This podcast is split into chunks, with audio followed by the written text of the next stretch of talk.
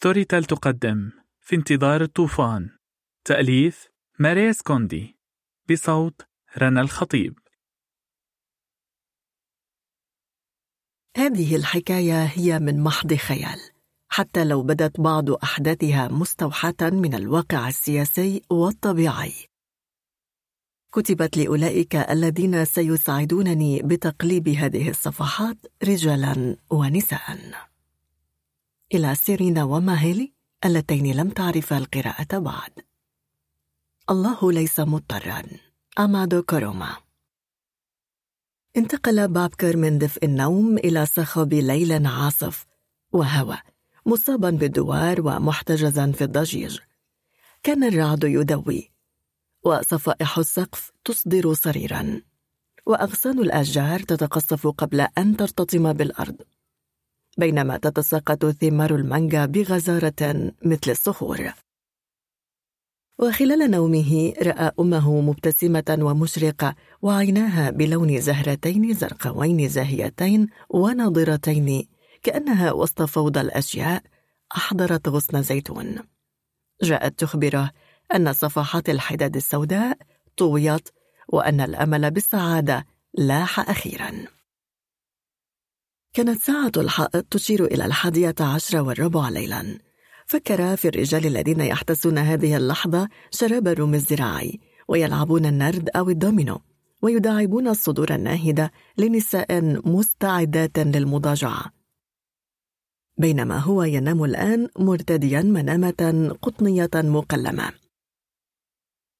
لم يفهم أحد شيئا على الإطلاق في تلك الشتوية. كان يفترض بها أن تنتهي منذ أسابيع لكن المطر لم ينفك يصوت الطبيعة بعنف ويجعل الوديان الأكثر عمقا تفيض وهو يرتعش من الرطوبة. ارتدى بابكر مئزر الحمام وانسل بسرعة على قدميه الحافيتين عبر العديد من الحجرات المفروشة بلا ذوق تعبر البيوت عن نفسها على طريقتها.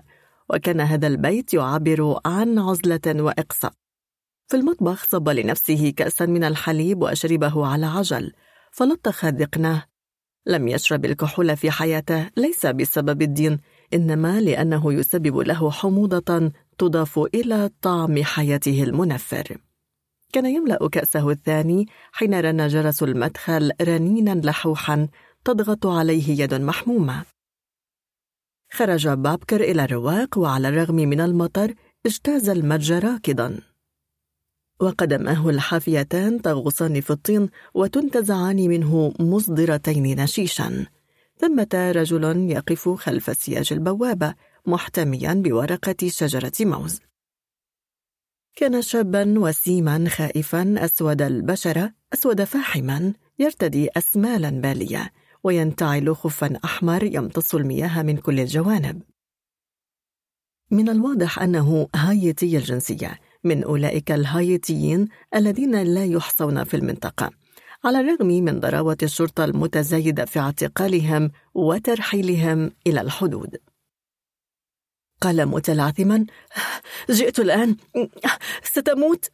لم يخطئ بابكر تعرف على اللغة الكريولية الهايتية التي لم يكن يفهمها أكثر من اللغة الجوادولوبية فسأله بالفرنسية من تقصد إحدى مريضاتي؟ ردد الرجل بصوت أعلى ستموت. عاد بابكر إلى داخل المنزل ليرتدي ملابسه ويأخذ حقيبة أدواته. ثم التحق بالهايتي الذي جثى في ركن من المرأب ورأسه بين يديه. استقل سيارة مرسيدس قديمة اشتراها بسعر بخس من بائع سيارات مستعملة. عاد إلى أنجلم وأبرم عقدها. كانت ليلة ليلة لا يمكن أن يحدث فيها إلا ما هو غريب أو غير مألوف. لابد من أن الله خلق الإنسان في ليلة شبيهة بها مع كل ما تمخض عن ذلك من خيبات.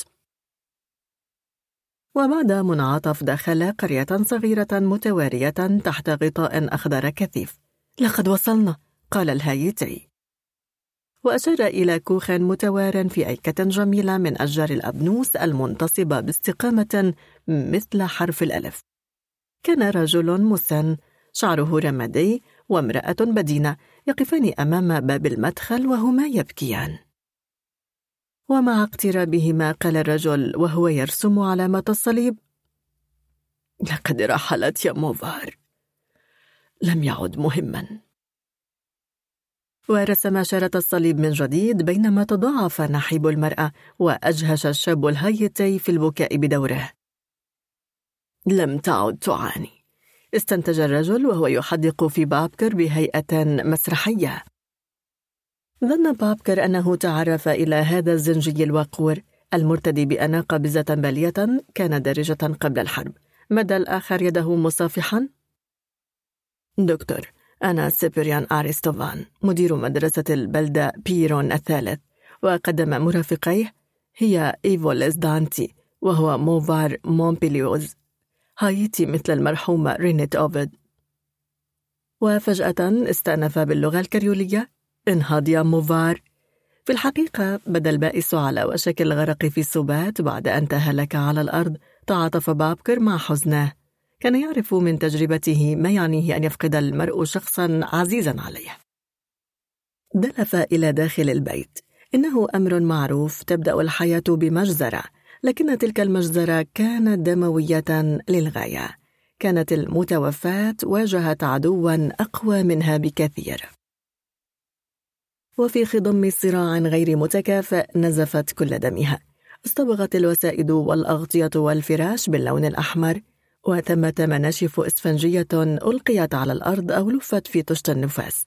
وطفت رائحة واخزة فوق المذبحة اقترب بابكر من السرير وتوقف مذهولا. ما من شك هذه المرأة التي حصدها الموت للتو سبق أن رآها قبل بضعة أيام في المستوصف.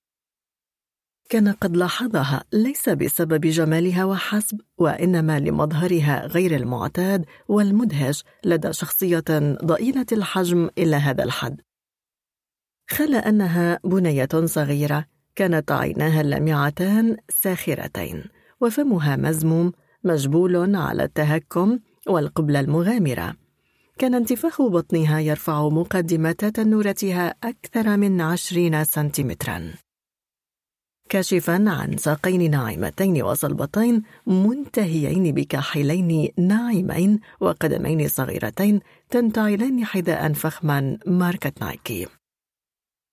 وعلى الرغم من هذا اللباس الخشن كانت تشع سحرا وقد عززت نظرتها بالغطرسة والغرور كأنها تعني ما بالك تحدق بي هكذا يا سيدي الوسيم؟ أنت تضيع جهدك سدى فأنا لست لك. شعر بابكر بالاضطراب ليس بسبب هذا الصد الصامت وإنما بسبب المشاعر التي اعتملت في نفسه.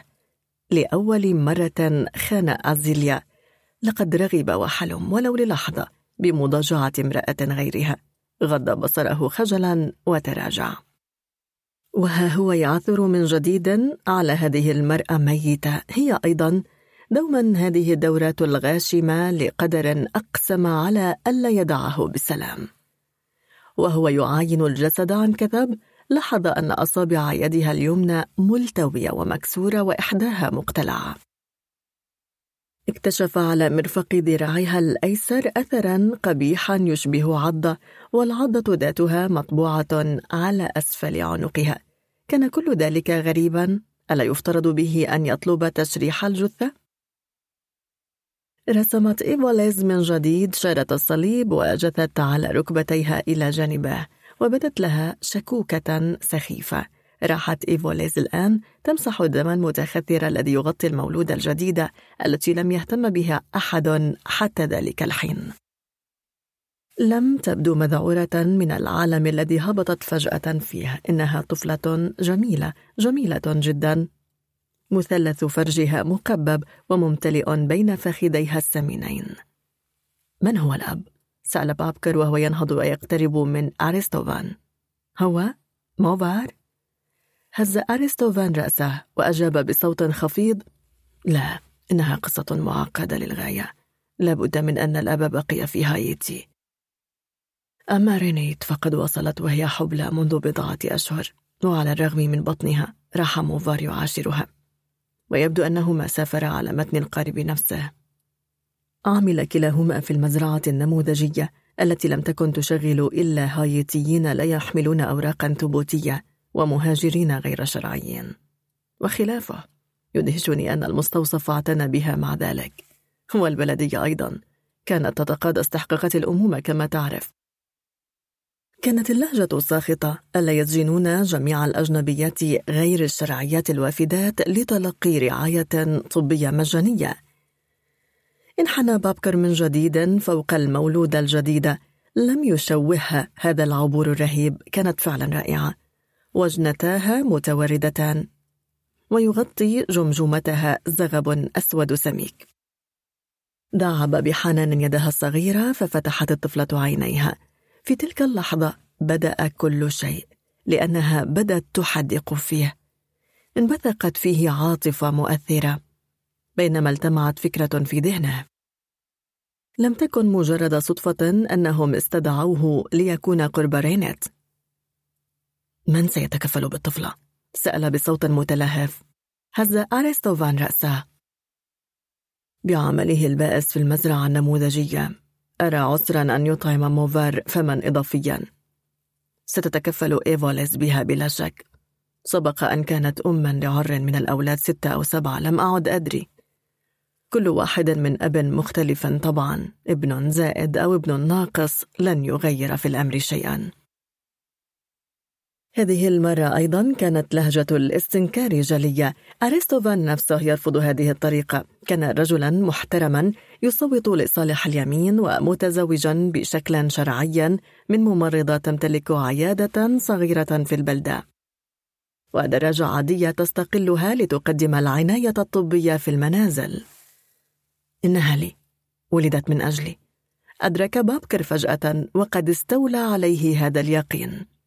الفكرة التي لمعت بخجل في ذهنه انفجرت سأخذها معي قال بتصميم حين أقصد البلدية صباح الغد من أجل شهادة وفاة أمها سأهتم بحالتها المدنية وسأقوم بالضروري وما الضروري؟ سأل أريستوفان وظهره المحني بشكل عام ينتصب أمام من يعتبرهم أهم منه ستأخذها ماذا تعني بذلك؟ لم يرغب بابكر فعلا أن يقول المزيد فقد عقد الحماس لسانه ها هي طفلته التي بحث عنها بلا جدوى قد ردت إليه. تكمن المعجزة في أن أمها المشرقة جاءت تتنبأ له في الحلم. رتلت روحها تسبيحة البتول الجديرة بالموسيقار يوهان ساباستيان باخ وهو من لم يقم صلاة منذ سنوات ومن أصبح قلبه ميتا حاول أن ينحني شكرا لله. هل تريد أن تتبناها؟ ألح أرسطوفان بعدائية متزايدة.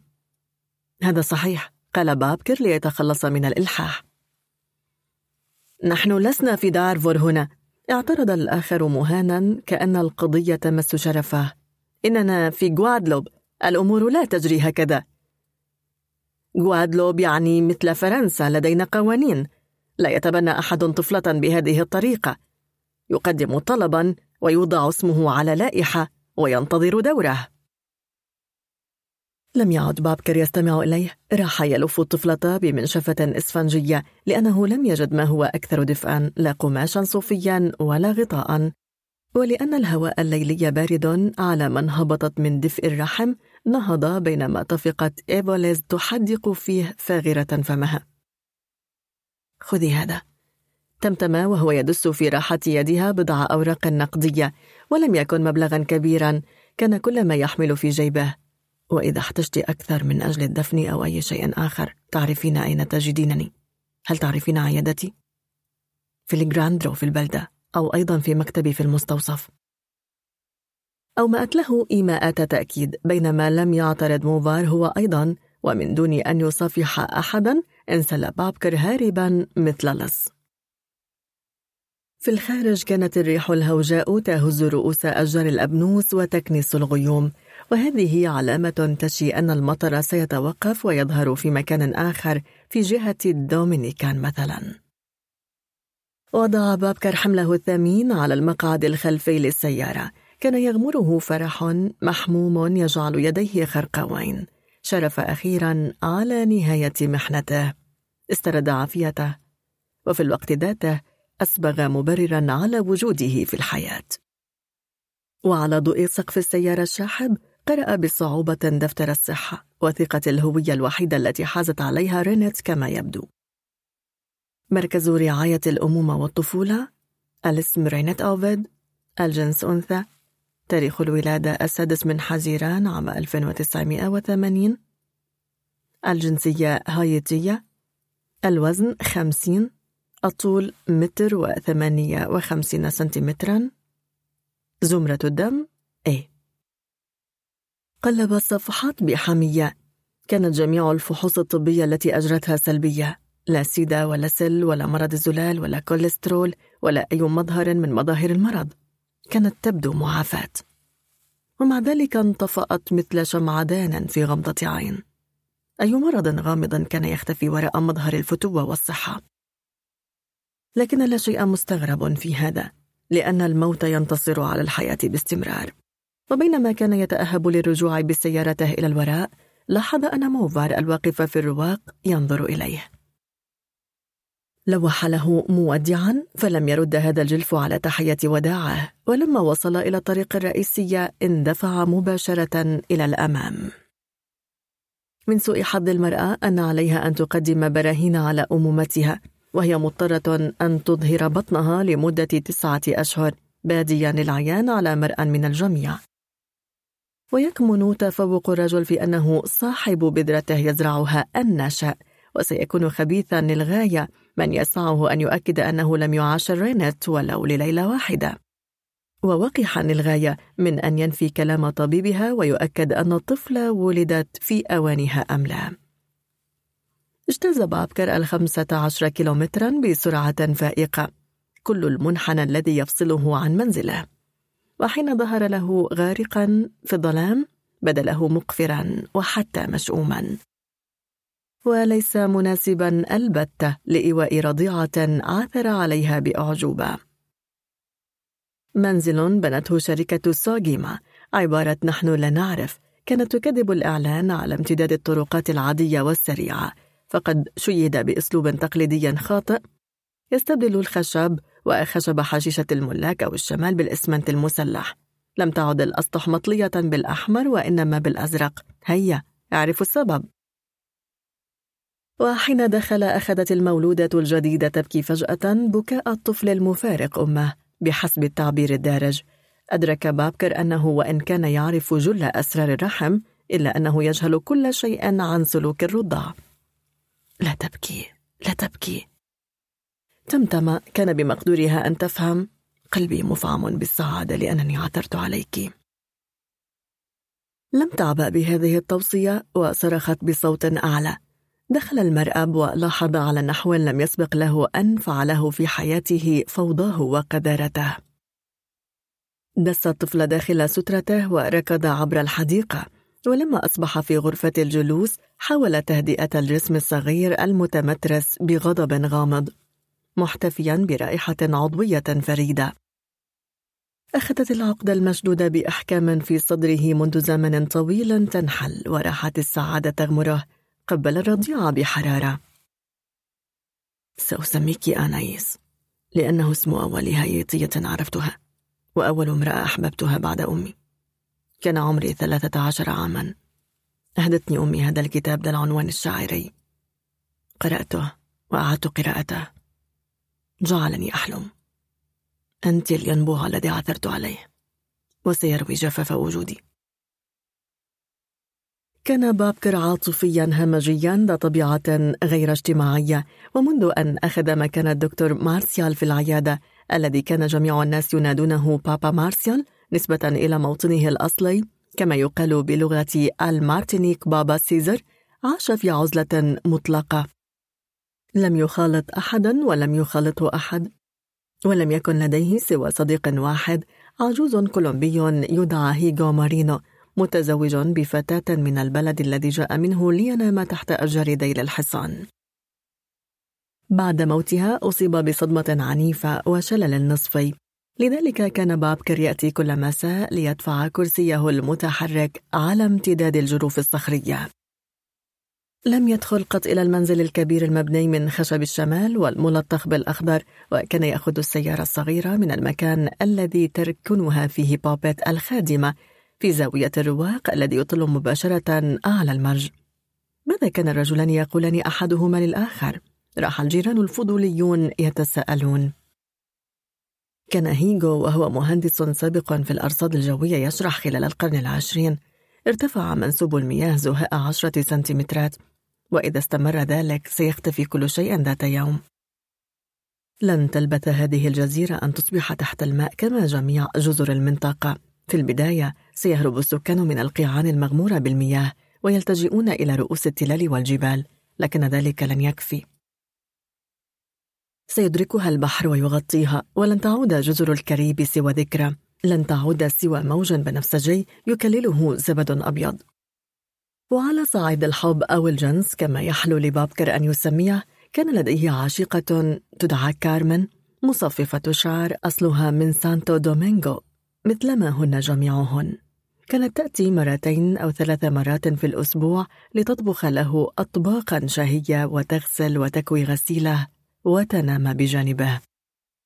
من دون أن تشمئز من صمته وكوابيسه التي تمزق لياليه في تلك اللحظة لم يجد بابكر حلا سوى أن يتصل بها لنجدته أملا أنها لم تفصل هاتفها وأنها سترد على اتصاله على الرغم من التوقيت غير اللائق. في اليوم التالي سطعت الشمس بضياء منسي بعد أن أشرقت لأسابيع شاحبة وعليلة. وكما يقول المثل الشعبي ما بعد المطر إلا الطقس الجميل كان اسم بابكر الكامل هو بابكر تراوري Jr. اتفق الناس أن شخصيته لطيفة وحتى وسيم على حد تعبير النساء على الرغم من اسوداده وندبة سببتها أداة حادة وغير محددة. منجل، خنجر أم كعب قنينة؟ كانت هذه الندبة تبدأ من زاوية عينه اليسرى وتنحدر على امتداد خده وتختفي في شعر ذقنه الكث كان يتكلم ويبتسم قليلا مبديا على الدوام هيئة من دفن أباه وأمه وجدته وهو ما كانت عليه حاله. ركن سيارته في مرأب سيارات بني حديثا ثم سلك طريق البلدية. رمقه لوسيان لوسيوس كالناس البلدية بنظرة حاقدة لم يكن يحب الغرباء. وكذلك فيرمان تيولاد موظف الأحوال المدنية في الطابق الأول في صدر الممر على اليمين. لم يخفي نفوره حين اقترب منه بابكر. وبعد أن ألقى نظرة سريعة على الملف الذي قدمه له رده بمنتهى الفظاظة وتحدث بلهجة متغطرسة. أوراق المدعوة رينت أوفيد غير نظامية لا يوجد تصريح إقامة وهي مهاجرة غير شرعية أيضا. تحلى بابكر بالصبر. شرعية أم غير شرعية؟ لقد ماتت البارحة عند الساعة العاشرة ليلا. وأنا طبيب توليد. وأمامك تصريح الدفن الذي أعددته. الأمر يتعلق الآن بالطفلة فهي لم تزل على قيد الحياة وبصحة جيدة. أناييس تراوري ابنتي ابنتنا. حدق فيرمان في بابكر مذهولا. تريد أن تقول إنك والد طفلتها؟ أجل أكد بابكر بعزم. أنا أبوها. أمضى فيرمان عشرين عاما في عمل مكتبي في المكان ذاته وقبالة النافذة نفسها التي تنفتح على النخلتين الملكيتين الكسيحتين للساحة مع لافتة تضيئها مصابيح النيون في الخلفية. وتتناغم مع مصباح الصليب الأخضر للصيدلية دانيكال. وتلك العشرون عاما منحت فيرمان حاسة شم لا تخطئ. القضية برمتها تفوح برائحة احتيال تسكم الأنف قال بغطرسة. في هذه الحالة إن كانت طفلتك اذهب للحصول على شهادة ميلاد إلى قنصلية بلدك مثل كل الأجانب. هز بابكر كتفيه لست أجنبيا أنا فرنسي مثلك وأيضا إن أردت معرفة كل شيء. أنا أنتمي إلى هذه الجزيرة من جهة أمي. من آل مينيرف هل سمعت بتلك العائلة؟ هز فيرمان رأسه بالنفي مستاء. حين خرج بابكر من البلدية بعد ساعة كان لوسيان لوسيوس قد انتهى من كنس جميع الشقوق وراح يدخن جالسا فوق حاوية قمامة مقلوبة. كان ما يزال يضحك من مقلبه الناجح هو من لم يكن يضحك إلا فيما ندر. لنرجع في الزمن. قبل أربعين عاما عند الساعة الثامنة صباحا تماما كانت الحرارة تلتصق بالجلد فعلا مثل خرقة مبللة. بابكر تراوري الأول مدير مدرسة تيغايري الابتدائية في شمال مالي. كان يجتاز بخطى واسعة آلية باحة منشأته المدرسية وعصاه الخيزران تحت إبطه. لا شيء مميز في هذه المدرسة لكن لا تذهبوا بأفكاركم بعيدا. فهي ليست سوى سلسلة غرف مسبقة الصنع مرتبة بشكل رباعي خلف جدار طيني كان بابكر الأول يقرأ صحيفته المفضلة لافوا دي باتريوت الصحيفة الوحيدة التي تجرؤ على السخرية من رجال السلطة. في جلبابه الكستنائي الداكن معتمرا قلنسوة صغيرة من الجلد الطبيعي كان يجسد الاحترام. لم ينس قط أنه ينتمي إلى أسرة أميرية من البامبارا أصلها من مدينة سيغو. قدمت أول شهيد لها في الإسلام ويدعى تييكورو تراوري. بعد أن زودت الملك مانسا بمستشارين وثنيين وفاسقين. وبعد ذلك اشتهرت هذه العائلة بالنضال ضد الاستعمار. رجال أقوياء من عائلة تراوري انطلقوا ليتعفنوا في السجون أو يموتوا في المنفى على جزيرة سيشل. والآن بسبب موقفهم المناهض للنظام المنبثق عن الاستقلال جرى الإعلان أن هؤلاء المشاكسين غير مرغوب بهم. ومن لم يستطع منهم الهرب إلى الخارج يوجد شخص يدعى لانزانا تراوري في قسم علم الأحياء البحرية في جامعة شيكوتيمي في كندا ظلوا يعيشون في البلد حياة بلا بريق. أفلت مصير بابكر تراوري الأول من هذا المخطط وذات مرة أصبح وزيرا. وزير ماذا فعلا؟ لم يعد أحد يعرف. لكن أليس الأساسي هو أنه كان وزيرا ذات يوم وهو لقب يحمله المرء حتى مماته؟ لسوء الحظ فإنه سرعان ما خسر كل مناصبه العليا. وأرسلوه كمدير مدرسة في هذا الجحر بلا أمل في الخروج منه. انتهى من قراءة جريدته. وراح يتهيأ للذهاب إلى مكتبه عندما تقدم الحارس العجوز المصاب بفتق مختنق والمعتبر طربوشا قديما. مع فتاة شابة قصيرة القامة لكنها بهية كان وجهها صادما بشرة سوداء مخملية مرشومة بالنمش وذقن مكورة تتوسطها غمازة لطيفة. ملكة لكنها للأسف ترتدي بلا ذوق ولا أناقة سروالا فضفاضا أسود ناصل اللون. وهو يرتدي لباسا رجاليا وقميصا بشعا واضح أنها أجنبية ما من إفريقية ترتدي ملابس مزرية على هذا النحو. خلعت في المكتب نظارتها السوداء الكبيرة التي تمتطي أنفها الجذاب وتلقى صاعقة كهربائية من عينيها الزرقاوين. أجل زرقاوين وغير متوقعتين على هذا الوجه الداكن. تظاهرت بتجاهل الأثر الحاصل وقدمت نفسها بشكل طبيعي. ثيكلا مينيرف أنا المعلمة التي طلبتموها للصف الثاني الابتدائي. يفترض أن المفتش المدرسي أخبرك بقدومي. تظاهر بابكر الأول أنه يفتح أدراجا ويبعثر أوراقا ويفتش في ملفات مكدسة لكنه كان يعرف أنه يبذل جهدا ضائعا فهؤلاء الناس في باماكو لم يوجهوا له أي رسالة لا يهم فهو على أتم استعداد لاستقبال المرأة المجهولة. متى جئت إلى تيغايري؟ سألها. تنهدت ثم أغمضت عينيها الفريدتين وتصنعت ذلاقة اللسان. في منتصف الليل بالحافلة حذروني في باماكو من الطائرة ومن السفينة. أعتقد الآن أنها كانت نصائح سيئة. الحافلة هي بالتأكيد أسوأ الوسائط. سرنا ثلاثة أيام أو ربما أربعة أو خمسة لم أعد أدري. تعطلت فينا مرات عديدة. اضطررنا إلى النوم في العراء قرب مدينة موبتي. كنا نتوقف عمليا كل عشرة كيلومترات للتفتيش وللتأكد من السلامة.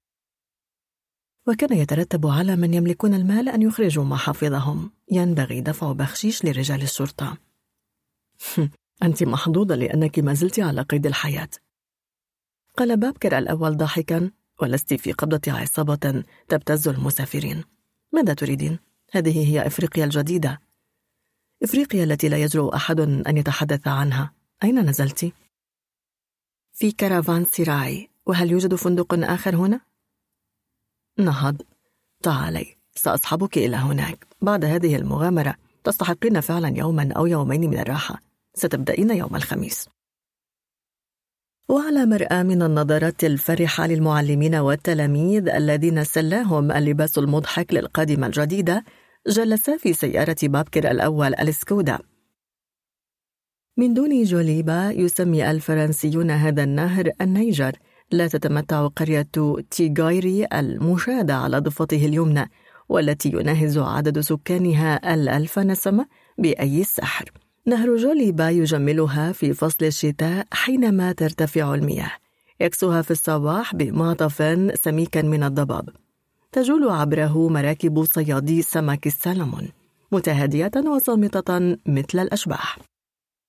وعند الظهيرة حين تصبح الشمس قرصا متوهجا متقدا في كبد السماء تعكس الموجة حدتها. ومساء يغفو النهر وتنسب مياه ضباب الكثيفة بتأودة نحو البحر. وبسبب هذا الوضع كانت تيغايري تعد قديما سوق نخاسة هاما. كان بعض المهربين العرب يهرعون من أنحاء المغرب العربي ليتزودوا بالخصيان والمحظيات من أجل الحرم الملكي. وأيضا منذ القرن السادس عشر كان بعض التجار الأوروبيين من أصول إسبانية وبرتغالية يستولون بالقوة على كل ما يباع فيه. ثيكلا منيرف قال بابكر الأول حين كان يدوران حول مسجد قادور ميشا وهو بناء رباعي ضخم من الإسمنت المسلح المطلي بالأبيض لا علاقة له بالعمارة السودانية. أنت إذا من جزر الأنتيل الفرنسية. أجل أنا من غوادولوب كيف عرفت ذلك؟ شرح بابكر أنه عرف عددا كبيرا من طلاب الأنتيل وغوادالوب والمارتينيك في كلية الحقوق في مونبلييه أناس بأسماء مميزة. أطلق رجال الدين عليهم عند الإقامة والوضع العائلي المواطنين الجدد. أبولون، سقراط، أرسطوفان، سالومون، باخوس. كانت كل الأسماء اليونانية الرومانية تمر من هناك. لم تستطع إخفاء دهشتها. أنت درست الحقوق؟ أنا أيضا. شرح وهو يرغم نفسه على التحدث ببساطة من دون أن يسعى إلى الإبهار لأنهم كانوا ينتقدونه بأنه مغرور وشعر أن هذه بداية محادثة لابد من أن تدوم لأعوام ولادة حب طويل. عشت حياة سابقة. مذهلة للغاية. درست الحقوق وزاولت المحاماة أولا في مدينة سيغو مسقط رأسي. وهنا توقف. لم تقل ثيكلا شيئا فتابع ثم في باماكو مارست بعد ذلك السياسة وأصبحت وزيرا في حكومة ما بعد الاستقلال. أصبحت من المغضوب عليهم. فأرسلوني إلى هنا لأتأمل عز السلطة وهوانها. كان فندق كارافان سيراي في الأصل معسكرا بني لصالح الألمان الباحثين عن ريش النعام وبيضه في المنطقة. في الواقع كانوا يلاحقون صغار أولاد البيول الرعاة. في ذلك الوقت كان المعسكر يزخر بالنشاط وقبل حلول الليل ترن باللهجات المختلفة بيرة بيرة وفي صحتك كأسك أو غيرها من لوازم معقرة الشراب المكرورة التي يحبها العرق الألماني. وحين صار النعم قاب قوسين أو أدنى من الاختفاء أصبح من الأنواع المحمية وتحول المعسكر إلى فندق للسياح الجوالين راجلين. لكن هؤلاء قلما غامروا في المجيء إلى تيغايري. لذلك تحول كارافان سيراي بالتدريج إلى نزل موحش جدرانه متقشرة وناصلة اللون وشبكة أنابيبه صادئة وترتع في كل مكان منه صراصير كبيرة الحجم. وحدهم العشاق دون مأوى راحوا يرتدونه ليقضوا وطرهم فيه. ووجد بين الحين والآخر زبائن أرفع شأنا. ومؤخرا أقام فيه سينمائيون فرنسيون يصورون فيلما وثائقيا عن حياة النهر. لم تبق ثيكلا طويلا في كارافان سيراي وبعد أقل من شهر على وصولها إلى تيغايري انتقلت للعيش مع بابكر تراوري الأول. وبعد شهرين ارتدى الإمام حلة بوبو فاخرة واحتفل بالزواج. لم تحظ ثيكلا منذ الوهلة الأولى بأي شعبية لدى سكان تيغايري أولا بسبب لون عينيها. وبحسب ذاكرة الأحياء لم ير أحد في أنحاء مالي ولا في أرجاء العالم كله زنجيا بعينين زرقاوين. بالتأكيد تغنى الشاعر السوداني الشهير ماغالي إيماغالي بعيون محبوبته الملونة لكن يجوز للشعراء ما لا يجوز لغيرهم وأيضا ملونة لا تعني زرقاء. يضاف إلى ذلك أن هذه الجبلة الدخيلة لثيكلا لم تبذل أي جهد لتتعلم لغة المامبارا أو المالينك أو السونغاي أو الفلانية وباختصار لم تتعلم أي لغة من لغات المنطقة. مع ذلك على الرغم من وطأة العداء الذي أحاط بها اتسمت سنوات الزوجين الأولى بالهناء على ذمة خادمتهم الحدبة أديزا. وطبعا لم تكن أديزا الحدبة التي لا تتحدث إلا باللغة الفولانية تفهم كلمة واحدة من أحاديثهما. فحكمت على المظهر ولم تنفك تؤكد أنه بعد كأس الكانكليب الصباحي الأول كانت قبل تتلو قبلا ومداعبات تخلف مداعبات وابتسامات تعلو ابتسامات. كانا يتشاركان في المطالعات ذاتها ويتبادلان الكتب ويسجل كل منهما ملاحظاته على هوامشها. وكان يحبان الموسيقى ذاتها ويفضلان فرقة بومبيا جاز من غينيا وموسيقى أريجي لبوب مارلي من جامايكا. على الوجبات كانت تيكلا تجلس كطفل على ركبتي بابكر الأول ويأكلان من طبق واحد وباختصار كان لحياتهما طعم الصحن فونيو غذاء الآلهة بحسب علماء الأجناس البشرية الفرنسيين. في العام الرابع من زواجهما وتكذيبا للنمامين الذين سارعوا إلى اتهامها بالعقم أخذ بطن الزوجة يتكور. وفي شهر آب عندما استوت مياه نهر جالبة على سريرها ولدت ابنا. وسمي بابكر كأبيه بابكر تراوري الثاني. وبدافع الفضول توافد الزوار إلى مستشفى الحاج عمر سيدوتال الذي أشيد حديثا بفضل هبة من ألمان شرقي لكنهم ظلوا على قناعتهم. فالمولود الجديد لم يرث عيني الساحرة. كان تراوريا صافيا ينظر إلى الحياة بحدقتين كستنائيتين داكنتين لامعتين كخوخ آجن. زنوج بعيون زرقاء أمر يستحق التفسير ويتطلب ذلك منا العودة إلى الوراء أيضا. وكما هو معروف الماضي هو ما يغذي ويضيء الحاضر. نجد ثيكلا الأول ذا عينين زرقاوين ويدعى وينغارا كان طوله مترا وثمانية وخمسين سنتيمترا. أورث سلالته قصر قامته ولون عينيه. كان ابن ماكالو ومن زوجته الثالثة فطومة ومع أنهم عمدوه لاحقا في العبودية باسم جوزيف فإن وينغارا حافظ دوما على اسمه الإفريقي. أسروه على ساحل العبيد في مكان يدعى سوسونابو. الحافل بالغزوات يفترض أنه كان في سن الخامس عشر من عمره كما يزعم القدماء مع أن هيئته توحي أنه لم يكد يبلغ اثنتي عشر سنة. يتذكرون أنه ولد في ذلك الفصل الجاف والحارق حين راحت الحرائق تنشب تلقائيا في الأدغال وكرة النار تتدحرج تحت أقدام الصيادين. وعلى الرغم من قصر قامته أثبت شجاعته في الميدان فقتل أسدا أو اثنين أو ثلاثة من أسود المورغا الضارية التي تحدث عنها أمبادو أمباتيبا وعقد أذيالها حول خصره كانوا يتأهبون لتزويجه ومجلس الحكماء يناقش مهر الخطيبة لكن الوقت لم يسعفهم للاتفاق حول هذه النقطة لأن النخاسين الأوروبيين ومساعديهم الأفارقة أضرموا النار في سوسونابو ليلا ودمروها. وارتأوا أن ماكلو وفطومة كبيران في السن ولن يتحملا مشقة رحلة الأطلسي يسميها الإنجليز المرحلة الوسطى وتتنوع أسماؤها لكنها تعني الانتقال من نعيم إفريقيا إلى جحيم جزر الكاريبي فجزوا عنقيهما. بكى وينغارا الشاهد على المشهد بكى وبكى وبكى. بكى مدرارا حتى تغير لون حدقتيه مثل قماش لا يصمت صبغه أمام الغسيل المتكرر. لذلك استحال لونهما من البني إلى الأزرق. لم يلاحظ أحد هذا التحول على الفور لأن البائس وانغارا ظل حبيس عنبرا في قاع سفينة العبيد كريستروا يمزقه الألم.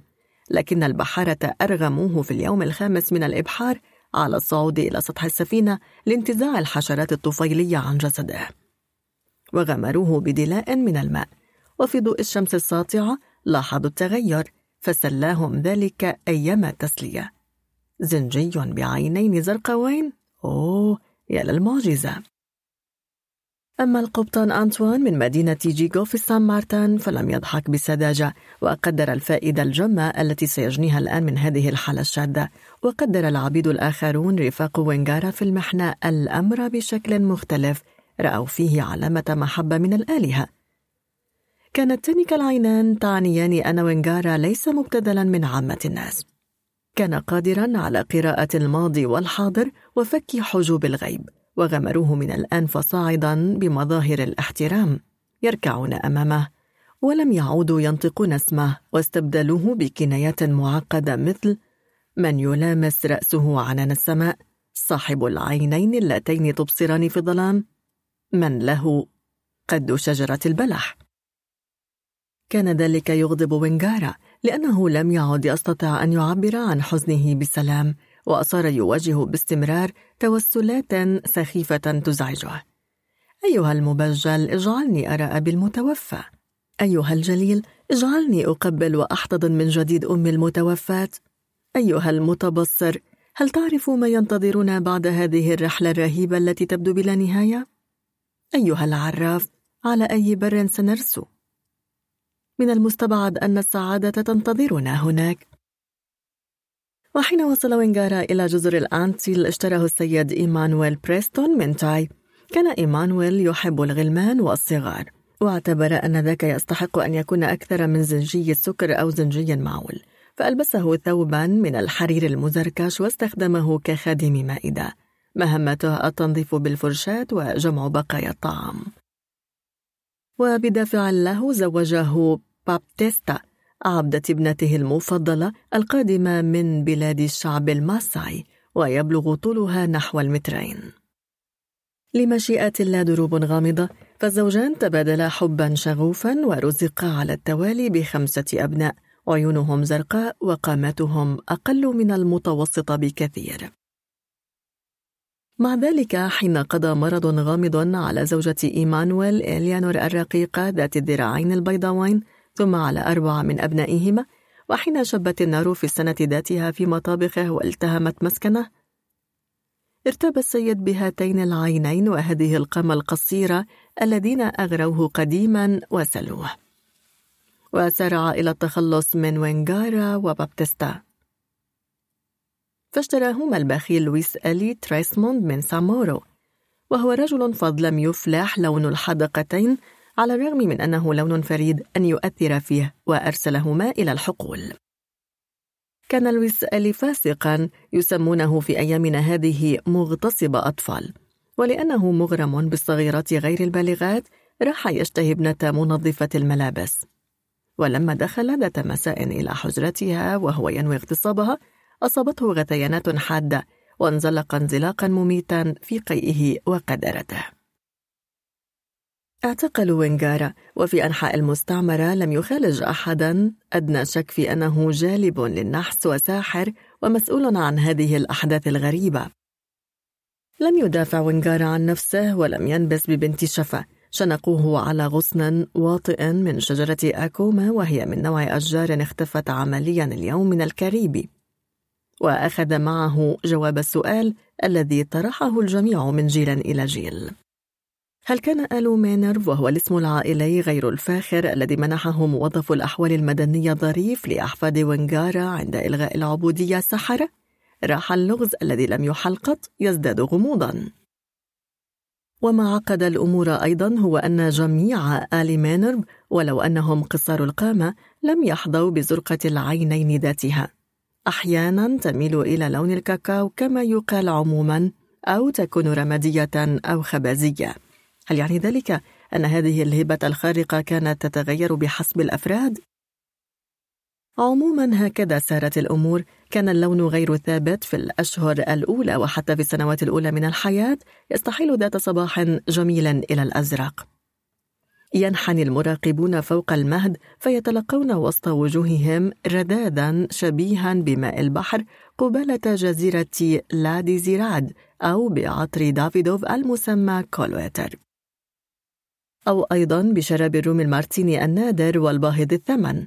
ولن يلبث هذا اللون أن يستقر خلال الأشهر التالية ويفرض نفسه وذات يوم يتوقف المارة مذهولين. هذا غريب هل رأيت عيني هذا الطفل؟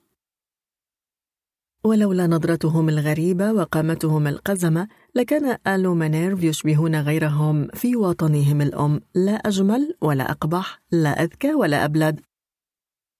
ليس بينهم كتاب مشهورون ولا رسامون أو نحاتون عباقرة ولا حتى دكاترة أو محامون أو موظفون مرموقون. باختصار كانوا عموما تجارا صغارا ومستخدمين في مكاتب من شتى الأنواع. مع ذلك انتشرت أغرب القصص عنهم وأشيع أن أحد آل مينيرف ربما كان رفيقا حميما للويس ديلغريس. وقد يكون هو من أشار عليه بالانتحار مع رفاقه في لابيتاسيون دانغلمون بواسطة المتفجرات. لعله همس في أذن الضابط الجبان على الرغم من نياشينه لننطلق في الجمال ولننقش أسماءنا بأحرف من نار في ذاكرة سكان هذه الجزر إن لم يكن في ذاكرة رجال العالم أجمع.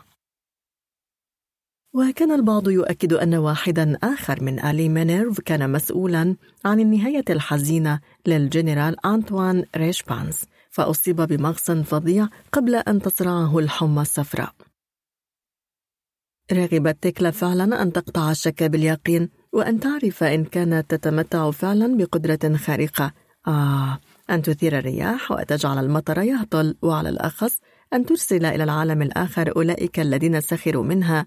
وعاملوها بازدراء رفضت أمها الورعة التي تخشى ارتكاب الإثم أن تستمع إلى أسئلتها أما أبوها الرجل القصير ذو الرأس المعتمر دوما خوذة والعينين المتواريتين وراء نظارة سميكة سوداء فكان مساعد صيدليا في المستشفى وكان الكثيرون يهرعون إلى بيته بعد العمل بماذا كانوا يستشيرونه؟ ولماذا هذه المواعيد الغامضة؟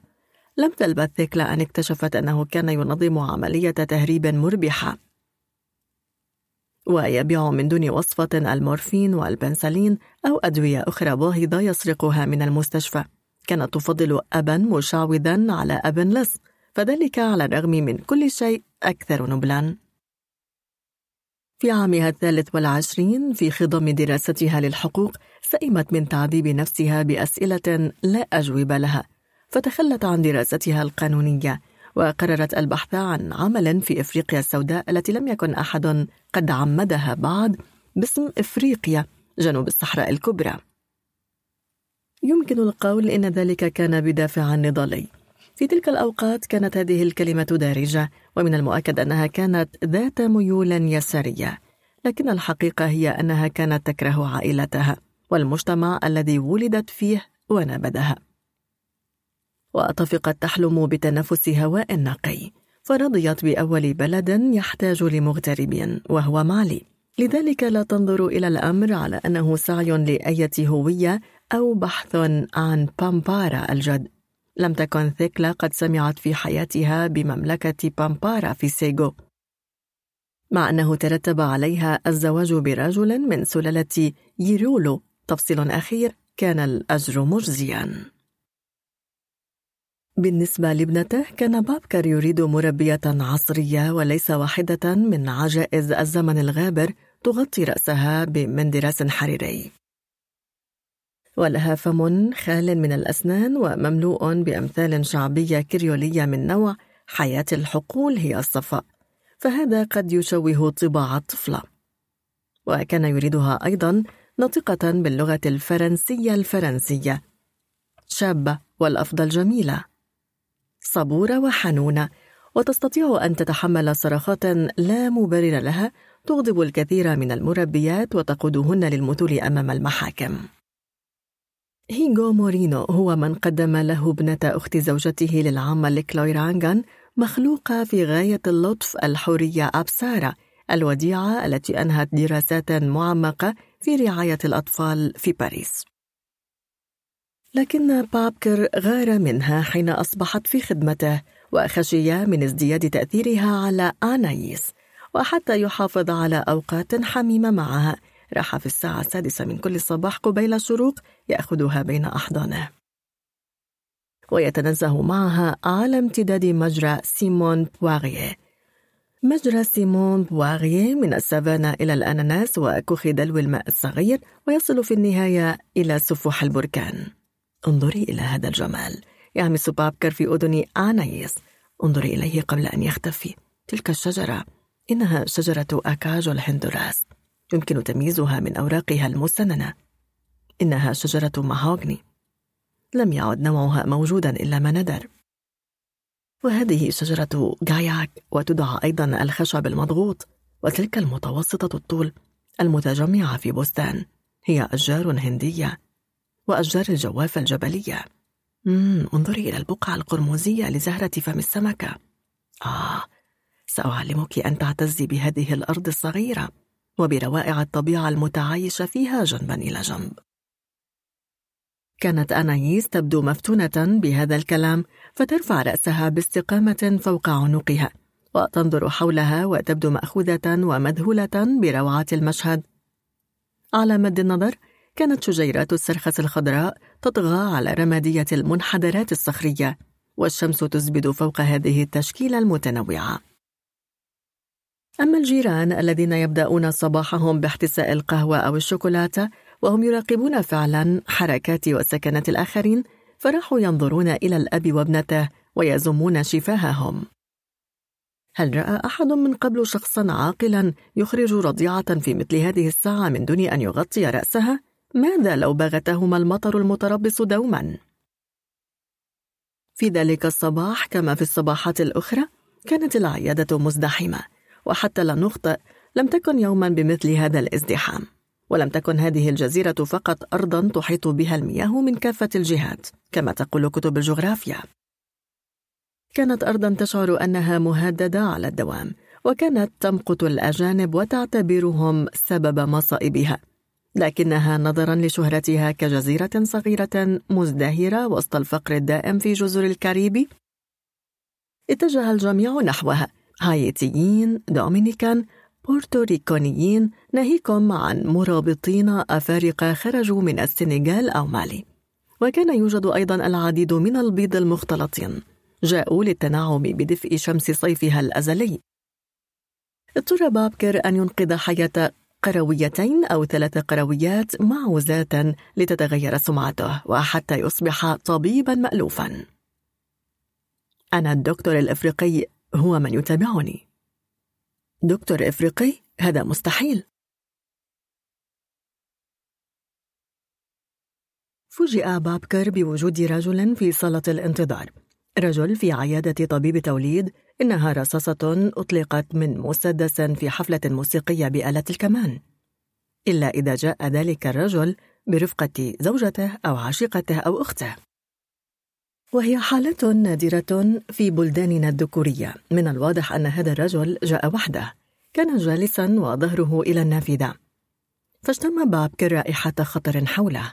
انتظر الرجل دوره بفارغ الصبر. كانت الساعة تجاوزت الحادية عشرة حين أدخله بابكر إلى غرفة المعاينة سأله الرجل ألم تتذكرني؟ جلس على الأريكة هذه اللغة الكريولية هي التي أنعشت ذكريات بابكر موفار؟ رفيق رينات؟ أحيا بابكر ليلة لا تنسى وهبته آنايس إنه موفار لم يحضر مراسم دفن رينيت أما بابكر فذهب إليها على مضض ومشى في آخر الموكب وجاهد لئلا يلاحظه أحد. وشعر مع ذلك بنظرات فضولية وخمن نمائم أثارها حضوره. لا أزهار ولا أكاليل. حدث ذلك بسرعة وبشكل سيء. جنازة متواضعة لبائسة أجنبية. بدأ موفار الكلام ببطء في البداية وبمثابرة كأنه يعي أن مستمعه يفهم بصعوبة لغته الكريولية. ثم ينسى ذلك ويدب فيه الحماس بالتدريج. حكاية موفار. في البؤس حتى الحليب يصبح مرا هذا ما تقوله إحدى أغانينا. وصدقني هذه هي الحقيقة. منذ نعومة أطفالي أستيقظ وأنام معه إنه رفيقي الوفي. لم يتركني وشأني يوما واحدا. بسببه اختفى أبي من دون أن يكلف نفسه حتى عناء وداعنا ذات مساء لم يرجع للنوم. ولم نره في اليوم التالي أيضا ولا بعد اليوم التالي. قالت لنا جارتنا سيلوتا إنه سافر بالتأكيد بحثا عن عمل في مكان ما. ربما في الولايات المتحدة الأمريكية أو كندا. وظلت أمي تكافح ما استطاعت إلى ذلك سبيلا لإعالة أطفالها الثلاثة وبعدها اختفت هي أيضا. ذات مساء لم ترجع من سوق تبيع فيه الخردة. انتظرناها وانتظرناها. لم ترجع قط. لا ألومها. لأنها تركتنا وحدنا. أعتقد أن هذا العبء أثقل كهلها واحتاجت أن تستريح. بعد اختفاء أمي لم أجد سبيلا سوى أن أتبع أخي فوي هينوك. هكذا كنت أسميه لكنه لم يكن أخي في الحقيقة. كان ابن جارتنا سيلوتا صديقة أمي المخلصة التي أخذت أخواتي الصغيرات إلى منزلها. في البداية كان مع عصابته لصا في كل الأنواع أساعده في سرقته القذرة.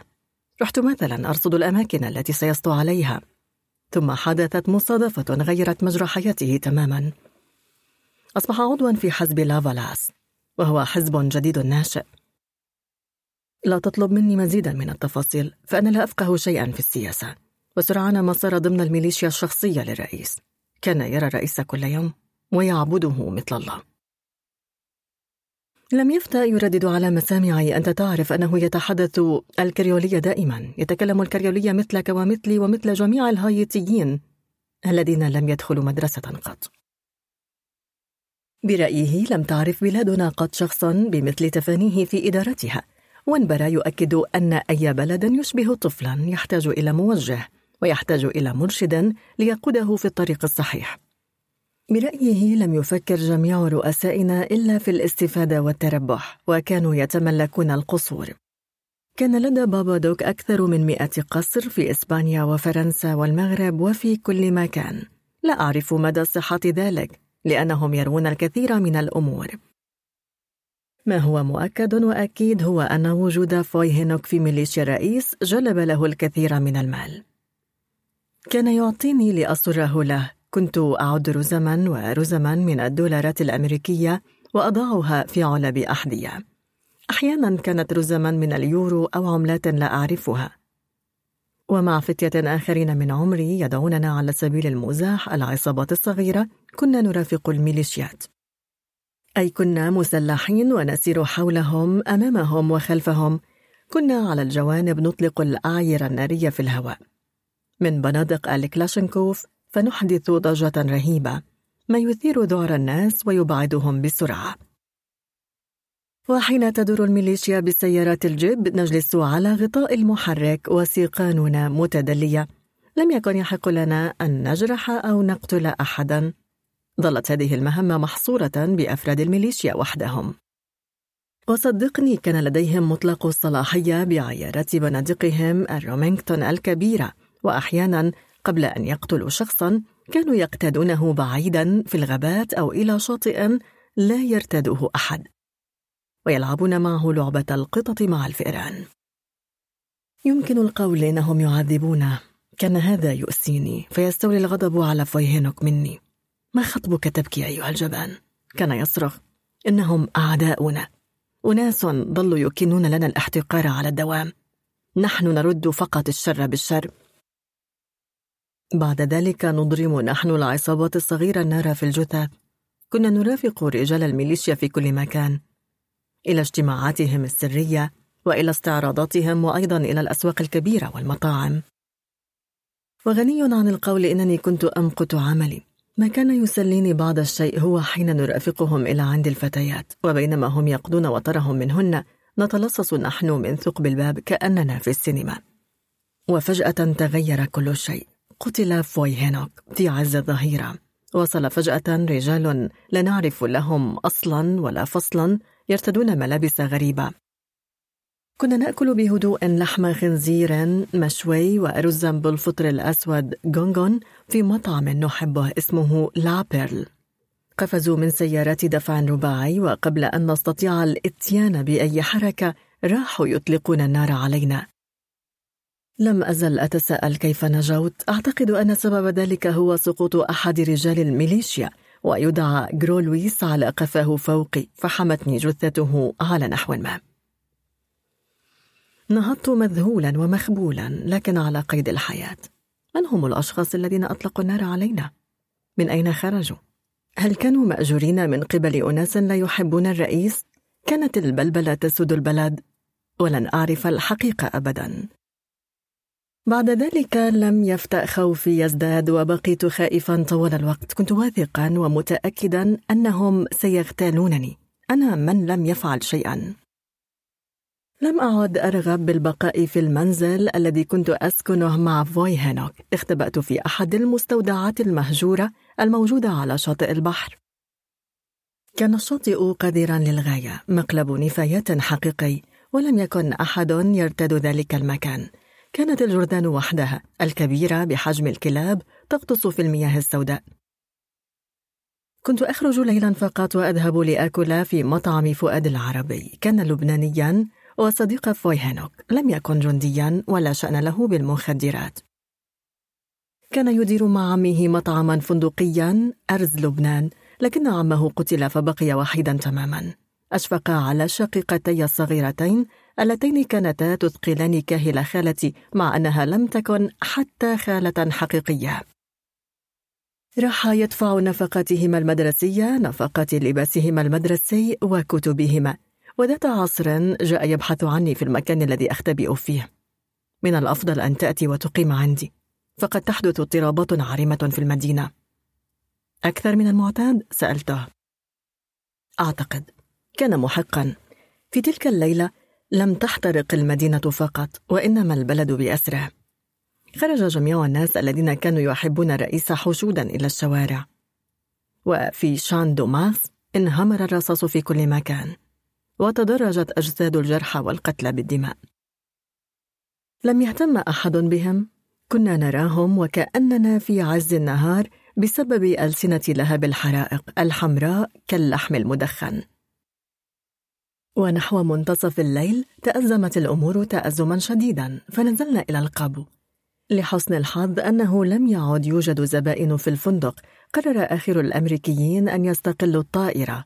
وما خلا أنا وشقيقتي لم يكن يوجد سوى بعض الجيران. وتفقت النساء طبعا يسبحن بمسبحاتهن وهن يصلين بصوت عال بينما ينام الأطفال بهدوء. كان هناك أيضا امرأة دومينيكانية راح فؤاد يغازلها وكنت أول مرة أراها. لم تنفك تشتمه وتردد أن كل هذا بسبب خطأه. تلك الليلة قررت أن أغادر بلدا أصبح في غاية الخطورة ومن سوء الحظ أن القول أسهل من الفعل. مضى عام تقريبا قبل أن أنجح في تحقيق هذا الحلم. اعتراني اليأس وأنا أنتظر وأنتظر. ومنذ أن اضطر الرئيس إلى الرحيل تدهورت الأحوال من سيء إلى أسوأ. حين نستيقظ صباحا لم نكن نعرف هل سنظل أحياء حتى المساء. وفي كل يوم كانت تحدث عمليات اختطاف. أوجد فؤاد لي عملا وكنت أفضل البقاء في مطعمه الفندقي أرز لبنان. أكنس الغرف وأساعده في الطبخ وخدمة الطاولات. لكنه راح يقول إن الحال ليس جيدا على الإطلاق وإنه لن يستطيع دفع أجرتي. لذلك أرسلني إلى أحد أصدقائه ياسين وهو لبناني أيضا صاحب متجر يبيع فيه الأسلحة. ظاهريا كان متجرا عاديا في كل شيء. تمر أمام بابه ولا تشك في شيء. في واجهته لا ترى إلا أجهزة راديو وتلفاز وسلسلة من أجهزة قارئة أقراص الصوت المدمجة. لكن في الصدر يوجد باب مغلق يفضي إلى حجرة تخزن فيها البنادق والرشاشات. وفي ساعات معينة يأتي رجال لأخذها. كان ياسين يدفع بسخاء ولسوء الحظ لم أستطع الاستمرار. ليس بسبب مضايقات رجال الشرطة الذين يراقبوننا. ويدخلون شاهرين مسدساتهم في أي وقت إلى المتجر بحجة التحقق من دفاتر الحسابات. وليس لأن ياسين كان يعاملني كأنني خادمه. وكل هذا لأن لوني أكثر سوادا منه. أعرف هذا. السبب الحقيقي هو خوفي الشديد من الكلاب التي أحرس معها المتجر أثناء الليل. في الساعة السادسة من مساء كل يوم حين يسترخي ياسين وهو يدخن لفافة حشيش كنت أضطر للذهاب من أجل إحضارها من عند شخص يدعى ليونيل. كان ليونيل يسكن في مزرعة هناك في ضواحي كانسكوف ويجني مالا وفيرا من تأجير الكلاب الشرسة من أجل الأمن كلاب درواس ودوبرمان الألمانية وكلاب الحراسة الحمراء وكلاب البيتبولز. كنت أصعد سيارة بوسطة وأنزل في المدينة سيرا على الأقدام مع كلبين عموما دنماركيين أعلى مني وأضخم مني وأنا أمسك قيادهما. حين يصبح الكلبان في الخارج يبدأان في الجري وهما ينبحان ولعابهما يسيل. ويفغران شدقيهما الحمراوين المزروعين بأنياب بيضاء قاطعة كأنياب التماسيح الاستوائية. وعندما يرانا الناس ينتابهم الذعر ويهربون كنت مرغما على التشبث بقيادهما بكل قواي والركض بمثل سرعة هذه المخلوقات الجهنمية أثناء النزول أو الصعود حينما أعيدها عند الساعة الرابعة صباحا. كان يجب ألا نأكل أمامها لأن رائحة الطعام تهيجها. وألا ندير لها ظهرنا إطلاقا وإلا قد تنقض علينا. وفي النهاية انهارت أعصابي بعد بضعة أسابيع. إذا تابعت سأصبح مجنونا. كان ياسين غاضبا وفؤاد أيضا. ولكن لأن قلبه طيب وناصع البياض لم يقل شيئا. ولا أدري كيف انتهى إلى إيجاد مهرب خلاسي قصير وبدين يأتي من سانتو دومينغو. طلب 700 دولار أمريكي لنقلي إلى جزيرة أخرى في المنطقة. كنت أفضل الذهاب إلى الولايات المتحدة الأمريكية والانضمام إلى ابن عمي فلوريمون في ميامي. كان فلوريمون يعمل مثلي في العصابات الصغيرة. وفجأة أخبرني ذات يوم سنموت جميعا إن لم نرحل من هنا. ما سيحدث لنا هو أننا سنتلقى أعيرة نارية وسط بطوننا. وننفق بطريقة أسوأ من الكلاب. لم أشأ الإصغاء إليه وها أنا ذا أندم على ذلك لكن ثمة جداول معدة سلفا. الأعلى تكلفة هي لمن يريد الذهاب إلى الولايات المتحدة الأمريكية أو كندا كانت ثلاثة آلاف دولار أمريكي. وكان فؤاد يدفع في تلك الأثناء كما أخبرتك بهذا نفقات شقيقتي المدرسية. حين عرفت أنني سأغادر وأترك مريم وجهيرة شقيقتي الصغيرتين اللتين أعبدهما شعرت بحزن شديد وهما أيضا تألمتا ورحنا نبكي طوال الوقت. فغضب فؤاد أنت من أردت الرحيل في رعاية الله. الله هكذا كان يسمي إلهه الوحيد. كانت السفينة سينكو دو مايو تنتظر صعود ركابها في خليج صغير قرب قرية تدعى ديسبيراسيون. كان يجب أن أستقل ثلاث سيارات بوسطة للوصول إليها. سرنا لمدة أربعة أيام. كانت أول مرة أغادر فيها بورتو برينس لم أر في حياتي جبالا بمثل هذا الارتفاع فشعرت بالخوف. كان بؤس الناس مخيفا أكثر أيضا. رحنا نتوقف عند الظهر للبحث عما يؤكل. لكن في الأسواق لم يكن يباع شيء. عثرنا أحيانا على بعض حبات الأكاسان وثمار فاكهة غير ناضجة وتفقنا نسير ليلا خوفا من الهجمات. كان الأطفال يبدون عجائز وآباؤهم يبدون زرقا كأنهم خرجوا من المقابر مباشرة. وأخيرا وصلنا إلى ديسبيراسيون. كان بحارة سينكو دو مايو زنوجا إنجليزا اثنان قادمان من جامايكا والآخرون من الدومينيك. لكنهم يتكلمون بطلاقة اللغة الكريولية. كانت حمولتها 25 شخصا ومع ذلك وضعوا على متنها 35 شخصا. هكذا صادفت رينيت صباح المغادرة في شارع ديسبراسيون الرئيسي. كنت أشتري قبعة قش بسبب الشمس على البحر وهي أيضا. وحتى ذلك اليوم لم أكن قد نظرت قط إلى امرأة. كان بمقدوري أن أحصل على ما أشاء من النساء. حين تحمل سلاحا بندقية تحظى بالنساء اللواتي ترغب بهن. هذا يجذبهن. بدت لي رينيت جميلة للغاية. حتى كدت أركع أمامها كما أركع أمام صورة القديسة مريم العذراء. شعرت على الفور أنها ليست شخصا عاديا فهي لا تلقي تحية الصباح على أحد ولا سيما على نكرة مثلي. وغلام سابق في ميليشيا الرئيس لا يعرف حتى كتابة اسمه. لذلك لم أقترب منها. نحو الساعة الخامسة مساء سلكت الطريق إلى رصيف الركوب لأن السفينة ستنطلق ليلا. حين وصلت وجدت الناس في نقاش طويل ممل. الغالبية لا تريد أن تصعد رينيت إلى متن السفينة لأنها حبلى وكانوا يصرخون. وإذا جاءها المخاض ماذا سنفعل؟ أنا لم ألاحظ بطنها وتركز كل اهتمامي على تأمل عينيها. لذلك بادرت إلى الدفاع عنها. لا أدري كيف توليت الأمر. أنا من لا يعرف التحدث أمام الناس ومن يخاف من كل شيء. نجحت في استمالة البحارة إلى جانبي فأقلوها على الرغم من كل شيء. أنت تظن أنها شكرتني على ما قمت به؟ حتى لم تنظر إلي. ابتعدت السفينة عن شاطئ البحر وسط هتافات الوداع والتبريكات والصلوات. على رصيف الميناء كان أبو السافانا يرسم شارات الصليب الكبيرة في الهواء والركاب يبتهلون يا يسوع ارأف بنا! اتضح منذ اليوم الأول أن رينيت لا تريد الاختلاط بالآخرين ظلت منزوية في ركنها. وحين لم تكن تتقيأ في الأكياس البلاستيكية التي سلمها البحارة لنا كانت تستلقي على مقعد تغطي رأسها بقطعة قماش تحت قبعتها. أدركت بوضوح أنها لا تريد أن يزعجها أحد. ليجرها إلى المشاركة في أحاديث عابثة يقودها آخرون. مع أو ضد الرئيس السابق مع أو ضد الحكومة الانتقالية المفروضة من الأمريكيين الذين هم أسيادنا كما يعرف الجميع. ماذا سيفيدها أن تتعب لسانها؟ رأينا لا يهم أحدا.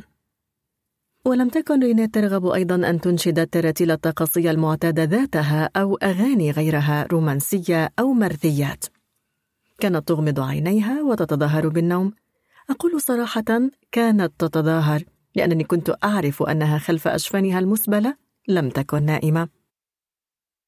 في الحقيقة كيف تستطيع النوم؟ في حرارة تشبه حرارة الحريق وضوء يحرق قاع العينين ورائحة تلتصق بالأسنان واللثتين وتدخل إلى الحلق فتدفع إلى التقيؤ. لم يكن يوجد أيضا على متنها مراحيض. كان الركاب نساء ورجالا يدخلون إلى نوع من الخيمة نصبها البحارة في مؤخرة المركب وتحتوي سطلا صحيا مع ورق وهناك يقضون حاجاتهم. وبعد ذلك يفرغون السطل ويغسلونه في البحر حين يستطيعون. أما أنا فكنت أتعذب رحت أفكر في شقيقتي وفي فؤاد أيضا وشعرت أيضا بالخوف مما ينتظرني في نهاية الرحلة. وأثناء الليل لم يكن يغمض لي جفن. ومن حولي حتى أولئك الذين ينامون كانوا يطلقون صرخات فظيعة في نومهم أو يتدمرون أو يشتمون. البحر إنه رهيب. أينما وقفت تتأمله يبقى هو نفسه. ليس مثل منظر طبيعي سواء جميل أو قبيح فيه أجزاء متمايزة أو مثل وجه بعينين تتحركان يمينا أو يسارا وفم يبتسم أو يكشر إنه اللون ذاته في كل مكان. أمواج تتدافع متشابهة من هنا وهناك مع شواهد زبد بيضاء باهتة. وطوال النهار كنا نكتوي بالنار. وبعد ذلك حين تغطس الشمس نرتعد بردا. وتطبق ظلمة قارسة البرودة. كانت هذه التقلبات في درجة الحرارة ترهق الجسم وتذهب بالعقول. وبعد بضعة أيام لم نعد نقوى على تحريك إصبعنا الصغير. ظل البعض قابعا ومتقوقعا مثل جذوع أشجار البيبوا في صبيحة اليوم الخامس من الإبحار نهضت امرأة لم تتفوه طيلة الرحلة بحرف واحد. وظلت تقرأ الكتاب المقدس من الصباح إلى المساء وبدأت تغني أغنية هايتية معروفة. أوراق أشجار أنقذت حياتي حين غرقت في اليأس. أوراق أشجار أنقذت حياتي وفيما هي تغني أخذت تخلع ملابسها قطعة تلو الأخرى. تنورتها صدارها حمالة نهديها سروالها الداخلي وراحت تقذفها في الهواء. وظلت عارية. لم يتسنى لنا الوقت لننزعج. تسلقت حافة المركب وانزلقت في الماء. وعندما أدركنا ما يحدث بحثنا عن عوامة. لكنها توارت في الأعماق وعادت المياه إلى طبيعتها. بعد ذلك جاءت رينيت وجلست بجانبي. هي أيضا كانت مضطربة مثل الجميع. سألتني ما اسمك؟ كانت تتكلم الفرنسية. لم أكن مخطئا. لم تكن طفلة البؤس مثلي. لكنها مثلنا جميعا. كانت طفلة العنف. أشياء كثيرة لم تخبرني بها قط. لكنني خمنتها. أظنها غادرت هايتي لأن رفيقها الصحفي قتل. مثل فوي هينوك ومثل الكثير والكثير غيره. كان قد كتب في صحيفته أشياء لم ترق للرئيس لذلك خافت على نفسها وعلى طفلها الذي تحمله في بطنها.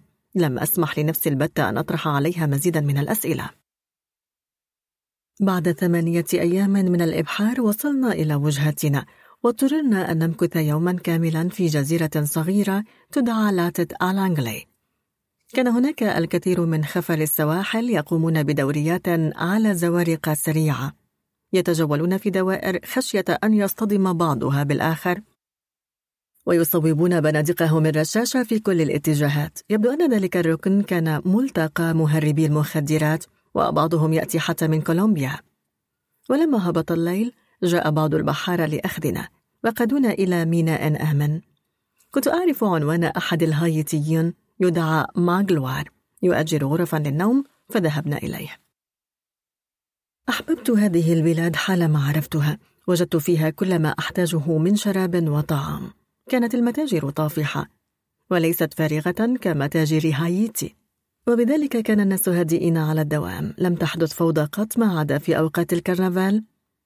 عندها كان الناس يحتشدون ويركضون في الشوارع متنكرين وضاربين على الطبول الكبيرة. وللأسف سرعان ما أدركت أنهم لم يكونوا يحبون الهايتيين. لماذا؟ هل بسبب اعتناقهم ديانة الفودو؟ وجدت أنا ورينيت عملا في مزرعة نموذجية تربي الدجاج والديوك الرومية والدجاج الفرعوني. من أصل خمسين عاملا كان نصفهم على الأقل هايتيين أعطوني وزرة لأربطها حول خصري ووضعوني في فريق التنظيف. ولأن رينيت تعرف القراءة والكتابة وتتقن اللغة الفرنسية وضعوها في مكتب الإدارة. كانت تتلقى ضعف أجري. ورحت أشعر بشيء من الخجل حين كنت أحضر راتبي. هي من طلبت مني البقاء معها. ليس لأنها تريد مضاجعتي. أدركت على الفور أن هذا النوع من الأفكار لا يراود ذهنها. لم تكن تفكر إلا بصديقها ليو الذي يتمتع في نظرها بجميع الصفات. كانت تحتاجني بالأحرى كخادم ومن جهة أخرى كانت تشعر بالخوف. كانت تخاف خوفا شديدا أن تسكن وحدها في بيت وسط الغابات. تخاف الحشرات الليلية التي تومض مساء والرعد الذي يقصف. والريح التي تزوبع وهي تصفر وتسقط على الأرض ثمار المانجا وثمار الخبزيات والوطويط التي تندس مرفرفة تحت صفيح السقف. لكنني لاحظت أن الأمر لا يقتصر على ذلك وحسب. كانت تخاف لسبب آخر أمر يعذبها. ما هو بالضبط؟ لم أعرفه قط. كانت تقضي ساعات تنصت إلى الضجيج. وفي الليل كانت تراودها الكوابيس. كانت تخل أنهم سيأتون لقتلها أو أذيتها. من؟ هل تسمع؟ هل تسمع؟ كانت تهمس. أجل أسمع كنت أجيبها ضاحكا. الرياح التي ترمي المانجا على الأرض والمطر يهطل على صفيح السقف. لا شيء سوى هذا. كنت أهدهدها مثل طفل رضيع.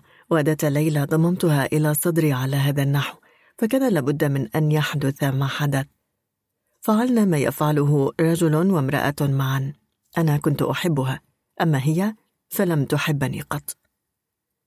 حين كانت تخطئ وتناديني ليو لم أكن أهتم بالأمر. هو مات ورقد تحت التراب أما أنا فكنت حيا. إذا أنا الرابح. كانت تحتاجني أيضا لأنها لم تكن تعرف أن تصنع شيئا بيديها. كنت مربيتها وخادمها كما قلت لك. كنت أغسل ملابسها الداخلية وحتى سراويلها وأكوي وأطبخ طعامنا وأنظف المنزل. وكنت أهتم على الأخص بالحديقة وهناك اكتشفت أنني أحب الأشجار والعرائش والنباتات والأزهار. كان الأجدر بي أن أولد في بلد آخر وليس في حي فقير من الصفيح والأخشاب. ومع هذا المطر الذي لا يتوقف عن الهطول كان لدي الكثير من العمل. وفي غضون يومين إن لم أنتبه كانت الأعشاب تحاصرنا. جاء الموت لينهي هذه السعادة لأن تلك هي السعادة. تركتني وراءها. أنا شاب وأمامي سنوات لأعيشها. إذا جئت إليك اليوم فليس لأحدثك عن رينيت وعني. إنما جئت لسبب آخر أكثر أهمية. لم تنفك رينيت تردد على مسامعي. لدي شعور داخلي سيء. لن أعيش طويلا. كنت أهز كتفي. ما الذي تفكرين فيه؟ كانت ترتعش. أشعر أن أمرا ما ينتظرني وأن هناك من يترصدني. وذات يوم سينقض علي وستكون نهايتي. قبل موتها بيومين أتذكر تلك اللحظة كما لو كانت هذا الصباح. جاءت إلي وأنا أقطف تمرة خبازيات من أجل الغداء. كانت دموعها تسيل على وجنتيها. حلمت حلما. أعرف أنني سأموت في أثناء الولادة. توقفي عن التفوه بهذه الترهات. أعهد إليك بطفلي. إنه طفلك بعض الشيء. طفلتك لأنها ستكون بنتا. لأنك مارست الجنس معي أثناء الحمل. أتوسل إليك. أعدها إلى البلد. صرخت. إلى البلد؟ أنت مجنونة؟ ألحت. أجل إلى البلد. ماذا تريد؟ ليس لدى المرء إلا وطن واحد. مثلما ليس لديه إلا عائلة واحدة مهما كانت قيمتها. لا أريد لطفلتي أن تترعرع عند الأجانب ولا سيما في بلد يكرهون فيه عرقنا. لدي أخت ستريلا وهناك أيضا مربيتي تونن التي ربتنا بعد موت والدينا والدم لا يصير ماء أمل على الرغم من كل شيء أن ترأف بطفلتي فهي بريئة بلا أب ولا أم ولم تؤذي أحدا. عدني أنك ستعيد لهما طفلتي. وقلت نعم عندئذ ذهبت وأحضرت الكتاب المقدس وجعلتني أقسم عليه. وإذا لم أقل شيئا حين سرقت طفلتها على مرأى مني ومن عيني إيفلز وأيضا إن لم أجب حين جاء الناس الذين يطرحون علي شتى الأسئلة فذلك لأن الطفل في أفضل حال معك. أنت دكتور شخص محترم شخص مهم عندك مال في المصرف رفقتك أفضل بما لا يقاس من رفقة أمثال إيفلز وأمثالي لكنني لن أدعك وشأنك أبدا. إن لم تحترم الوعد الذي قطعته لأمها أن أعيدها إلى بلدها بين عائلتها. أنت لم تذهب في حياتك إلى هايتي أليس كذلك؟ إنه بلد أصبح خطيرا خطيرا جدا. قد يختطفونك أو حتى يقتلونك. لا يمكنك أن تذهب هناك وحدك يجب أن أرافقك. نظر إليه بابكر محتارا. لم يكن يسعه إلا التفكير في هذا الحديث الغامض واللهجة المهددة أحيانا. مع أي نوع من المجانين كان يتعامل؟ ثم تذكر أن الألم يخبل. ألم يجعله فقدان الزوجة التي كانت زوجته لفترة وجيزة والتي أحبها بكل جوارحه مجنونا بالفعل؟ وتطرق موفار إلى موضوع كان يعذبه كل يوم. كان يشعر بالندم على الطريقة الغريبة التي استولى فيها على أنايس. لكنه لم يفكر مذ ذاك في الذهاب إلى هايتي ليعيدها إلى عائلتها المزعومة. أما الهيئة الحامية لهذا الغر الذي عاش العنف في كل حالاته فكانت تضحكه. وضع موفر مغلفا على طاولة المكتب. لدي صور لك. وفوق ذلك وكأن عرضه لا يمكن أن ينال إلا القبول نهض وخرج. ظل بابكر فترة مديدة متأملا ومتفاجئا من التعاطف الذي أوحى به هذا المجنون على الرغم من كل شيء. خلا أنه يعرفه منذ وقت طويل. كان يشبه ابن عم أو أخا صغيرا أو أنه هو نفسه شخص آخر خرج من بين فخذي امرأة فقيرة وليس من بين فخذي الجميلة ثيكلا مينرف راح ينظر بارتياب إلى المغلف البني الذي أحضره الآخر. كان يمقت الصور يحتفظ بالنزر اليسير منها وقد أضاعها في حياة تشرده وفوضاه. صورة شخصية لجديه يجلسان بوقار على مقاعد بلا مساند في فناء منزل العائلة. والده بلباس وجهاء أنيق وأمه مبتسمة تحت شعر إفريقي كثيف. وهنا الوجه مخفي بنظارات ضخمة سوداء. من المغلف يخرج ثلاث ورقات مسطرة ومكتوب عليها بخط سيء وصورة شخصية ونحو عشر صور فورية باهتة مصفرة بلا أي قيمة فنية. كانت الصورة الشخصية لشاب خلسي بتقاطيع إيطالية حادة إحدى اللقطات الفورية تمثل ثنائيا بهيئة ميسورة. المرأة ترتدي ملابس كريولية فضفاضة وتتقلد قلادة ثقيلة. لقطة فورية أخرى لطفل رضيع يشبه آنايس. العيون الواسعة ذاتها والجبهة المحدبة نفسها. وتلك اللقطة تظهر فتاة صغيرة ناحلة في فستان ذي ثلاثة كشاكش والبنية ذاتها تعطي يدها لمربية بثوب فضفاض ووزرة بيضاء ومنديل ذي مربعات. وهنا أشخاص يرتدون بأناقة يضحكون ويرفعون كؤوسهم جالسين فوق شرفة. راح بابكر يتفحص بنوع من الشفقة هذه القصاصات الورقية التي تسمح مثل حص عقلة الأصبع بفك لغز هوية رينيت الفريدة. ظاهريا مهاجرة غير شرعية. وفي الواقع قد تكون شيئا آخر تماما. لا الصورة الشخصية ولا الصور العادية تحمل أي ملاحظات على قفاها. لا تاريخ ولا اسم مكان. أما الأوراق فتشير إلى مجموعة عناوين غامضة مثل الكتابة الهيروغليفية. منزلنا مئة. شارع ترفاي بواباتات بير ديودات تيولاد كاتدرال ألبون روبير مدام سيدوني بيو خمسون جدة جان. جاك دوسالين جاك ميل جان كالودا 96 ديلماس. استأنف بابكر معاينته بلا حماسة حين فحص آخر مريضة وبما أن كل شيء على ما يرام لا حمل خارج الرحم ولا مخاطر إجهاض أو ولادة مبكرة. عاد بابكر إلى منزله حيث تهتم يدا كلوي رانغن الماهرتان بآنايس. في أشهرها الأربعة صارت الطفلة متيقظة على نحو لافت أصبحت تجلس الآن وإذا وضعت على الأرض تحاول أن تحبو. وما أقلق بابكر هو أنها لم تكن مرحة وفي أغلب الأحيان تنتفض بلا سبب ثم تبدأ تتفحص الفراغ كأنها تسمع أصواتا وترى أشكالا لا يدركها الآخرون. ماذا تخفين عني في رأسك الصغير؟ يسألها وهو يغطيها قبلا. طبعا هي لا تجيب. خرج بابكر بهدوء ليذهب كما في كل يوم ويصطحب هيغو مورينو في نزهة.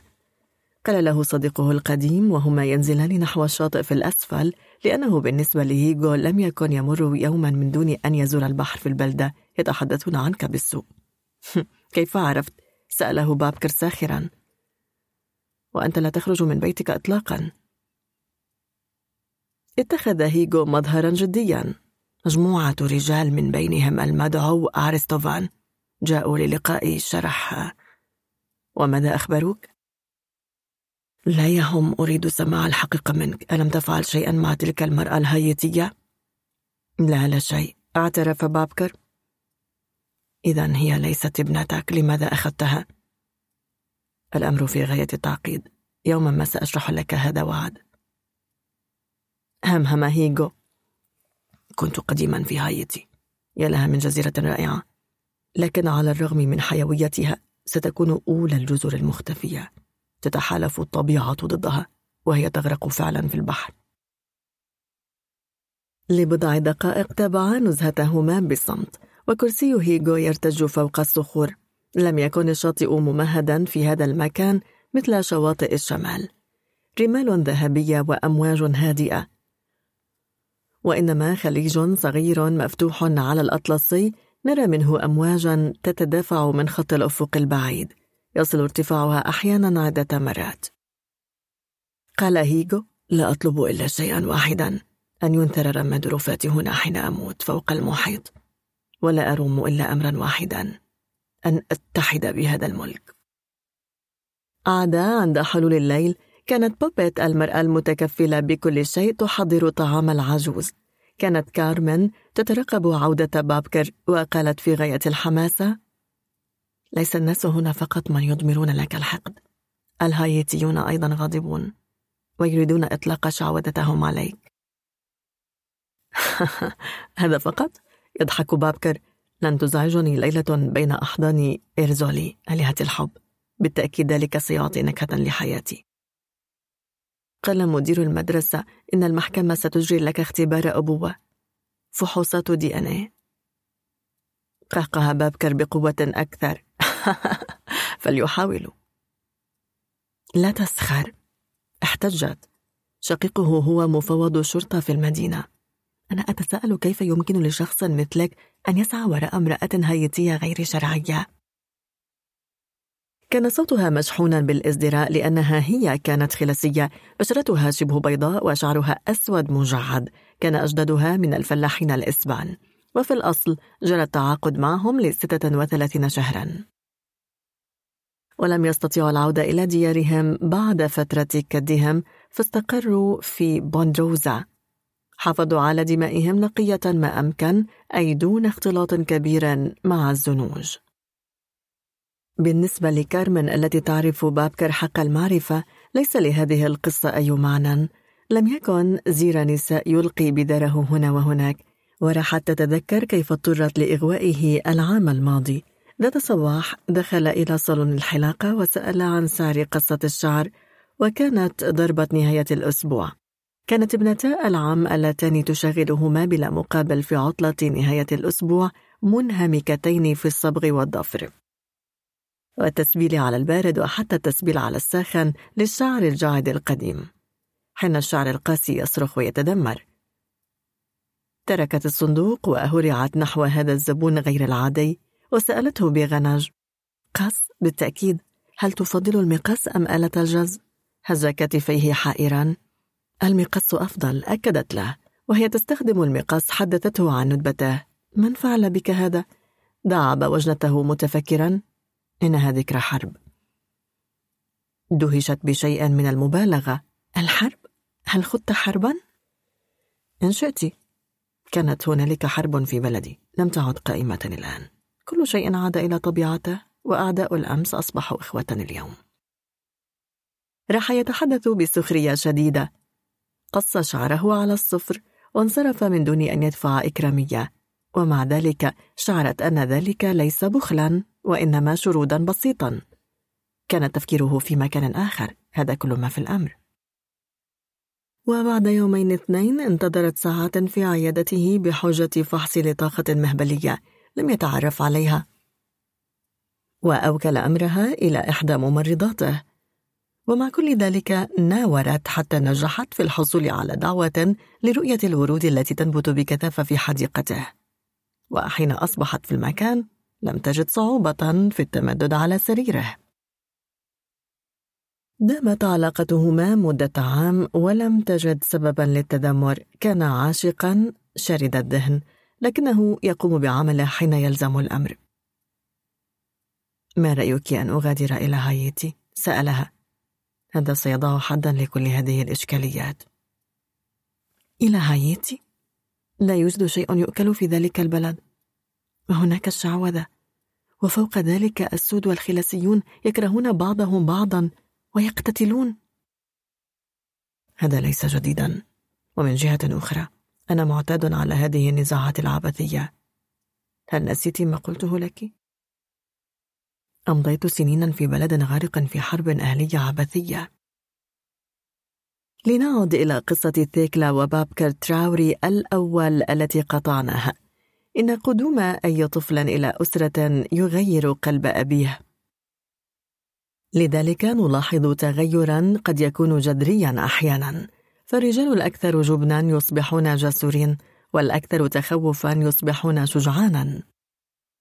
ومن أجل مولود ذكر هم مستعدون لمواجهة أسوأ مخاطر القدر. على أي حال هكذا نفسر الانقلاب المفاجئ لطبع بابكر تراوري الأول. بعد أن جردوه من وظائفه كوزير بشكل مخزن وبعيد نجاته من السجن أقسم ألا يتدخل ثانية في السياسة أبدا. السياسة راح يردد على من يريد السماعة لعبة قذرة لا تناسب إلا الأغبياء. وفي منفى في تيغايري كانت صحيفته تخبره بنزوات السلطة. يا للعجب ها هو بعد ولادة ابنه يبدأ كتابة رسائل طويلة ويضاعف محاولته للتصالح مع رجال في مناصبهم. أولئك الذين هم أنفسهم نبذوه ولطخوا سمعته وتكللت جهوده أخيرا بالنجاح.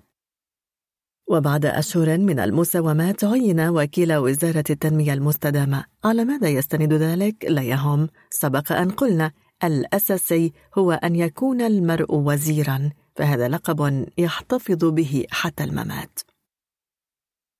شعرت تكلا باليأس بسبب منصب زوجها الجديد بداية كانت تكره السلطة وترهاتها. سيارة فخمة وفيلا وظيفية ذات حديقة يصونها بعناية عمال جائعون من بوركينا فاسو.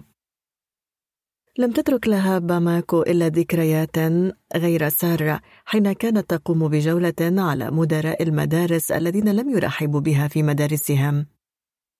وفي تيغايري لم تهمها العزلة التي وضعت فيها كان يكفيها أن تضم إلى صدرها زوجا محبا وابنا قويا لتشعر بالرضا.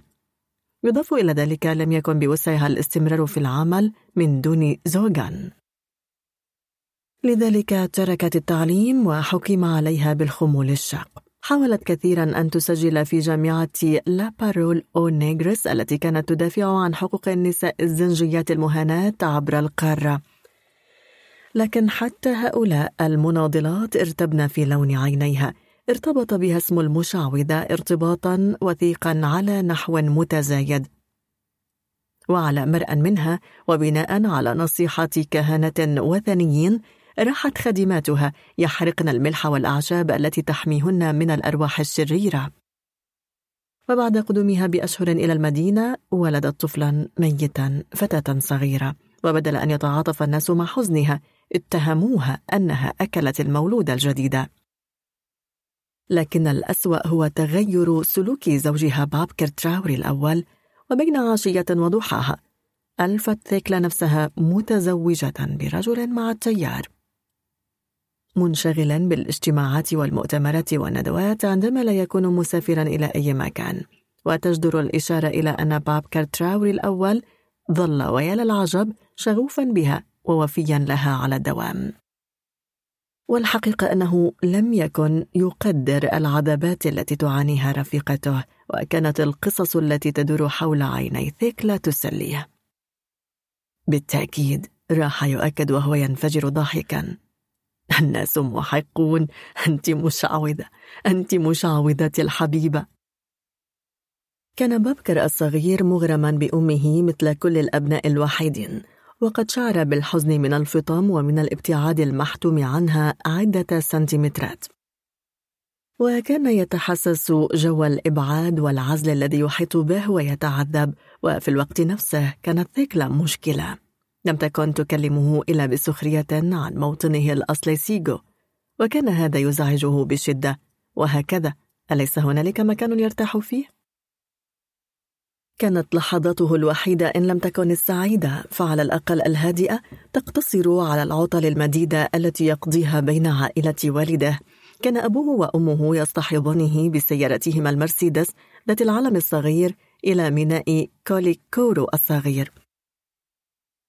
ولقطع المسافة في النهر يعهدان به إلى قبطان المركب الجنرال سوماري وهو قارب شهد أيام عز. بني لينقل نحو مئة مسافر وراح ينقل ثلاثة أضعاف هذا العدد. مع ذلك كانت إدارة النقل النهري تتباهى به وعلى الرغم من عمره الكبير لم يوقفه أي عطل قط. وحين يسمح منسوب المياه يذهب بجسارة حتى جاو مارا بسيغو وموبتي عندئذ يصبح بابكر شخصا مختلفا. هو المنعزل والمهمل يغدو ملكا مدللا يحتفى به ويفرض رغباته. كان صبيا يسافر وحده ويشغل مقصورة الدرجة الأولى قبالة سماء زرقاء تجوبها غمامات مشردة. وكان الأطفال المتزاحمون في جميع الدرجات وعلى السطح يتشحنون لقضاء بضع لحظات برفقته. والفتيات يقدمن له ما يمكنهن تقديمه. في صباح اليوم الثالث حين يصل إلى سيغو يلمح بفرح ظل جده المحدودب قليلا على الرصيف البحري لم تكن عائلة أبيه تسكن إحدى الفلل الفاخرة ذات المسابح التي انتشرت كالفطر بعد الاستقلال ولا حتى منزلا يرجع تاريخه إلى زمن الاستعمار. تحيط به شرفة ذات أعمدة. كانت تشغل عقارا قديما عمارته متميزة غير بعيدا عن السوق المركزي تزين واجهته العالية على الطريق كواجهة المصرف المرممة بعناية بعد أضرار الشتاء منحوتات أو رسوم مثلثة الشكل ومنتهية بأبراج صغيرة ذات ارتفاعات متباينة. كانت تشغل عقارا قديما عمارته متميزة غير بعيد عن السوق المركزي.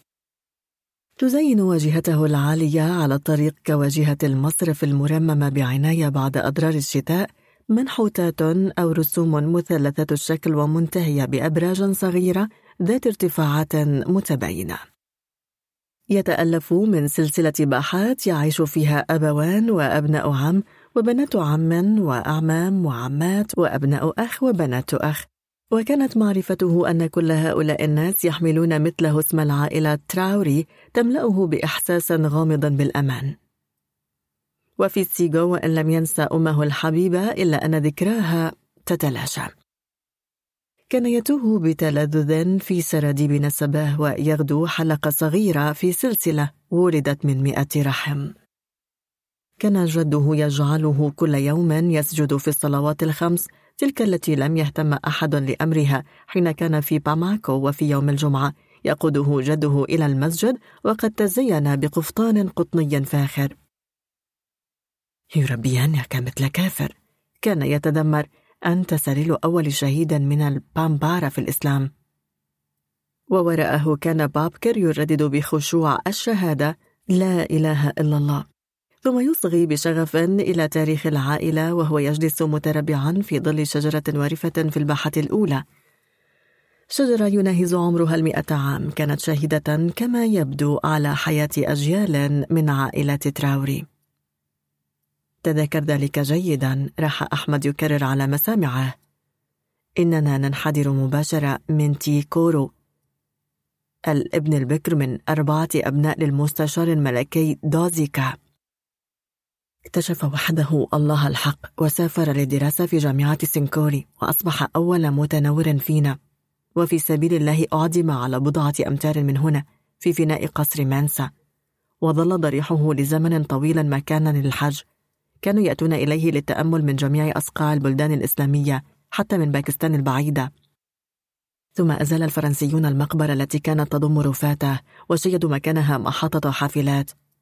تزوج تيوكورو أولى زيجاته من عبدة أصولها من بليدوغو التقاها في تيمبكتو كانت اسمها نادية. شكت في حبه لها فانتحرت بإلقاء نفسها في بئر. لم يتقبل العزاء فيها قط. هذا مثال جلي على العلاقات الإنسانية. يفصلنا سوء فهم أبدي عن أعز الناس إلى قلوبنا. قص عليه جده أيضا تاريخ إمبراطورية سيغو وكان يشق على بابكر أن يصدق أن هذه المدينة الصغيرة المبتذلة والقذرة المملوءة بالمتسولين كانت عاصمة ومدينة مزدهرة ومرهوبة بأسوارها الطينية المهيبة. خلال ستة عشر عاما حكم المنسى نقول ديار سيغو وقبل موته استشار كهنته الوثنيين عن سبيل لتخليد ذكراه. فنصحوه أن يضع أقراطا ذهبية في خياشيم 120 تمساحا كايمن حيث أن اسمك كما أكدوا لن يزول ما دامت تماسيح كايمن موجودة في النار وضع أقراطا ذهبية في خياشيم تماسيح الكايمن كان بابكر يصغي إليه متعلقا بشفتيه متحسرا. لأنه لم يولد في زمن كان من شأن أمور خارقة كهذا أن تحدث فيه. ويوم السبت كان العجوز والولد يقصدان غالبا الدجامب حيث يجتمع فيه أشهر عازفي البلد فيما يشبه الفناء الخلفي ويغنون لساعات متواصلة. أوه يا لروعة الكورة. كانت أجراس العلامات الموسيقية المصاحبة للأصوات البشرية ترتفع وتملأ الليل بفيض متناغم يهز أركان الوجود. وكان المفضل لدى العجوز هو أليفار كاتوري سيكون له شأن عظيم. كان يؤكد. يدل ذلك أنه على الرغم من إعتام عدستي عينيه بسبب تقدمه في السن كان يبصر بوضوح. لأن شهرة علي فار كاتوري ستصبح فيما بعد عالمية وحين مات في عام 2006 أعلن البلد بأسره الحداد عليه.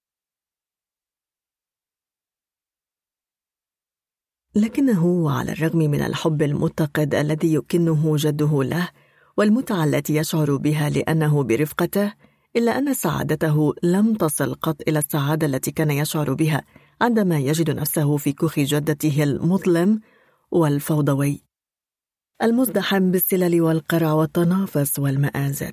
وعلى الرغم من مظهرها إذ لم تكن تتجاوز قامة ووزن بنية في عمر العشرة أعوام كانت تعطي انطباعا هائلا بالسلطة. كانت إحدى القابلات الأوائل في إفريقيا السوداء كما يسمونها تأهلت في مدرسة رافسك المشهورة في السنغال. في ذاك الوقت كانت الولادة تعني للمرأة التعرض لخطر الموت بينما بلغت معدلات وفيات الأطفال الرضع مستويات مرعبة. راحت تروي ظمأ حفيدها وتقص عليه حكاية جولاتها على ظهر حمار أو بغل في الأدغال إلى القرى الأشد فقرا والنائية. لم يبدو للفتى أن هنالك ما هو أكثر إثارة من تلك الصراعات التي تنتصر فيها الحياة على الموت. عندما سأصبح كبيرا سأفعل مثلك. يقسم لها. لكنها تنفجر ضاحكة. هيا القبالة ليست مهنة رجل. لماذا؟ كان يتساءل وهو محبط. لماذا لا يكون للرجال إلا أن يحملوا الموت؟ جنود وطيارون انتحاريون وقتل متسللون. ألا يسعهم أن يكونوا أيضا مولدين للحياة؟ وفي النهاية ظن أنه وجد ضالته وسجل في قسم التوليد بكلية الطب في مونتريال. هل كانت سترضى عن هذا الخيار وماذا كانت ستقول فيه؟ لم يتحدث جد وجدة بابكر عن ثكلا قط ولم تطأ قدم هذه الأخيرة أرض سيغو قط كأنه لا وجود لها بعينيها الزرقاوين وأصلها الكاريبي وسمعتها السيئة. مرة وحيدة سمحت فيها الجدة لنفسها أن تطلق حكما على كنتها. ثيكلا قالت بأسا. شخص لا يؤمن بشيء وهذا أمر رهيب بالنسبة لها. وحين بلغ بابكر عامه الرابع عشر انتهى كل ما عاشه في طفولته دفعة واحدة لأنه فقد في بضعة أشهر متباعدة أعز ثلاثة أشخاص إلى قلبه في العالم. في البداية تعرضت جدته لنوبة قلبية وقدت نحبها ولم يعش جده بعدها فمات هو أيضا بعد ثلاثة أشهر وفي النهاية رحلت أمه. لم يعرف أحد قط إن كانت تيكلا ماتت موتا طبيعيا أم انتحرت حتى لو بدأ الافتراض الأخير ضعيفا لأنها كانت أشد تعلقا بابنها وزوجها من أن تتركهما. وبالنسبة لحالة صداعها النصفي راحت تمضغ أغلب الأحيان جذور الفيجارة وهو نبات ينمو على ضفاف البرك والمستنقعات. وفي عصر أحد الأيام لبثت في غرفتها إلى ما بعد الساعة القيلولة وحين دخلت خادمة لتوقظها وجدتها متصلبة يغطي زبد أبيض شفتيها وباءت جهود إنعاشها بالفشل. ولأنها كانت اعتنقت الإسلام في ذلك الحين إرضاء لزوجها فقد دفنوها بحسب الشريعة الإسلامية وحملوا جثمانها الملفوف بكفن أبيض ودفنوه في التراب. عندئذ انطرح بابكر أرضا هامدا وظل ثلاثة أشهر لا يتكلم ولا يفتح عينيه. وفي نهاية المطاف التفت إلى الحياة لأنها الأقوى دائما. عاش البابكاران تراوري الأب والابن غريبين أحدهما عن الآخر صامتين كل واحد منهما منطو على نفسه في منزل فسيح تعمه الفوضى. لم يحب الابن في حياته الأب الذي يغار منه حمله مسؤولية نهاية الثيكلة وبعد فترة قصيرة من موت أمه عثر وهو يفتش في أغراضها على سلسلة مخطوطات يدوية ممهورة بعناوين براقة. أعادها ناشرون فرنسيون مع رسائل مفعمة بعبارات المديح المرائية وهكذا علم أنها حلمت في أن تصبح كاتبة وبالتالي آمنت بشيء ما. بالأدب لكنه لم يؤمن بها. مع ذلك ولعله هنا يكمن الأكثر إدهاشا في هذه القصة الغنية بكل أنواع الاحتمالات مثل الحياة لم تتخلى عن ابنها. ظهرت له في فترة نقاها وهو ينام نوما محموما في أبهى جمال لها جمال لم يرها فيه قط. لا تصدق أنني تخليت عنك؟ همست له. هذا مستحيل. لن تفقدني أبدا حتى وإن لم أعد أظهر لك إلا تحت جنح ظلام في أحلامك. الأحلام حقيقية أكثر من الواقع. بالتأكيد أنت تعرف أن الوقائع الوحيدة هي الوقائع التي تولد من الخيال. لذلك اعتادت أن تسكن أحلامه. راح تظهر كل ليلة تقريبا عموما في ساعات نومه الأولى. ممزقة حجب الظلام المتراكمة حول جبهته. وطفقت تساعده على حل مشاكله وتلقنه قراراته. باختصار كانت تتدخل في أي فعل من أفعاله كمستشارة. وفي الصباح الباكر حين تجبره الشمس على فتح عينيه يبكي لأنه سيفارقها من جديد. في الحقيقة حاجته إليها لم تهدأ. في الشهر التالي وقع حدثان لا رابط لأحدهما بالآخر. في البداية مات هيغو مارينو فجأة ومن دون سابق إنذار جاءت بوبيت المضطربة لتخبر بابكر الذي يتأهب للذهاب إلى عيادته. توفي العجوز أثناء نومه ظاهريا من دون معاناة لأن وجهه ظل هادئا وليس عليه سوى التجاعيد وآثار الشيخوخة. ونحو منتصف الليل وصل ابنه أنطونيو مستعجلا ليعيد جثمان والده إلى وطنه الأم. ضم إلى صدره بابكر الذي دهش من تألمه إلى هذا الحد كأن والده هو من مات فعلا. كان يحبك مثل ابنه. لم يتفاهم معي قط. استطاعت بوبت أن تجمع الجيران وارتجلت صلاة مسائية مع أزهار بيضاء ونساء يرتدين ثياب الحداد السوداء ومسابح في الأيدي ودن نبيذ ولأن الطقس كان جافا على غير العادة في ذلك اليوم استطاع الجيران أن يضيئوا سريرا من الشموع أمام دار الميت. وجاء جانكي كوزاك الحكواتي يندب يكرك هل تنام المحكمة؟ ويكراك لا المحكمة لا تنام لأنه لا يجوز عدم احترام الموت حين يعبر. بعد بضعة أيام احترق منزل موفار في عز الليل مثل ورق لفافات التبغ. لم يستطع المسكين أن ينقذ سوى سرواله الداخلي الذي كان يرتديه للنوم. أثر موت هيغو على بابكر تأثيرا مرعبا وعلى الرغم من البهجة التي استمدها من وجود آنايس ازداد شعوره بالوحدة والوحشة والهجران. وظل ينزل كل يوم إلى الخليج الصغير كما اعتاد أن يفعل مع هيغو ويحدق في شاهدة ضريح البحر الواسعة وأضيف إلى ألمه أن زبائنه تضاءلوا على نحو مقلق وقد كتب أحدهم على باب عيادته مسروقة. ونثروا حاوية قمامة مملوءة بالنفايات أمام منزله وراحوا يرمون الحجارة كل مساء على بوابة بيته. وأخيرا أكدت له كارمن أن مسؤول العلاقات العامة ريكاردو دو سوزا اعتلى المنبر ليفضح تجار المعبد أي الرجال من أمثاله. لذلك فعل ما لم يسبق له أن فكر بفعله من قبل بحث عن عائلة أمه آلي منيرف ولم يكن هذا بالأمر الهين. ونظرا للاضطرابات التي تميز عصرنا المجبول على الهجرات وحالات التشرد والنفي بحثا عن البقاء على قيد الحياة. تركض الناس ذات اليمين وذات اليسار مثل نمل مباغت ولم يعد معظم آل منيرف يعيشون في البلد وتشتتوا مثل الكثيرين غيرهم. يوجد العديد منهم في سارسل رمزها البريدي 95 وطبعا هناك فرع في مرسيليا يعيشون قرب دير سان ماكلو. وفرع آخر في ليل عند الشعتي وفي غوادلوب من قبيلة أخطبوطية.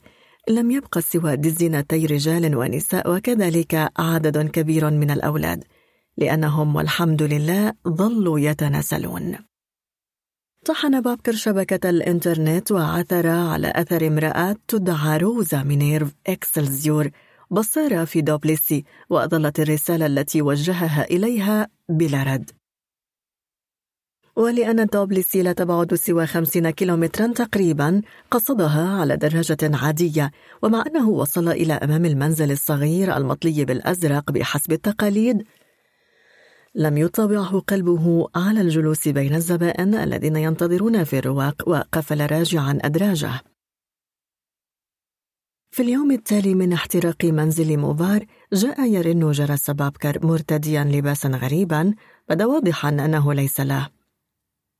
سترة أديداس فضفاضة على جسده النحيل لونها أخضر زيتوني.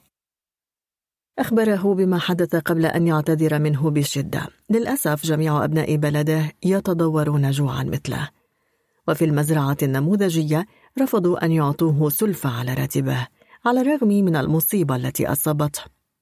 ولم يجد إلا بابكر ليقرضه بضعة يوروهات. أعطاه بابكر المبلغ التافه الذي طلبه وجعله يوافق على النوم عنده مجانا. وحين استقر موفار في المنزل الجديد شعر بشيء من الراحة وقال في سره إنه فقد أبا لكنه كسب أخا شابا لطالما حلم به. وسرعان ما أثبت موفار أنه ليس جاحدا أخذ بالعمل وحول النطاق الذي تنمو فيه عشوائيا الأعشاب الضارة وأعشاب غينيا إلى روض حقيقي من رياض الله.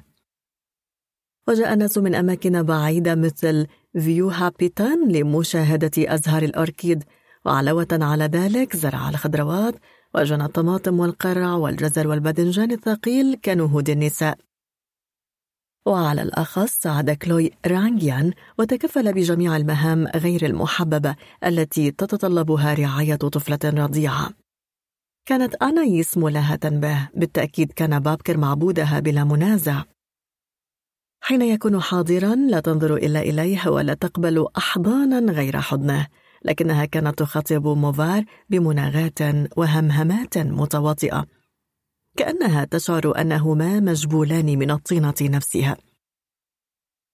وإزاء غضب كلوي العارم التي كانت تطلب ألا يتحدث أمامها إلا بالفرنسية الفرنسية راح يكلمها باللغة الكريولية. ويغني لها طقطوقات من بلده وفي الليل كان يبقي باب غرفتها مفتوحا. لأنه غالبا ما راودت الصغيرة أحلام توقظها وهو وحده من يفلح في إعادتها إلى النوم. هل تفكر في أمها؟ كان هذا السؤال يرهق بابكر حين يلفيان نفسيهما عند رأس آنايس المحمومة وعينه تلمع. يحق لنا أن نتساءل ماذا لدى رجلين على هذا القدر من الاختلاف؟ أحدهما يحمل شهادة من كلية مرموقة في طب التوليد والآخر أمي ليتحدثا به. كانا يجلسان كل مساء بعد تناول العشاء وأنايس في سريرها أمام إبريق من شراب الأعشاب المجففة في ركن من الرواق قبالة ستارة الليل المعتمة ويتحدثان مطولا. موفاريو صغي وبابكر يتحدث عن اثنين. كان يبوح بأشياء لم ينبح بها لأحد في حياته. كان يحب الصمت موفار بقدر ما يعبر عن تفهم يغني عن أية إجابة. حين كنت صغيرا كنت أقلق باستمرار وأخاف خوفا شديدا من الليل. كانت أمي تأتي وتضعني في السرير ثم تحكي لي حكاية. وحرصت على ألا تروي لي إطلاقا حكايات كريولية من بلادها ولا حكايات البامبارا. كانت تذهب وتجلب أليس في بلاد العجائب للكاتب لويس كارول أو بائعة الكبريت الصغيرة للكاتب هانس كريستيان أندرسون أحد كتابها المفضلين. وعندما تنتهي القصة تطبع قبلة على جبيني. وتنسحب وأظل وحيدا أبكي في الظلام. وذات مساء شعرت بألم شديد لأنها لم تبقى معي.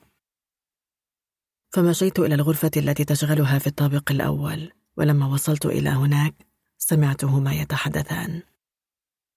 ميزت صوت أبي الجهوري وألصقت أذني بقوة على خشب الباب. حبيبتي أنا أعبدك كان يزمجر. وردا عليه راحت تضحك ضحكا لم أسمعه منها قط. ضحكا من القلب مفعما بالشهوانية.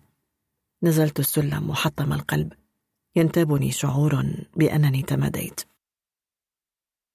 ومنذ تلك اللحظة بدأت أكره أبي وأغار منه صرت أعتبره غريما ووضيعا. وذات مساء كان القمر فيه مكتملا أخذ بابكر يروي قصة حياته. لم يكن قد كشف من قبل إلا شذرات منها لموفار. تحدث بتجرد غريب وحتى بسخرية كأن هذه الألم والمحن أصابت شخصا آخر غيره.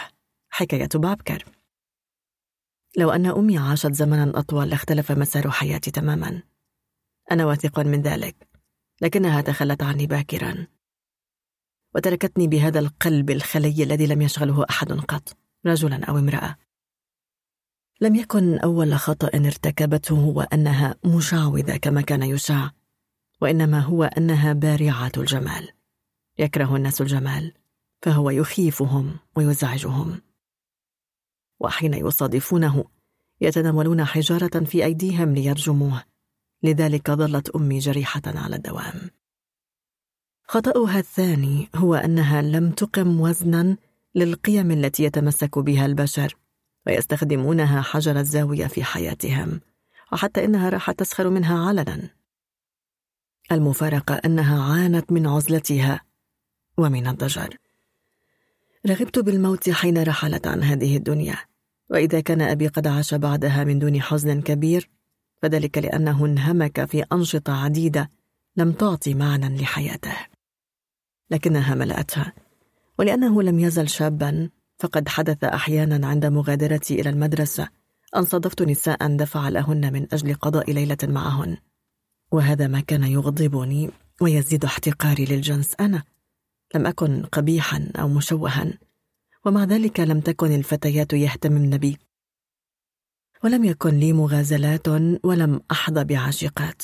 لم أكن أعرف القبل والمداعبات والملامسات. وبدأ لي عضو الذكري عضوا زائدا ومزعجا لا نفع منه. لا سيما حين كان ينتصب ولا أفلح في التحكم به. كنت أشعر بالخجل من ذلك وأخفيه على قدر ما أستطيع تحت جلبابي كانت الدراسة ملاذي الوحيد. في السابع عشر من عمري حصلت على الشهادة الثانوية بتفوق. وقد أكد أساتذتي أنني موهوب وفي غاية الذكاء. وبعد بضعة أشهر أخبرني أبي أنه نظرا إلى كشف علاماتي. حصلت على منحة في جامعة مونتريال في كندا. ويوم مغادرتي أقلني أبي بنفسه إلى مطار مودي بوكيتا كان المطار غاصا بالحجاج يعتمرون عمائم بيضاء ويمسكون أباريق وضوئهم في أيديهم. كانوا يتأهبون للحج إلى مكة المكرمة.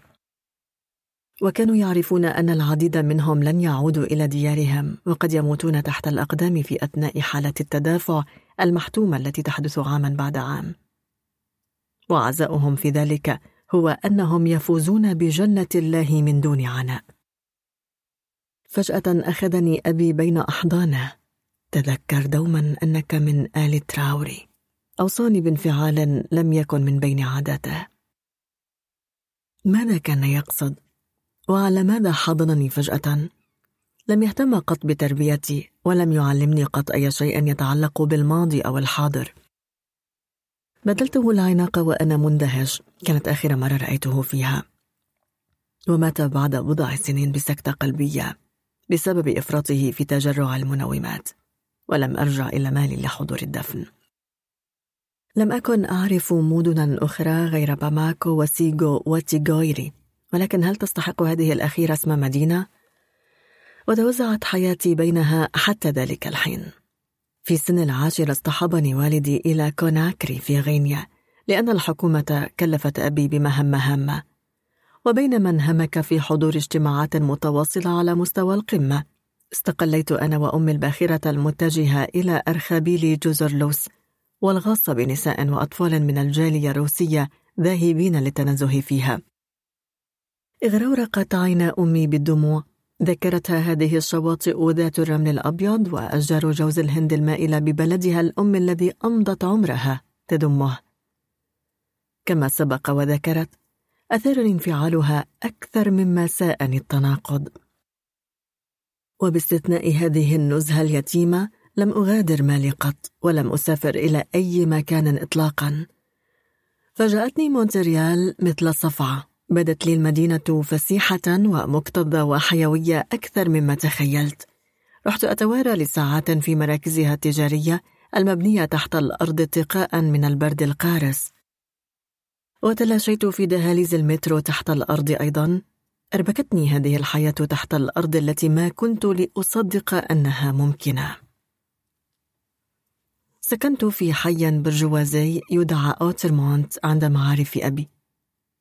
زوجان من السينمائيين أخرجا للتلفزيون الكندي سلسلة أفلام وثائقية حول إفريقيا. وفي كل شهر راحا ينظمان سهرة للطلاب الأفارقة حتى يساعدوهم في مكافحة العزلة. وأثناء إحدى تلك السهرات تعرفت إلى حسن وسرعان ما أصبحنا متلازمين. ولم أزل حتى اليوم لا أفهم أي فائدة جناها شاب مثله من معاشرة شخص كئيب وممل مثلي. لعله كان راضيا بالإعجاب المفرط الذي كنت أكنه له. وهل هنالك شيء أكثر إبهاجا للمرء من أن يرى نفسه محط تبجيلا في نظر غيره؟ آه ما أجملني في هذه المرآة يقول لحن فاوست. من المجحف القول إن حسن كان وسيما كان إلها كان الرجال والنساء يتهافتون عليه. هل وقعت في غرامة؟ سيكون تأكيد ذلك تبسيطا مفرطا. لم تعذبني أي رغبة في الاستحواذ المادي. سأقول بدلا من ذلك أنني رغبت في أن أكون هو. كان يجسد ما تمنيت أن أكونه كان أصله من شمال بلد يتاخم بلدي. من الشمال كان يحدد لأن الشمال ليس الجنوب إنه الأرض المتمردة. الأرض التي لا يركع الناس فيها إلا لله. كان ينتمي من جهة أبيه إلى عائلة ملكية في دولة صغيرة لم تنس شيئا من ألقها القديم. مع أنها أصبحت إقليما في مجموعة معاصرة. في القرن الرابع عشر وتحديدا عام 1328 قصد ولي العهد آفلاموي مكة للحج ووزع ذهبا وفيرا. فانخفض سعر المعدن الثمين في جميع الأسواق وكان حسن يتحدر من جهة أمه من سلالة مقاوم مشهور للاستعمار يدعى المناضل الأخير. أرسله الفرنسيون ليموت في المنفى في مدينة فيكتوريا في أرخبيل جزر سيشل. كان تاريخ حسن آخر سلالة الحكماء المجيدة يمثل ملامح تاريخ ذاته. لكن عند هذا الحد يتوقف كل تشابه بيننا. ليس فقط أنني لا أشعر بأي فخر بأصولي لكنني لا أتمتع بأي إحساس بالهوية العرقية. كنت ماليا لأنني ولدت في مالي وهذا كل شيء. بامبارا ومالينك وسونغاي من الشمال من الجنوب من الشرق لا يهم بالتأكيد لابد من أن يؤخذ بعين الاعتبار تأثير أمي التي ربتني بمعزل عن أية نزعة تبجيل لما كانت تصفه خرافات مزعجة. وفي نواح أخرى كثيرة كان حسن نقيضي ولأن أباه كان سفيرا فقد ترعرع بين لندن وباريس ونيويورك ومدريد. كان يتكلم أربع لغات غربية إضافة إلى العربية ونحو عشر لغات إفريقية. وكان على الأخص موسيقيا بارعا ومولها بالموسيقيتور يالي هاشيمي عازف آلة الإيقاع الأفغاني. وقد تعرف إليه حين كان يعيش في كابول في مرحلة مراهقته. اصطحب الجاهل الذي كنته إلى حفل موسيقي أحياه مغنون من آسيا الوسطى. كشفوا لي عن سحر فن لم يكن لي سابق معرفة به وإلى جانبه سرعان ما وجدت دورا على مقاسي وأصبحت منفذا لأعماله المنحطة. كان يشعر بالحاجة الدائمة لجسد الفتيات ويضاجعهن في فراشه اثنتين أو ثلاثا في آن معا خدمته كجالب زبائن ورحت أتقرب من اللواتي يثرن رغبته قبل اعتزالهن ومن وراء ظهري كنت أعرف أن الجميع يحتقرونني ويلقبونني السمكة أو القواد بحسب اللغة الدارجة. هذا لا يهمني. ما يهمني هو أن أخدمه كعبد. وبسبب حسن قررت المجيء والعمل في بلده في إبيرنيا كانت العيادة التي استأجرت خدماتي لأحد أصدقائه شخصا شماليا هو أيضا الدكتور سوماورو. لم يعد أبي على قيد الحياة ولا أمي المعبودة ولا جداي الحبيبان.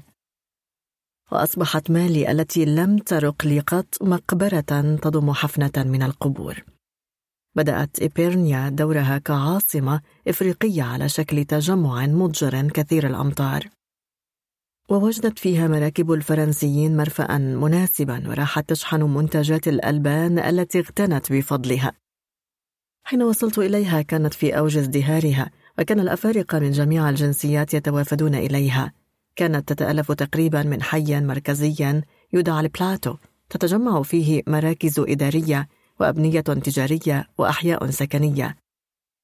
بعضها براقة وفاخرة وأخرى قذرة ومزدحمة وثالثة أيضا فقيرة. وفي الحقيقة كانت سلسلة مدن مرصوفة الواحدة بجانب الأخرى بلا قاسم مشترك بينها ومن دون أن يعيش فيها البشر ذاتهم.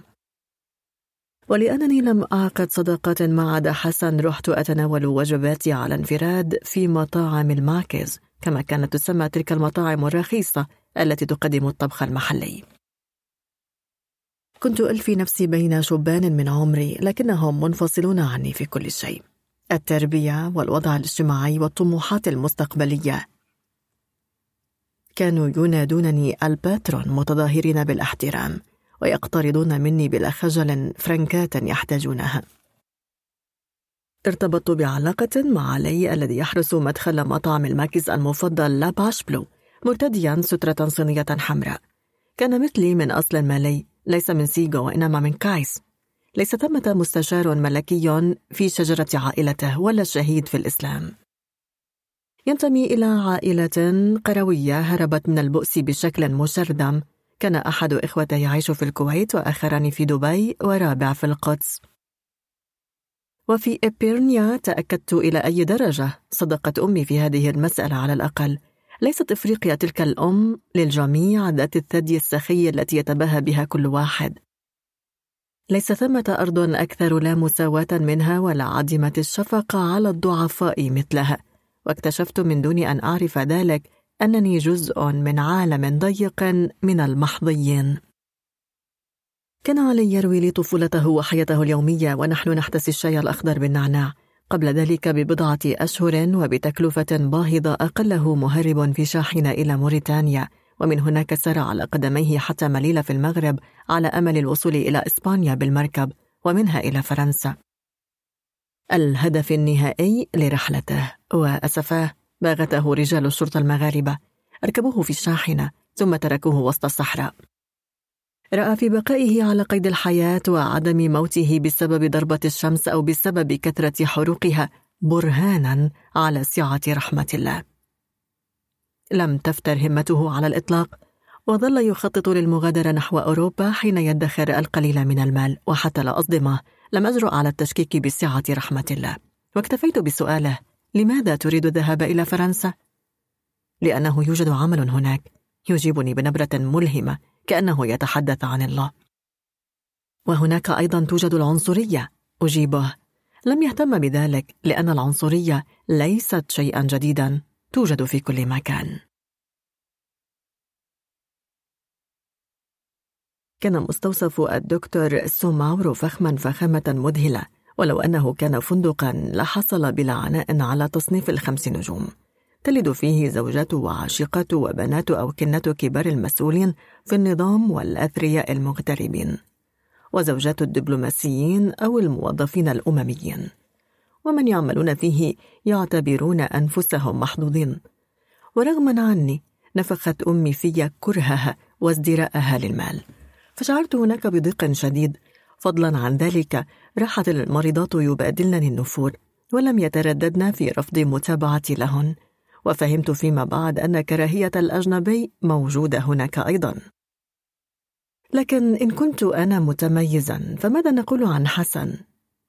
كان ربيب السراي يشغل منصبا رفيعا في وزارة الخارجية ولم يراود أحدا شك أنه سينافس عما قريب أباه الذي أصبح الآن عجوزا ومريضا. ويعيش منزويا مستبدا على أملاكه. راح البعض يتهمسون أن اسمه يلمع كاسم رئيس قادم للجمهورية. فقد خطب منذ فترة قصيرة ماري ابنة أخت الرئيس وكانت مثله من الطائفة الكاثوليكية. عموما هذا يشكل مشكلة. سألت حسن عن هذا الأمر فزجرني بعنف. أنت من يتكلم على هذا النحو؟ اعلم أن الله هو الله. اسم الله الواحد الجبار. أيا كان الاسم الذي يطلقه الناس عليه.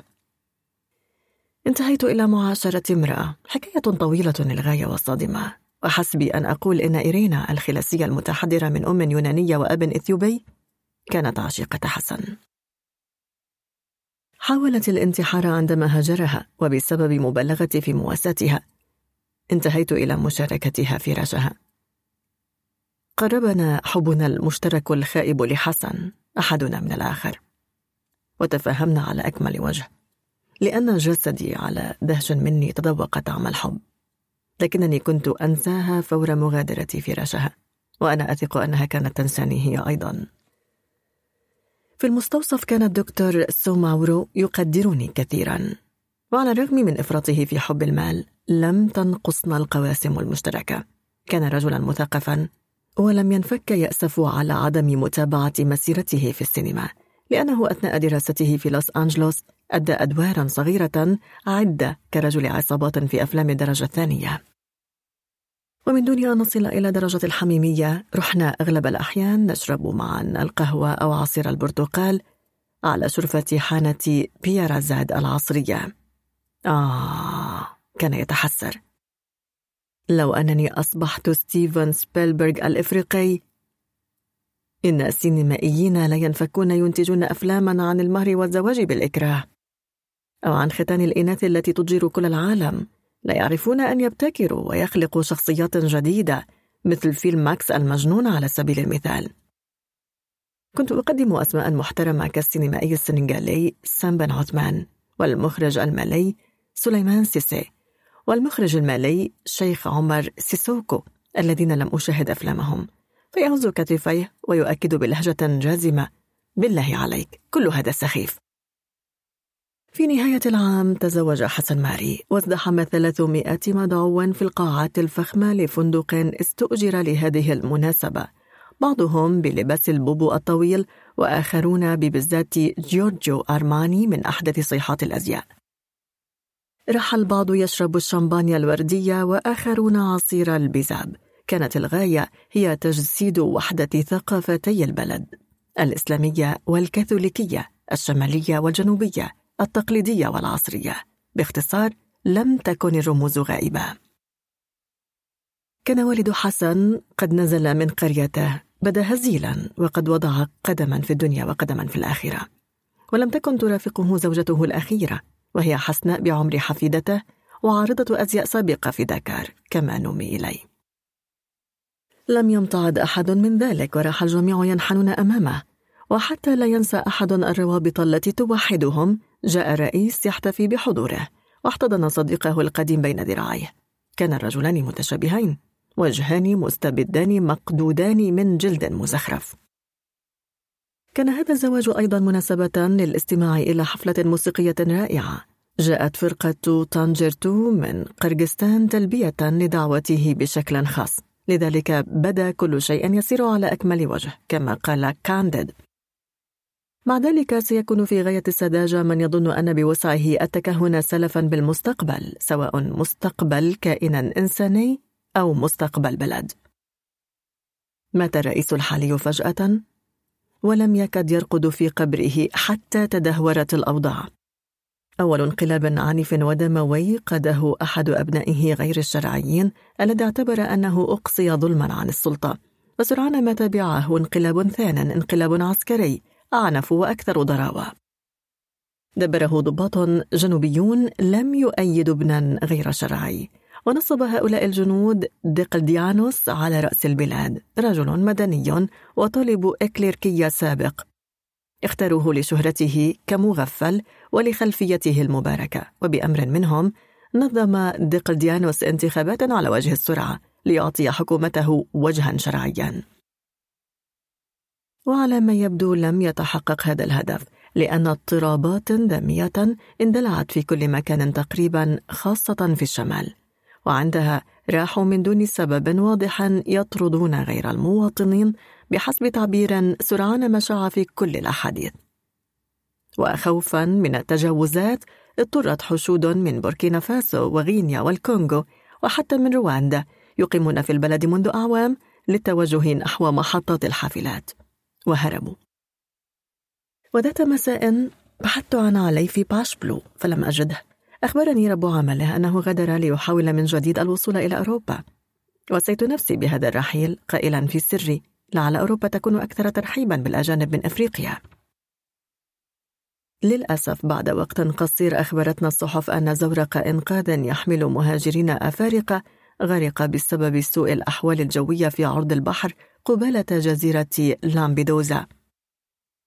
خلت أنا عليا من الغرق وأحسست أنني مسؤول عن مصيره وراحت ذكراه تلاحقني. وطفقت أرى من كبيه العريضين المتناقضين مع ابتسامته الطفولية. ألم يكن خليقا بي أن أحميه كما يحمي المرء أخاه الصغير؟ فعلا. لم أكن أصلح لشيء. خلال تلك الفترة ازداد الوضع السياسي اضطرابا سقطت الأقنعة. عندما دعي الشماليون فجأة ليبرهنوا أنهم وطنيون مثل الجنوبيين. وبات واضحا أن كل هذه الدسيسة تستهدفهم أيضا. وكرد فعل أعلنت الأقاليم الشمالية الانفصال.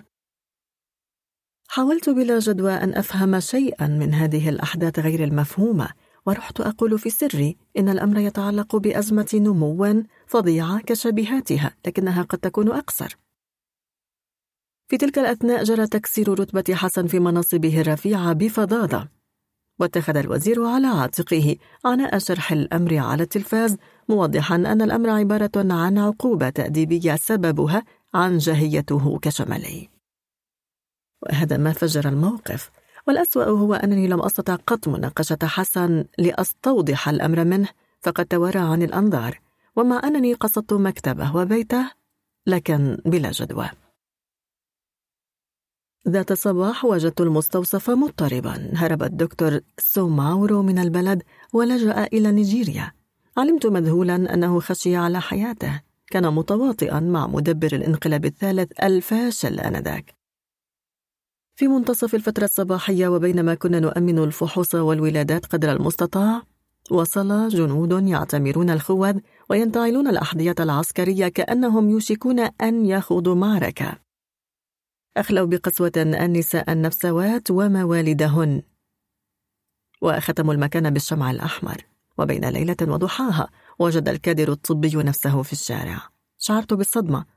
فقد تناولت القهوة مع الدكتور سوماورو قبل يوم أو يومين من اختفائه. لم تكن هيئته تشي بشيء. وسخر بتشاؤمه المعتاد من الفيلم الأخير لسينمائي كاميروني. رجعت إلى بيت حسن لأعرف رأيه في هذا الرحيل وكالعادة لم يكن موجودا. أمضيت الليل بلا نوم يتملكني توجس رهيب. لم أكن مخطئا. علمت في اليوم التالي من برنامج تلفزيوني أن حسن هرب بدوره. إلى أين؟ كانت إيبرنيا تضج بشائعات متناقضة. البعض يؤكد أنه غادر ليلحق بالدكتور سوماورو في نيجيريا وآخرون يرون أنه لجأ إلى أبيه في الشمال. ورحت أتساءل هل ترك ماري وحدها؟ وخوفا عليها هرعت من جديد إلى بيته ومع أن الوقت الصباحي كانت الفيلا مكتظة بالناس. وثمة حشد حقيقي يتزاحم حول المسبح. استقبلتني ماري بعينين جافتين وقدح شمبانيا في يدها. بدت القلوب منشرحة ومبتهجة للغاية والوجوه ضاحكة. وحتى كان هناك عازف جيتار ومغنن. ماذا تريد؟ سألتني ماري بنبرة زاجرة. لم تكن علاقتنا حارة قط وكنت أغار منها وتغار مني لكنها لم تظهر لي من قبل مثل هذه العدائية. عرفت من الأخبار أنه هرب قلت متلعثما لحسن الحظ قالت ببرود كنا على وشك اعتقاله. اعتقاله؟ كلب شمالي. شتمت. لن يفلت من العقاب. سنحضره أينما اختبأ وسنستأصل تغمته من أولها إلى آخرها. لاحظت حينها أن جميع الأنظار اتجهت نحوي بقسوة. من أين أنت؟ سألني فجأة أحد الرجال. أنا من مالي. قلت بسرعة. أنت مسلم إذا بحكم التربية أجل. لكنني لا أمارس الشعائر. أي لغة تتكلم؟ ألح. البامبارا أجبت. في الحقيقة أتكلمها بركاكة. أمي من جزر الأنتيل ولم تكن تتكلم معي بلغتها أيضا. فتصور ولا أعرف لغة الكريول كثيرا. كان واضحا أنه لا أحد يريد أن يشغل رأسه في الاستماع إلى توضيحاتي. البامبارا والديولا هما شيء ذاته قال شخص مقاطعا.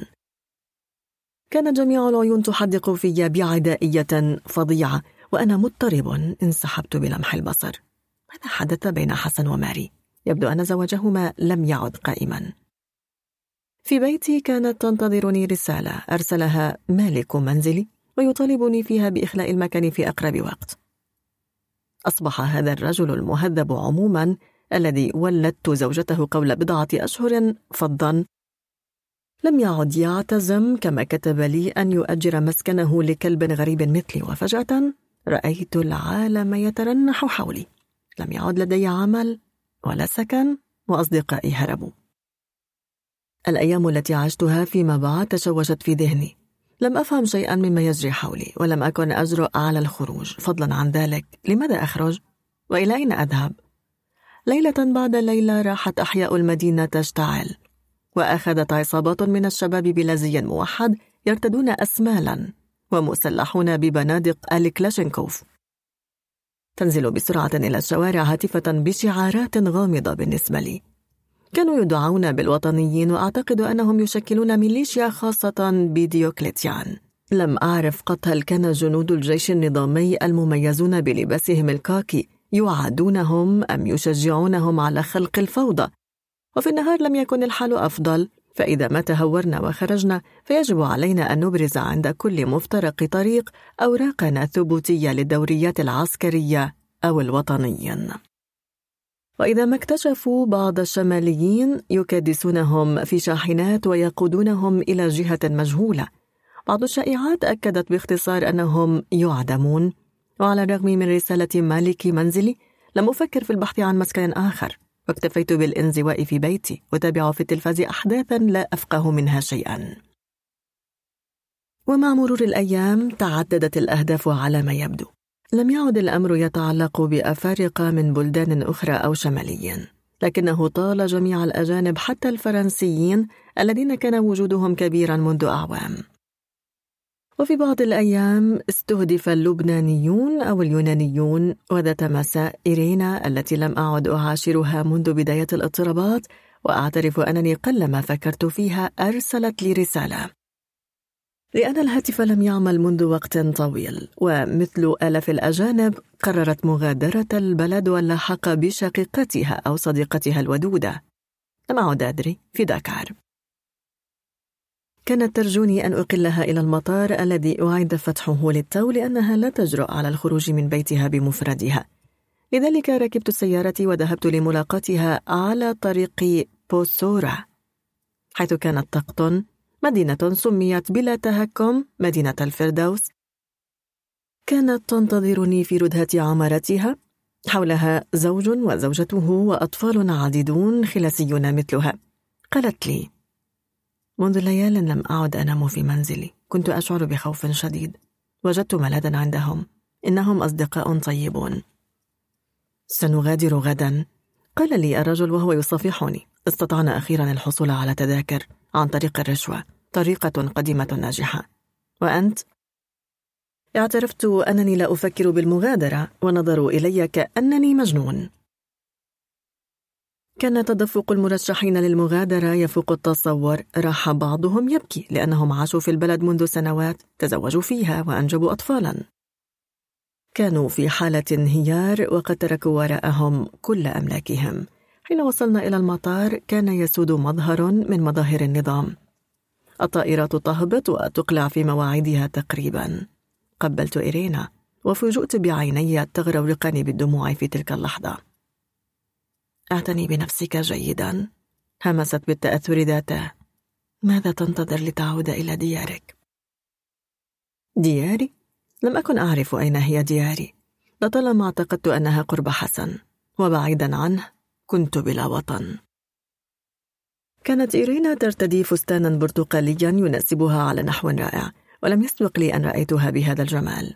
نظرت إليها تتوارى مع إحساس عميق بالفراق. شعرت أن فصلا من حياتي انتهى ولم أعرف كيف أستفيد منه. وأنا مضطرب عدت ببطء نحو سيارتي. جلست وراء المقود وأقلعت بهدوء. كان الوقت ليلا حينها. الطقس بارد وفي الأعلى راح القمر يحدق بعينه البيضاء الواسعة في جنون البشر. آنذاك ظهر شبان مسلحون برشاشات وصواطير وهروات أمام مصابيح السيارة. وأشاروا لي أن أتوقف. من كانوا؟ وطنيين؟ كل ما يمكنني قوله هو أنهم كانوا شبانا صغارا في السن السابعة عشر أو الثامنة عشر من عمرهم على الأكثر. بعضهم ارتدى بزات عسكرية وبعضهم بناطيل جينز وقمصانا وآخرون سراويل قصيرة رثة. أوراقك زعق أحدهم.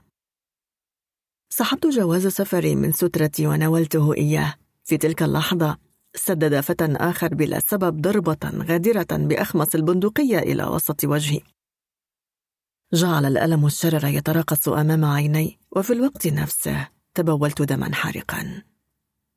تراوري يا لك من صرصور أنت إذا من الشمال! نبح الفتى الأول.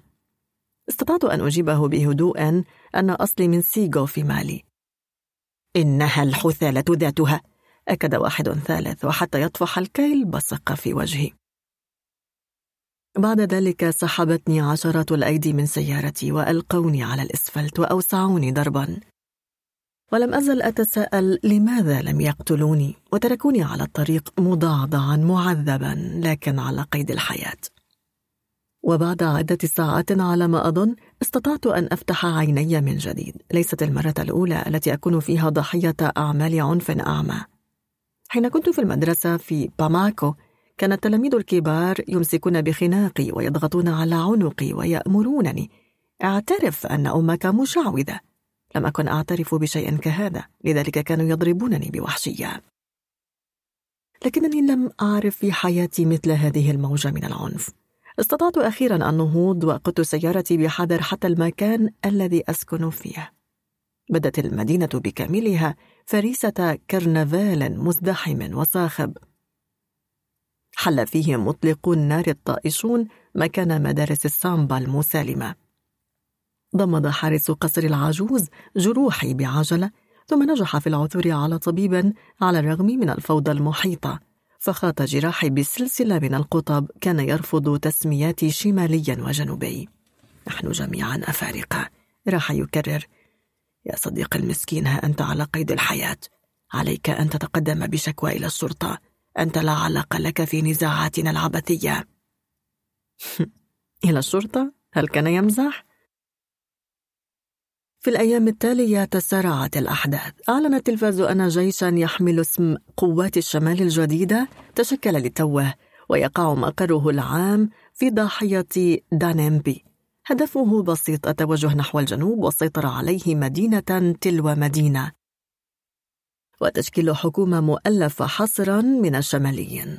وذات مساء أحضر لي رسول مدجج بالسلاح ويقود دراجة نارية قوية رسالة من حسن.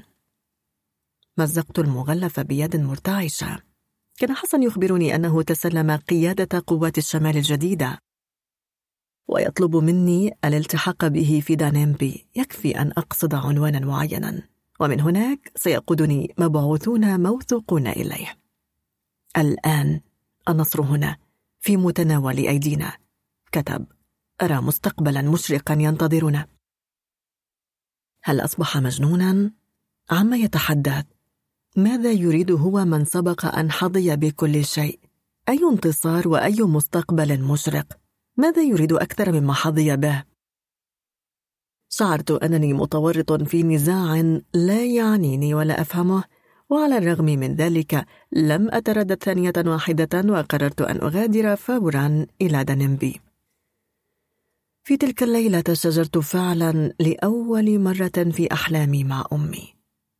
أنت تدخل المعركة بلا عصا كما يقول مثل عندنا قالت بغضب.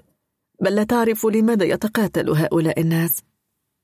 وهل هذا خطأي إن كانت هذه هي حالي؟ وإن لم أفهم شيئا من شيء. لم تخبريني في حياتك ما يعتبره الناس أساسيا. أجبت. السلطة؟ قالت بازدراء. أساس المشكلة هو السعي إلى السلطة. كل البلاء يأتي منها. لم أذق طعمها. قلت بحنق. لعلها تستحق العناء على كل حال. هزت كتفيها واختفت وهي في أوج الغضب. وخلال كل إقامتي في دانامبي استاءت مني. وطفقت تظهر لي صامتة وترفض أن تسمح لي باحتضانها أو لمسها. وابتداء من مساء اليوم التالي دفعت أجر ثلاثة أشهر لحارسي وأقفلت بالمفتاح بابي وقصدت المكان الذي حدده لي. فيلا تبدو هادئة في ضاحية إيبورنيا. كان يوجد فيها رجلان مسلحان يبدو أنهما يعرفاني فلم يطرحا أي سؤال. وبعد أن تناولت عشاء خفيفا ونمت بضع ساعات جاء ثلاثة شبان مسلحون أيضا. وأركبوني في شاحنة صغيرة مغلقة. لم يكونوا أكبر سنا من أولئك الذين تركوني بين الحياة والموت على طريق المطار.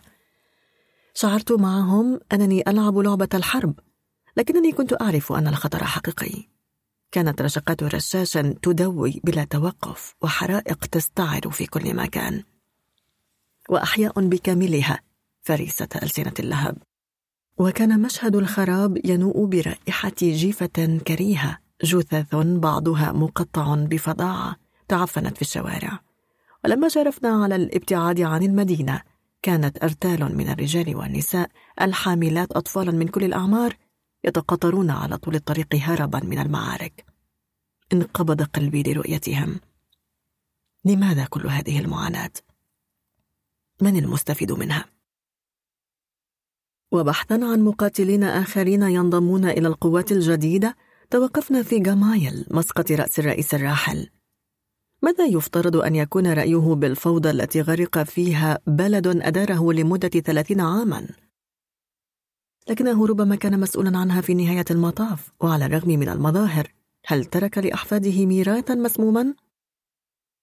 لدى الخروج من الضاحية أدهشتني الغابة التي لم يسبق لي أن اجتزتها وضايقتني رائحة إبطها الواخزة. أرعبتني الأشجار كانت تشبه حيوانات ضخمة. خيل إلي أنها تنقض علي.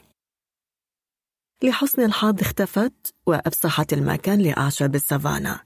الشمال هو أرض أخرى ولا عجب أنهم يعيشون فيه بشكل مختلف. انتهت رطوبة الغابة وندوتها وتلاشت أيضا الأهوار والمستنقعات الطافحة بمياه آسنة خضراء. تستعيد الطبيعة ألوانها المبهجة وتنشر الشمس أشعة ضيائها وتتماوج الهضاب المكسو بأعشاب كثيفة على مد النظر. وتزين المشهد أكواخ تجمعت حول مسجدها مثل جراء حول بطن أمهم. كانت دانيمبي قرية بلا رونق منحتها الحرب الأهمية فجأة. العنصر الجمالي الوحيد فيها محطتها ذات العمارة الاستعمارية والزخرفة الفاخرة. ينطلق منها قطار إلى واغادوغو ثلاث مرات في الأسبوع. لدى وصولي عرفت أن حسن اضطر للذهاب إلى كوريا على بعد عشرين كيلومترا تقريبا لأن أباه مات. أقلتني شاحنة عسكرية إلى هناك. كان جداي من الناس البسطاء مسلمين مؤمنين. من التراب خلقا وإلى التراب عادا بكل تواضع. لم أكن مستعدا لما ينتظرني. شعرت كأننا عدنا سنينا إلى الوراء. من مدخل القرية كانت مجموعة موسيقيين مؤلفة من قارعي طبول وعازفي آلة البلافون وأبواق من قرون الحيوانات يحدثون ضجيجا صاخبا. بينما رجال يرتدون ملابس غريبة من جلود الحيوانات يطلقون من بنادقهم أعيرة نارية راعدة في كل الاتجاهات. وبعض النسوة يتمرغن في تراب الشوارع وهن يصرخن. وأخريات يلطمن وجوههن أو ينتفن شعرهن. بينما يقرع الشعراء وموسيقيون طبولهم وقد تمركزوا على جميع المفارق مستذكرين نسب الفقيد ومعددين مناقبه. وجدت حسن في كوخ والده المملوء بالرجال والنساء. كان الكوخ ينتصب وسط أرض فسيحة لأن العجوز كما لقبوه دلالة على الاحترام عاد في السنوات الأخيرة من حياته إلى نمط السكن التقليدي بعد أن سكن القصور الغربية. كان حسن جالسا بجانب الجثمان المسجع على حصيرة قش ويضع على ركبتيه نسخة مفتوحة من القرآن. بدا لي أجمل من أي وقت مضى مرتديا بزة عسكرية بلا زينة.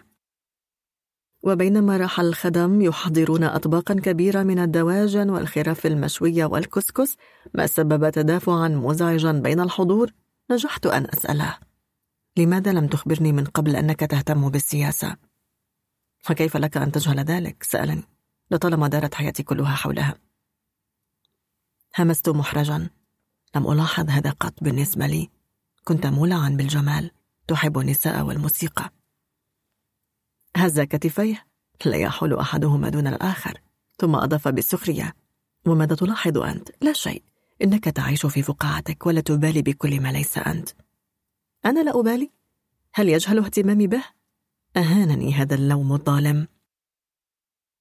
ذهبت إلى الحجرة المجاورة لأقدم التعازي إلى الأرامل. كنا موجودات هناك. خمستهن جميعا. جالسات في صف واحد بحسب مكانتهن. يرتدين الثياب الحدد ذاتها.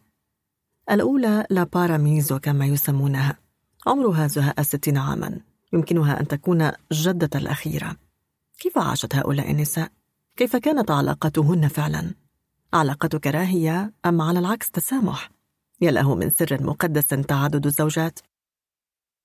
كانت أمي تحب أن تروي في هذا الشأن قصة تعتبرها عبرة. حين كنت صغيرا سكنت قبالتها في تيغويري أسرة متعددة الزوجات الزوج سيكو وهو تاجر تمر وملح ثري وزوجاته الأربع باتو ومريم وبينتو وعليا. وإذا كانت الزوجات الثلاث الأوائل متشابهات في المظهر فإن الزوجة الأخيرة الأصغر سنا عليا القادمة من موريتانيا كانت ذات جمال عربي بشرتها فاتحة وعيناها لوزيتان. وشعرها الأسود الحريري ينسدل حتى خصرها. وعلى الرغم من هذه الاختلافات لم يظهر شيء في سلوكهن.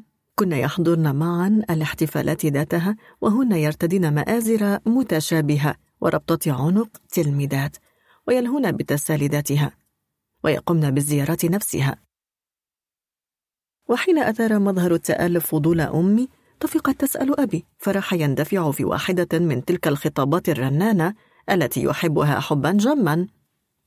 الضرائر أخوات وتعدد الزوجات قديم قدم إفريقيا ولم ينظر إليه كمشكلة في أي مكان. لا تعرف نساؤنا هذا الشعور بالتملك الذي يسبب الكثير من الأضرار في الغرب. يحببن لكنهن يعرفن التشارك بل سأقول إن حبهن هو دليل على حسهن بالمشاركة.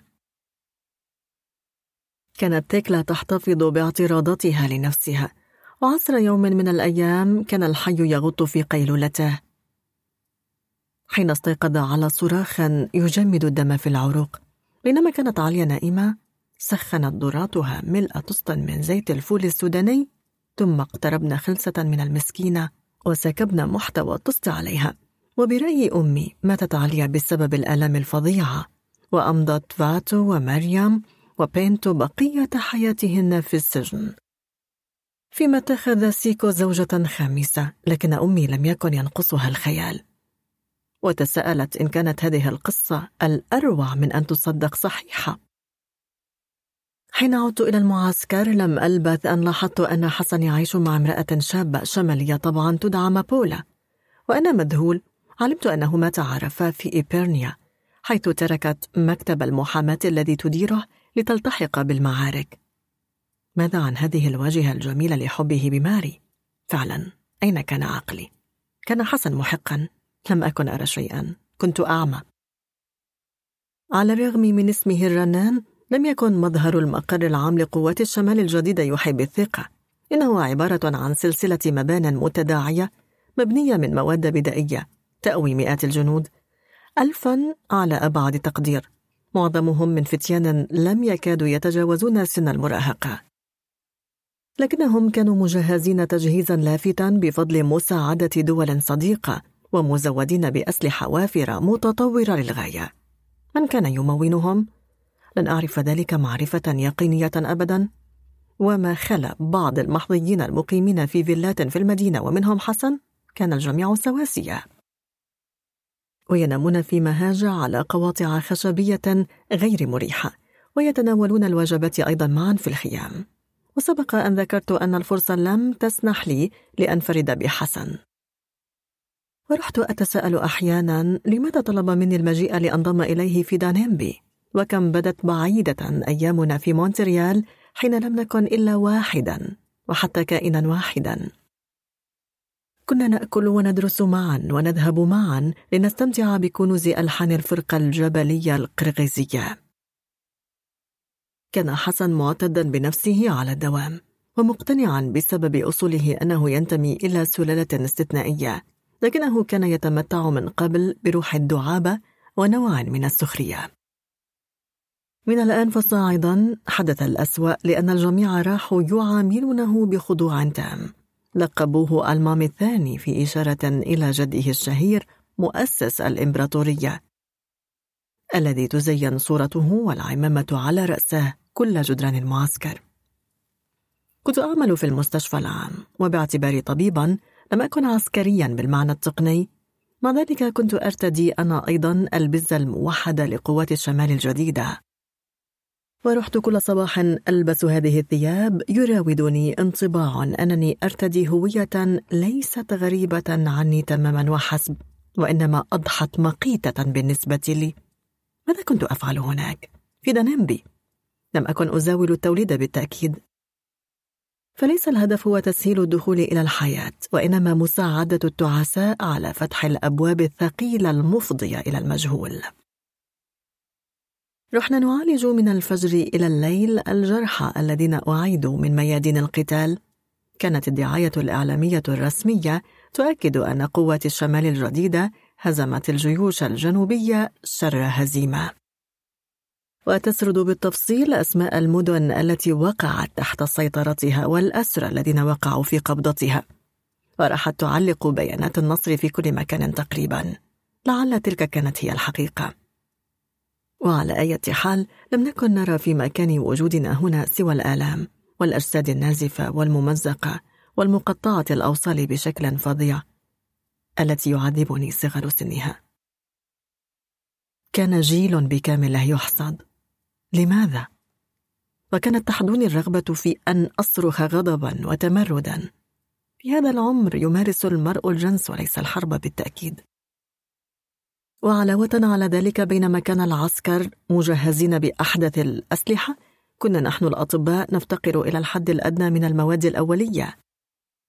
القطن والكحول والمخدر والضمادات والكمادات. كنا نجري العمليات الجراحية من دون تخدير ومثل جزارين نبتر أذرعا وسيقانا نفتح صدورا. ما كان يدهشني هو أن زملائي على الرغم من هذه البيئة وهذا العمل الشاق كانوا يجدون القوة عند انتهاء العمل للذهاب إلى حانات رخيصة واحتساء البيرة وعلى الأخص ملاحقة الفتيات. وفي كل مساء كانت هؤلاء الفتيات يملأن صالة الاستقبال في المعسكر بعطورهن وضحكتهن ووضعيتهن المغرية.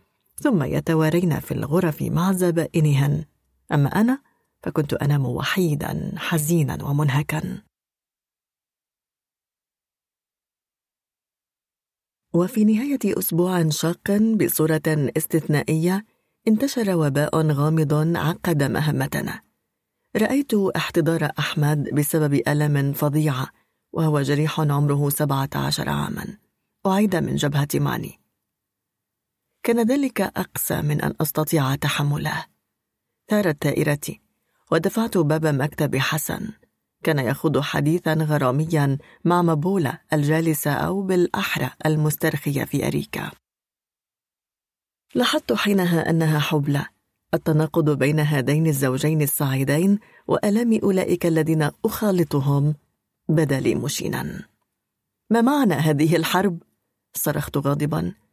اي معنى لها؟ متى ستنتهي؟ بعد كم قتيل؟ رازني حسن ببرود وأقل بجفاف من حسن حظك أنك لست عسكريا وإلا كنت سأضطر لاعتقالك حالا. صرخت بقوة أكثر أيضا. أخبرني أخبرني ما معناها؟ إخوة يقاتلون إخوتهم؟ حدجتني مبولة بنظرة استهجان زادت من غضبي. وأيضا من خجلي الذي شعرت به جراء فقدي رباطة جأشي وجعلي من نفسي فرجة. أنت تسأل عن سبب الحرب؟ قال حسن بالسخرية. أنت أعمى إذا منذ الاستقلال الذي توصل إليه الفرنسيون مع حلفائهم من الجنوبيين. استطرد محتدا. نحن الشماليين. عملنا كمواطنين من الدرجة الثانية في بلدنا الأم. هل تريد إحصاء عدد من كان منا في السلطة المركزية؟ لم تنفك الأحوال تتدهور. تعديل دستوري جائر جعل منا أجانب. أذلوني بلا سبب. وتسأل لماذا امتشقنا السلاح؟ هذه حرب مقدسة. زاودت مبولة بلهجة مداهنة. انتهى هذا التدخل إلى تسعير غضبي. أشرت بإصبعي نحو صور أجداده من جهة أبيه وجهة أمه المعلقة بشكل ظاهر على الجدران. لا تقارن نفسك بهم. لك من ساذج. هل تظن إذا أن ألد أعدائنا يأتون من الخارج؟ إنهم إخوتنا المزعومون. لم أحر جوابا وفجأة اندفع نحوي. خرج من هنا! أمرني وفورا. ولأنني لم أطع أمره بالسرعة الكافية فتح الباب وبركلة رماني إلى الخارج. ألفيت نفسي مثيرا للسخرية ومؤخرتي على الأرض في الممر. دق هذا المشهد المخزي إسفينا في علاقاتنا ومنذ ذلك الحين تجاهلني حسن. كنت ألمحه من بعيد في مطعم المعسكر في المطعم الرخيص يجتاز باحة المقر العام. وفي كل مرة كنت أحاول أن أهرع نحوه وأمسكه من كتفيه. لنتوقف. لا نتخاصم مثل الصبية بسبب بعض الكلمات ربما طائشة من جانبي. لكنني كنت أخشى طبعه الصارم. كان خوفي من أن يزجرني يجعلني أحجم. وذات يوم جمعة صادفته وهو عائد من المسجد. كان محاطا بمجموعة من المرافقين حين رآني همس ببضع كلمات إلى مرافقيه وانفجروا جميعا ضاحكين. شعرت أن نظراتهم المركزة علي لم تكن فقط هازئة وإنما مشحونة بالعداء أيضا. واعتبارا من تلك اللحظة شعرت أنني ممهور بختم غامض ينبذونني بسببه. ولاحظت أنه لم يعد يدعوني أي زميل إلى الطعام في مطعم رخيص ولم يعد أحد يلقبني على سبيل المزاح الوجه ذو الندبة. أصبحت رجل سلوفان كما في الكوميديا الموسيقية الأمريكية المشهورة. ولم يعد أحد ينظر إلي. حينها فكرت في مغادرة دانمبي والعودة إلى إبيرنيا حيث لا يمكن لحياتي فيها أن تكون أسوأ. هنا كما هناك. ليس لدي صديق ولا عشيق ولا أهل. لم يكن أحد يهتم لأمري. مع ذلك لم يكن بوسعي أن أدافع عن نفسي إزاء شعوري كهارب. ومع أنني رددت في سري أنني جررت إلى هذه الحرب جرا دون أن أفقه منها شيئا ودون أن أنتمي إلى أي حزب. ببساطة امتثالا لإرادة حسن لكن ذلك لم يرحني. قضيت ساعات في كتابة رسالة إلى هذا الأخير. أودعه فيها وأشرح له الأسباب الوجيهة لمغادرتي. ماذا تريدون؟ لم أكن إنسانا مثاليا. برأيي لا يوجد اعتقاد أو إيمان أو أيديولوجية يستحق أن يموت أحد لأجله. ومهما تدهورت حال الحياة فإنها تظل الأثمن. لعلي كنت أستحق الشفقة لأنني أنظر إلى الأمور على هذا النحو. على أي حال قررت العودة إلى حياتي من دون مثل أعلى. كنت فعلا ابن ثكلى ذات ليلة تخلصت من بزة العسكرية كأنها لباس مسموم وارتديت ثيابي الشخصية وغادرت إلى الأبد المقر العام لقوات الشمال الجديدة بعد أن أمضيت فيها سبعة أشهر. في تلك الساعة المتأخرة كان كل شيء صامتا في المعسكرات. بنات المتعة غفيات بعد الجنس أو عدن إلى بيوتهن. لم أكن أتوقع أن القمر بدر وأنه يمكنني أن أرى فيه كما في عز النهار. كان ظلي يبرز عملاقا على الجدران المحيطة بالباحة الواسعة المكتظة بالسيارات الجيب والمركبات العسكرية. راح قلبي يخفق خفقانا شديدا لكن الحراس عند السياج كانوا غائبين. تجولت في مركز المدينة لأضع رسالة الوداع في صندوق بريد حسن. كانت نوافذ الطابق الثالث الذي يقطنه ما تزال مضاءة ماذا سيغدو هذا الرجل الذي ظننته أخا؟ أي مصير ينتظره؟ كان الناس في المعسكر يتهامسون أن عرافي والده تنبأوا أنه سيصبح رئيسا فقد هوى نجم من السماء ليبلغهم الخبر تابعت طريقي إلى محطة الحافلات وراح وقع خطاي يتصادى في الشوارع الغافية حلفني الحظ نسبيا. ومقابل مبلغ فلكي وفق الحجي سائق شاحن ينقل جوز الكولا إلى بيكي المدينة الثانية في البلاد أن يقلني على متنها. لم يطرح علي أي سؤال. وبعد أن عد بعناية الأوراق المالية التي سلمته إياها أعطاني مكان مساعدة. ولم نلبث أن انطلقنا على الطريق. وهو يقود بثقة وثبات. لم يتوقف الحج عن التذمر والشكوى. هذه الحرب ألحقت ضررا فادحا بجميع الناس شماليين وجنوبيين. اضطر عشرة الآلاف من المغتربين أن يغادروا البلد.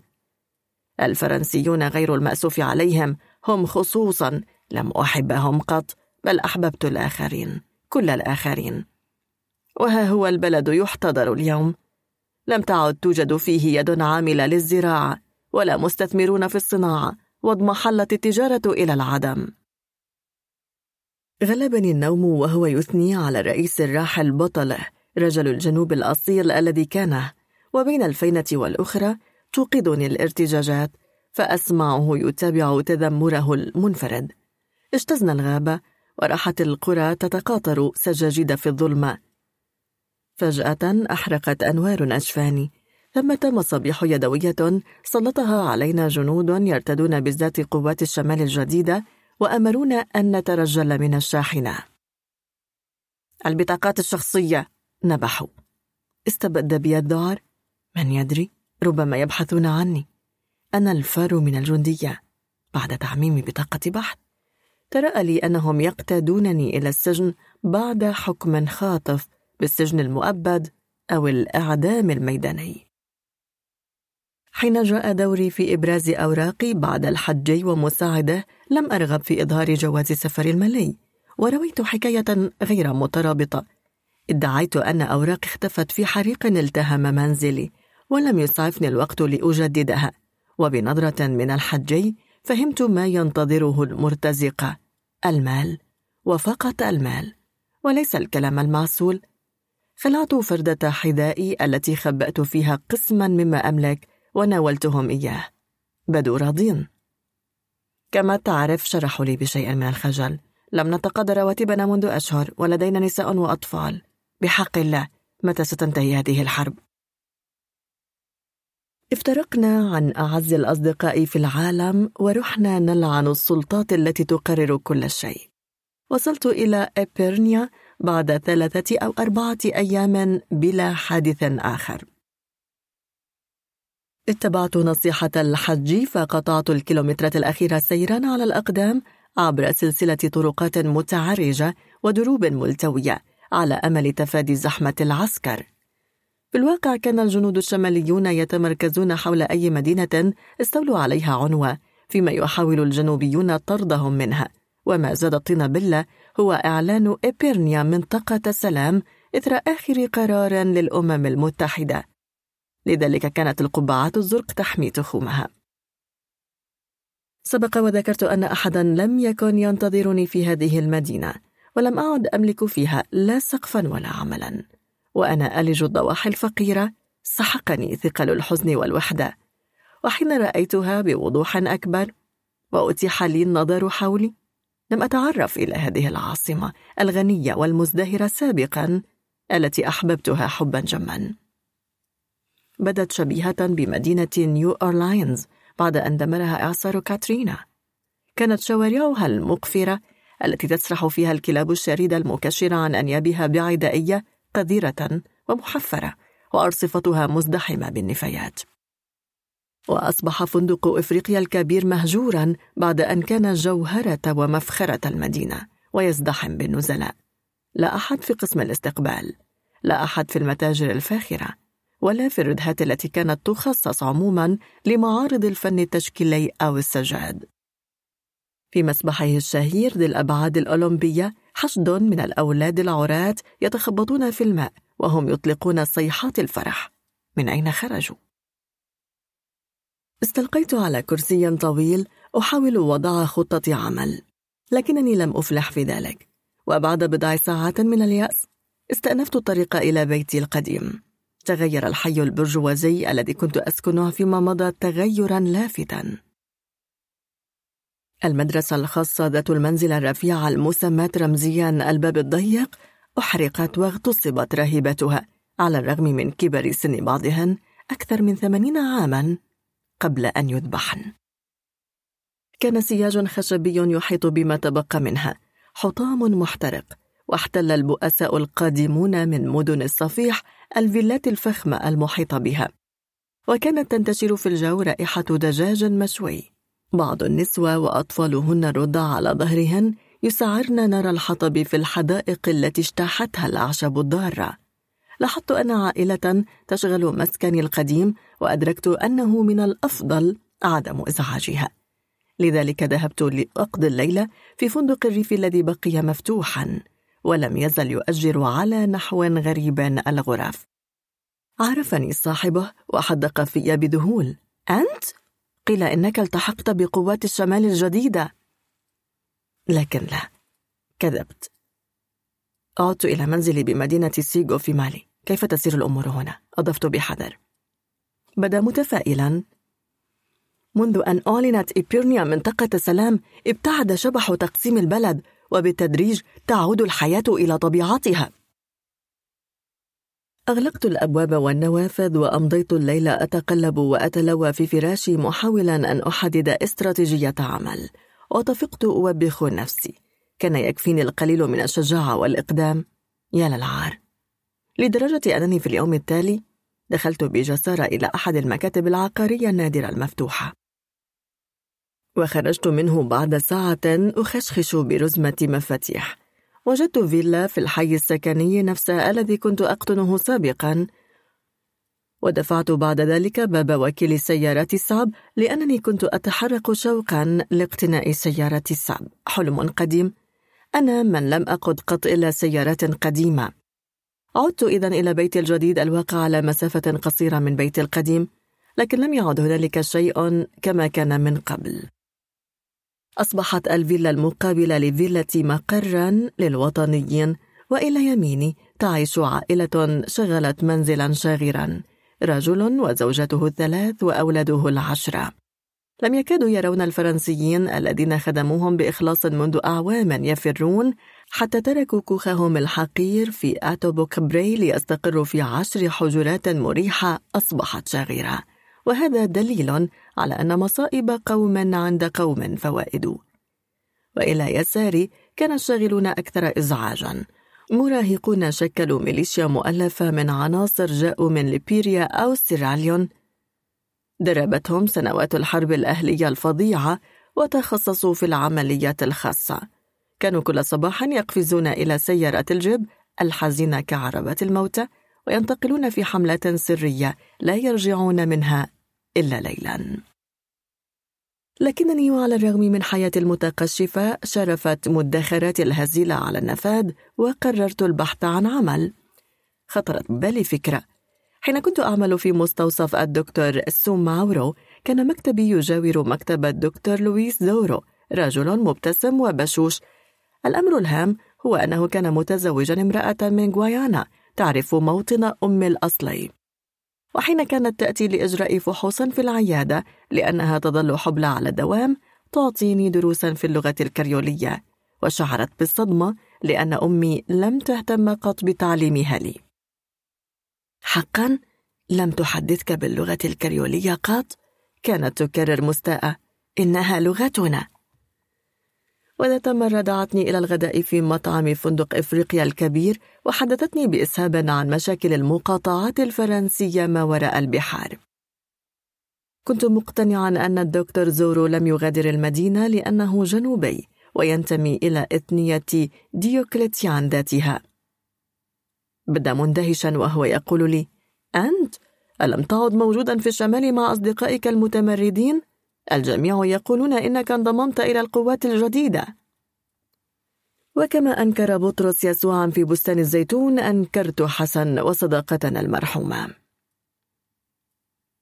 يا لهذه الفكرة. اعترضت. ذهبت إلى بلدي في مالي. الآن وقد تحسنت الأوضاع رجعت. تحسنت؟ سنرى. وبناء على ذلك ذم الشماليين الذين لا يطمحون على الرغم من خطبهم المثالية إلا إلى السلطة والسيطرة على ثروات الجنوب ودعاني في النهاية إلى العشاء في منزله. في المساء المحدد أخرجت سيارة السب من المرأب وبهيئة متواعدة تبع بعض الوطنيين المنتشرين حول مقرهم بتحفظ السيارة بنظرهم. عشقت دوما عتمة الليل فوق البحيرة. ما إن تأوي الشمس إلى منازلها السرية حتى يخيم عليها ظل كامد بأردان مكشكشة. في البداية مثلمة ببقايا هالة أرجوانية لا تلبث أن تصبح بلون الحبر الصني. وتفوح رائحة من المياه الراكدة مثل رائحة مهبل تهب بعد ذلك النسمة وتظهر روائح اليود العفونة السائدة. ابتلعت سيارة الساب بضع كيلومترات تفصل مسكني عن مكان سكن الدكتور أدهشني هدوء الحي. على الأرصفة راحت النسوة يبعن بطمأنينة الموز المقلي فوق الرصيف وطفق الأولاد يلعبون مع كلاب فرحة ومطيعة مثل الحيوانات الدمى. وكان بعض الرجال يعزفون بانسجام على آلات البالافون تحيط بهم حلقة مشاهدين من جميع الأعمار. لا أثر للكلاشينكوف أو الصواطير كأن الحرب لم توجد قط. كان لويس زورو رجلا قصيرا بسحنة ضاربة إلى الحمرة ووجه مغربل بالشمات. ضمني بحرارة إلى صدره لكنني شعرت أن عنقه شكلي لم يكن متفائلا. فهم الشماليون أننا لن نركع أمامهم أبدا. إنهم يتراجعون وفي كل مكان ينسحبون منه تعود الحياة إليه. وفي هذه الأثناء يا للفوضى وألقى خطبة مديحا في ديوكليتيان. ابن خالته من الدرجة الأولى كان يؤكد إنه ابن الأخت الصغرى للأم من ذات الأب وذات الأم. وفي غمرة حزنه البالغ انتقدت الصحافة الدولية ديوكليتيان. هذا الإنساني الكاثوليكي المؤمن والشاعر في أوقات فراغه وقدمته كهمجيا متوحش. لا نفهم أنفسنا إطلاقا. نحن الأفارقة الآخرين. قال متدمرا. كان البيض يعبدون الرئيس الراحل ويعتبرونه حكيما لأنه لم ينفذ سوى رغبات الفرنسيين الأربع. والآن يكرهون هذا الرئيس الذي لا يفكر إلا في شعبه. أخبرني أنه افتتح عيادة تسير على ما يرام. الحمد لله بحرب أو بلا حرب النساء تلد. إنهن دراجات الطرق الوعرة. وبينما راح يضحك من طرفته انتهزت الفرصة لأسأله عن أخبار عائلته. هز كتفيه بطريقة فلسفية. هجرتني زوجتي تركتني مع ثمانية أطفال ثمانية صبيان أنت تفهم. شرح. كانت جميع هذه الشعارات على الجدران. أيها الفرنسيون ارحلوا. أيها الفرنسيين اخرجوا من هنا. تفقدها صوابها. إنها جوايانية ومع الجوادولوبيين والمارتينيك يصبح هؤلاء فرنسيين أكثر من الفرنسيين. ولكن لنتحدث عنك. عن ليس ثمة ما يستحق الذكر. كنت بلا عمل وعما قريب. لن يبقى من مدخراتي سوى الذكرى. حدجني الدكتور زورو بعينيه. سمعتك سيئة. يقال إنك الصديق الصدوق لنصف المجنون حسن الذي لا يروده إلا حلم واحد أن يصبح رئيسا لبلدنا وينصب أعوانه في المراكز القيادية. خيانة أخرى. أقسمت أن هذا غير صحيح. كنا طلبة معا في مونتريال. هذا كل ما في الأمر. كشر لويس زورو تكشيرة اشمئزاز ثم اقترح علي اقتراحا. عرض علي العمل في مركز التأهيل الاجتماعي الذي أنشئ لإيواء النساء ضحايا الحرب. كان يوجد سابقا مركزان من هذا النوع في العاصمة. لا أحد يتطرق بما فيه الكفاية إلى هذه الإنجازات الإنسانية. استنكر. أخذ على عاتقه أن يؤمن لي هذه الوظيفة لأن الوزير كان ابن خالته الشقيقة أيضا. لا يمكنه أن يرفض لي شيئا. قبلت بامتنان. عندئذ دخلت. أوه لم تكن الإطلالة الصارخة لنجمة لكنه دخول هادئ كالنسيم. انسابت فوق حذاء نايكي فقد رونقه. يحيط بها أبناء زورو الذين كانوا جميعا أطول منها. ترتدي طقما من قطعتين مزركشا بنباتات وعصافير غاية في البساطة وضعت على الطاولة طبقا فواحا برائحة شهية وقالت بصوتها العذب. الطعام جاهز يا أخي الكبير. أعترف أنني لم أعرها أي اهتمام حتى عرفنا الدكتور زورو أحدنا بالآخر. عندها رفعت ناظريها نحوي. عينان مائلتان بلون أسمر ذهبي مدهش. وبسبب الضوء لا يعرف المرء لونهما. زرقاوتان بنفسجيتان رماديتان. توقف قلبي عن الخفقان ووقع أسيرا على الفور. أزيليا أختي الصغرى آخر العنقود. شرح زورو نحن خمسة وعشرون ولدا. تزوج أبي ست نساء ولا أدري ما عدد خليلاته. في حياتي وقد أخبرتكم بذلك لم أهتم البتة لأمر أي امرأة ولم أحب قط إلا أمي. هل حدث هذا بسبب هاتين العينين اللتين ظننتهما شبيهتين بعيني تلك التي لم أنفك أبكيها؟ لقد جعلتا هذا الوجه الفتي المجهول مألوفا. راح الدم يغلي في جسدي كأنه تحت نوبة حمى. في غرفة الجلوس المفروشة بلا أناقة باستثناء لوحة لألفريد تيجابيتي الرسام الجنوبي الذي كان الجميع يتسابقون لاقتناء لوحاته. وجدت من جديد معبودة ثيكلا. اجلسي وتعشي معنا أمرها زورو بينما راح الأولاد يجلسون بصخب ويملؤون صحونهم بنهم. جلست قبالتي. شرح لويس زورو الذي راح يتحدث عن اثنين وحتى عن ثلاثة أنها بدأت دراسة الأدب. ولسوء الحظ منذ بداية الحرب تعين إغلاق الجامعة ولأنه ليس لديها الإمكانية لمتابعة الدراسة في الخارج مثل الكثيرين غيرها تنتظر أن تفتح أبوابها من جديد. وريثما يحدث ذلك تدير منزله ببراعة وتهتم على أكمل وجه بأولاده الكثر. من دونها لا أدري ماذا كنت سأفعل. هي تنظم كل شيء وترعى الجميع. زوجتي ذاتها لا تساوي قلامة ظفرها. يجب أن أعترف أنني لم أصغي إلى هذه الثرثرة فقد استغرقت في تأملي. آه كم ألمني وقد عرفت بقية القصة أن أفكر في فتنة ذلك اللقاء الأول وأن أصف تلك اللحظات التي شعرت فيها بالنشوة والسعادة. لم يشعر كريستوف كولومبوس وهو واقف على مقدمة السفينة الشراعية سانتا ماريا بالحدس السعيد أكثر مني. عرفت ذلك لم يكن لدى أزيليا شيء من ثكلة وسرعان ما أصبحت عشيقتي اكتشفت أن الدكتور زورو يقود صبيانه إلى مدرسة كاثوليكية قرب عيادته من الساعة السابعة صباحا ولا يرجع إلى بيته إلا ليلا.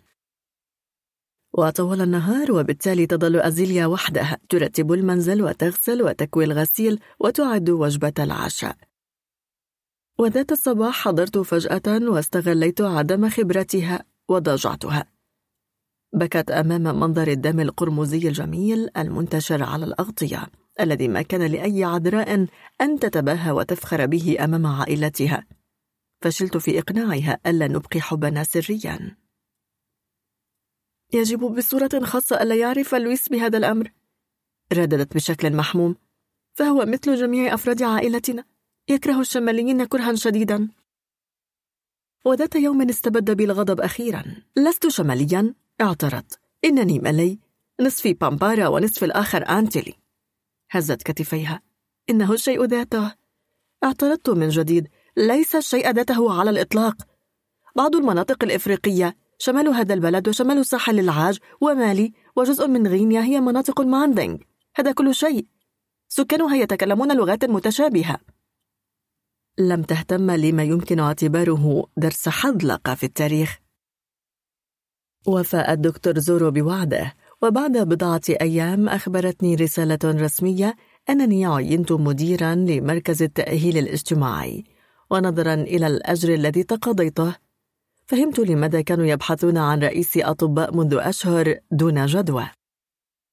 كان المركز يقوم على طريق جرام بوبو في مباني مجمع فندقي مغلق بسبب فرار السياح. كانت الأجنحة المصانة جيدا فيما مضى ولم يعد فيها الآن ماء ولا كهرباء ولا دورة مياه متناثرة على امتداد شاطئ يتقيأ البحر عليه باستمرار جثثا بعضها مقطعة الأوصال بشكل فظيع. كان يشاع أنها جثث المعارضين لديكلتيان لأنه سرعان ما خلع ملابس الأبله ورمى براءة المؤمن المبارك ليكشف عن جشعه للسلطة. في المركز تقيم نحو عشرين شابة اغتصبهن جنود من الطرفين شماليون وجنوبيون. بعضهن يحملن رضعا على ظهرهن ثمار تلك الاعتداءات. وبالمقارنة معه كان مستشفى دانمبي مجهزا بشكل رائع. لم يكن بوسعي أن أصف لجميع الأمراض إلا الكينين أو الجانيدان وسرعان ما لاحظت أنني عثرت على موهبتي الحقيقية هناك. لم أخلق لأكون طبيب توليد في مستوصف فخم للغاية وإنما لأبقى قريبا من البؤس الإنساني. كان يمكن لهؤلاء الضحايا الشابات أن يكن أخواتي علي ولأجلهن حاولت أن أفرض شيئا من النظام حولي. لأنه كان يسود في المركز سوء إدارة حقيقي. كان الجهاز الطبي يختلس الأدوية النادرة المرسلة من الصليب الأحمر ويبيعها لمن يدفع أكثر. سورني الشك في دناءات أشنع أيضا لكنني قررت إغماض عيني. ولو لم تفسد أمي كل شيء لاستطعت أن أنعم بسعادة نسبية. أصبحت منغصا حقيقيا لكل ليالية وراحت تستشرط غضبا. لا تقل لي إن هذه الفتاة تشبهني. إنها غبية. صحيح أن إيزيليا وإن كانت لها عينان تشبهان أحيانا عيني أمي لكن الشبه يتوقف هنا. لم تكن مثقفة تؤرقها مشاكل العالم الكبرى ولم تكن أيضا مثل جدتي امرأة مؤثرة التزمت التزاما راسخا بتحسين حياة قومها. كانت إنسانة خجولة يمكن نعتها بالسلبية. تحمل هذا الاسم لأن كاهنا شابا عائدا من سيفن أعطى لأمها الحبلة التي تنظف كل أسبوع الأرضية الخشبية لبيت الكاهن نبتة الأزاليا. راحت تدبل حين غرستها وتأخرت في الإخضرار ولما جاءت أمها لترويها لاحظت أن النبتة أزهرت وفي الصباح ذاته فقدت ماء الجنين وولدت الفتاة الصغيرة ليس لهذه القصة أي معنى كانت أمي تسخر هل هنالك علاقة بين الماء الذي روت به الأم نبتة الأزاليا والماء الذي فقدته بعد ذلك بفترة قصيرة؟ ماذا تعني هذه الاستعارة؟ القول إنك ستكابد آلاما كثيرة بسبب شخص تافه؟ أية آلام؟ ألم أكابد ما يكفي منها؟ ولأول مرة شككت ببصيرتها كنت واثقا أن زمن السعادة ولد وعم قريبا سيولد زمن السلام واقتنعت أخيرا أن أمي تغار من أزيليا هي من لم تقاسم أحدا قلبي من قبل وذات صباح انبلج كغيره من الصباحات وجدت أزيليا راكعة أمام حوض غسيل تبكي بحرقة ولما ألححت عليها بالأسئلة أخبرتني أخيرا أنها تنتظر طفلا. قفز قلبي في صدري طفل؟ لم أتصور قد سعادة غامرة مثل هذه السعادة. غمرني شعور بالامتنان لا نهاية له فأخذتها بين أحضاني. لاحظت حينها أنها ترتعش ومتجمدة عاتبتها بحنان. لا تبكي. ما يحدث لنا في غاية الجمال. إننا نضاهي الله. لم تبدو أنها تسمعني. أنا خائفة. همست. مما؟ منهم. من العائلة. لن يتقبلوا أبدا أن ألد طفلا من شمالي. سيقتلونني أولا أو سيقتلونه؟ سبق وقلت لك إنني لست شماليا. كررت مغتاظا جعلت حالة إحباطها من حديثي معها حديثا عابثا. فلم ألح. الآن علينا أن نتزوج. قررت. هزت رأسها بحزن. لماذا تريد أن تتزوجني؟ ماذا سأضيف إلى حياتك؟ لم أكلف نفسي عن الرد عليها. في اليوم التالي قصدت الدكتور زورو كانت عيادته الجديدة تقع في حي شعبي قذارته منفرة. تحاشيت بقدر ما أستطيع الكلاب الشاردة التي تتسكع على الأرصفة. في الفناء كانت القابلات بمآزرهن القذرة ينقلن دلاء مخصصة للتبول والتغوط ويفرغنها في حفرة ناتنة مكشوفة. لا ماء ولا كهرباء منذ يومين شرح لي الدكتور زورو. نفعل ما بوسعنا. أي ريح حملتك إلى هنا؟ ريح طيبة أم ريح مشؤومة؟ شرحت له سبب زيارتي ولما سكت حدق في بعينين تمتلئان حقدا. حقد بارد وحازم وقاتل. حقد يتجاوزني أنا الفرد البسيط. شعرت أن حقده ينصب على عرقي وثقافتي وأصولي ومفاهيم لم أكن أنا نفسي أؤمن بها ولكن لا يهم. وهكذا قرعني. شمالي مثلك فتحت لك منزلي ووجدت لك عملا وأنت جعلت أختي الصغرى حبلى. هي البريئة التي لم تعاشر رجلا في حياتها. لم أعرف كيف أدافع عن نفسي. أنت وأمثالك كلاب كال الشتائم. تحملت هذه الشتائم النابية بداية لأنني لم أكن أريد أن تسوء الأمور. بعد ذلك رحت أقول في سري رغما عني أن الأمر يستحق. استطرد الدكتور زورو بهدوء أكبر. في هذا الموضوع رأيي لا يعتد به كما تعرف. وحده العجوز يمكنه أن يأذن بزواجك. لماذا سيعترض على ذلك؟ هتفت متعجبا. إنني رجل شريف. أجابني باحتقار. في أيامنا هذه من يرغب بتزويج ابنته لشخص من الديولا؟ لست من الديولا صرخت للمرة الألف. إنني بامبارا. في النهاية نصف بامبارا. لكنني كنت أعرف أن المحاججة في هذه النقطة غير مجدية. عليك أن تذهب لتراه في قريتنا في تامب. كانت تامب عاصمة إقليم ساحلي كان قساوسة كاثوليك قد وطئوا في وقت مبكر هذا الشريط من الأرض الذي سمي على نحو غريب لسان باربري وقاموا بحملات تبشير ضخمة وأشيدوا كنائس ومدارس من الأخشاب. ومن هناك انطلقت طلائع الموظفين الأفارقة. كان جون والد أزيليا خادم قساوسة أبرشيته. غسل لهم سراويلهم الداخلية المتصلبة بسبب السائل المنوي والبراز. وكوى أثوابهم وسلمهم سرا في الليل صبيانا أو فتيات لم يبلغوا سن المراهقة. وحاليا جعلت منه قرابته بالرئيس الجديد نبيلا فوق مستوى الثرثرات. بعد بضع كلمات منمقة مخصصة لطلب يد ابنته رسميا دسست في يده مغلفا محشوا بأوراق مالية أحضرته له بناء على نصيحة أزيليا. هذا عرفنا أصرت وعليك احترامه حتما. لم أكن أشاطرها هذا الرأي وباعتباري ابن أم البار كنت أرى أن الأعراف تشبه أغصان الشجر فإن تجاوزت زمنها وتعفنت يجب قطعها.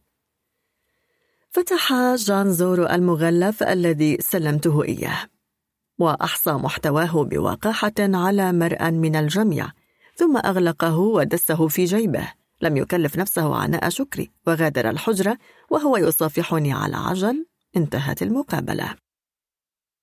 صعدنا السيارة أنا وأزيليا. كان الليل يرخي ثقله فوق مزارع زيت النخيل وعدد كبير من الخفافيش ينقضون نحو السماء. ولون البحر يستحيل هو أيضا إلى الأسود. شعرت بالخوف لأول مرة. خوفا شديدا لن يسعني تفنيد أسبابه. بدل أن المستقبل لا يتربص بي مكشرا عن أنياب شبيهة بأنياب الكلاب وأنه سينقض علي وينهش حنجرتي. لا تعودي إلى منزل هذا المساء. ابقي معي. طلبت من أزيليا. وعلى دهشة مني هي الجبانة للغاية وغير المهتمة بإرضائي عموما. وافقت وابتداء من تلك اللحظة أقامت عندي. كتبت إلى أبيها وإلى لويس واقترحت عليهما تاريخا للزواج لكن أي منهما لم يرد. لذلك أقيم العرس من دونهما عصر يوم سبت مع شاهدين صديقين لأزيليا وعلى الرغم من هذه الظروف السعادة التي تذوقتها في تلك الفترة اتسمت بغبطة لا يسعني وصفها. أصبحت أزيليا كلها لي. أكثر ارتياحا وأقل فزعا مما كانت عليه في السابق لكنني شعرت أن ذلك لن يدوم. كنت مثل ملاح في البحر يشعر أن عاصفة رهيبة وربما قاتلة تتهيأ للانقضاض عليه إذا بانتظار ذلك رحت أضم حبيبتي إلى صدري بشغف وأرغم نفسي على عدم التفكير في الأمر. وإذا كانت أزيليا تفتقر إلى الخبرة بالجنس عند لقائنا فإنها امتلكت حسا باللذة سرعان ما أدهشني. كانت الليالي تبدو قصيرة جدا واتفقنا نمارس الجنس مثل مهووسين حتى بلاج الفجر على نوافذنا تلاشت زمن والحرب أيضا. وأسفاه سرعان ما وصلت هذه الهدنة إلى نهايتها. ذات صباح بعد وصولي إلى العمل بقليل اقتربت نصف دزينة سيارات شرطة من المركز وهي تطلق صفارات الإنذار بكل قوة. تسمر المارة على الأرصفة وهم يتشممون رائحة. بينما راح العسكريون ينزلون من مركباتهم. فتحوا باب السياج الشبكي بعنف وهرعوا نحو مكتبي. سألتهم بدهشة عن سبب انتشار هذه القوة وردا على ذلك صفعني أحدهم بقسوة وهو يصيح أنت من جئنا لأخذه. رموني أرضا بعنف وأخيرا تحت أنظار الموظفين والنزلاء المذهولة. أنزلني العساكر الدرج بسرعة فائقة ودفعوني بفظاظة في إحدى سيارات الجب اقتادوني من المركز إلى سجن توبونيل الشهير على بعد 30 كيلومترا من المدينة. كان صيت توبونيل يطبق الآفاق. في زمن الاستعمار تعفنت وراء جدرانه الضخمة الرؤوس العنيدة في الاتحاد الفيدرالي لإفريقيا الغربية الفرنسية وجميع من كانوا يحلمون بالعدالة والحرية لشعوبهم. وفيه نظم الشاعر المشهور أريبا أروز قصيدته رغما عنكم ستولد إفريقيا التي كتبها على ورق المراحيض وعهد بها إلى حارس لطيف. عرفت سبب اعتقالي. اتهموني بالتجسس لصالح قوات الشمال الجديدة. لم يتطلب الأمر ذكاء مني لأخمن من وشبي ولأي هدف. تقويض زواجي مع أزيليا. أمضيت أيامي الأولى في الاعتقال منهكا فوق قاطع خشبي. لا أفكر إلا بالمرأة التي افترقت عنها. كان عدد رفاقي في الزنزانة ثلاثة. إسحاق ومارك بلطجيان ادعيا أنهما من الوطنيين لترهيب حيهما واغتصبا فتيات وقتلا غرماء لهما. الثالث جيروم دانيي لم يعتقل لأسباب سياسية. رجل مميز يرتدي بأناقة لباس السجن الموحد الخشن الأزرق نصاب ومهرب مخدرات من الدرجة الأولى ورجل أعمال فاسد جمع ثروة مشبوهة. وكما هو معروف الحياة مدهشة فرغم اختلاف أحدنا عن الآخر سيصبح جيروم واحدا من أعز أصدقائي. نتهامس بالكثير من الأمور الفاحشة عن السجون. إنها بؤر للعلاقات المثلية الجنسية. في زنزانتي لم يحدث شيء من هذا القبيل على الإطلاق. الشذوذ الوحيد نجح جيروم في تخبئة أوراق لعبة التاروت وراح يحاول من الصباح إلى المساء أن يقرأ المستقبل فيها. أنت مثلي لن يطول بك المقام هنا. أكد لي. وأرانا قريبا خارج السجن. حرين كطيرين. وأطفقت أمي تردد شيء ذاته كل ليلة. ستكون فترة سجنك قصيرة مع ذلك لم ترحني هذه التكهنات. كنت مقتنعا أنني لن أرى أزيليا ثانية أبدا. حبيبتي أزيليا. ولو لم يكن جيروم موجودا ليرفع معنوياتي باستمرار ويراهن في اللحظة المناسبة لأصبحت ميتا. ذات مساء وقبيل موعد النوم بقليل فتح الحراس باب الزنزانة بعنف. أعيد جيروم بعد تبرئته إلى عملية احتياله واختلاسته من كل الأنواع وإلى تهريب المخدرات. اعتبارا من ذلك اليوم أصابتني بلادة حقيقية. كان يفترض أن أخضع لمحاكمة لكنني لم أرى قط أي محامٍ ولم يدرس أحد ملفي. وفي أيام الثلاثاء ألتحق بالسجناء الآخرين ورفش على كتفي ونذهب لعسق الأعشاب الضارة في بستان زيت النخيل إيتادوغنوسوماب. كنا نجتاز قرى عديدة وكان السكان يخرجون من أكواخهم ليشاهدوا مرورنا ويكيلوا لنا شتائم مقدعة. ومع ذلك خمنت أن قلوبهم مفعمة بالشفقة علينا وأنهم لا يتصرفون على هذا النحو. إلا لإرضاء حراسنا. ولأنه ليس للزمن أي مفهوم في السجن لا أدري إن مرت أيام أو أسابيع أو أشهر. وذات ليلة ظهرت لي أمي انتهى الأمر. همست مع تنهيدة ارتياح لكنها أضافت سيبدأ الآن الأقسى بالنسبة لك. استيقظت على صرير أبواب الزنازين الثقيلة تنفتح. أمسكنا الحراس من أكتافنا ودفعونا نحو الفناء حيث تنتظرنا شاحنات واقتادونا إلى مقر الشرطة المركزي في أبيرنيا وأصبحنا أحرارا. كان ذلك بداية شهر أيار بداية موسم الأمطار الكبير. كانت سماء رمادية مكفهرة ترخي بثقلها على المدينة. وراح المطر يملأ المزاريب بدفق كريها ويحول التربة إلى طمي ضارب إلى اللون البني. كنت قد أمضيت عشرة أشهر من حياتي في سجن توبونيل فترة أطول بقليل من فترة معسكر دانيمبي.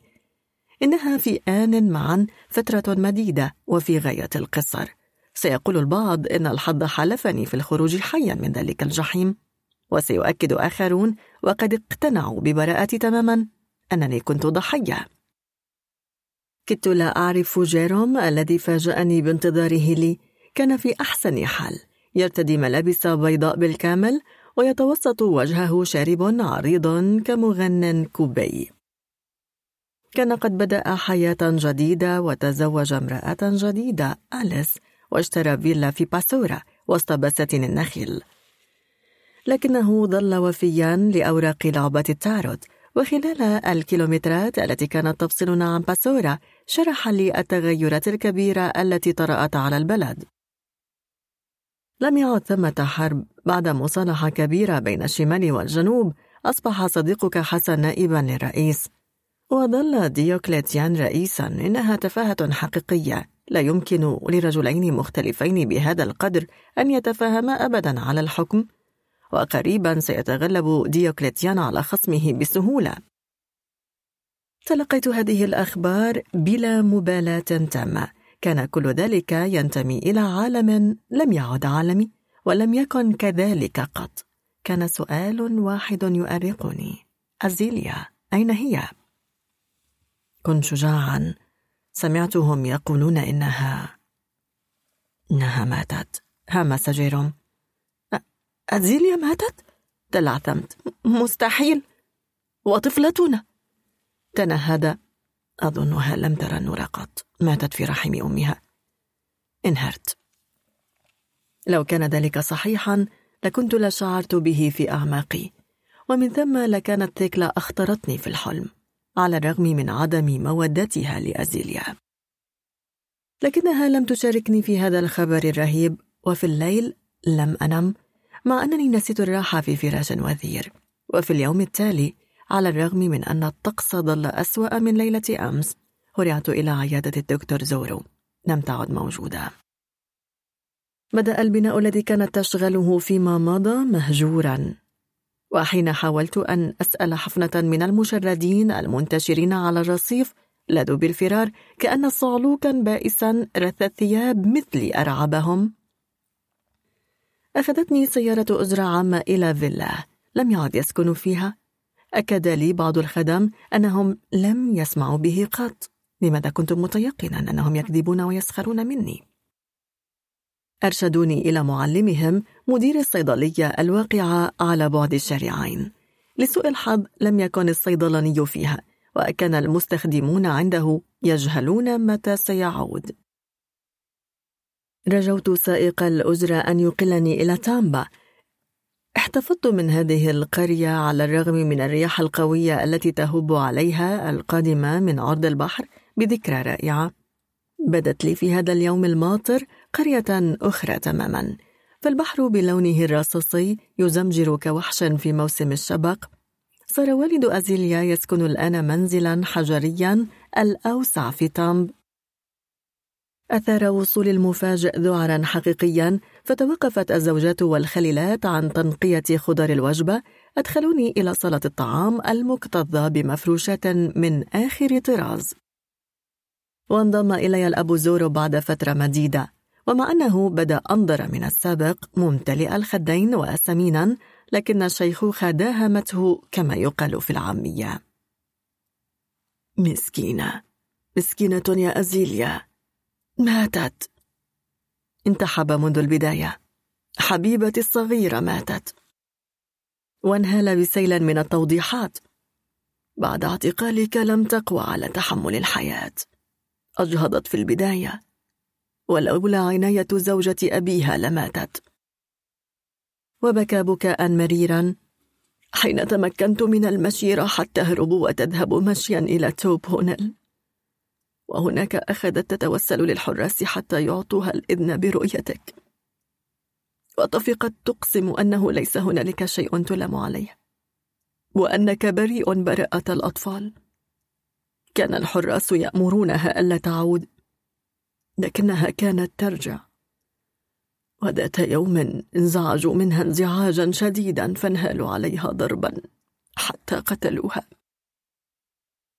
لماذا تولدت لدي قناعة راسخة أن ذلك الرجل يكذب أيضا؟ لقد اختلق هذه القصة في كل تفاصيلها ورفضت تقبل هذا الأمر بكل كياني أين دفنت؟ تلعثمت أريد رؤية قبرها. اشتد بكاؤه. لم يسلمون جثتها إطلاقا. نظن أنهم رموها في التراب في مكان ما حول توبونيل. يبدو أنه توجد هناك مقبرة جماعية. وراح يذرف دموع التماسيح. أنا واثق من ذلك. لويس قال ردا على أسئلتي. نفخ أوداجه. عينه ديكلوتيان سفيرا في جنوب أفريقيا في بريتوريا. ومع جميع هؤلاء الأولاد ما كان بمقدوره أن يتولى منصبه لو لم ترجع زوجته. زوجته عادت قلت مندهشا. أجل أكد عادت إليه. وعندها اندفع في خطبة لاذعة عنيفة عن جشع النساء اللواتي لا هم لهن سوى المال والمناصب الفخرية ومرة أخرى أيضا تيقنت أنه يكذب.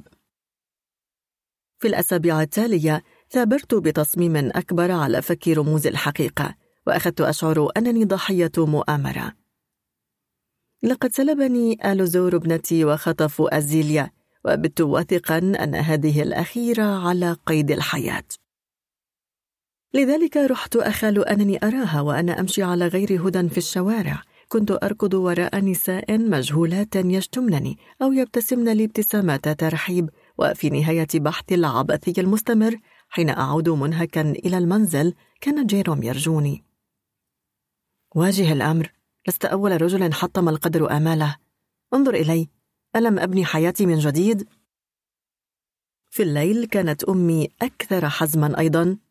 اقلب الصفحة كانت تأمرني. أرى السعادة تزهر لأجلك هناك. هناك في نهاية ممر طويل في مكان آخر. لم أصغي إلى أحد وأبديت استعدادا لكل التجاوزات. كان يكفيني أن أسمع اسم عراف لأقرر استشارته. لذلك راح المشعوذون يبتزونني بالدجاج والماعز وبعجول ألبست أثوابا لا تشوبها شائبة وأمتارا من القماش الأبيض ثمنا لتكهناتهم وبعد أن تحدث أحدهم أمامي عن الكاهن أوروشوكو المعصوم الذي يقرأ عبر الماضي ويكشف خيوط المستقبل حاولت الذهاب إلى نيجيريا. لكن السفير رفض منح الفيزا لأنه اكتشف أنني خرجت من سجن توبونيل.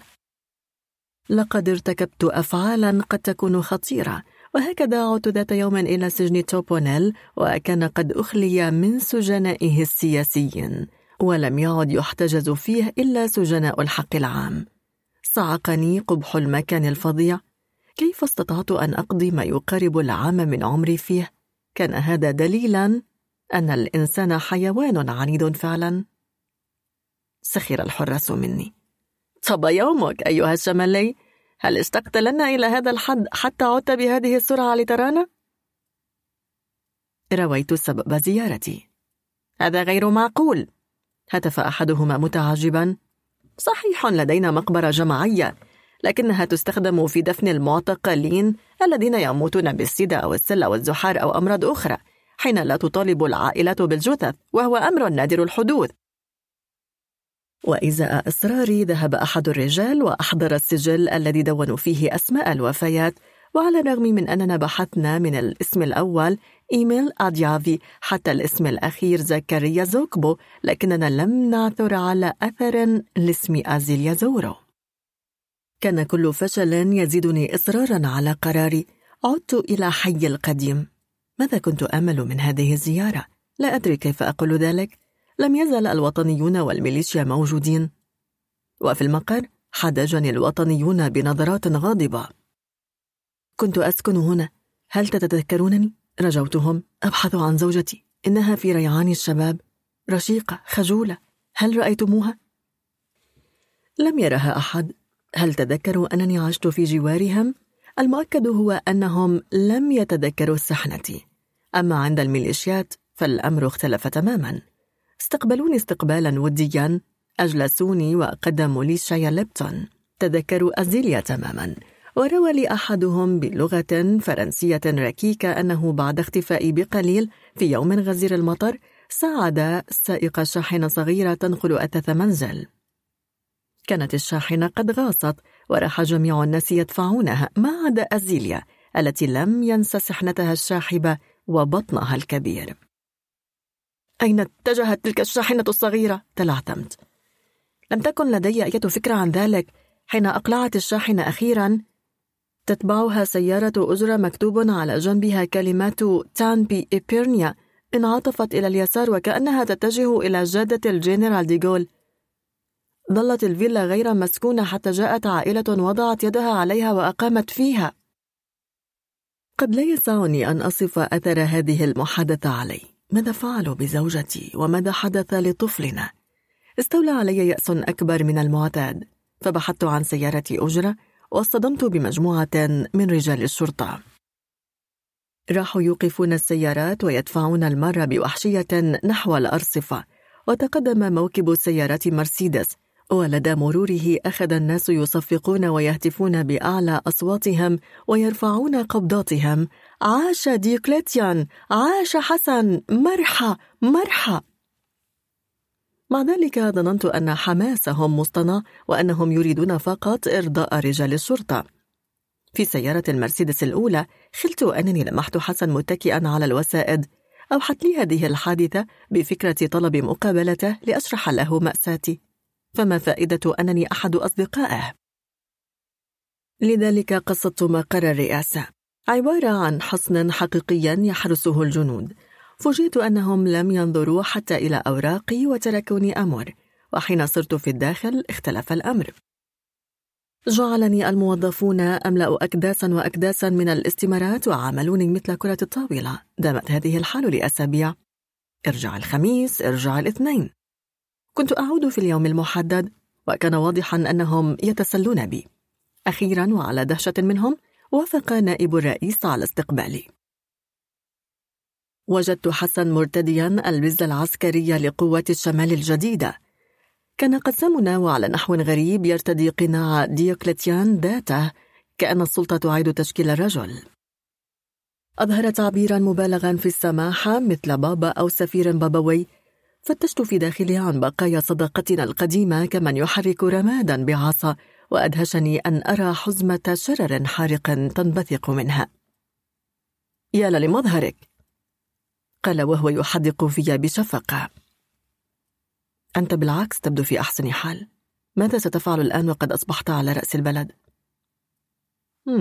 ما أشاء قال حلما ثم اتخذ هيئة لينة وبدأ يروي درسا تعلمه بالصعوبة. سأعمل مع ديوكليتيان؟ وهل هذا ممكن؟ قطعته. يصفونه بالجاهل وشبه الأمي والعنيد والفض. هذا ليس صحيحا. أكد. نحن متفاهمان تماما. اتفقنا على جميع النقاط تقريبا. سنستعيد عظمة الماضي الإفريقي. وسنؤسس من جديد المساواة والعدالة في هذا البلد بالتسامح. لا شماليون ولا جنوبيون. ولا أجانب أيضا. نحن جميعا أفارقة. علينا أن نعمل معا لمستقبل قارتنا والعالم أجمع. خلت أنها عظة تلقى في الأمم المتحدة ذاك المعبد للأمان الطيبة. كتمت شكوكي وحكيت قضيتي. أصغى إلي بانتباه وهو يدون ملاحظات على مفكرة. حين سكت أعلن متأملا. آل زورو هم أتباع ديوكلتيان هذا معروف. وهم يهتمون بجميع أعماله القذرة لكن ما مصلحتهم ليكذبوا عليك في شأن زوجتك لماذا ترفض تصديقهم؟ أعرف. أشعر أنها على قيد الحياة وهي تنتظرني في مكان ما. لا أعرف أين. طفلتي أيضا تنتظرني. أحلام عاشق لا يريد أن يتقبل الواقع. قال وهو يهز كتفيه. ساد صمت ثم استأنف؟ أعتمد علي؟ سأمر بالتحقيق وحين أعرف شيئا سأخبرك. فهمت أن المقابلة انتهت فنهضت رافقني حتى المدخل وعلى عتبة الباب اختلجت بقية عاطفة بيننا. ضمني إلى صدره. عانقته بحرارة ثم انفجرت بالنحيب وهربت خجلا. عدت إلى باسورا. بعد أن تعبت من العيش عالة على جيروم استلمت بعد فترة وجيزة عملا كطبيب نسائية في دار التوليد. وجدت جوا سرعان ما استمتعت فيه. أصبحت واحدا من فريق أطباء صغير جميعهم أجانب ليتوانيون وتشيك ورومان تشردوا من ديارهم بسبب تدني الأجور الكبير في مهنتهم واتفقنا نعمل فوق طاقاتنا في أقصى الظروف. عقدت صداقة مع فالدا وهو ليتواني راح يحاول في موعد الجري أن يثير شفقتي وهو يثرثر بلغة فرنسية ركيكة عن عذابة حبه لشابة تكره عائلتها ذوي البشرة البيضاء. ما أقصى الحياة التي نعيشها؟ البعض لا يحب البيض وآخرون لا يحبون السود وهؤلاء لا يحبون الشماليين وأولئك لا يحبون الجنوبيين. في دار التوليد كنت الوحيدة بين الأطباء من يتكلم لغة البلد. هذا يعني أنني كنت الوحيدة القادرة على التواصل مباشرة مع المريضات. أما الأطباء الآخرون فاضطروا إلى الاستعانة بمترجمين ولم ينفك الأطفال يولدون مثنا وحتى ثلاثا لأن القدر يحب حبا جما أن يعوض بهذه الطريقة عن حالات العجز الشديد. إنها أرض غنية وخصبة بقدر البؤس. ذات مساء بينما أنا مستغرق في لهفتي وذهني محموم بالانتظار والتخيلات وقد جفاني النوم. طرق جيروم باب منزلي بعنف. انهض أمرني. تعال بسرعة. هرعت معه إلى الشرفة. في الناحية الأخرى يغرق الزبد بساتين النخيل. كانت إبيرنيا تحترق كما في أسوأ لحظات الحرب الأهلية. كانت ألسنة اللهب تقتحم بوحشية عنان السماء. مكثنا في مكاننا بلا كلام وقد استبد بنا القلق ماذا يحدث أيضا؟ نحو الساعة الرابعة صباحا ومن فرط الضغط على أزرار الراديو أخبرتنا إحدى المحطات أن انقلابا جديدا حدث منذ قليل اغتيل ديوكليتيان. وحدة رجال مغاوير مقنعين وصلوا على دراجات نارية وفجروا فيلا عشيقته المفضلة خلاسية برازيلية حين كان يتلذذ كعادته كل يوم جمعة بتناول الفيغوادا الطبق الذي يحبه وقتل في الضربة ذاتها الخليلة وبناتها الصغيرة الثلاث التي أنجبتهن من زوج هجرته ومربيتهن المخلصة وسائق ديوكليتيان. وشخص رواندي هرب من بلاده خوفا من التطهير العرقي. الدليل إن كانت هناك حاجة لذلك على أن الموت يدركنا أن كنا ومرافقه الشخصيون إضافة إلى عدد لا يحصى من الزوار والأقارب المتطفلين والخدم. مذبحة حقيقية. وعلى الرغم من أنه لم يخامر أحدا أدنى شك في مسؤولية حسن عن هذه المجزرة لكنه ظهر على التلفاز مبديا تأثرا عميقا. لم يرتدي أيضا البزة العسكرية وإنما بزة رئاسية رسمية ناعمة. وألقى خطابا الساعة الرابعة على محطة فيدل ندد بفظاعة هذه الجريمة وكال المديح للفاقد وأمر بالحداد سبعة أيام تقام خلالها مراسم الجنازة الوطنية لمجمع الكنائس في كاتدرائية غامايل أعتقد أنني لم أتألم في حياتي إلا هذا الحد إلا حين ماتت أمي فصديقي وأخي وكياني الآخر أصبح قاتلا لماذا؟ ما الذي قاده إلى ذلك؟ هل هي الرغبة في منافسة جده مؤسس الإمبراطورية؟ بالنسبة لي راح كل شيء يتداعى وانهارت أسوار سيغو التي خضبها مجرم بالدم. هذا ما قادتنا إليه الغطرسة المتعصبة للأصول وهوس استعادة أمجاد الماضي. علاوة على ذلك تذكرت هيئته المداهنة ووعظه المتكرر فتملكني حنق مهين أي مغفل حسبني. آه أجل لقد سخر مني بمهارة ولم توازني تكهنة جيروم سيكون الانتقام مريعا راح يكرر. وقريبا سترى سيرد عليه شخص جنوبي بالطريقة ذاتها. سمرنا الفضول أمام الشاشة لساعات ونحن نتابع على التلفاز مراسم الجنازة الوطنية. وإن كانت الجنازة تستحق اسم مجمع الكنائس فذلك لأنها جمعت إضافة إلى رؤساء ووزراء البلدان المجاورة رجال دين من أديان مختلفة.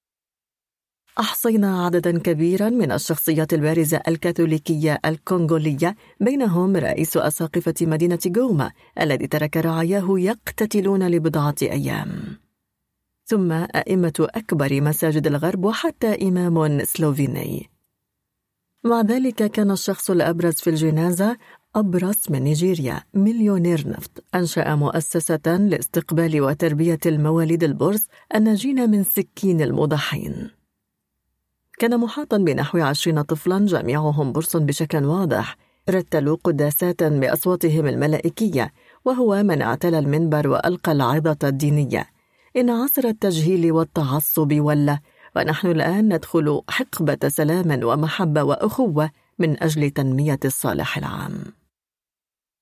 خلال الشهر التالي وعلى الرغم من هذه العبارات المطمئنة اجتاحت البلد موجة قمع اكتشفنا حولها من مطالعة الصحف الأجنبية التي كان جيروم ينجح بالحصول عليها بعد عناء كبير. لم يزل بعض الجنوبيين معزولين عن مناصبهم ومرميين في السجن أو مكرهين على النفي. واستدعي سفراء جنوبيون من مراكزهم وأدينوا بالخيانة. وذات يوم قرأت أن سفيرا شماليا حل مكان لويس دورو في بريتوريا. هذا الرجل هو مفتاح اللغز الذي أتخبط فيه وعلي أن أتحدث معه بأي ثمن. وفي أثناء محاولة حل عقدة الشائعات تارة جعلته ميتا اغتيل مع جميع أفراد عائلته وتارة هرب إلى الخارج مرت أسابيع. خلال هذه الفترة العصيبة تمثل العمل الإيجابي الوحيد للرئيس الجديد بإعادة إعمار إبيرنيا ومن الصباح الباكر استخدم متطوعون مجندون بالقوة في الشمال في كنس الشوارع والأرصفة. وتدعيم وطلاء الصروح والمباني العامة. بينما طاردت فرق أخرى الكلاب الشاردة وجمعتها ودفعتها إلى المحارق الموضوعة على مفارق الطرق وانتشرت رائحة كريهة. آنذاك تلقيت رسالة من الرئاسة. مغلف رقيق قلبته وقلبته بين يدي قبل أن أفتحه توجسا من جسامة المصيبة التي يخبرني بها. أعلمتني الرئاسة أن الدعوى 007 بابكر تراوري ضد عائلة زورو حفظت. كان المغلف يحتوي فوق ذلك على شهادة وفاة أزيليا زورو الميتة بالتهاب السحايا في مستشفى تامب قبل عام. هذا مستحيل صرخت. إدعى والدها أنها قتلت على يد حراس سجن توبونيل. تصدع شيء في داخلي كما في يوم وفاة أمي وسقطت أرضا. عندما استعدت وعي كان قد مر أكثر من شهر. هديت وألهبتني نوبة حمى شديدة. كنت بين الحياة والموت. والآن بعد أن زال كل خطر لم يعد لدي من القوة أكثر من طفل صغير. إنهم يكذبون. جميعهم يكذبون. طفقت أصرخ معاندا فور أن استعدت وعي متأهبا لاستئناف معارك العبثية.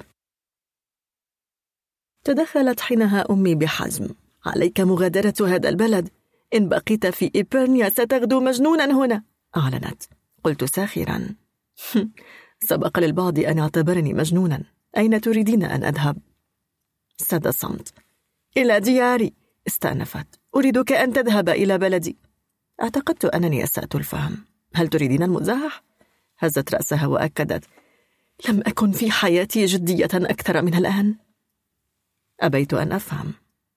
أخبرتني دوما أن بلدك ليس بلدا.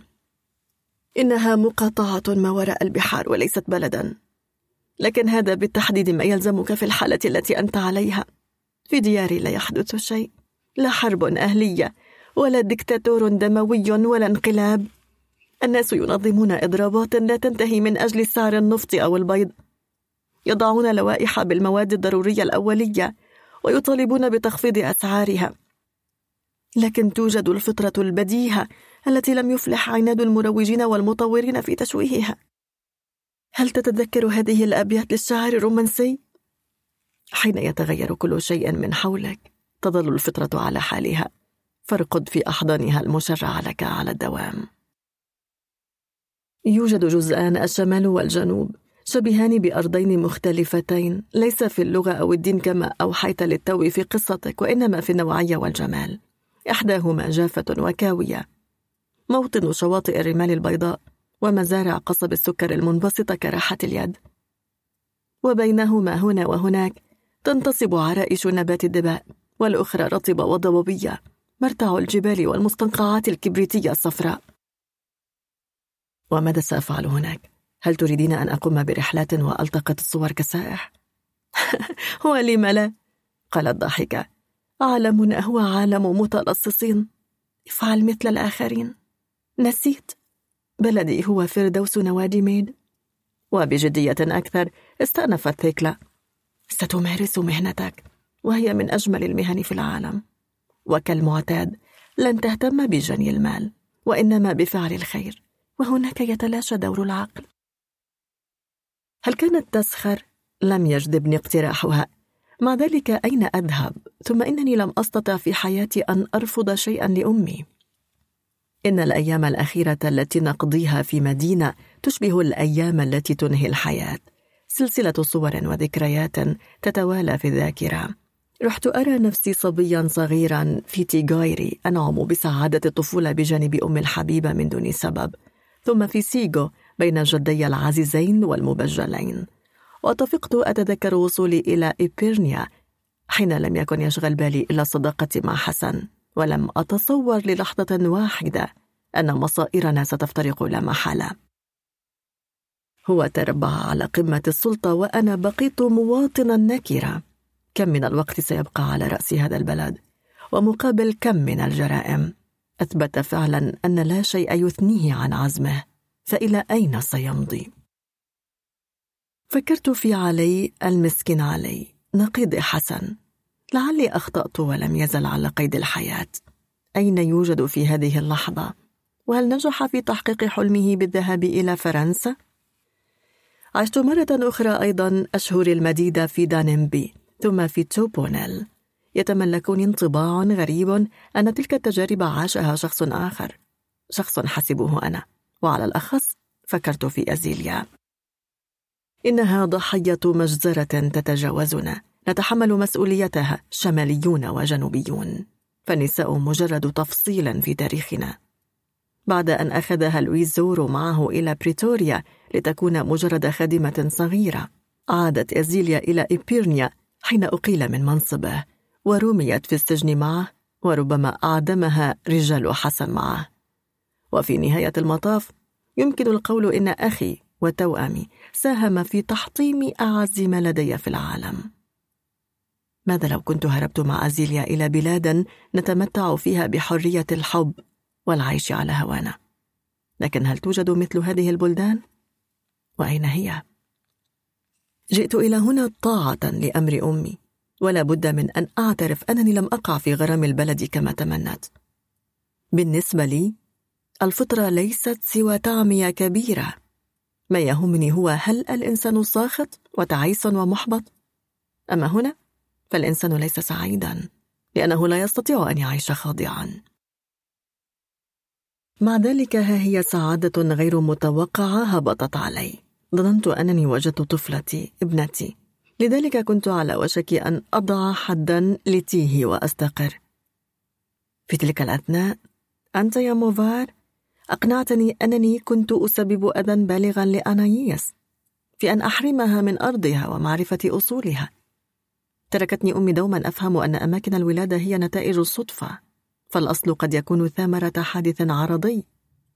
من سيخبرني إن كان ذلك صحيحا أم خطأ؟ عندما سكت باباكار كان لون قبة الشمس يستحيل إلى الرمادي الفاتح. شعرنا أن الشمس تتهيأ لتسطع بين الغيوم وفي الحديقة. ترفرف العصافير الطنانة المخبولة حول مدقات الأزهار. تحدث لساعات أمسك موفار يده وضمها إلى وجنته ثم أسند شفتيه عليها. وبعد ذلك وكأنهما شعرا بالخجل من هذه الحركة الحميمية جدا.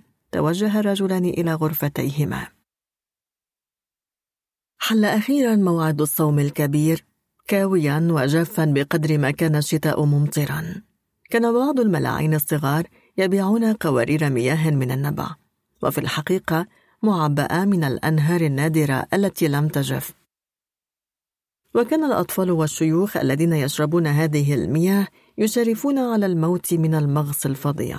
في هذا الجو المحموم سرت شائعات في غاية الغرابة. في مقبرة ترانل نبشت الحفرة المتواضعة التي دفن فيها جثمان الهايتية غير الشرعية. وسحبت جثة المتوفاة في الطين ونهشت وحوش ضارية غير معروفة نصفها. عثروا على رأسها في ناحية وأعضائها في ناحية أخرى. وأكد آخرون بالعكس أن جثتها بكاملها اختفت وأن القبر كان فارغا مثل قبر إلعازر الذي بعث من بين الأموات بعد الحريق الغامض للكوخ الذي تقاسمته مع موفار زاد هذا الأمر من حالة القلق من كانت تلك الهايتية غير الشرعية في الحقيقة؟ حين نما ذلك إلى بابكر لم يعر أي انتباه إلى تلك الأراجيف لكنه لدى عودته إلى بيته وجد موفار فريسة حالة ذعر شرح له بصعوبة مازجا اللغة الكريولية بالفرنسية لأن بابكر كان سجله في دورة محو الأمية في البلدية. أنه لو كان أحد قد لمس جثة رينيت لما استطاع العثور عليها حين بحث عنها. بالنسبة لعقل ديكارتي ستبدو هذه الأقاويل محض هذيانات ساذجة لكن لم يكن بابكر يتمتع بعقل ديكارتي والحمد لله. العثور عليها؟ استفهم ماذا تهرف؟ اتخذ موفار هيئة وقورة هايتي قال باللغة الكريولية ليست مكانا كبقية الأمكنة الأحياء والأموات يبقون فيها معا فضلا عن ذلك يدفن الموتى إلى جانب الأحياء أنت ترى أشخاصا في الشارع موجودين ويتكلمون ويمشون في الواقع توفوا منذ زمن طويل إذا كيف نفرق بينهم؟ سأل بابكر بشيء من السخرية هذه المرة. لا نستطيع أجاب موفار بمنتهى الجدية. أشخاص مميزون فقط ينجحون في ذلك.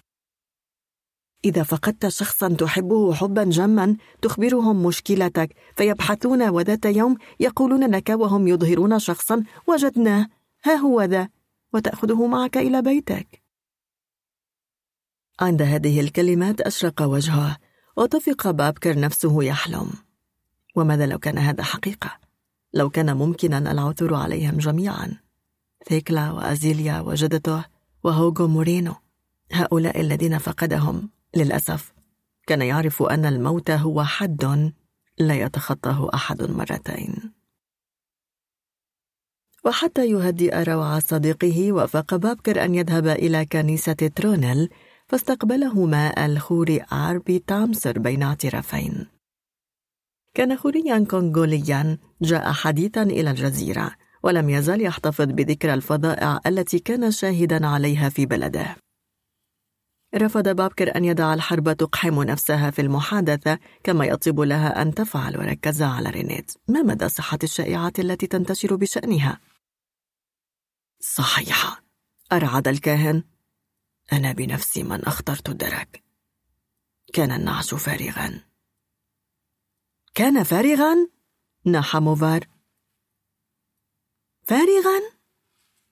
بكى موفار طوال طريق العودة. أما بابكر فراح يبحث عبثا عن تفسير من شأنه أن يريحه. لم يعد يستوعب. اعتمد حرفيا عبارات مثل الراحة الأبدية وظن أن أرضنا الحزينة وحدها هي مكان العنف والنزاعات. هل كان مخطئا؟ هل كان يجب أن يتوقع معارك أخرى في الغيب؟ ألن نعرف السلام أبدا؟ بعد بضعة أشهر لم يندهش أحد حين وضع الدكتور تراوري المفتاح تحت ممسحة القش وسافر بلا طبل ولا زمر مثلما وصل بشكل مفاجئ أين ذهب؟ إلى بورت أوبرنز؟ بالتأكيد كان يقيم علاقات غامضة مع الهايتيين تستحق الأسباب الحقيقية لهذا الرحيل التدقيق فيها بداية لم يعد لدى بابكر عمليا فلس واحد. بالتأكيد لم تحدث ملاحقة قضائية ضده ولم يكن أمام أرستوفان وزمرته إلا التلويح بأذرعهم مودعين. لكن زبائنه كانوا قد ذابوا مثل الشمع في النار ولم يعد لديه عمليا مريضات ولم يجدد عقده مع مركز رعاية الأمومة والطفولة. في الحقيقة الطبيب مثل زوجة قيصر يجب أن يكون فوق الشبهة. بعد ذلك كانت علاقته مع موفار تثير الفضول وتصدم وتخلق الوشوشة فأن يقيم مع رفيق الهايتية غير الشرعية بدأ أنه يعني أن ماضيا مشوقا بعض الشيء وجد بين الثلاثي. تقاسم الشريكان المتواطئان رينيت والآن يواسي أحدهما الآخر على غيابها لأن المثلية الجنسية أطلت برأسها القبيح في كل مكان. بعد أن اختبأت زمنا طويلا تحت مظهر الصداقة بل وأقيم في العام الماضي موكب فخر المثليين الذي جذب عددا من الناس أكبر من عرض Mardi Gras أو vidé du mercredi des Cendres. وخرجت فرقة مثليين مارتينيك قادها دودوغرو سيروب من فور دو فرانس لدعم السكان المحليين. لكن السبب الحقيقي لهذا الرحيل هو أنايس. لم يعد بابكر يحتمل الطريقة التي تعامل بها وأدرك أنها لن تكون أبدا إلا نتاجا شيطانيا لثلاثي منحرف. كان يكفي أن تأتي لتتنسم الهواء العليل على ساحة القرية. تدفع كليرانغ عربتها حتى تحدق فيها جميع العيون. كانت النساء المسنات الأكثر وقاحة يقتربن ويسألن بمواربة في مثل سنها. ألا ينبغي أن تبدأ بقول كلمات بسيطة؟ أن تنادي بابا؟ ما أقسى أن يكون للطفل أبوان من الجنس نفسه. وعلاوة على ذلك راح يزداد خجلا كل يوم من طريقة استيلائه على الطفل ضاربا عرض الحائط بحقوق الدم المقدسة. مع أن موفار لم يعد يلقي باللائمة عليه وبسبب هذه السرقة وهذا الاغتصاب الذي لا يغتفر فإن الفتاة الصغيرة على الرغم من جمالها الذي بدا جليا ظلت حزينة وقلما تبتسم ومدركة لكل ما سلب منها. لم تكن ثيكلا تؤيد قرارات ابنها. هل شفي جزئيا من عذاباته ليهرع موليا وجهه شطر كهف هايتي؟ حتى الصحفيين الأكثر تفاؤلا كانوا يتشائمون من هذا البلد. أخذ بابكر يضحك. لماذا تصورين هذا البلد كأنه فزاعة؟ الأخطار الجسيمة موجودة في أمكنة أخرى. الأبراج تنهار في الولايات المتحدة الأمريكية. النيران تلتهم تاج محل وأوبروا وتحاصر السياح في مومباي. الأرض تزلزل زلزالها في سريلانكا. راحت تيكلا تؤكد هايتي هي كل هذا معا؟ بدت مثل هذه التأكيدات مضحكة. في الواقع حينئذ حدث أول شرخ في علاقة تيكلا وبابكر. لم يضمر لها الضغينة لأنها لم تحب أزيليا فعلى الرغم من كل شيء من طبع الحموات مناكدة كنتهن. لكنه لامها لأنها لم تشاطره القلق والمشاعر التي تثيره في كل ما يخص أنايس. أنهى المحادثة بشكل حاسم. اشتريت التذاكر لا جدوى من الكلام. لقد اتخذت قراري ونحن راحلون. إن محطة RFO التي تعرضت كثيرا للنقد أدت مهمتها الإعلامية على أكمل وجه هذه المرة. فقد حذرت الصور التي تبثها بابكر أحسن تحذير. كان طريق المؤدي من مطار بورت أوبرنس إلى مركز المدينة وهو طريق ضيق ومستو ومستقيم وظاهريا واضح. كان في الواقع شديد الخطورة. ومن يستطيعون ذلك يحيطون أنفسهم فور نزولهم من الطائرة برجال أمن مدججين بأسلحة ثقيلة. لا يمكن إحصاء عدد عمليات الخطف التي تحدث هناك. عمليات خطف لآخر رجال أعمال الذين لم يلتجئوا بعد إلى الولايات المتحدة الأمريكية. خطف سياح ازدادوا شحا. خطف أعضاء منظمات إنسانية وحتى أحيانا خطف رجال دين وخطف مواطنين عاديين جدا يبادلونهم مقابل حفنة من الدولارات. راح بابكر ينظر يمينا وشمالا مذهولا من إحساس راوده بأنه سبق له أن رأى المشهد. كانت بورت أوبرنس التي تتوسط جزر الكاريبي وتفصلها عن إفريقيا كثير من البحار والأماكن تشبه أبيرنيا. مدن جريحة مدن متألمة مدن مريضة من سيصف المحنة التي مرت بها؟ يمكنني القول إن بورت أوبرنس كانت تمر في مرحلة تفسخ متقدمة على غيرها ومع ذلك تتمتع بحيوية مذهلة تشبه حيوية محكوم بالإعدام يتمسك بالحياة بكل قواه. سرنا فوق شريط إسفلتي محفر تناثرت عليه القمامة وتحف به حواجز مثقبة بطلقات نارية وكانت شاحنات وسيارات دفع رباعي مكتظة برجال مسلحين تتلاقى بمنتهى السرعة. وراحت كلاب شردة لا يمكن تحاشيها ترفع مؤخراتها إلى أعلى. تهز وركيها وهي تركض من كومة قمامة إلى أخرى. لم يعد بابكر يعرف مكان وجوده وهل كان هذا البارحة أم اليوم؟ هل قطع كل هذه المسافة ليعود إلى نقطة الانطلاق؟ لو لم يحمل معه هذه الطفلة هذه الرضيعة الغافية المضمومة إلى صدره لاستطاع نسيان ما عاشه. جاء فؤاد ليأخذهما في شاحنة صغيرة تحمل تحت نخلتين خضروين عبارة فندق ومطعم أرز لبنان مطبخ متوسطي متقن. كان عملاقا طوله متران تقريبا. أصهب وجهه مغربل بالنمش. عيناه زرقوان لا يشبه العربية التقليدية في شيء. وعلى الرغم من مركبته المضحكة بدأنا له علاقاته. لأن إجراءات الشرطة والجمارك انتهت بسرعة كبيرة. وهو يقود بيد متوترة راح فؤاد يثرثر مع موفار كان يخبره أنبأ البلد. هدوء نسبي الآن على الرغم من اندلاع موجة عنف خارجة عن السيطرة. وراح يتوقف ليسأل كيف مرت الرحلة.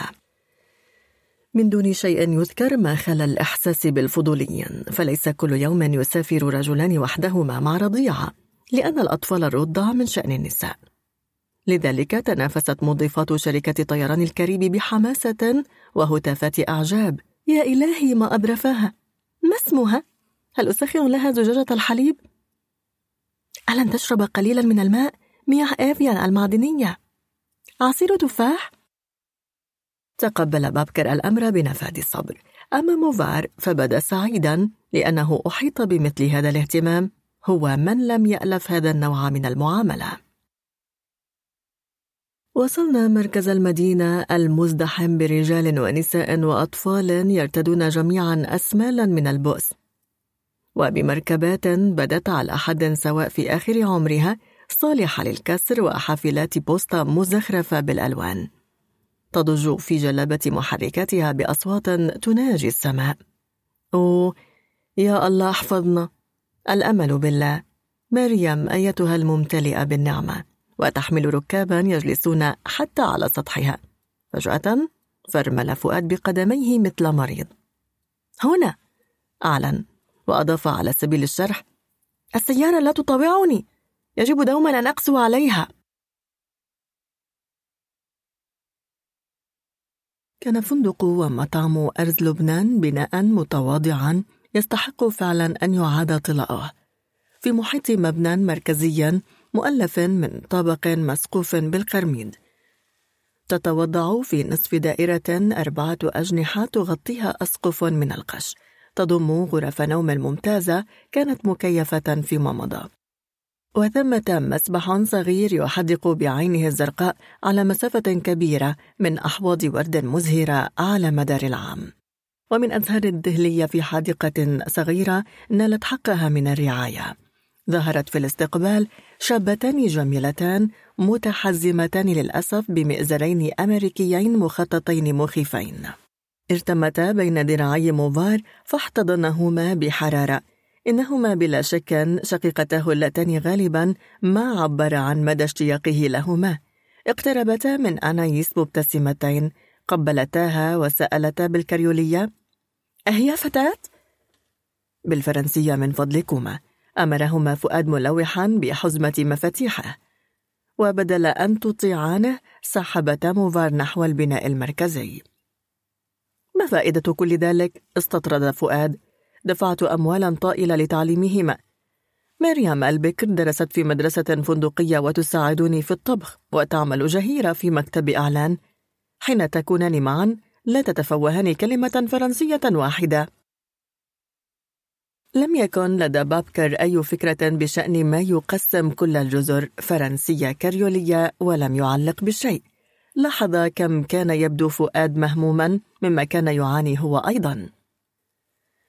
أدخله فؤاد إلى غرفة في غاية النظافة ومريحة كفاية مع أن أثاثها بسيط وعلى الرغم من نوافذها المفتوحة على مصراعيها خيم عليها حر خانق. حر لم يشهد بابكر مثله من قبل مع أنه ولد في رمال تيغايري على تخم الساحل. شرح له فؤاد الذي كان يراقبه بهيئة يتصاعد قلقها. لا نحصل على كهرباء إلا ثلاثة أيام في الأسبوع. هذا مزعج للصغيرة. في تلك اللحظة استفاقت أنايس التي نامت من المطار كأن الحرارة ضايقتها هل تحتاج إلى مساعدة؟ اقترح فؤاد. أشار بابكر نفيا برأسه وأخرج كيس مسحوق الحليب ووعاء حافظا للحرارة. وأعد بمهارة زجاجة رضاعة الشيء الوحيد الذي لا يستطيع أي رجل القيام به هو الإرضاع. وبينما هو ينهي تغيير حفاض أنايس دخل موفار واقترح الذهاب للقيام بجولة في شارع ترافاي. شارع ترافاي؟ كان بابكر قد نسي فهناك يفترض أن شقيقة رينيت ومربيتها تسكنان وها هو بعد أن وصل إلى نهاية رحلته. لم يعد يرغب بلقاء هذه العائلة. هل كان يفكر فعلا أن يرد لها أنايس بؤبؤ عينيه؟ مشروع عبثي. ناداهما فؤاد من قسم الاستقبال. ليس من الآمن أن تسيرا في الشوارع. أكد بابكر أنه اعتاد على هذا ومر بأوقات عصيبة مشابهة. تبع موفار الذي راح يوسع خطاه وأنايس على كتفه. لم يتمالك نفسه عن ملاحظة مقدار ما طرأ على هذا الرجل من تغير منذ عودته إلى مسقط رأسه وتحديدا منذ خروجهم من المطار. لقد تحول وصار يمشي بقامة أكثر انتصابا ويبدو أقل هزالا وأكثر ثقة وتلاشت هيئته الخائفة. أخذ النهار يأفل الآن ورحت خيوط طويلة مائلة للأحمر تثلم السماء وهي تتوكأ على خليجها تتمتع بورت أوبرنس بصورة خلابة. يمكننا أن نتخيلها قبل أعوام في عصر تألقها وكأننا أمام امرأة في الثمانين أنهكتها الأمراض. ونفلح في تصور ما كانت عليه أثناء شبابها. منذ ذلك الحين نهر من الدماء دماء الأبرياء دماء المجرمين دماء الضحايا ودماء الجلادين. ناهيكم عن دم أبرياء أصبحوا مجرمين وضحايا أصبحوا جلادين. خضب الإسفلت بالأحمر. وعلى مفارق الطرق كثير من نيران الفرح أوقدت للاحتفال بالانتصارات المتناقضة ورفيق جنرال الشمس لم يعد يفهم شيئا لفرط ما أدار من تلك الفوضى. في الماضي كان شارع ترافاي جزءا من الأحياء الجميلة كما تشهد على هذا منازل الزنجبيل الكثيرة المهجورة حاليا وقد سدت أبوابها ونوافذها بألواح خشبية أو صفائح معدنية.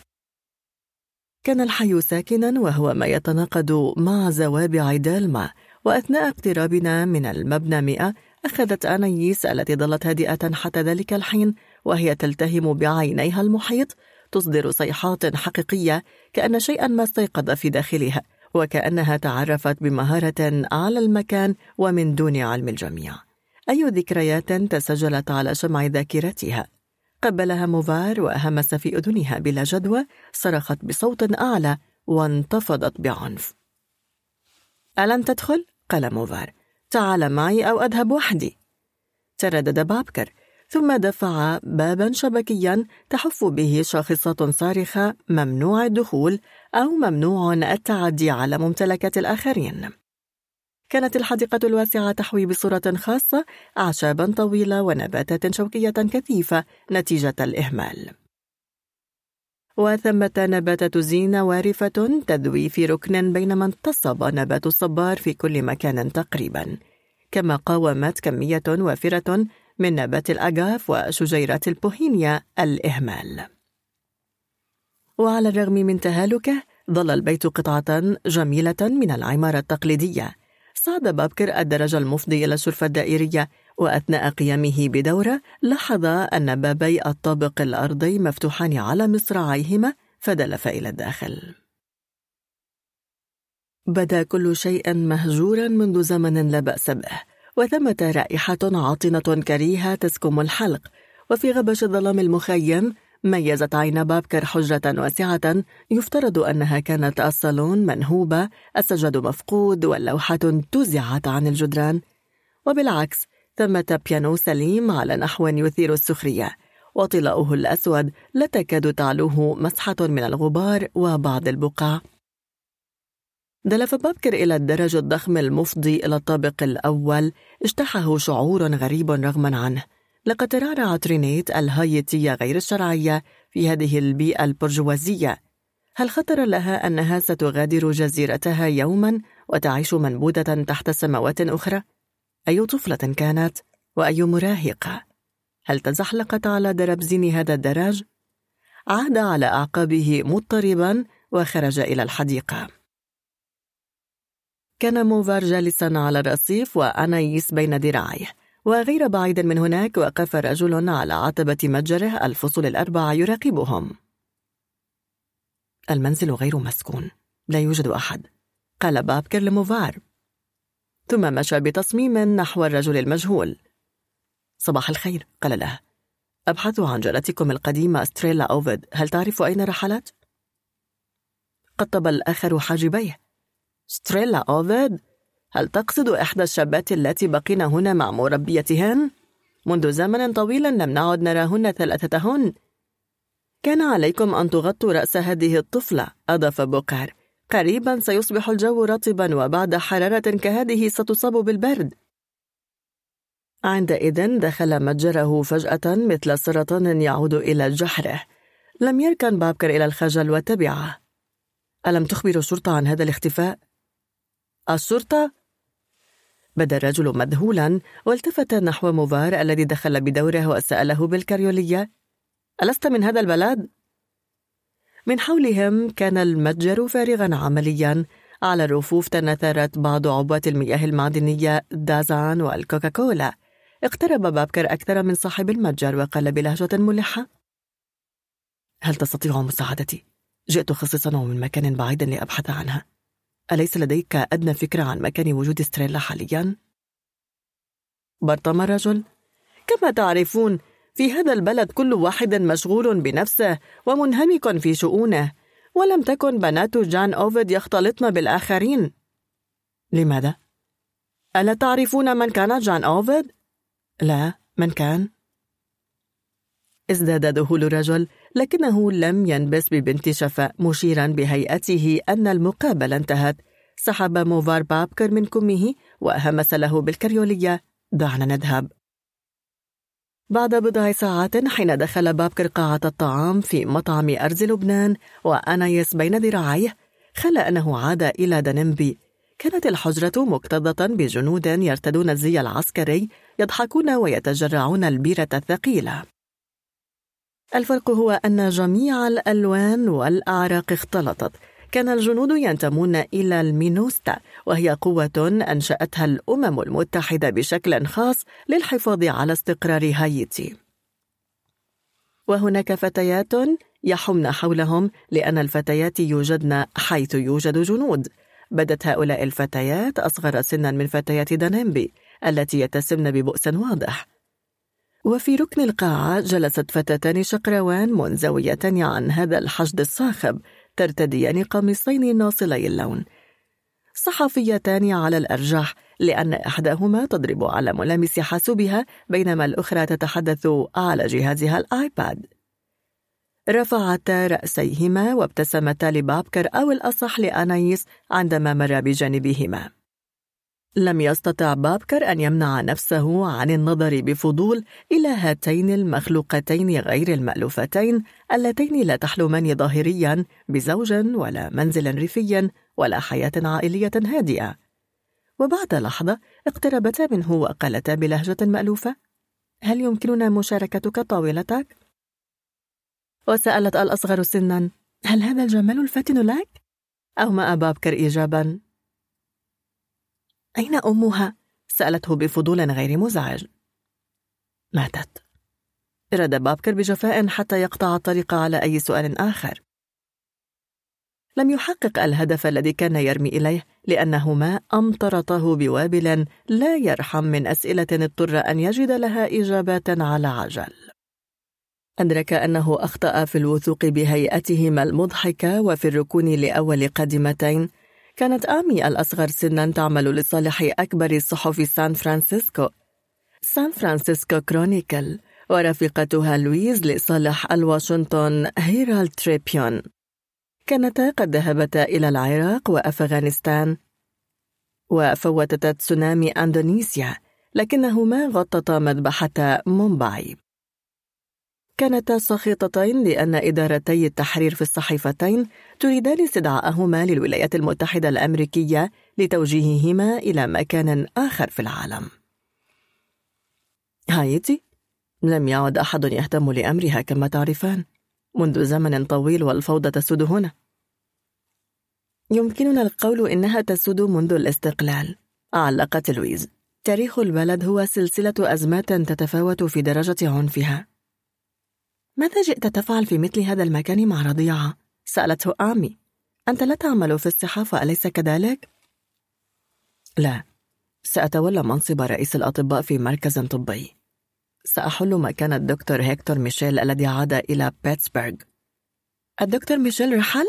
هتفت المرأتان بذات الصوت المتأسف هل تعرفانه؟ سألهما بابكر جميع الناس يعرفونه إنه واحد من أشد المنتقدين حدة لما يجري هنا. في السنوات الأخيرة رحنا نتوقع كل يوم أن يخبرونا بالعثور على جثة على شاطئ مهجور. رحل أيضا. لن يبقى أحد ليقول رأيه بالسلطة تذمرت آمي.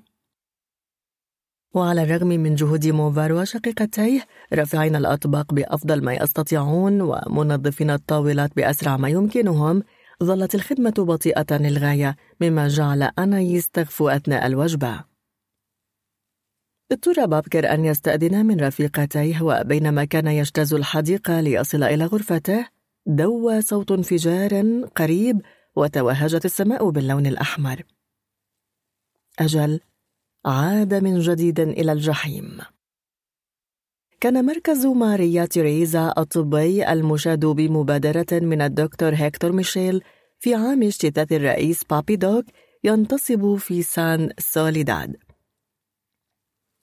ذاع صيت تلك البلدة المكتظة الواقعة على بعد نحو 60 كيلومترا شمال بورت أبرنس حين أقامت فيها مجموعة رسامين ساذجين. وعند تشتت هذه المجموعة عادت البلدة إلى المعاناة والفقر. كان المركز الطبي ذاته بناء غير متقن ورحنا نتساءل ماذا خطر ببال المهندس الموجز من جامعة كالتك والقادم خصيصا من لوس أنجلوس وأي عمل أخرق أراد تنفيذه تصوروا ثلاثة حصون صغيرة ضخمة بارتفاعات غير متساوية متصلة جميعها أحدها بالآخر بممرات خرسانية. ومزينة بكوا على شكل مثلثات. كان المبنى الأكثر ارتفاعا مؤلفا من ثلاثة طوابق ويضم شقق الدكتور ميشيل وزميليه سويدي ونمساوي. ولأسباب أمنية ترك هذان الطبيبان الأجنبيان عائلتيهما الشقراوين في بلادهم لكنهما عاشا مع نساء من هايتي. وكان المبنى بي مؤلفا من طابقين ويضم العيادات وغرف الولادة. ومفخرة المركز القاعة التي يوجد فيها أربع حاضنات اصطناعية يحميها مولد متعثر من انقطاع التيار الكهربائي المستمر. أما المبنى سي فيتألف من طابق واحد ويضم صالة الألعاب وقاعة الطعام ومهجع الحراس وتنتصب بعض أشجار المانجو في منتزه محروم من العناية.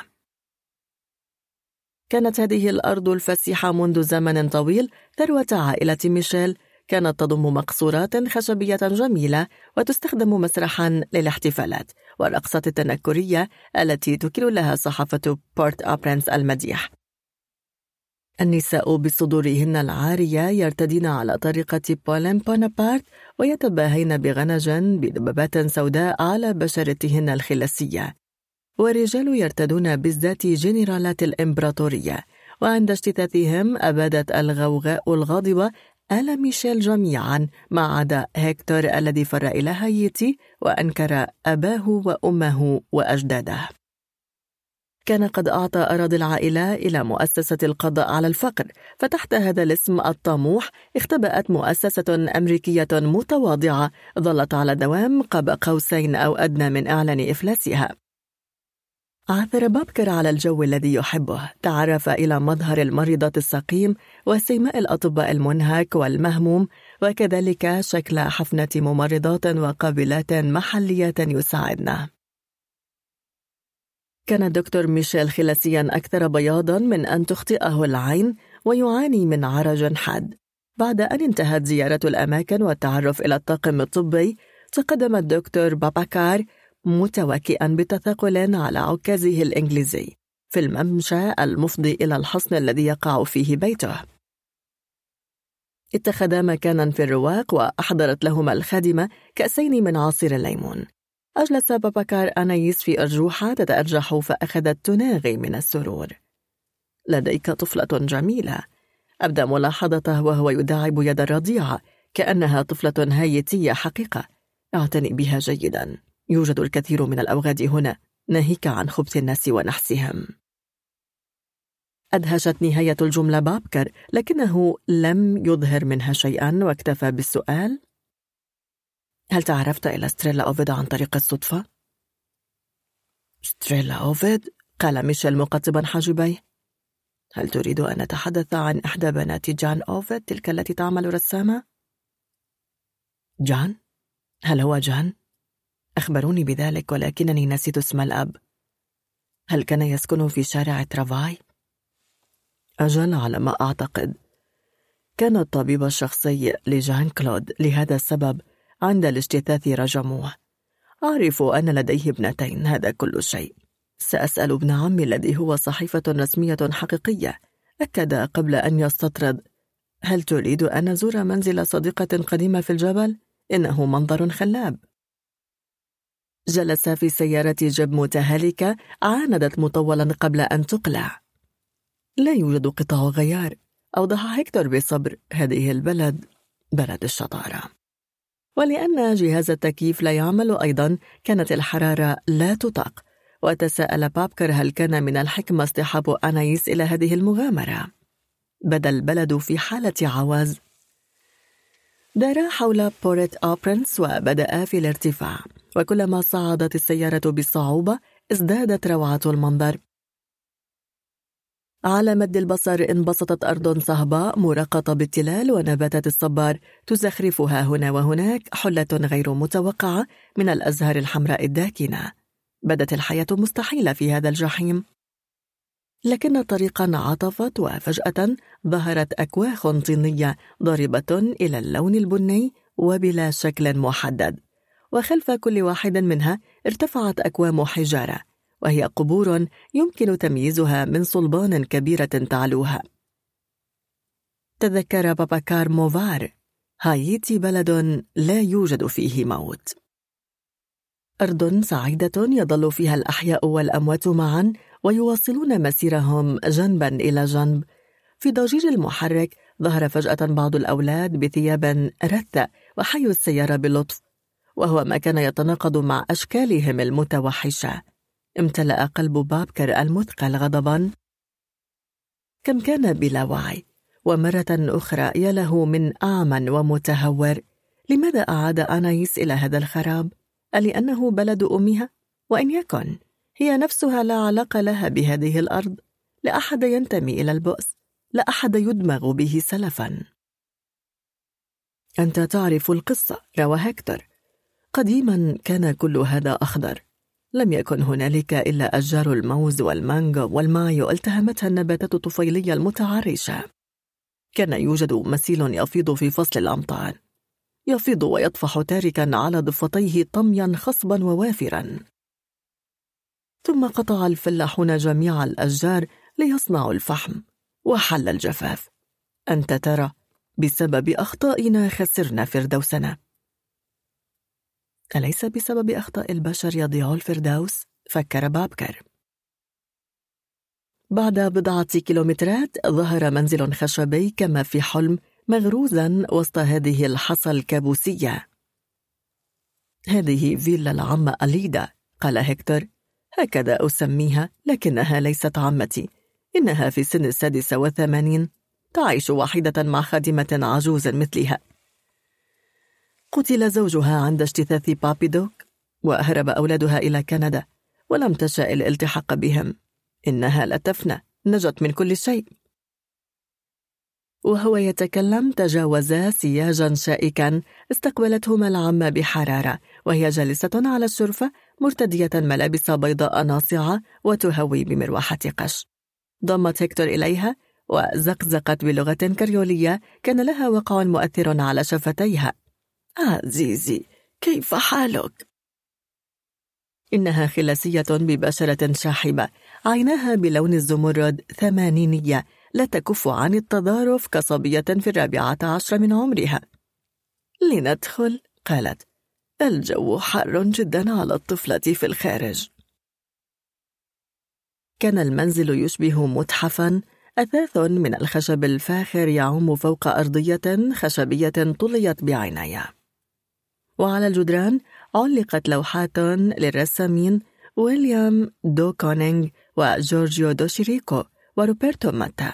وتتصدر لوحة لبول جوغان شرفة مغلقة. خرجت من قلب المطبخ خادمة ثمانينية بشرتها سوداء بقدر بياض سيدتها وجبهتها معصوبة بمنديل أحمر.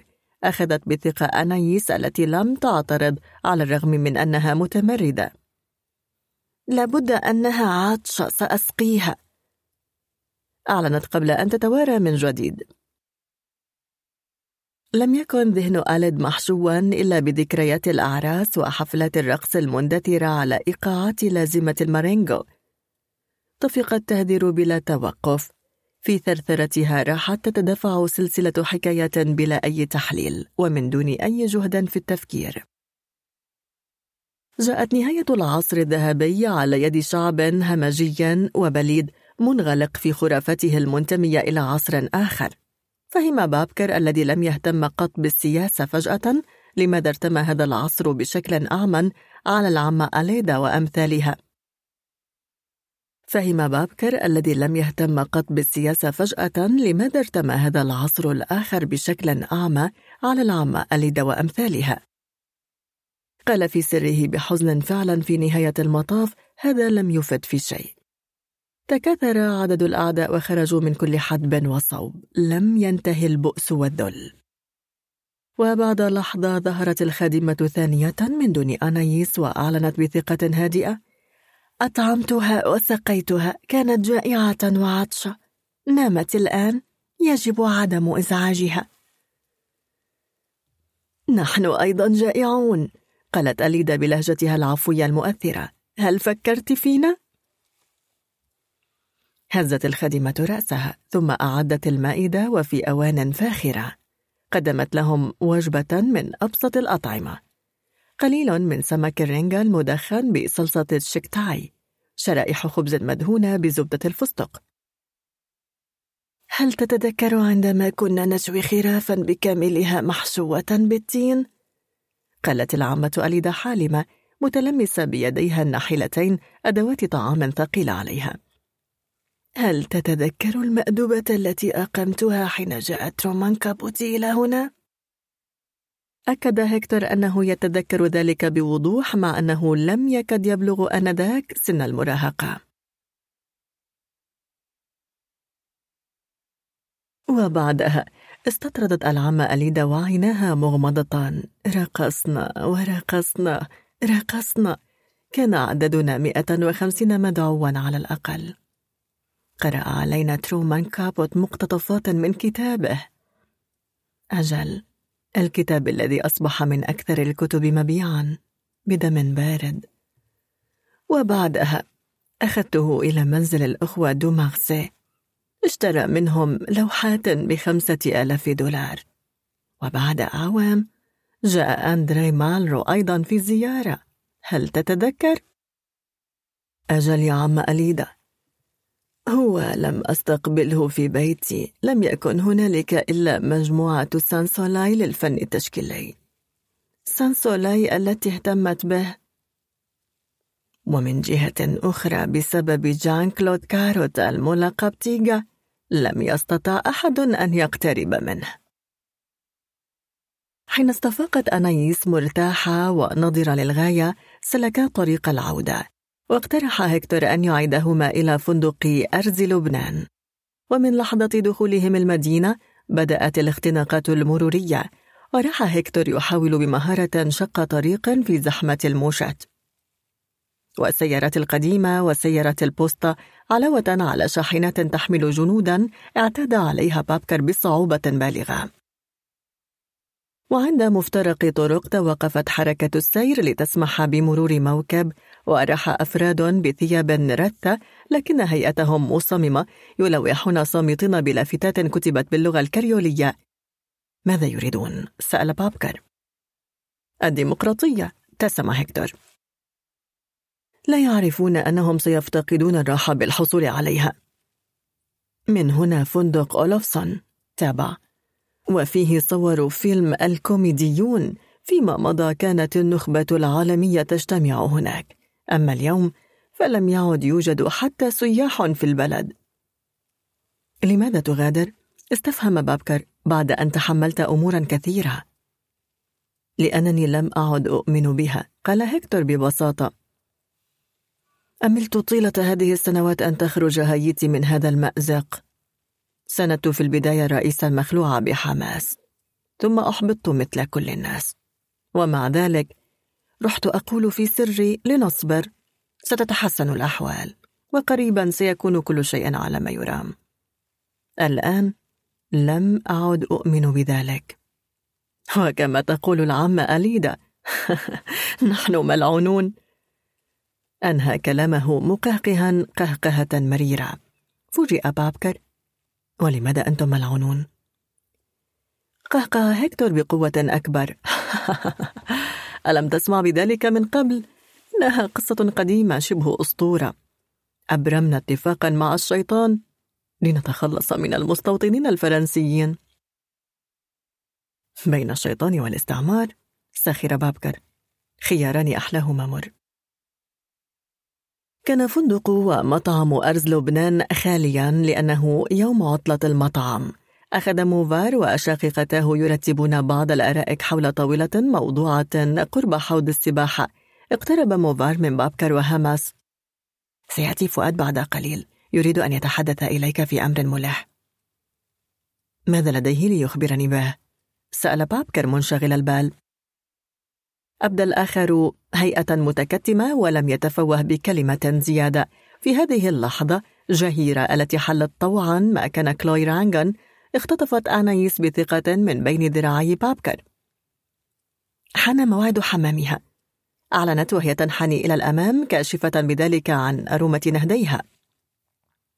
دهش بابكر من الاضطراب الذي أثرته هذه اللقطة فيه. كان جسده يتلاعب به.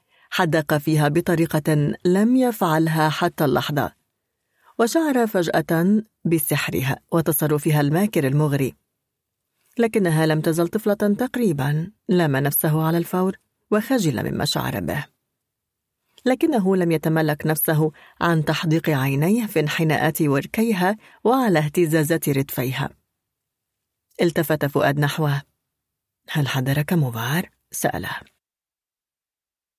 أجابه بابكر إيجابا بإيماءة من رأسه وسأل في الوقت ذاته للاستضاح أكثر. ما الأهم لتخبرني به؟ قال باندهاش. أبدى فؤاد هيئة في غاية الجدية. أريد أن أروي لك قصتي. إنها حكاية طويلة وحسب ما أخبرني موفار هي حكايتك ذاتها أو تشبهها. في البداية تبدأ حياتينا بطريقة مختلفة. في بلدين مختلفين جدا. وبعد ذلك تتقاربان حتى تتشابهان وتمتزجان فعليا. هذا لأن العالم أصبح ما هو عليه مجنونا بلا تخوم ولا حدود. لذلك أرجوك تحلى بالصبر واسمعني حتى النهاية وسأبذل جهدي لأوجز حكاية فؤاد. تبدأ قصة حياتي بكذبتين. أولا اسمي ليس فؤاد اسمي آرفو. أطلقت أمي علي اسم الطبيب الإسكندنافي الذي قام بتوليدها. أوشكت أن تموت وأنا أيضا. المولود قبل الأوان. قرر رجل العلم أن ينقذ حياتينا بحذاقته ونجح في ذلك. لم أحمل هذا الاسم قط. وأمي نفسها لم تنادني به قط. هل تتخيل مسلما يدعى عارفو؟ ثانيا أنا لست لبنانيا. إنني فلسطيني لكنها هوية تثير الخوف. ذاك اللفظ يخفي الكثير من الآلام وسلب الحقوق والذل. على المرء أن يكون جان جيني حتى يحبنا وما عدا ذلك تخلى العالم عنا.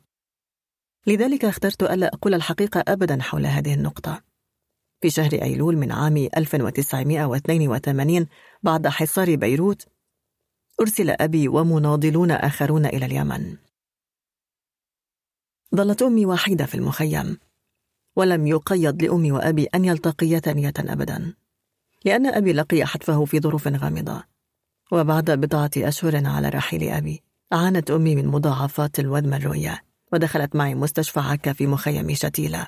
رب ضارة نافعة لأنني أتساءل كيف كان سيسعنا تحمل هول المجزرة التي تلت دخولنا المشفى. وما عدا شقيقها الأصغر زهران الذي نجا بأعجوبة مات جميع أقاربها. وكل معارفها فيها. كانت شجاعة ومناضلة على طريقتها وحتى تكسب قوت يومها. جمعت نساء من دون رجال ومن دون معيل مثلها وشكلت جمعية ورشة تطريز. ومن الصباح حتى اللحظة التي لا يعود يسعها فيها الاستفادة من ضوء النهار كانت تغرز إبرتها في النسيج وترسم تخريمات متصالبة بخيوط حريرية في صدر الأثواب. وقد أمن هذا العمل المنهك بطريقة أو بأخرى وجبة يومية لنا نحن الثلاثة. كنت في سن الثامنة تقريبا وزهرا في العاشرة حين تزوجت مرة ثانية خبازا لبنانيا. لا أدري كيف أغوت. لأن اللبنانيين المسلمين والمسيحيين على حد سواء يكرهوننا. يعتقدون أننا نتحمل قسطا كبيرا من المسؤولية عن المصائب التي حاقت ببلدهم. لم يكن الرجل الذي تزوج أمي خبازا عاديا بل كان ملك الطحين أي فاحش ثراء كان يبيع جميع أنواع الخبز والفطائر والجاتو. ابتكر نوعا من الحلوى سماه القارب لأن شكله مثل الزورق. محشو بالتمر وعجينة اللوز. وفي أوج القصف والقنص المنتشر في كل مكان كان يقود شاحنته الصغيرة ويذهب للتوزيع في جميع أنحاء المدينة. انتقد مجتمعنا بحدة أمي على هذه العلاقة ورأى فيها خيانة وفقدت أصدقائها وبسبب هذا الزواج هجرنا دفء الأخوية وأيضا اكتظاظ السكان والاختلاط في مخيم شتيلة. الحمامات المشتركة والمراحيض المشتركة وغرف الطعام المشتركة. لنرتاح في شقة فسيحة ومشمسة في مبنى يطل على البحر. هذه هي السعادة الوحيدة بالنسبة لي ولزهران. جراء تغير الوضع بسبب زواج أمي. نحن من نمنا على الدوام في خيمة صارت لدينا غرفة خاصة بنا. نفر الخباز زوج أمي الجديد منا ولا سيما من زهران. حسبه أن تقع عينه علينا ليحمر مثل الطماطم غضبا ويكيل لنا الشتائم. اخفضا نظركما اخفضا نظركما أقول لكما عندما أكلمكما كان يصرخ. لستما إلا حقيرين متسكعين. كان ينقض علينا أحيانا بلا سبب فيوسعنا ضربا حتى نسقط أرضا فاقدي الوعي. كانت أمي ترى ذلك من دون أن تعترض على هذه الأعمال الجنونية. ماذا كان عسنا أن نفعل غير أن نتوارى وننضم إلى مئات الصبية الذين يعيشون على أرصفة بيروت؟ لن يتخيل أحد أبدا كم كان الشارع أموميا وحنونا حتى في مدينة تعيش حالة طلق مثل مدينتنا. وحدهم المشردون والمنبوذون من عائلاتهم يعرفون ذلك. فالمدينة تشبه امرأة تسلم أثمن ما لديها إلى من تحبهم. بالنسبة لنا لا وجود لبيروت الشرقية بموارنتها ولا لبيروت الغربية بمسلميها اللتان تتصارعان على الدوام. كانت المدينة تقدم لنا في النهار متنزهاتها وحدائقها وملاعبها وأراضيها الشاغرة. وفي الليل تهبنا بهو المداخل الرئيسية لأبنيتها وآلاف المخابئ. وكنا ننام أحيانا على الشاطئ متوسدين الرمل الدافئ. في تلك الأثناء كان وابل من القنابل يتساقط فوق تلك المدينة الذبيحة وهي تخوض بالتناوب حربا ضد نفسها أو ضد آخرين. وفي أغلب الأحيان كان الانتقال من حي لآخر محظورا. فالحراس ومراكز الشرطة المزدحمة برجال مسلحين ينتشرون على مفارق الطرق. في بعض الأماكن لم تكن المدينة إلا خرابا. أما نحن فلم نكن نعرف الخوف. كنا نتوه بين الأنقاض ونتطارد تحت سمع وبصر الحراس ونخترع كل أنواع اللعب. كانت بعض القطاعات تنهار أو تحترق وكانت رائحة غبار فظيعة تتصاعد من أكوام الحجارة المحترقة. كان عمري أربعة عشر عاما حين انفصل زهران عن هذه الذلة وبدأ يعيش حياته على طريقته. لم أفهم جيدا معنى نشاطته الجديدة حتى جاء يوم حاول فيه تجنيدي. دعاني لأكون مثله جزءا من منظمة تدعى الذراع المسلح للثورة. كان هدفها تحرير الأراضي الفلسطينية المحتلة. لا يمكننا أن نستمر في العيش مثلما نعيش قال لي بحماسة. لم يكن كل ذلك يعني لي شيئا علمت أن الذراع المسلحة للثورة مصنف بين المنظمات الإرهابية لكنني واجهت صعوبة بالغة في تحديد معنى محدد لهذه الكلمة التي يستعملها جميع الناس ماذا يعني إرهابي فعلا؟ وذات مساء جاء زهران للقائي وهو غاضب يجب أن تساعدني على الاختباء لبضعة أيام قال لي بحدة تتخفى؟ كيف ذلك؟ أجبته أنت تعرف حق المعرفة أنني أعيش في الشارع. أجل لكنك أنت وثلتك تعرفون أماكن لا تأتي الشرطة للبحث فيها إطلاقا.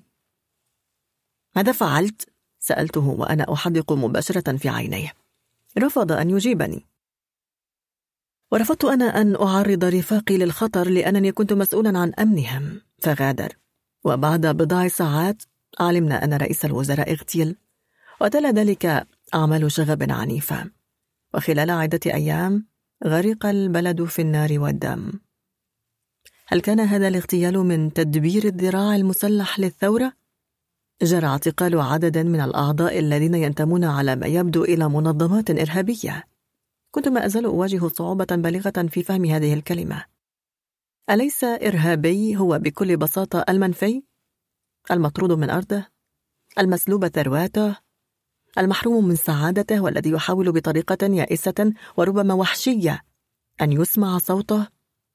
أليس الأجدر بي أن أكون في عداد هؤلاء؟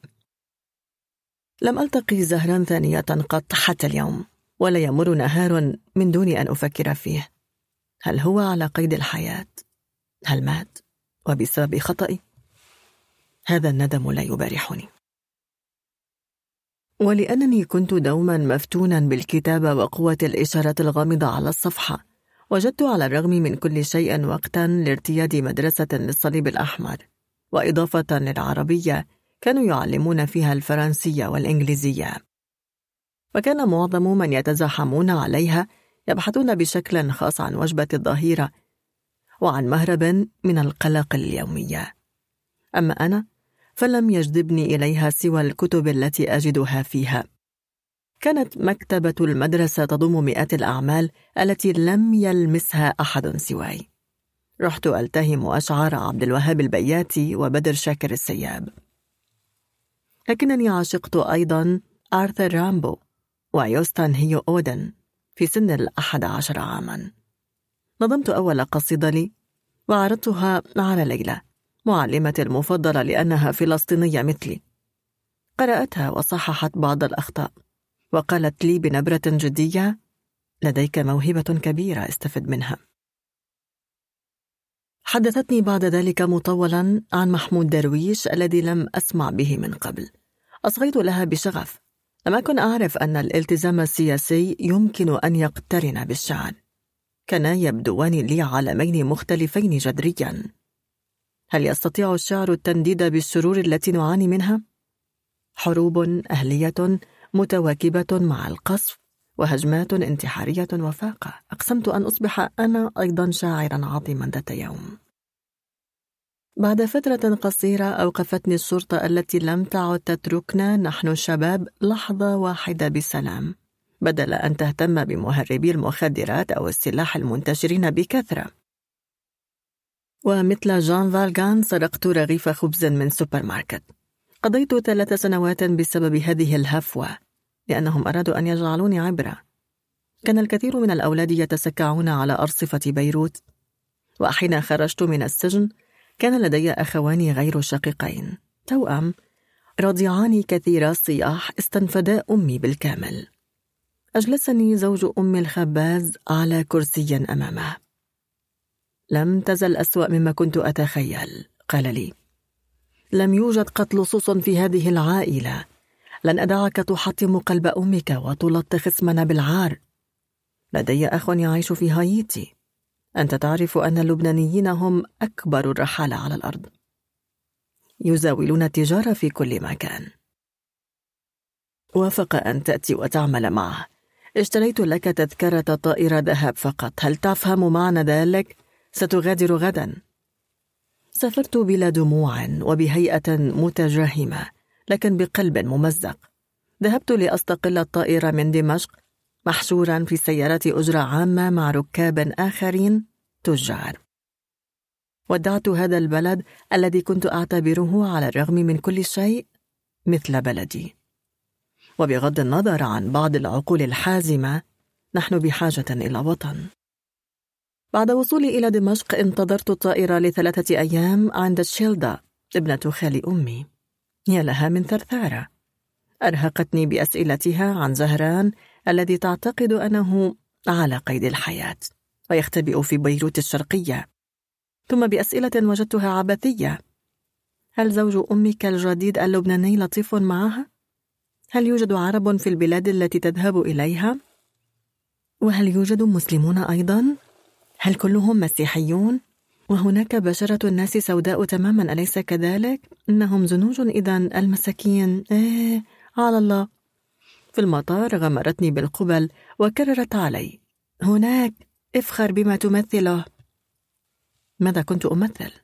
لم أفهم ما يعنيه ذلك لكنني أحببت قبولتها أنا من تلقيت القليل جدا منها في حياتي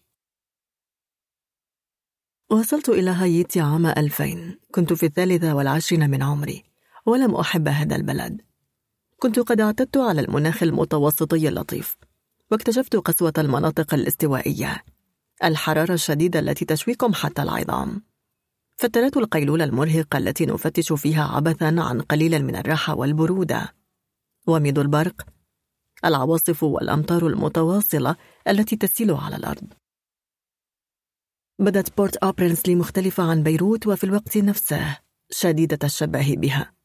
آه ذات يوم سأكتب قصيدة هاتين المدينتين المعذبتين وأنشرها في أرجاء العالم. وعلى دهشة مني بلبلتني بشرة النساء والرجال الداكنة وجذبتني ورحت ألاحق الصبيان والفتيات في الشوارع لكنني لم أتجرأ قط على الاقتراب منهم على الرغم من رغبتي بذلك. يا له من لون جميل اللون الأسود نقيض أحلامنا الحالكة. في ذاك العام أعيد الرئيس المحبوب من الجميع إلى السلطة بفضل الأمريكيين. بدأ أنه تغير تماما. ومن كانوا يلقبونه صوت من لا صوت لهم؟ أصبح شيطانا إلى حد تهريب المخدرات. لم يعد يهتم إلا بتضخيم ثروته الشخصية بكافة السبل. واضعا نصب عينيه أيضا ثروة الدكتاتور الذي سبقه فعمت الفوضى واستشرى الفساد أكثر. ومن حسن الحظ كان عزوز الشقيق البكر لزوج أمي الخباز وفنان الطحين يملك قلبا من ذهب. عاملني مثل ابن لم يرزق به على الرغم من زيجاته الثلاث.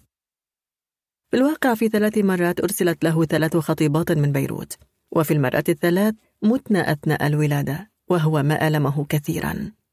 كان ينتمي إلى جيل من اللبنانيين غادروا البلاد حاملين صورة على أكتافهم وجمعوا ثروات معتبرة فيما بعد.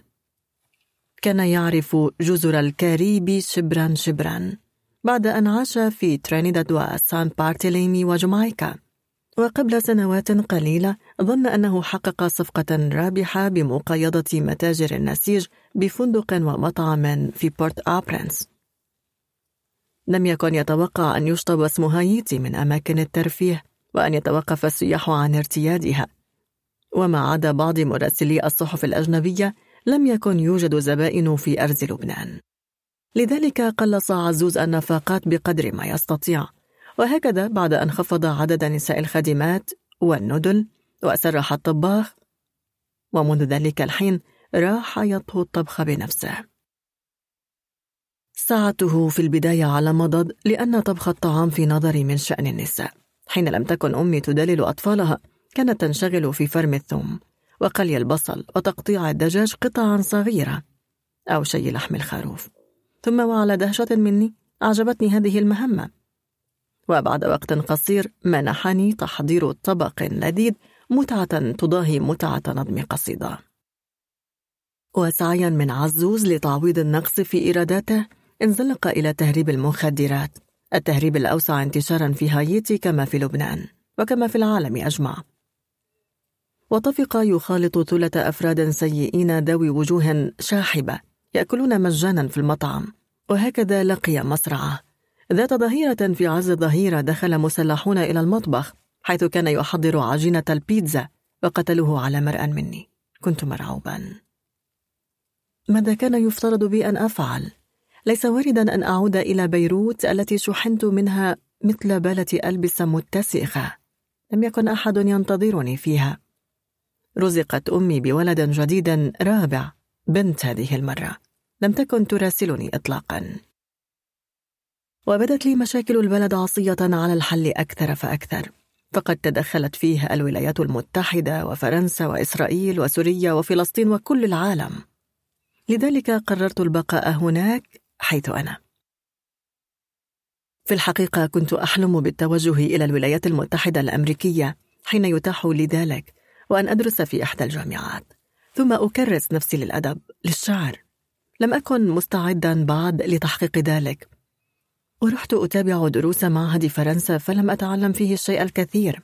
كان الاهتمام ينصب فيه على اللغة الفرنسية التجارية بيزنس فرنش بعد مقتل عزوز انعزلت في بيتي. لعل القتل لم ينهوا مهمتهم ثم قررت أن أحمي نفسي. أنا من خفت الأسلحة منذ صغري وكرهتها. اشتريت بندقية ذات سبطان قصيرة ومسدسا وذهبت لأخذ دروسا في الرماية عند ألماني يمتلك مؤسسة على طريق غونايف حدثني بحنين عن ألمانيا القديمة وهتلر. إنه ابن أحد الضباط النازيين السابقين ولديه هوس بأبيه المتوفى. ولأنني عربي ظن أنني أقاسمه حقده على اليهود بينما أنا قلما اهتممت بأمر اليهود. بالتأكيد حدثت مجازر صبر وشتيل الفظيعة التي سمعت أمي ترويها مرارا وتكرارا. لكنني بالتحديد لفرط ما سمعتها فقدت هذه القصة المريعة بأكوام جثثها المقطعة حقيقتها. أتصور أنني لو بقيت في بيروت لتعلمت الخوف من اليهود والإسرائيليين. على المرء أن يكون داخل جماعة حتى يشاركها هويتها. وأنا أعيش في بورت أوبرنس. لم أكن سوى هايتيا نكرة. ولأن الأيام مرت من دون أن تقع أي كارثة استأنفت حياتي العادية في النهاية. آنذاك أرسل لي زوج أم الخباز رسالة من زهران. بضع كلمات مكتوبة على عجل أبكتني دموعا حارة. أخبرني أنه غادر بيروت إلى الأبد. من دون أن يخبرني أين ذهب. لقد أصبح من الآن فصاعدا جزءا من جيش التحرير. خمنت أنه سينصرف إلى أعمال رهيبة وخطيرة.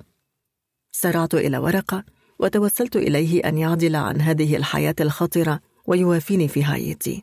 فنحن الاثنان سنهتم بفندق ومطعم أرز لبنان. تعاقبت الأسابيع ولم أتلقى جوابا قط. لم يكن لدي إلا تسلية واحدة. اعتدت كل يوم اثنين أن أرافق عمي إلى ماخور لأنه لم يرغب أن ينجب أبناء ملونين وفضل العاهرات.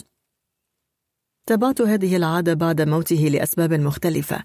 أهمها مواجهة الشعور بالعزلة والهجر. كان المأخور يدعى جنة عدن وهو اسم غريب في رأيي. كان يعشعش على مرتفعات بيتشونفيل وهو حي سكني بارد وظليل كانت ترتاده الطبقة البرجوازية فيما مضى. كان يلوذ ببيت الزنجبيل وتملكه بريجيتا بوخ وهي امرأة هايتية ألمانية. كانت عاشقة سابقة للرئيس المغدور ومغنية أصابت شهرة واسعة بفضل ألحان مانون. كتبت أيضا بعض الروايات وترجمت إحداها إلى الإسبانية تحت عنوان بالوفنتو مهب الريح لا أدري كيف انتهى بي الحال إلى مساررتها بطموحاتي الأدبية الخاصة. المهم حدثتني بإسهاب عما يفصح عنه هدفنا المشترك الأدب. هي من عرفتني إلى شعراء الكاريبي. كنت أجهل أن المنطقة على هذا القدر من الغنى جميع اللغات وجميع الألوان حاضرة. سان جون بيرس كامو براثويت ديريك والكوت. نيكولاس جيان. إيمي سيزير أجل. كان الشعر سلاحا خارقا من شأنه أن يخلق وحدة العالم. كنت واثقا أنني في مستقبل الأيام سأضاهي هذه الشخصيات اللامعة. كانت جنة عدن مكانا استثنائيا. أثاث خشبي فاخر مستورد من قصور كوبا. ومن يرتدونه اختيروهم أيضا بعناية. وزراء سابقون أو حاليون سفراء أجانب ومستشار الدولة. وقيل إن الرئيس الحالي المؤقت قصده مرارا خفية. أما بالنسبة للنزلاء فإن السيدة بوخ صبت جل انتباهها على أنسابهم. اقتصر الأمر على شابات من عائلات كبيرة مفلسة أو متحدرات من معارضين سياسيين أعدمهم أتباع هذا الدكتاتور أو ذاك. ذات مساء كنت على وشك أن أطلب إحدى المفضلات عندي كاتي أو سيليا حين سحبتني السيدة بوخ إلى صالونها الخاص ذي الجدران المغطاة بلوحات بريفيت دوفو لكن ليس لنتناقش في الشعر كما هي العادة. لدي صغيرة آية في الجمال أقدمها لك قالت بلهجة غامضة. كوكا من سانتو دومينغو. استطردت بحماسة. لا أحب سكان سانتو دومينغو لأنهم عنصريون. ويظنون أنفسهم أسمى من الجميع. أما هذه أكرر لك فهي تحفة صغيرة. كانت عائلتها قد أنشأت جمعية تزعم أنها إنسانية لكنها في الواقع تنغمس في تجارة المخدرات. إزاء هيئة المرعوبة هزت كتفيها. يوجد جمعيات كثيرة على هذه الحال. جماعات منافسة اغتالت أفراد عائلتها في أثناء اجتماع في يوغان من أولهم حتى آخرهم. نجت من المذبحة لأنها كانت في السينما مع صديقتها وبما أنه لم يعد لها أحد في هايتي ولا في سانتو دومينغو خطر ببال أحد زبائن الذي يعرفها أن يجلبها لي. وافقت في النهاية أن ألقاها من باب التهذيب والفضول في آن معا. حتى ذلك الحين لم أكن قد أوليت قط النساء اهتماما خاصا وإن كنت لا أكره ممارسة الجنس. ممارسة أزاولها منذ سن الثالثة عشرة. حين يفكر المرء في هذا الأمر ويركز الكثير من الانتباه عليه فإنه يفترض أن المشاكل الوجودية حلت. لم تكن هذه حالتي أنا. أنا من كنت بلا عائلة ولا وطن وعمليا بلا تعليم. كانت كوكا حب الأول واكتشافا جنسيا في آن معا. لابد من أن جسدها تسري في عروقه جرعة كبيرة من الدم الأسود أو الهندي. لأنه من حسن حظي كانت بشرتها داكنة مثل بشرة الهايتيين. لذلك استطعت أن أحرر عليها رغباتي المكبوتة طيلة كل هذه الأشهر. لم أكن أعرف أن الحب هو هذه العبودية وهذا التعلق وهذه الحاجة الدائمة لكائن آخر. ما كنت أجهله بصورة خاصة هو أنه لا يوجد حب من دون غيره. وحين أفكر في الأمر كان الوضع شبه مضحك. كانت كوكا نزيلة مخور فتاة للجميع يا للهول ومع ذلك أحلم بامتلاكها وحدي. كان التفكير بكل أولئك الذكور الشابقين الذين يتزاحمون للاستمتاع بسحرها يجعلني مجنونا. نفرت على وجه الخصوص من رودي تاليماك زعيم الميليشيات الشخصية للرئيس. كان رجلا قصيرا متملقا ذا لغة منمقة يغلب التهذيب فيها على الصدق. وتعامله السيدة بوخ على أنه شخصية مهمة. كنت أغتاظ لأنه حين يكون موجودا تصبح كوكا محظورة على الجميع. أخبرتني السيدة بوخ أنه كان يعرف أبويها وأنه بعد اغتيالهما تكفل بها. ورحت أحلم بتعذيبه وإخصائه وقتله. أنا من كنت أكره العنف لفرط ما كبت منه. ذات يوم حاولت بشجاعة إقناع كوكا أن تترك المخور. أين تريدني أن أذهب؟ سألت بتبرم. لم يعد لي أهل ولا أعرف أحدا هنا ولا في بلدي ولا أملك قرشا واحدا. إنك تتفوه دوما بالحماقات. اختتمت بجفاف. سأفهم من الطريقة التي أجبتني فيها كوكا أنها لا تشاطرني مشاعر الشغف التي أكنها لها. لم أكن في نظرها إلا زبونا مثل الآخرين. تابعت محاصرتها بإصرار. يمكنك أن تأتي إلى منزلي. اقترحت عليها في يوم آخر. ولأنها لم تستحسن هذه الفكرة شرحت لها أنني صاحب فندق ورثته عن عمي عزوز مع حساب مصرفي تضاءل للغاية لكنه لم يزل محترما. إن جئت إلى منزلي أكدت لها فلن ينقصك شيء. ستفعلين ما تشائين ستكونين ملكة. سنغادر هايتي معا. وعدتها معا؟ لماذا؟ سألت بلا دماثة. احتقن الدم في وجنتي وفقدت صوابي ألا تشعرين أنني أحبك؟ وأنني موله بك؟ وأريد أن أتزوجك؟ تلعثمت هذا منى أحلامي ماذا؟ قالت بحدة لن أتزوج عربيا أبدا لماذا؟ ماذا فعل لك العرب؟ بعد أن غرقت في هايتي لم تعد الأحكام المسبقة الموجودة عبر العالم تخطر ببالي إنهم إرهابيون اهتاجت انظر ماذا فعلوا في نيويورك. انظر ماذا يفعلون في العراق وإيران وباكستان وفي كل مكان. كان بمقدوري أن أناقشها. أيهما أفضل؟ إرهابي يتصرف بدافع فكرة مثالية. أم تاجر مخدرات يزرع الموت من أجل منفعته الشخصية؟ لكنني تأثرت تأثرا بالغا من هذه المحادثة. هربت من دون أن أطلب بقية حسابي. ولاحقا أعدت الكر بالتأكيد. ناهيك عن المساومات الصبورة والنقاشات المتواصلة التي شغلتني الأسابيع التالية. أخيرا استطعت تنفيذ مشروعي. عصر ذات يوم غادرت كوكا جنة عدن بحجة كاذبة لأن نازلاتي لم يكن حرات في الذهاب والإياب على هواهن. ترتب علينا أن نزوغ من رقبة رجلين مفتولي العضلات يضعان نظارات سوداء ولهما هيئة البعبع. تونت ماكوت يحرسان المدخل باستمرار. وفتني إلى شاندو مارس وحين وصلت إلى أرز لبنان عبست. لم يكن بوسعه أن ينافس السخاء الأرستقراطي لجنة عدن لأنه يقع وسط دلماس في شارع رئيسي صاخب. زد على ذلك لا توجد كهرباء منذ يومين والجو حار حرارة خانقة. لكنني لم أيأس من النجاح في إغواء كوكا فأنا مفعم بحب مكنون. أليس الحب ماضيا مثل حمى؟ وحسرته. من يسعه أن يتكهن بما سيحدث غدا؟ لا سيما في بلادنا التي تعيش اضطرابات دائمة. آنذاك اتفق الفرنسيون والأمريكان الذين كان التوتر سائدا بينهما عموما على إجبار الرئيس الذي حاموه وأعادوا تنصيبه أن يحزم حقائبه وهذه المرة من دون أمل بالعودة. وسحبوا من قبعتهم رئيسا مؤقتا عليه التحضير لانتخابات ديمقراطية جديدة. إن هذه التنحية مهما بلغت فضضتها ما كان لها أن تكون أهم من كثير المغامرات السياسية الأخرى. اجتثاث انقلابات استقالات قصرية لو لم تتبعها سلسلة حقيقية من أعمال العنف الشعبية. وبغض النظر عن الخطأ أو الصواب كان كثير من الناس يحبون الرئيس المخلوع فتمردوا على التدخل الأجنبي. وبين عشية وضحاها صار من الخطير جدا أن يخرج المرء من بيته. فقد تمركزت عصابات مسلحة على مفارق الطرق وراحت تطلق النار عشوائيا على المارة وسادت درجة الخطف.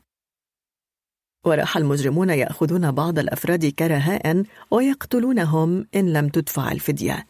لم يعد بإمكان أحد إحصاء عدد الأشخاص المقتولين الذين تظهر وجوههم في صفحات الوفيات في الصحف. وكأنني مسؤول عن هذا الوضع الرهيب لم تعد كوكا تفتح لي بابها. فرحت أدس لها رسائل مختصرة للاستفسار عن حاجتها لكنها لم ترد عليها قط. أحيانا حين تتكرم وتنزل إلى قاعة الطعام كنت أنشغل بها ولكنها لم تكن تنظر إلي. ولما كنت أسأل جهيرة ومريام الصغيرتين الهايتيتين اللتين تبنيتهما ووضعتهما في خدمتها عما تفعله طيلة النهار منزوية في غرفتها تجيبانني على الدوام إنها تبكي. لن يسعني أن أقول كم من الوقت دام هذا الوضع الجهنمي. كنت محطما حين قررت الأمم المتحدة إرسال قوة هدفها إعادة ما يشبه النظام إلى البلد. لذلك تلقيت رسالة مسجلة تغطيها الطوابع والأختام. أعلمني وزير الخارجية أن الغرف الخمس عشرة محجوزة لإسكان جنود هذه القوة. مينوستا وألحق بها قائمة أسماء الجنود الذين يجب أن يحضروا إلي. كان معظم أفراد هذه الوحدة هم رجال من أمريكا اللاتينية. أرجنتيون برازيليون كوستاريكيون بيروفيون. قفز قلبي في صدري فرحا. ليس فقط بسبب التفكير بالفائدة المادية التي سأجنيها وإنما أيضا لسبب مختلف تماما. انتهت عزلة كوكا. سيكون بوسع هؤلاء الجنود أن يكلموها بلغتها الأم الإسبانية. وأنا ألوح برسالة كراية النصر تسلقت الأدراج بأقصى سرعة وقرعت باب الغرفة. فتحت لي أخيرا.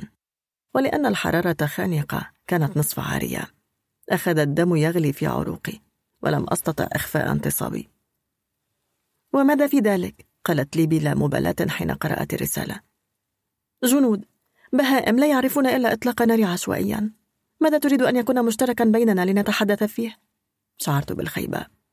مع ذلك حين وصل الجنود كانت موجودة في الأسفل في قاعة الطعام تتناول إفطارها. لكنني أراك تكبح ابتسامة. هذا لأنك تخمن تتمة القصة؟ لا تلمني لأنني كنت على هذا القدر من السذاجة. لم يسبق لي أن أحببت قط من قبل ولم أعاشر نساء. لم أكن أعرف إلا التي كن كائنات زاخرة بسطوة الخيانة والخداع. لم تمارس كوكا الجنس مع جميع الناطقين بالإسبانية فقط.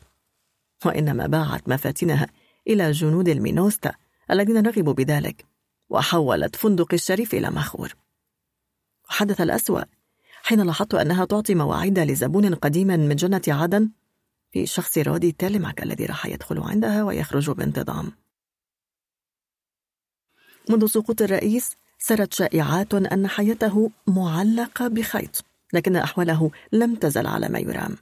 تحيط به ثلة حراس شخصيين يحملون بنادق لكلاشينكوف. لم أكن أجرؤ على انتقاده وحاولت أن أصبر على أذيته. وصببت إحباطي على الفندق والمطعم. لم أعد أطيق هذا المكان وسعيت إلى بيعه. للأسف لم يرغب أحد بشرائه. لكنني سأختصر حكاية معاناتي وإدلالي وذات صباح جاء خوان غارسيا أحد ضباط المينوستا لرؤية كوكا وجد غرفتها خالية أين عساها تكون؟ وبمساعدة جهيرة ومريم فتشنا البيت رأسا على عقب لكن لابد من مواجهة الحقيقة. كوكا ليست موجودة وازداد الغموض.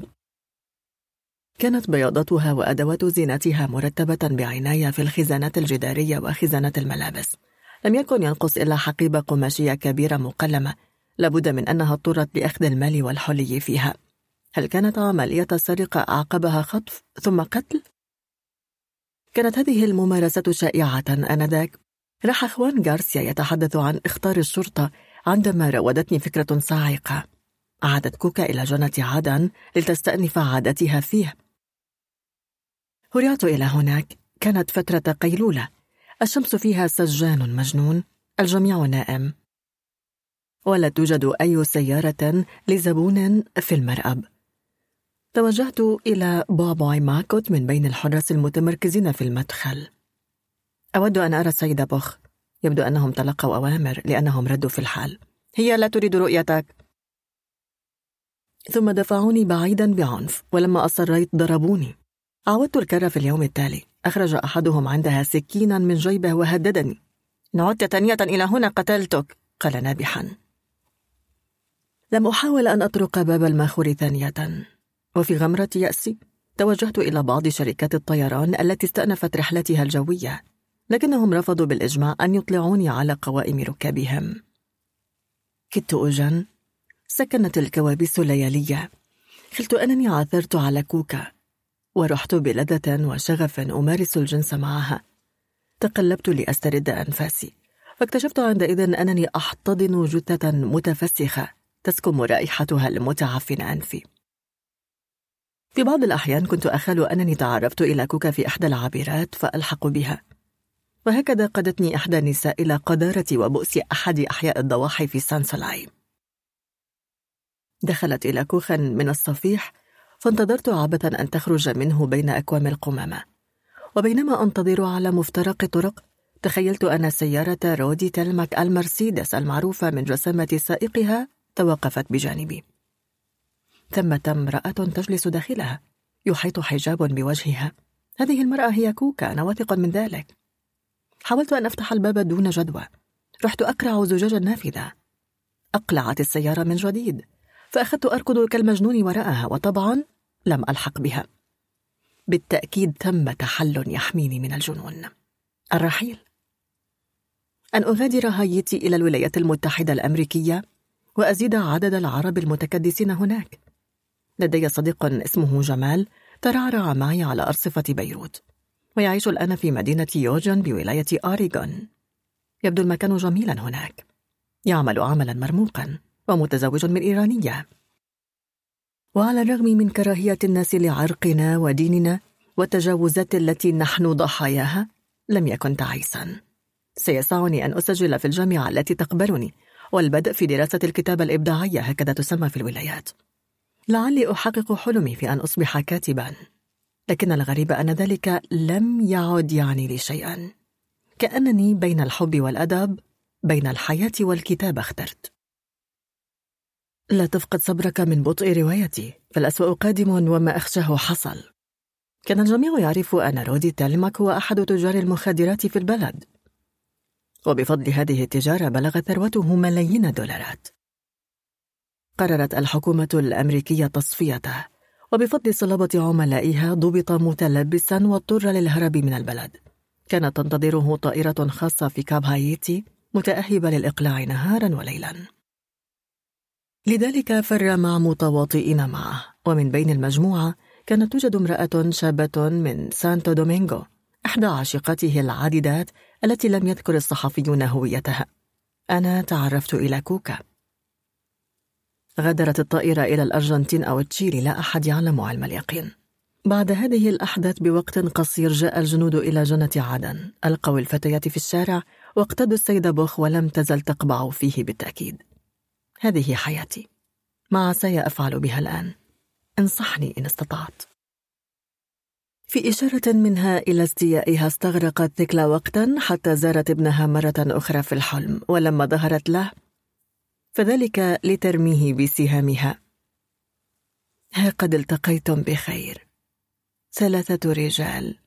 ويمكن القول ثلاثة أرامل يبكون حبهم بطريقة ذاتها. أنصحكم أن تعيشوا معا وتقيموا مستعمرة. ستبدو فعلا كزعيم روحيا لها. فضلا عن أنك أكبرهم سنا. مستعمرة.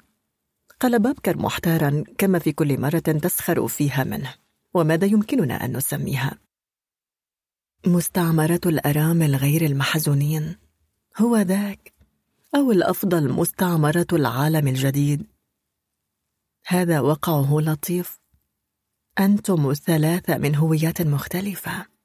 عربي وإفريقي من إفريقيا جنوب الصحراء نصف كريولي. وهايتي بشرية جديدة ستتشكل. بشرية من دون أوروبيين. أي من دون مكتشفين مستعمرين. من دون أسياد ولا عبيد أو مستغلين. وسيكون بمقدوركم أن تخلقوا عالما أكثر عدلا. ألقت هذه الجملة الأخيرة قبل أن تتوارى في قهقها.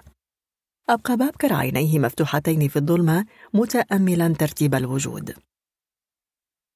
استمع باهتمام بالغ إلى حكاية فؤاد. لم تبدو له حياة فؤاد تشبه حياته كما يزعم فار. على الأغلب هناك اختلافان بشأن مواضيع العنف والنزوح وروايات مختلفة في مخطط يصبح عاديا أكثر فأكثر. كلاهما انجرف في دوامة حلزونية من الأحداث التي لم يستطيع التحكم بها. وابتلعت في النهاية أعز ما لديهما. كان هذا غباء لكنه لم يتخيل في حياته أنه سيشعر يوما بالقرب من لبناني حتى لو لم يكن فؤاد لبنانيا حقيقيا. كان يوجد في باماكو حي للبنانيين شارعان أو ثلاثة شوارع هادئة تحف بها منازل فخمة من الحجارة. تشغل طوابقها الأرضية متاجر مزدهرة تبيع الأنسجة على وجه الخصوص لا نبيع بالدين. كانت الملصقات تعلن جهرا وعلانية. ولأنه كان يجتازها مع أمه ألقت بلهجة احتقار. هؤلاء الناس مستغلون رأسماليون قديرون. إنهم علق يمتص دماء شعبنا. وهم كثيرون أيضا في بلدي. ومثل كل ما قالته له أمه حفرت هذه الجملة في رأسه. لكن هذه المرة بطاقة صفراء لثيكلا. كان يفترض بها أن تتجنب التعميم وتعرف أن المواقع قابلة للتبادل. المظلومون حين يستطيعون يصبحون ظالمين وهؤلاء الأخيرون غالبا ما يغدون ضحايا. بعد زهاء ثلاثين عاما تأكد بابكر أن هذا الكلام ليس في نهاية المطاف إلا صدى لأحكام مسبقة. لقد منحه فؤاد هبة لم يتلقها في حياته. وباستثناء حسن الذي كان يعترف أنه مغرم به لم يحظى بصديق قط. لم يكن محميا ضعيفا مثل موفار ولا أبا مكملا مثل هيغو مورينو. كان صديقا ندا قادرا أن يسخر منه أن يغيظه أن يخالفه أن يتشاحن معه. لنتوقف عن التنزه في الحياة مثل دون كيشوت بهيئة فارس الوجه الحزين. ما نحتاجه هو زوجتان جميلتان مجردتان من العاطفة والإحساس. أليس هذا ما ينقص؟ سرعان ما أصبحا لا يفترقان. لماذا؟ ليس الدين هو ما يقربهما. فأن يكون مسلما حتى وسط مد من المسيحيين والفوديين لم يكن يعني شيئا يذكر بالنسبة إلى بابكر. وآخر مرة وطئ فيها مسجدا كان في سيغو مع جده. كان الإمام يدين بشدة أولئك الأصوليين الذين يسفكون الدماء ويولون ظهرهم لرسالة الله. مع ذلك هل يمكن لأحد أن يفسر أسباب الصداقة؟ لم يكن هنالك سبب إلا الحب أوه يا للمفاجأة. على نحو غير متوقع وجد فؤاد من يبتاع أرز لبنان. كان المشتريان المرسلان من السماء زوجين أمريكيين من المورمون. غادرا مدينة سولت ليك. كانا ينويان فسخ عقد المينوستا بشأن الغرف لأنهما يكرهان المنظمات والقوات الدولية. لا يحترمون الله ولا ينفكون ينشرون المواخير أينما مروا. ماذا يفيدون هذا البلد؟ فكرة الافتراق وأن يذهب كل واحد في سبيله بعد أن بدأوا يشعرون بالألفة فيما بينهم بدت لا تحتمل بالنسبة للمجموعة وباتفاق فيما بينهم قرروا الانتقال معا إلى سان سوليداد. قبل بضعة أسابيع وفي لهيب عصر يوم حار كانوا قد ودعوا الدكتور ميشيل. سرع حشد كبير إلى المركز الطبي وهم يحتسون كوكتيل ديكايرس ويقدمون رقائق موز الجنة المتبل بالفلفل الحار.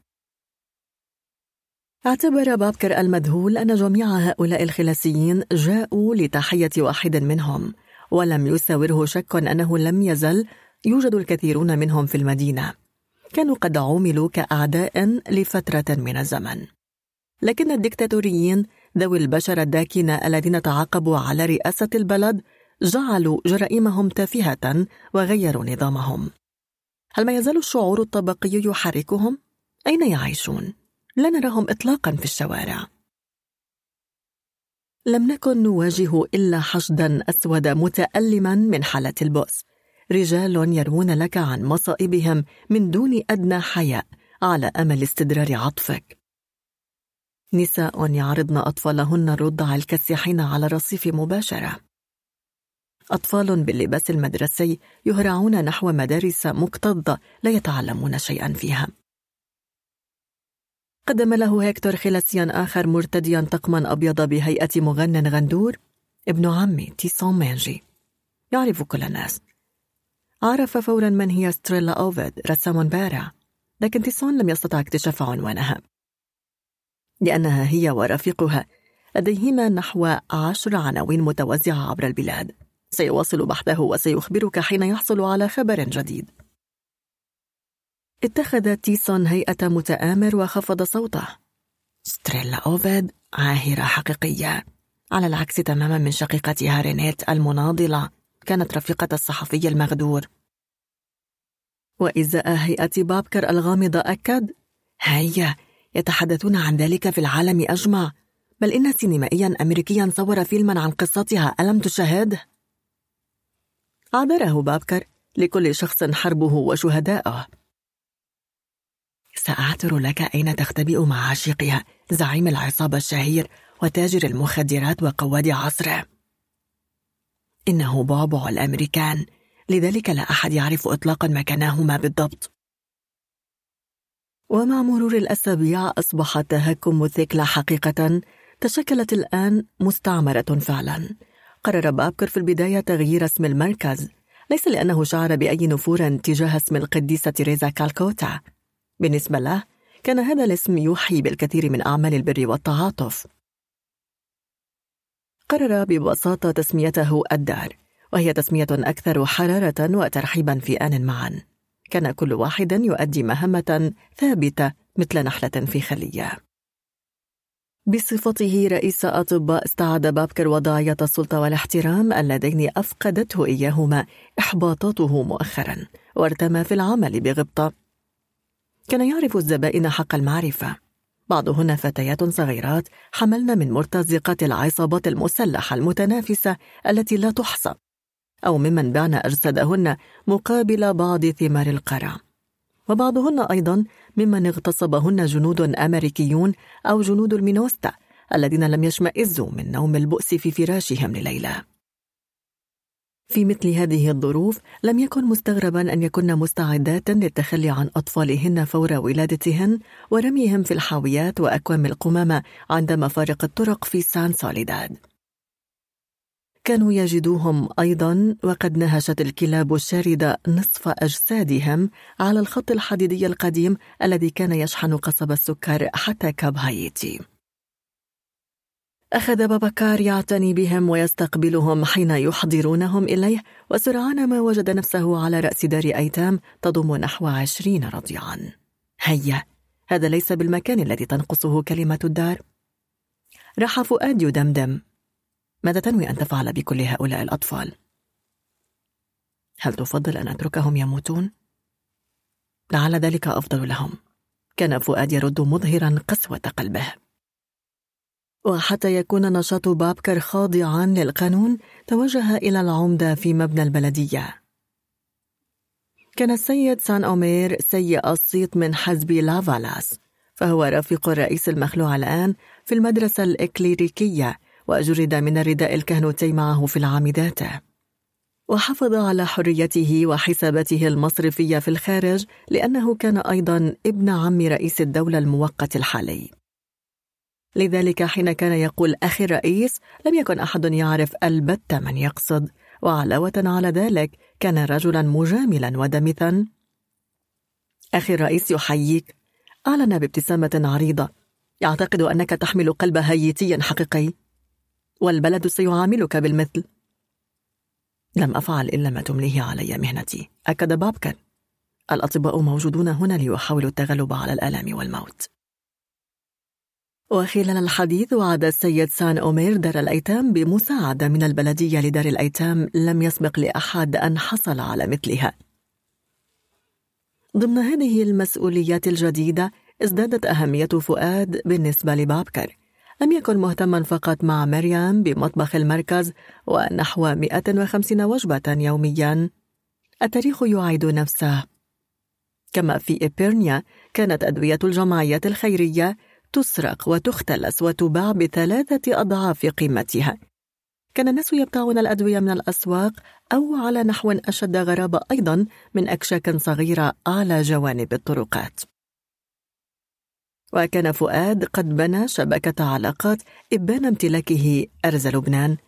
لم يعلم بابكر فقط تمييز الأدوية الحقيقية من المزيفة. وإنما علمه أيضا الأدوية التي تعجل بالموت والتعامل مع الموردين غير الموثوقين والمشبوهين وحتى الخطرين بكل معنى الكلمة. وكان من المهم أيضا تأمين أغذية كافية للدار لأن الأغذية الأكثر عادية تكلف باهظا. ومع مطلع كل فجر كان فؤاد وبابكر ينزلان إلى السوق الرئيسي في بورت أوبرنس بازار حقيقي يعبق بروائح نفاذة يباع فيه كل شيء. لوحات الفن الساذج مخادعون ومزعجون مفارش مائدة مطرزة تماثيل منحوتة من خشب بني معرق بالأسود قرع مفرغ ومشغول توابل فاكهة أضناها النضج لحوم يتزاحم الذباب عليها أسماك بعيون زجاجية. رجال ضخام يعتمرون بغرابة قبعات صوفية تغطيهم حتى عيونهم يروجون مساحيقهم. انظروا انظروا ما أنصع بياضها وما أشد تأثيرها. هذا سم أرعد باباكار غاضبا. إنه يقتل حتى الجنين في رحم أمه. كفى همس له فؤاد. لا تكن دون كيشوت. أنت تعرف حق المعرفة أنهم لا يكترثون. في إحدى الزوايا اصطف مئات الرجال والنساء أمام طاولات كتبة شعبيين يكتبون لهم طلبات مساعدة من أهليهم الأوفر حظا العاملين في أصقاع المنافي. كان فؤاد صديق أحدهم يدعى دوريسموند عاش في دبي يرطن قليلا بالعربية. السلام عليكم هتف ببراعة. فوجئ أن بابكر يعرف أيضا تلك الكلمات. أنت لست عربيا أنت أكد. إنك أسود مثلي. من علمك هذا؟ شرح بابكار بصبر أنه مسلم وانطباع غريب يراوده أنه يتحدث عن شخص آخر غير ذاته. أما موفار فقد ألقى نفسه في بيئته. راح يزاول العمل الذي يحبه وأصبح من جديد حاكم الندى. مهد الأراضي المجاورة وكشف مسيل ماء طمره السيل وهو من لم يكن لديه أي فكرة عن الهندسة المدنية. أنشأ نظام ري وراحت الأرض من الآن فصاعدا تغل إضافة إلى الطماطم والخس والباذنجان والفليفلة. كل أنواع البقول لأنه كان يؤكد بمنتهى الجدية لا يكون الطعام لذيذا إن لم توجد البقول. أما جهيرة ومن دون أن تأخذ مشورة أحد تركت مكتب الاتصالات الذي كانت تتجر فيه ثماني ساعات يوميا وكرست نفسها حصرا لأنايس. ولأنها مرحة وبشوشة ولا يفارق المزح فمها فإن مزاجها أثر على طبع الصغيرة وشيئا فشيئا أصبحت الطفلة أقل اكتئابا فيما بريق ذهبي يتلألأ في عينيها. وذات عصر كان موفار عائدا من بستانه فدخل إلى المكتب حين كان بابكار يبوب حساباته بألم وأعلن له غدا سأزور السوفان فان. اعتاد بابكر على طريقة موفر الغامضة في الكلام ومن دون أن يرفع بصره عن فواتيره سأل بشرود. ومن هي سوفان فان؟ إنه الشخص طفح الكيل. لكن بابكر لم يفقد صبره. أي شخص؟ قرر موفار أن يوضح أكثر. الشخص الذي نصحتني به الجارة سيلوتا. أفضل من يساعدني. يساعدك في ماذا؟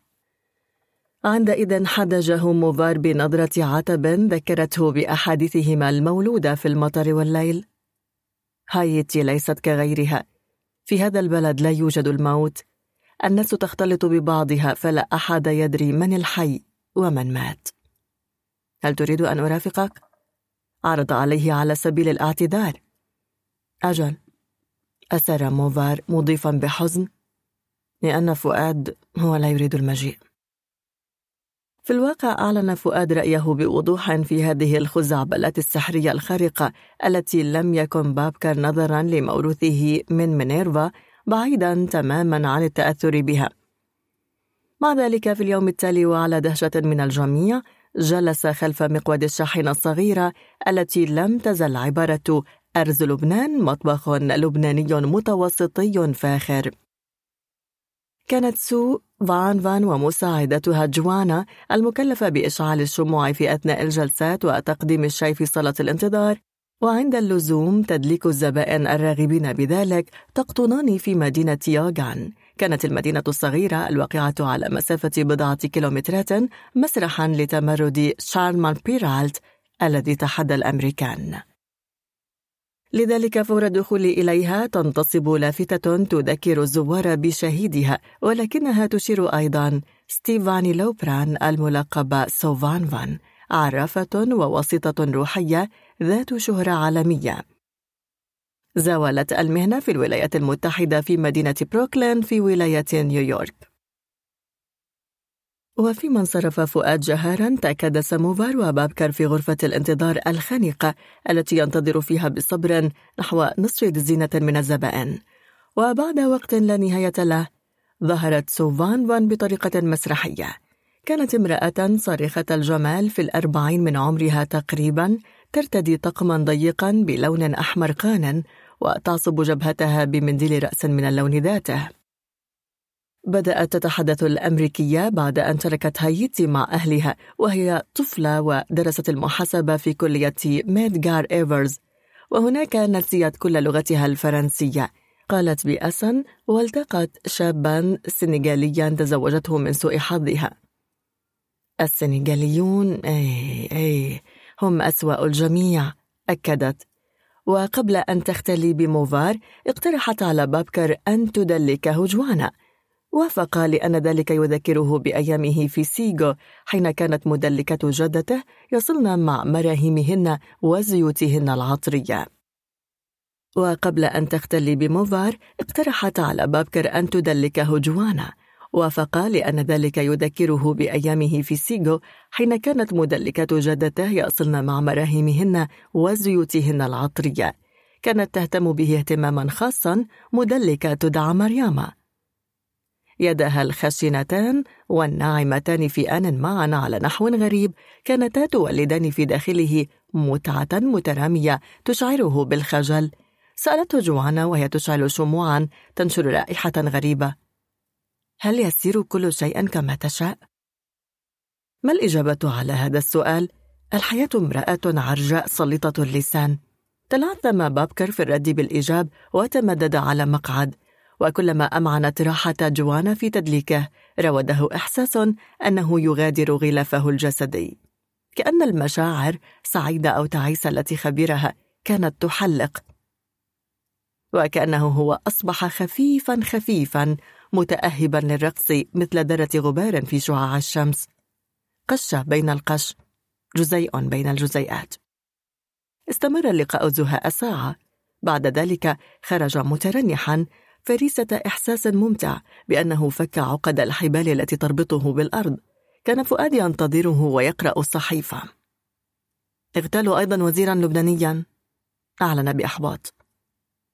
أيضا فتن ودماء وموتى. هذه المرة لا يتكلمون عن إسرائيل. إنهم يتهمون سوريا. لم يجد بابكر أي تعليق يدلي به جميع أعمال القتل تعصف دوما بالمناطق ذاتها المناطق. في هذه اللحظات تبع فؤاد ازداد عذابي أيضا بسبب زهران. أنا واثق أنه متورط في كل ذلك. أرغم بابكر نفسه على ألا يفكر ثانية بأحد حتى يتجنب الحزن أو الندم وحين تنبعث ذكرى حسن من ضباب الماضي يطردها بحزم. الصورة الوحيدة التي لم تفارقه هي صورة أزيليا. كانت تفترش أعماق ذاكرته مثل ديباج لا يمكن نزعه. ظهر موفار أخيرا ترافقه سوفان فان ذليقة اللسان وقبلتهم ثلاثتهم كأنهم أصدقاء قدامى. ظاهريا لم تسر هذه القبلة موفار الذي ظل وجهه الشاب الحالم والمبتسم عادة حازما. هل سر الأمر على ما يرام؟ سأله بابكر. لا. أجاب بتحفظ. لماذا؟ ماذا هناك؟ ألح فؤاد وبدل أن يجيبه لدى موفار بصمت عميق لم يفلح أي سؤال في كسره. راح وشح الليل يغلف الآن معالم كل شيء. لم نكن نميز في الجوار سوى هالة ضاربة إلى البني. وحدها النجوم تلمع بوميض قوي وواضح على شرفة المبنى أن كانت جهيرة ومريم تترقبان عودتهما. هل رأيتها؟ هتفتا لموفار. لا لم أرها. أجاب بتحفظ. وصعد إلى غرفته من دون أن يضيف أي كلمة. تبادلتا نظرات مذهولة ثم كررتا بالصوت المتهدج ذاته. لم يرها؟ نهرهما فؤاد بغضب. هل يدهشكما أنه لم يرها؟ توقفا عن ترهاتكما الموت يعني النهاية. النهاية. حين يحدث لا يعود هناك مجال للقاء ثانية. لم تكلف الشقيقتان نفسيهما عناء الرد أخبرت جهيرة بابكر عن زيارة تيسون ميغي. ستريلا أوفيد شقيقة رينيد موجودة الآن في قصرها في ضواحي جاكمل. يمكن رؤيتها هناك. كانت جهيرة تمسك أنايس من يدها وتحاول توجيه خطواتها الأولى. وبعناد دؤوب كانت أنايس ترفض أن تطيعها فتندفع وحدها تماما تقع وتنهض. حين رآهما مرة أخرى معا راح بابكر يتملى بأعجاب كم تفتحت الطفلة بفضل عناية جهيرة على الرغم من شعوره اللا إرادي بالغيرة وأخذ يقارنهما بلوحة العذراء والطفل التي رسمها عدد لا يحصى من الفنانين المحليين. نحو منتصف الليل ظهر موفار ثانية فوق الشرفة حين كان فؤاد يقرأ مقتطفات من ديوان شعر فلسطيني. كانت أجفانه المتورمة وعيناه المحمرتان تشي بأنه بكى بكاء غزيرا. أعلن من دون مقدمات باللغة الكريولية أخبرتني سوفانفا بما كنت أخشاه لأن أحدهم لمس جثتها. لم يعد بوسعها رؤية مكان رينيت بحثت في كل مكان. حول الأرض يوجد سبعة سهول للمتوفين. إذا اقتدك أحدهم بالسحر أبعد منها. لا يعود بمقدور أحد أن يجد أثرا لك. موفار. سبق أن أخبرتك قال فؤاد مغتاظا لكنه قصر نفسه على الهدوء. توقف عن هذا الهراء. أنت لا تنفك تؤذي نفسك. حبيبتك رينيت ماتت ودفنت. موفار سبق أن أخبرتك قال فؤاد مغتاظا لكنه قصر نفسه على الهدوء. توقف عن هذا الهراء. أنت لا تنفك تؤذي نفسك. حبيبتك رينيت ماتت ودفنت. في عطلة نهاية الأسبوع التالي ذهب الجميع إلى جاكمل. حين اجتازوا سان سوليداد وبورت أوبرنس سلكوا طريق الجنوب ولكن شمالا أم جنوبا يظل الدمار هو ذاته. ووصل الحال بنا إلى التحسر على الفوضى العارمة في بورت أوبرنس. ألفينا أنفسنا أمام مسطحات قمرية مجوفة بحفر عميقة مفرغة. أين رحل سكان القرى الشبحية المتروكة بين السماء والأرض؟ هل ركبوا قوارب عائمة في بحار ومحيطات العالم بحثا عن مكان يرسون فيه وينجون؟ مهاجرون محتقرون. تنشق أفواههم عن رطانة أجنبية. ليس ثمة أي ملمح بشري في شوارع الضوء والغبار الخالية. مشهد يفطر القلب. ما أقسى أن يكون المرء شاهدا عاجزا على عذابات الأرض. لمن هذه المواشي الهزيلة التي تسرح وهي ترعى براعم الأعشاب النادرة؟ وما عدا بابكر المتوتر مثل موعود يأمل بزيارة حسنائه كان الجميع نائمين في السيارة لكنهم نظرا لحالة الطريق كان يمكنهم أن يظلوا مستيقظين تحول الطريق إلى شريط ضيق محفر بحفر عميقة مثل مجار تدور فيها العجلات في الفراغ وعلى الرغم من هذه المصاعب راح السائق المستأجر مع المركبة يقود بسرعة ويمسك مقوده بيد خبيرة. وحتى لا يزعج نوم ركبه كتم صوت المذياع ومعه نبرات فرقة كريم الهادئة. وسأل بابكر بالكريولية من أي بلد أنت؟ حين أوضح بابكر أنه غريب من مالي استعاد بشجاعة لغته الفرنسية وأكد. الآن في هايتي الوضع أسوأ من فترة حكم جان دوفالييه. لا أصدق ذلك هتف بابكر متعجبا. على أي حال هناك باصص أمل. أمل بماذا؟ لم يحر بابكر جوابا على هذا السؤال المباشر. ألح السائق هل سمعت بالشامر؟ أجل سمعت بهم. شامر وطنيون. إنهم الشيء ذاته.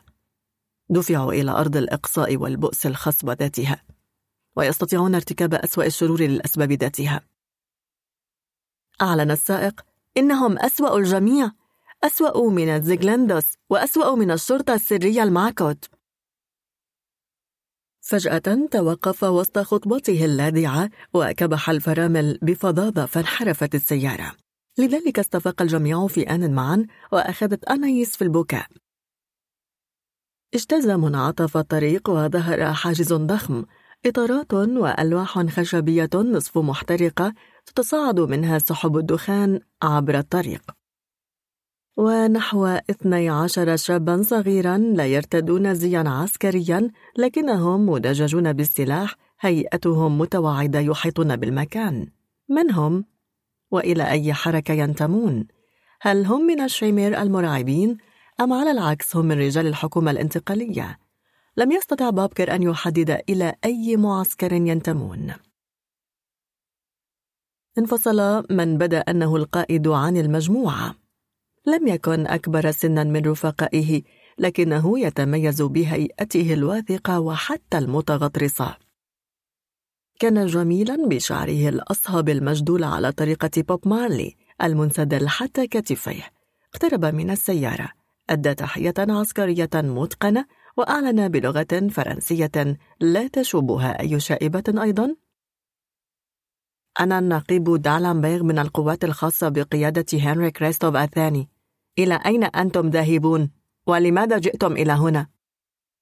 في الحقيقة خاطب بابكر مباشرة محدقا في عينيه بإمعان كأن الآخرين غير موجودين فأجابه نحن ذاهبون إلى جاكمل قطب النقيب دالمبير حاجبيه كأن الفكرة غير سديدة إلى جاكمل؟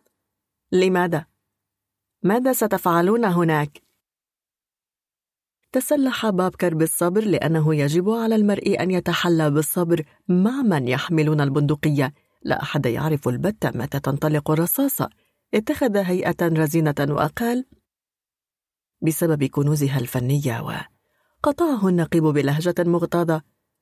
تقومون بالسياحة في بلد يعيش حالة حرب؟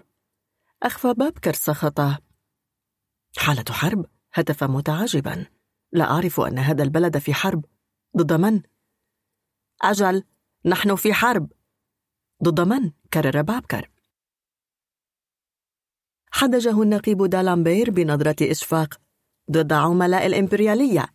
لم نعرف قط إلا رئيسا واحدا يهتم بالشعب. أنتم رأيتم الطريقة المخزية التي عامله بها الغرب. وضعوا دمية مكانه. هل تظنون أننا سنقبل ذلك؟ عندئذ استطرد بفظاظة بطاقتكم الشخصية. لماذا؟ احتج بابكر.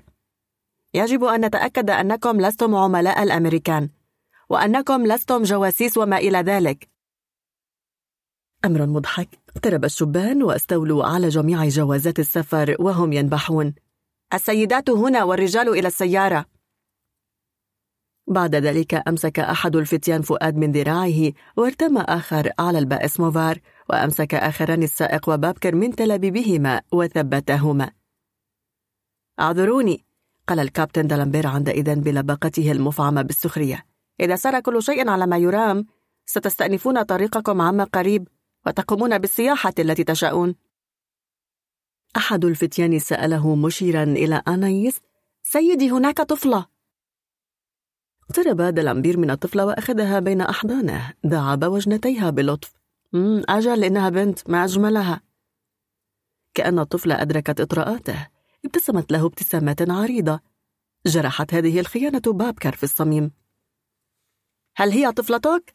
قال دلامبير مخاطبا جهيرا. تدخل بابكر بقوة. إنها ابنتي. أنا يستراوري. ولكن سرعان ما اقتاده الفضون ومعه الرجال الثلاثة الآخرون نحو سيارة جيب أقلعت بقوة. وسارت بضع دقائق بسرعة جهنمية ثم توقفت ودوما بالقوة ذاتها أمام بناء حجري. على واجهته نقشت بأحرف سوداء وخط رديء عبارة مقر القوات الخاصة. استعاد بابكر إحساسا مألوفا سبق أن جربه وسبق أن عاشه. دفع الشبان سجناءهم عبر سلسلة حجرات مظلمة ونصف خالية إلى ممر ضيق سقفه واطئ بحيث لا يمكن للمرء أن يبقى منتصبا فيه قبل أن يقفل عليهم باب مدخله خيم ظلام دامس فيما شح الهواء العابق بروائح ناتنة للمرة الثانية في حياته وجد بابكر نفسه محروما من الحرية من دون أن يعرف السبب فعلا ماذا فعل ليستحق مرتين المعاملة نفسها؟ هذه المرة أضيف إلى شعور الظلم وعدم الفهم قلقه على أنايس. هذه أول مرة يفترق عنها وفي ظروف بالغة القسوة. أغرقه هذا الفراق في نوبة قلق ممزوجة بالحنق. ماذا ينوي النقيب دالامبر أن يفعل برضيعة؟ راحت فرضيات لا تصدق تتزحم في رأسه. وفي الظلام بحث موفار عن يده وهمس. لا تخف. هنا الطفل الصغير شيء مقدس لن يؤذيها أحد. لم يرد بابكر لم يقوى على ذلك. فجأة أخذ السائق يبكي. نحيب مسموع يفطر القلب يتخلله نشيج ومناجاة لأمه. اخرس صرخ فؤاد. أنت الوحيد الذي يبكي مع أننا جميعا في ذات الق. وعندها انفجر هو نفسه في نحيب مضطرب. البارحة مثل كل ليلة تقريبا حلمت بزهران. همس بينما يقترب بابكر منه متلمسا ويطوق كتفيه بذراع ودودة. كان مستلقيا على سريره. ظننته نائما. اقتربت منه وعندها رأيت الدم ينزف من صدره. وسقط أرضا. كان ميتا. ميتا. كأن الأمر حدث في الواقع على ما أتصور. لا تفكر في هذا. توسل بابكر أنت لا تعرف شيئا عن ذلك. لا أكف عن لوم نفسي بأن الخطأ خطأي. وأنني لو ساعدته حين التجأ إلي لاختلف كل شيء. اسكت لا تتحامق إن كان ثمة مذنب فهو هذا الزمن اللعين الذي نعاني فيه بؤس العيش. بعد برهة هدأ فؤاد ولأنه خجل من ضعفه بلا شك كرى سبحة من الشتائم القاسية. بعد ذلك مرت ساعات طويلة في الصمت انتهى بابكر إلى النوم نوم محموم بلا أحلام ثقب أسود الحمد لله لم تظهر له ثكلى بعنف فتح الباب دخل أربعة شبان متسلحين بمصباح يدوي ضوءه مبهر يدفعون عربة. قدموا لهم أطباقا فيها نوع من الثريد الأخضر من دون أن ينبسوا ببنت شفا. وقبل أن يغادروا أشعلوا شعلة وثبتوها في شق بالجدار. شعر السجناء أنهم جائعون فغبوا وجبتهم الهزيلة. وبعد بضع دقائق انطفأت الشعلة وغرقت الزنزانة من جديد في العتمة. وعاد السائق إلى النحيب لكن بنشيج خافت هذه المرة. راح يتلعثم بكلمات لا رابط بينها يمكن تمييزها بأنها مزيج من العويل بالفرنسية والكريولية. يا الله ارأف بحالي. ماذا فعلت لك؟ لم ألمس المخدرات في حياتي. أنا متزوج وأحترم زوجتي. هذه المرة لم يتدخل فؤاد مرت بضع دقائق أيضا. فتح الباب من جديد وظهر الشبان ذاتهم وهم يصوبون بنادقهم بعدائية نحوهم ويرافقهم معاونان مدججان بالسلاح أيضا. وسخان وحافيا القدمين. اخرجوا! صاحوا! لم يمتثل السجناء بالسرعة الكافية لأمرهم فدفعوهم أمامهم. إلى أين نذهب؟ أتيح لموفار أن يسأل. وردا على ذلك تلقى دفعة جعلته يتعثر اجتازوا صفا من الحجرات الخالية وفي نهاية ممر ألفوا أنفسهم على شرفة في برودة أول النهار لم تبدأ الشمس صعودها في السماء الزرقاء الصافية. أما بابكر فلم يرى إلا شيئا واحدا على بعد بضعة أمتار. أنايس بين أحضان دالامبير متكئا على سيارة جيب كان يتحدث مع جهيرة التي تضحك بجانب مريم بدا النقيب دالامبير مرحا أكثر من أي وقت مضى. ولم يبدو أن أنايس عانت من ليلتها ووجدت الرعاية هناك حيث كانت. رأت أباها يقترب بابتسامة عريضة لكن لا شيء أكثر ومدت له ذراعيها. ابتسم دالامبير وأعلن أرجو أن ذلك لم يكن شاقا كثيرا. لم ينبس أحد بكلمة. كما أخبرتكم علينا إجراء بعض التحريات. تابع النقيب. تم الأمر كل شيء نظامي يمكنكم متابعة طريقكم. ضم بابكر أنايس بين أحضانه متنسما رائحة جسدها الصغير الممتلئ. راوده إحساس أن معجزة حدثت وأنها نجت من خطر محدق. جلس النقيب خلف مقود الجيب بينما تكدس الآخرون حوله. صعدت المركبة حتى الحاجز وهناك كانت السيارة تنتظرهم. في تلك الساعة كان خاليا. وحدها بعض الإطارات لم تزل تحترق وتنشر رائحة دخان كريهة. داعب دالامبير أنايس بحنان وقبل جهيرة ومريم على خديهما مثل صديقتين قديمتين. كل ذلك أثار غيظ بابكر فهرع إلى السيارة غاضبا من مصافحة رفاقه. جلس السائق مكانه وراء مقود السيارة العائلية وأقلعت. رحلة موفقة! هتف لهم دالمبير بلبقته الفريدة الممزوجة على نحو غريب بالغطرسة. أين قضيتم الليلة؟ سأل بابكر بصورة محمومة. في منزل نقيب يله من إنسان طيب اختتمت جهيرة بالكريولية. بدا ذلك كأنه حكم نهائي على حدث بلا خطورة إجمالا ولن يترك أي أثر مزعج في الذاكرة. كان هذا أكثر مما يحتمله بابكر الذي وقعت عليه هذه الكلمات كأنها خيانة عظمى. لم يستطع تمالك نفسه ونهر جهيرة كيف يمكنك أن تقولي شيئا كهذا؟ صح بعنف. لقد اعتقلنا وحبسنا وعاملنا كسجناء. وجعلني أكابد قلقا فاتكا بافتراقي عن أنايس أردت القول ببساطة. إنه أحسن معاملتنا. أنا ومريم وأنايس استقبلنا في بيته. وقدم لنا الطعام. طعاما لذيذا وتخلى لنا عن غرفته لننام فيها. أوضحت جهيرة على نحو يثير الرثاء. هنا انفجرت بالبكاء لأنها لم تزل طفلة. حدج موفار بابكر بنظرة ملامة ثم ضم أخته إلى صدره بحنو. هذه النظرة وهذه البادرة من الحنان سعرتا حنق بابكر. قطعوا ما تبقى من المسافة في صمت ثقيل متوتر.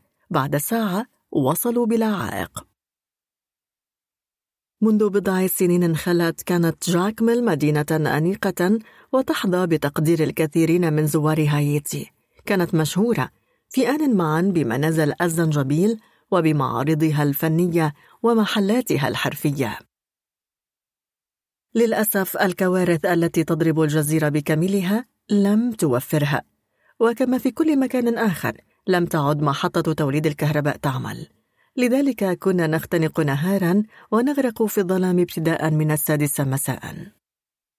في هذه العتمة الملائمة راحت عصابات من جميع الأصناف تسرح بحرية وعلى أرصفتها التي كان الملكون قديما يعتنون بأناقتها ويغسلونها بالماء جلست بعض النسوة القرفصاء يرتدين أسمالا ويعرضن أشغالا يدوية صوفية بألوان فاقعة.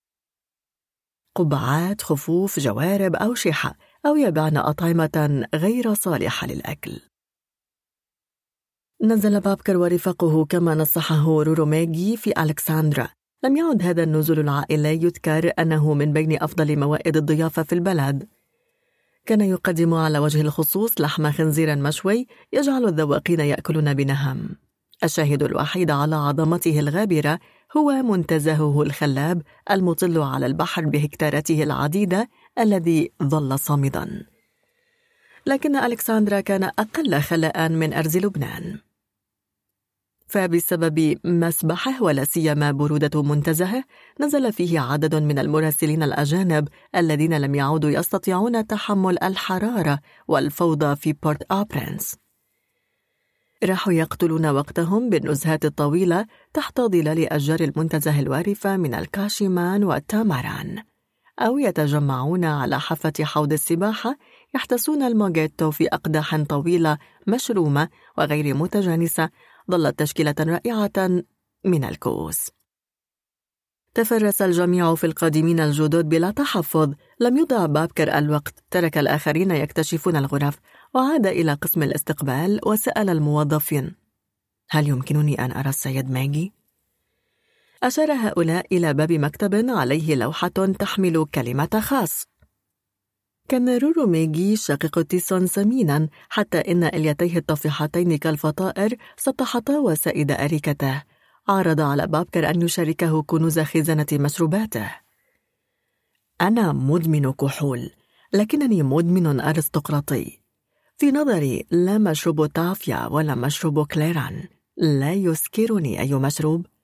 لدي أكثر من مئة صنف من مشروب الروم. روم باربانكورت بالتأكيد. وأيضا داموازو. ومونتيبيلو وبولوني غوادولوب وباكاردي ترينيداد. وأفخر على نحو خاص بأصناف المارتينيك. إنها الأفضل بلا منازع البيضاء والمعتقة لوكن ودوباز. وتروا ريفير ولاموني ونيسان وكراسو دوميدوي وكليمون وسان جيمس. حين أجابه بابكر أنه لم يقرب الكحول في حياته حدق فيه بتشكك ساخر. في حياتك؟ في حياتي. أكد بابكر بوقار. إذا كيف استطعت أن تحتمل الحياة؟ سأله رورو وهو يملأ كأسا دهاقا من الباربانكورت الشهير. استطعت بصعوبة بالغة. اعترف بابكر. ماذا تريد؟ خلقت لأكون طبيب توليد هادئا في مستشفى ريفي هادئ. وبدلا من هذا قذفتني الحياة إلى دروب غير متوقعة. ضحك رورو بدوره وسرى تيار من التعاطف بين الرجلين. أنت تبحث عن ستريلا أوفيد استأنف رورو. هل لي أن أسألك لماذا؟ لأنها لا تستقبل كل الناس. تردد بابكر لسبب هام كنت طبيب شقيقتها رينيت للأسف ماتت أثناء الولادة بدا رورو مذهولا رينيت ماتت؟ هز بابكر رأسه بحزن ورجتني أن أعيد ابنتها إلى هنا صب رورو كأس روم مترعا آخر وقال باشمئزاز إلى هنا؟ إلى هذا الماخور؟ هل رأيت حال البلد؟ هذا بالضبط ما فكر به بابكر الذي كان يزداد ندما كل يوم لأنه انساق وراء موفر وبعد برهة صمت استطرد رورو. وأيضا لا نعرف إطلاقا ما ستكون ردة فعل ستريلا طفلة رينيت قد تفتح لها ذراعيها أو أو لم يجب رورو واكتفى بالتصريح. سأصحبك لرؤيتها نهاية العصر لنقل نحو الساعة السادسة. تدعي أنها رسامة. لكنني أؤكد لك أنها لم تمسك في حياتها فرشاة بين أصابعها في حياتها؟ هتف بابكر متعجبا. هل هذا ممكن؟ احذر منها. أنا دمرت حياتي. كيف؟ دعني أروي لك ذلك. حكاية رورو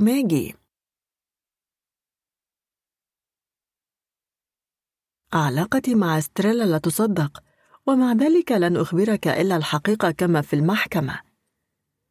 قال كاتب هاي تيدو موهبة فذة إن الرسم عندنا أكثر شعبية من كرة القدم. لا أدري هل هذا صحيح. ما أعرف هو أنني أصبحت رساما. أنت لم تكن تعرف أليس كذلك؟ لا أحد يعرف أنني أصبحت رساما لأنني لم أستطع أن أصبح لاعب كرة قدم فأنا ضخم للغاية. كان وزني عند ولادتي نحو ثمانية كيلوغرامات. سببت لأمي تمزقا لم تتعافى منه قط لذلك تكرهني وظلت تكرهني على الدوام. كنت أضحوكة الخدم وعارا على العائلة. فرضت علي أمي حمية غذائية قاسية عذبتني وظلت بلا تأثير. وفي أحد الأعوام أرسلتني إلى عيادة تنحيف في كاليفورنيا وأخرى في أريزونا. وفي ثانوية سان لويس دو غونزاغ. لقبني التلاميذ أسد البحر. كانت حياتي ستغدو جحيما لولا الرسم. بدأت أرسم في سن الرابعة كانت الفرشاة تزهر بين أنامل يدي المكتنزتين. كانت ترسم وتلون أزهارا وعصافير وثمارا وأسماكا.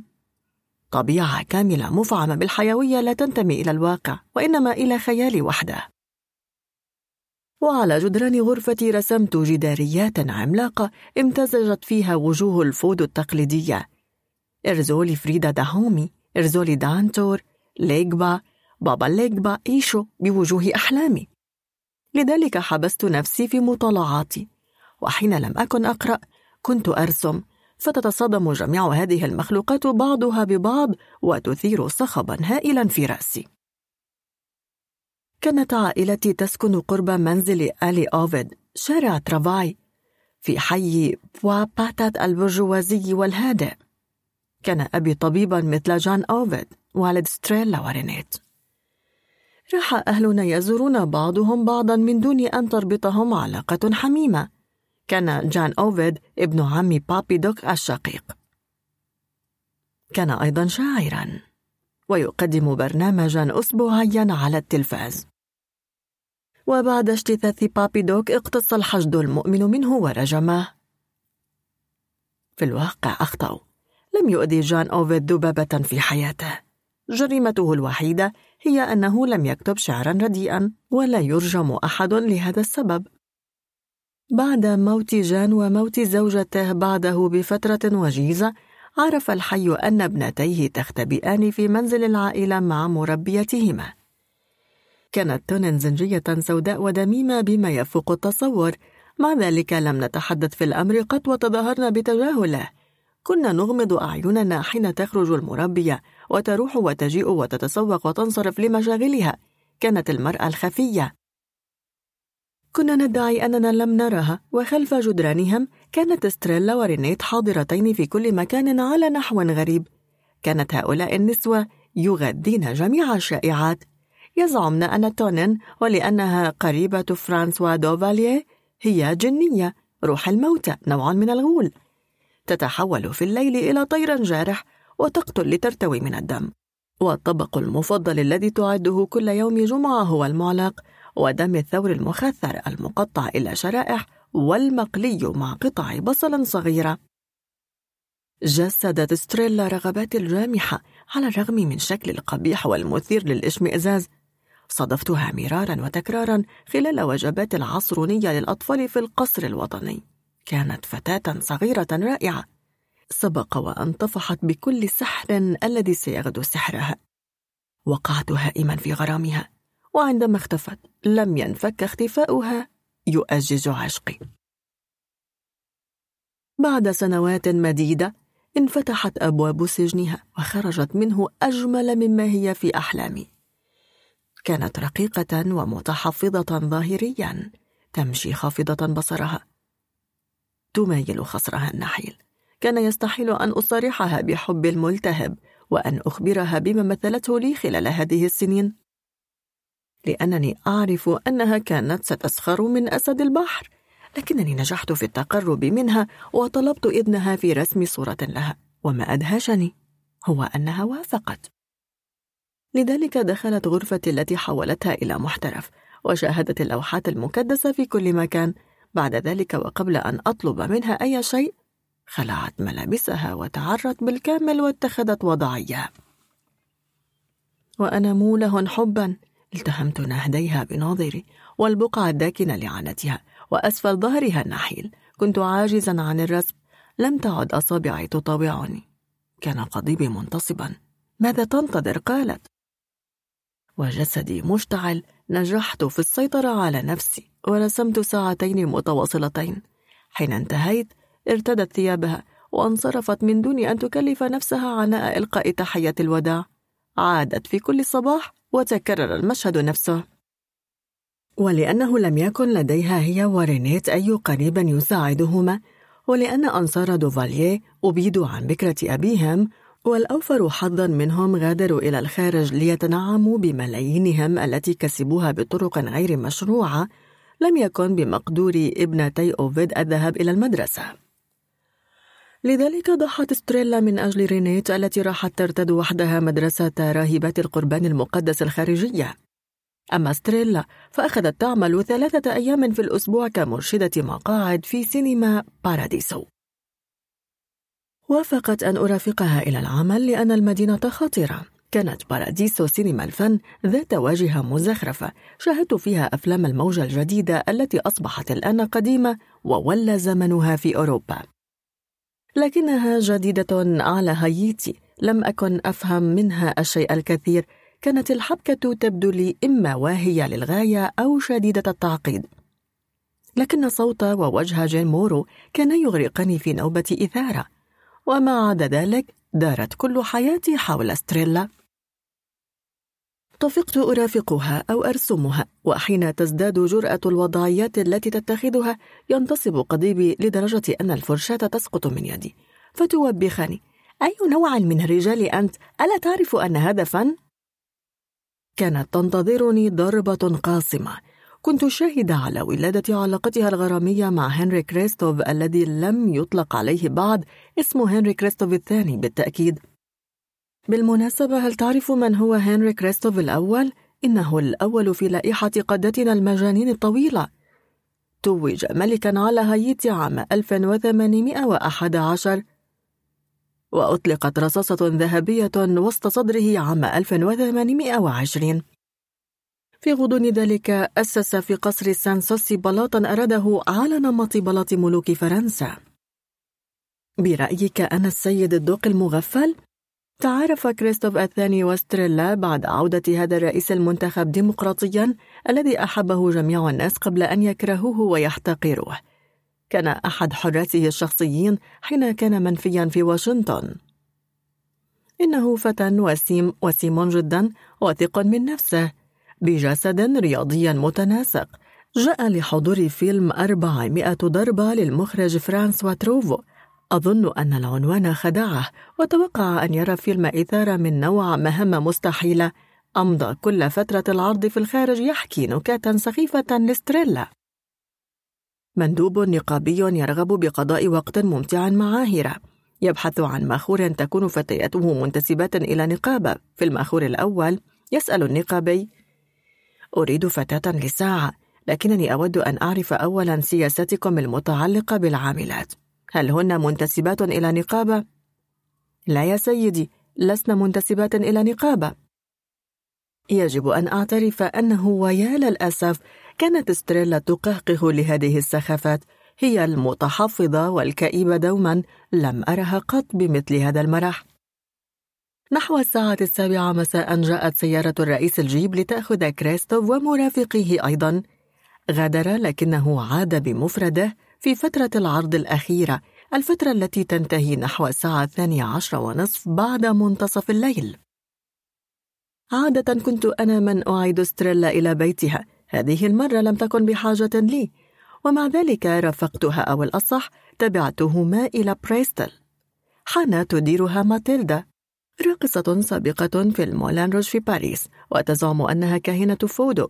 كان يمتلئ حتى منتصفه بالميليشيا أو تماما بالسكارى المدججين بأسلحة آلية مسدسات وبنادق ورشاشات. يسرفون في الشراب وهم يتملقون الفتيات بفظاظة كان جميع الميليشيات تعرف كريستوف ويدعونه الزعيم. ما كاد يجعلني أفقد صوابي هو أن ستريلا حين التقت كريستوف بعدت بين جلساتنا في رسم الوضعيات. وبينما كنت أتجمد بردا في انتظار هذا عصر هو من ظهر يرافقه من الجانبين عنصران آخران من الميليشيا.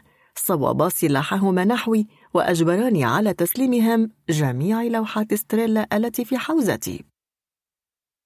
أيها القادر قال لي وهما يوسعان ضربا. كان يوجد إجمالا تسعون لوحة وأجملها لوحة تدعى ستريلا في موشح كريولي. بعد أسبوعين نظم المركز الثقافي الفرنسي أول معرض لستريلا أوفيد صور ذاتية للفنانة. ذهبت إلى هناك كان الجمهور متزاحما. قدم كريستوف الثاني الحلويات والمشروبات وأيضا تدفقت الشمبانيا بغزارة وحضرت الصحافة المتملقة. لن أطيل الكلام عن اللوعة التي عشتها بعد حرماني من استريلا وسلب إبداعي. ومن حسن حظي أنني اكتشفت في تلك اللحظة الكحول شراب الروم. ساعدني على تفادي الانتحار فالكحول يحافظ على الدفء ويثير الحلم ويشبع الرغبات مثل امرأة. بعد ستة أشهر عادت ستريلا. هذه المرة أريد لوحات طبيعية صامتة ورمت في وجهي بعض الدولارات. تدبر أمرك اشتري موزا أخضر وأصفر وثمار البابايا والبرقوق البري. قليلا من كل شيء. نفذت ما طلبت. سمي معرض ستريلا الثاني ودوما في المركز الثقافي الفرنسي مدار الذكرى. وأقيم العاشر الشهر الماضي في الأرخبيل المتحف الوطني. أنت تتساءل لماذا أستمر في الإذعان لها؟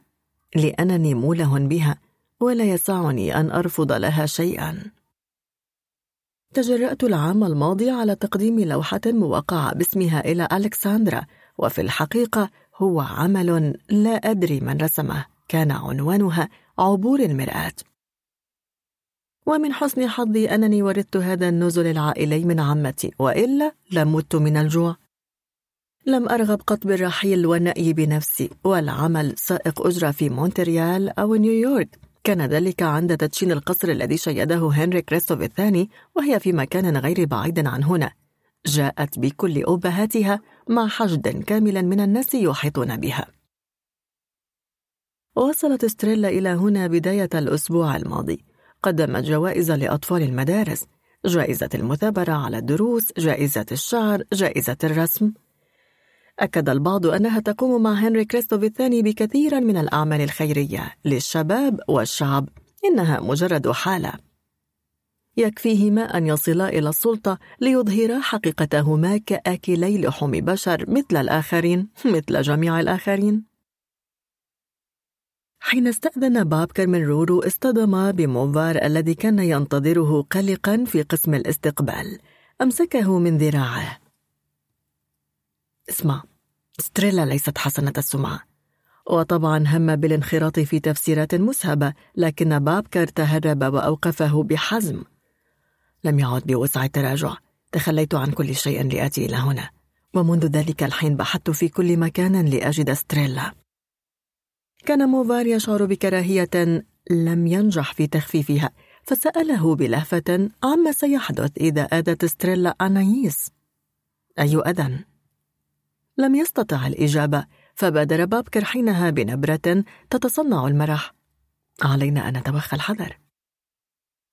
أمضى عصر يوم كئيب بعد وجبة رديئة من المطبخ الغربي في مطعم ألكسندرا ومهما يكن من أمر زادت رواية رورو من قلقه. رفض الانضمام إلى مجموعته في المسبح. كانت أنايس المرتدية لباس سباحة أصفر تتخبط بصخب بين ذراعي جهيرة. وانصرف فؤاد والسائق اللذان تصالحا على ما يبدو إلى منافسة في الغطس. ماذا سيقول لستريلا حين سيواجهها؟ أدرك أنه في قرارة نفسه لا ينوي الافتراق عن أنايس إطلاقا إذا إلى ما ترمي هذه الزيارة؟ وطفق يتساءل إن كان من الأفضل أن يهرب مع طفلته قبل فوات الأوان وفي غمرة ارتباكه ذهب واستلقى على كرسي طويل واستغرق في النوم بسبب الحرارة حين استيقظ كانت الشمس قد أفلت وأصبح المسبح خاليا إلا من بعض الصحفيين الأجانب المتشبثين بأقداح الموجيتو راح بابكر يطرق أبواب غرف أصدقائه من دون جدوى. تبخروا؟ هذا الأسف الشديد هو ما لاحق رورو ميجي إلى قصر كيسكيا. بدا البناء مهيبا مع أن إنجازه لم يكتمل بعد لم يكن يشبه بأعمدته اللولبية ودرج مدخله الثقيل قصر سانسوسي الذي شيده في الشمال الملك كريستوف المصاب بجنون العظمة الأصح أنه بدا مبنيا على نمط مساكن المزارعين كتلك التي لم نزل نصادفها وقد تحولت إلى متاحف في جنوب الولايات المتحدة.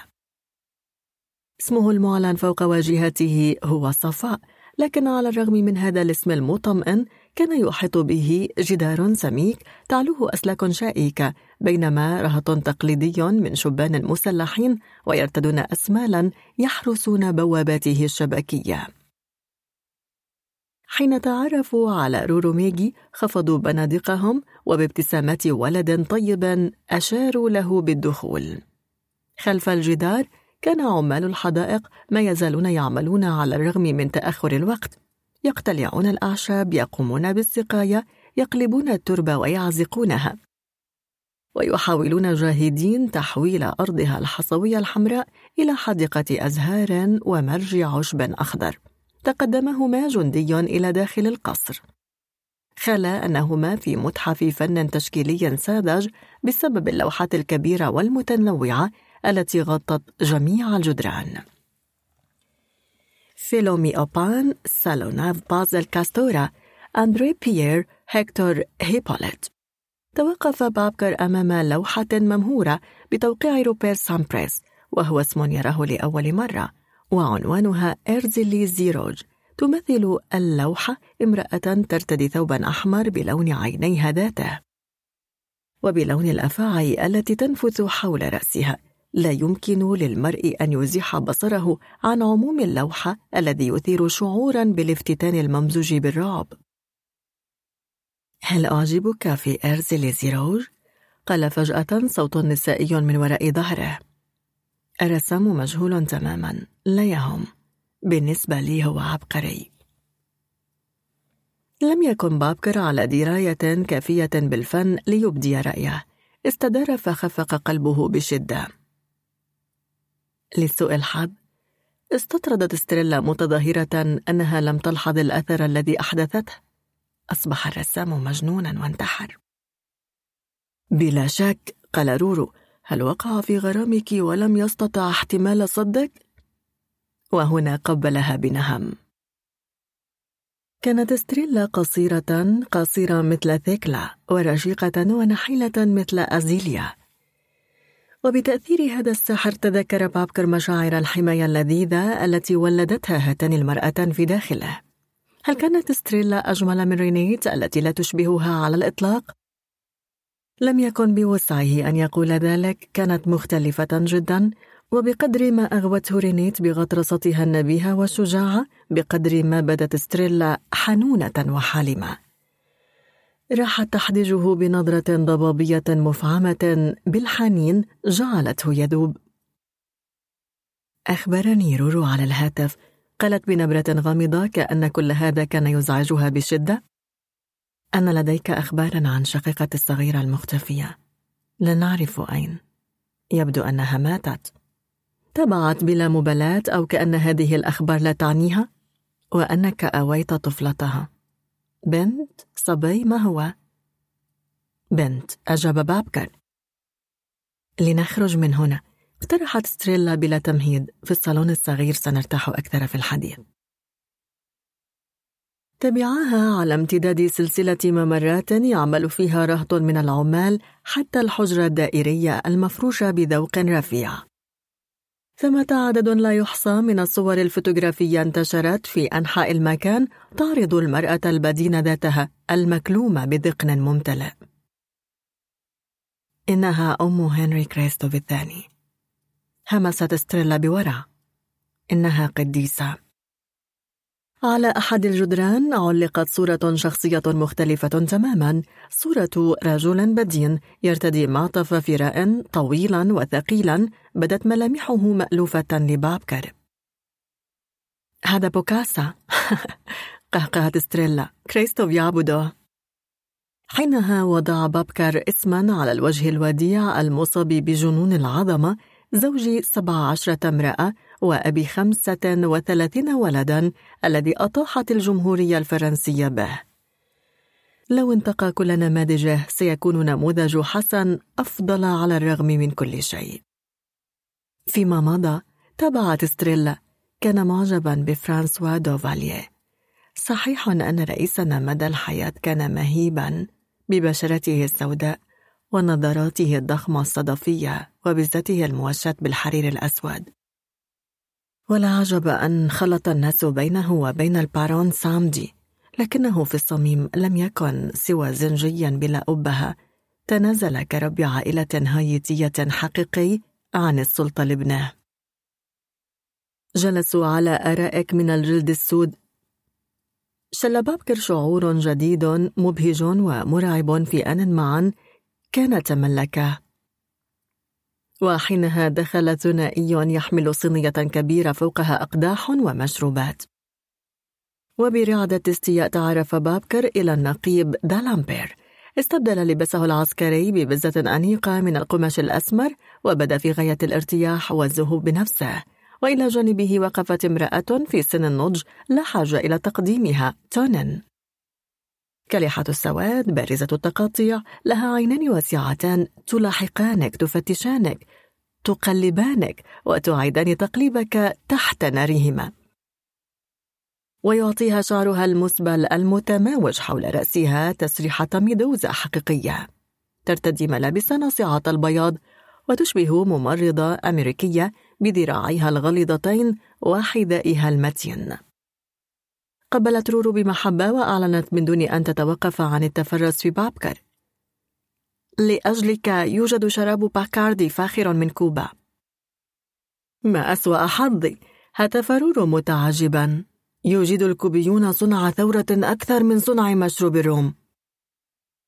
انفجر الجميع ضاحكين تبع رورو وقد سره تأثيره. لن أبقى معكم أفضل أن أترككم وحدكم. لديكم أمور هامة لتتحدثوا فيها. الشقيق الصغير للمرافق. قالت ستريلا وذراعها تطوق بألفة كتفي دالامبير. إنه وسيم كجده كريستوف الأول الذي كان حبيب هؤلاء السيدات. وضم بلاطه ما لا يقل عن 360 محظية وحتى يتخلص منهن جعلهن من النبيلات. يعرف أحدنا الآخر. رد بابكر ببرود بينما راح دالامبير يضحك ملء شدقيه أعيد وأكرر ذلك. قال لي بابكر يؤسفني ما حدث وأرجو أن ذلك لم يكن شاقا للغاية لكنني لم أقم إلا بما يمليه علي واجبي. للأسف الحرب بقفازات بيضاء لم تخترع بعد. لم ينبس بابكر بكلمة وبعد ملء الكؤوس انسحب دلامبير متأبطا ذراع رورو الذي تجرع مكشرا قدحا مترعة من الروم الكوبي.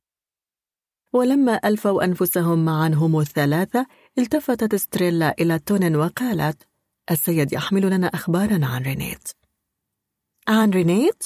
هتفت تونين مستغربة وهي ترسم إشارة الصليب على عجل وحدجت بابكر بعينين ياقوتيتين. أجل عرفتها حق المعرفة. بدأ بابكر بانزعاج. كنا نسكن في البلدة ذاتها لا تغينيل. كنت طبيبها وقمت بتوليدها. عندها رفعت ستريلا يدها بسطوة لتسكته دعني أتكلم أولا أمرت. ثمة أمر أو أمران عليك أن تعرفهما لتفهم الوضع جيدا. ربما بعد سماعهما ستفقد الرغبة في الحديث معي عن رينيت. تونين تعرف كل شيء لا أسرار بيننا. دودو أفضل أن أنصرف. أكدت تونين على عجل وهي تمد يدها الخشنة إلى بابكر غاصت ستريلا عميقا في وسائد أريكتها وبدأت حكايتها. حكاية ستريلا. أنا ورينيت لم تحب أحدنا الأخرى فعلا قط. يعتقد الناس أن العاطفة بين الأهل والأخوات طبيعية وغريزية. ليس ثمة شيء من هذا على الإطلاق. فحب الأم وحب الأبناء هو جزء من الأساطير تصعب مقاومتها. أخذت حذري منها منذ أول لحظة رأيتها فيها حين أمسكت تونن يدي تعالي وقبلي أختك الصغيرة. كنت قد تجاوزت الخامسة من عمري.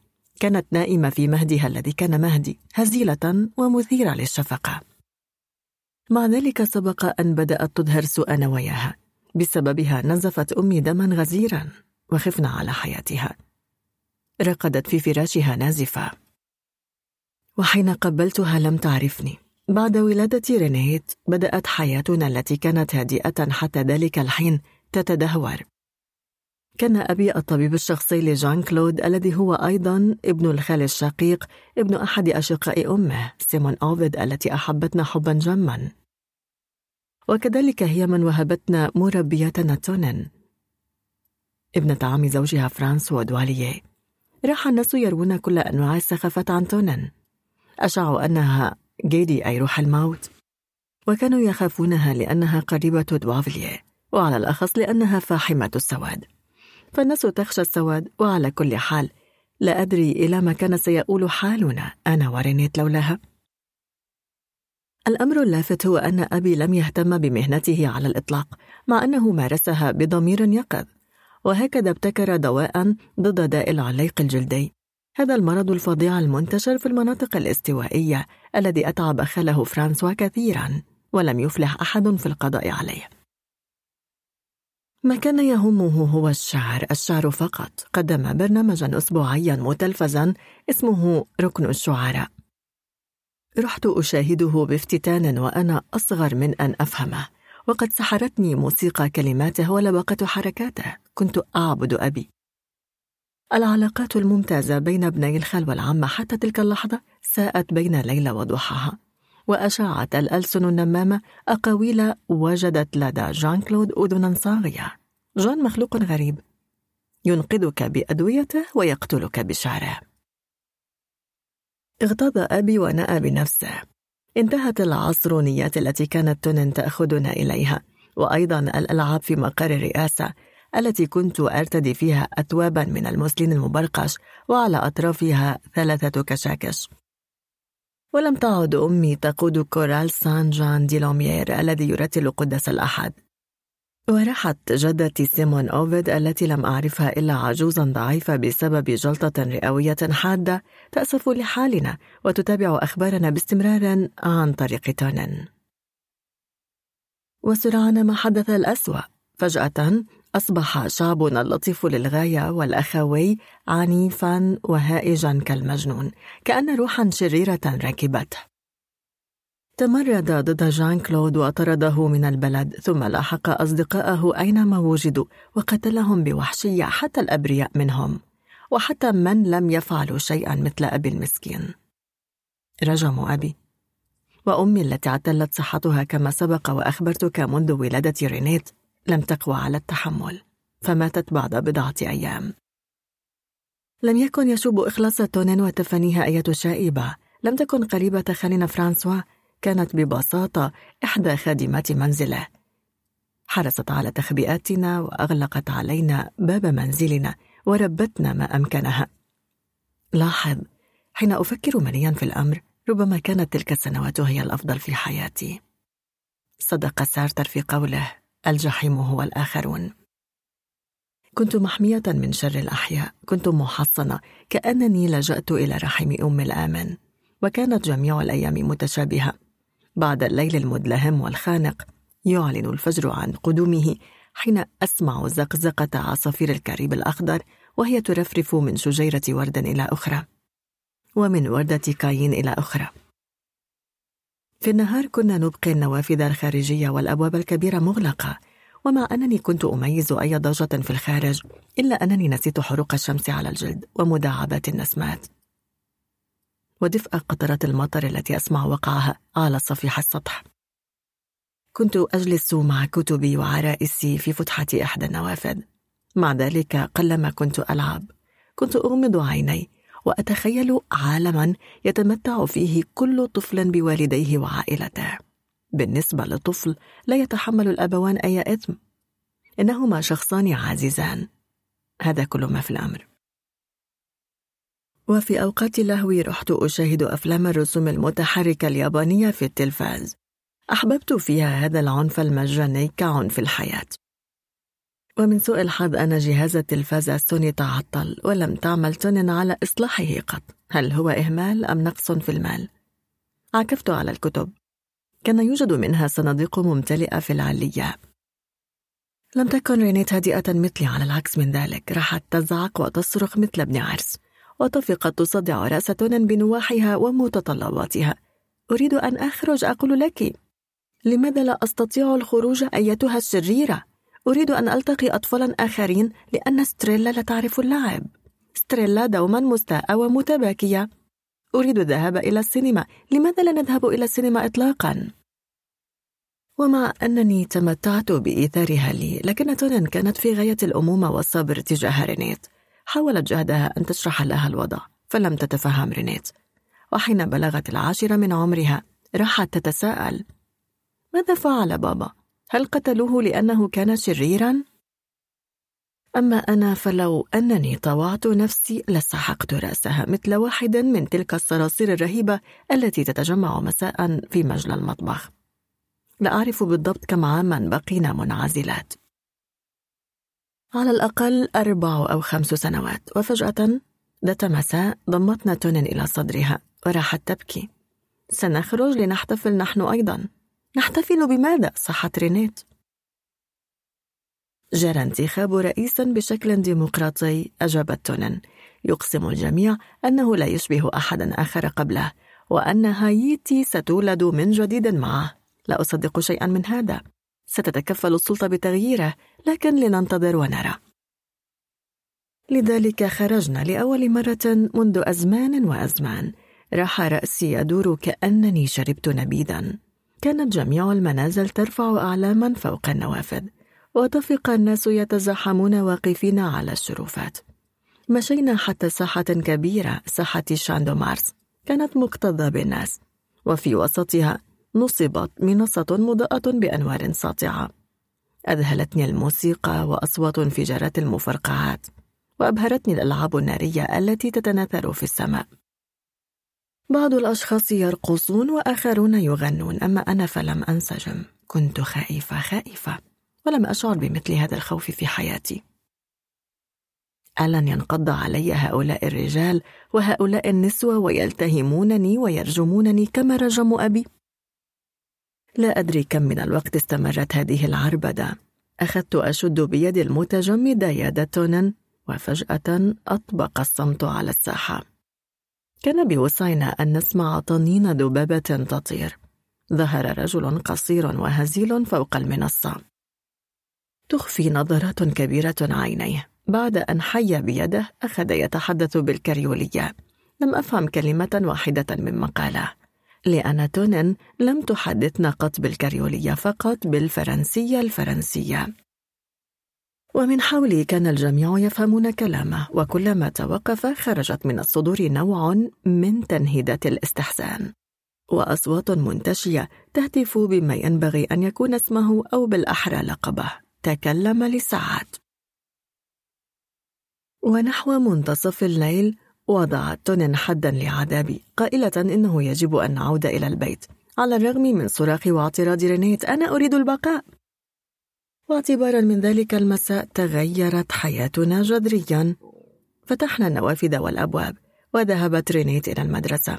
وكم تمنيت أن أذهب إليها أنا أيضا لكن لم يكن لدينا ما يكفي من المال. يبدو أننا كنا نعيش على نفقة خصصها دوفالييه لتونن وحين كان يضيق بنا الحال كانت تبيع حليا تخص أمي. فالمدارس في هايتي باهظة الكلفة ولم يكن بمقدور تونن أن تغطي نفقات مضاعفة على المدرسة والطعام واللباس المدرسي والكتب والدفاتر. كنت الأكبر سنا ومن الطبيعي أن أضحي وسرعان ما لاحظنا أن هذه التضحية بلا جدوى. لم تكن ريني تحب المدرسة. على الأقل هذا النوع من المدارس الذي تديره راهبات ويصلي ويعبد الله فيها. كم كانت مشاغبة ووقحة ودائمة التظلم. ولو لم تشفق الراهبات على طفلة يتيمة الأب والأم لطردناها منذ وقت طويل. في الحقيقة الأمر الوحيد الذي كان يهم رينيت هو التفتيش في ماضي والدي. راحت تقضي وقتها تفتح الصناديق المغلقة منذ سنوات والمتكدسة فوق بعضها في العلية.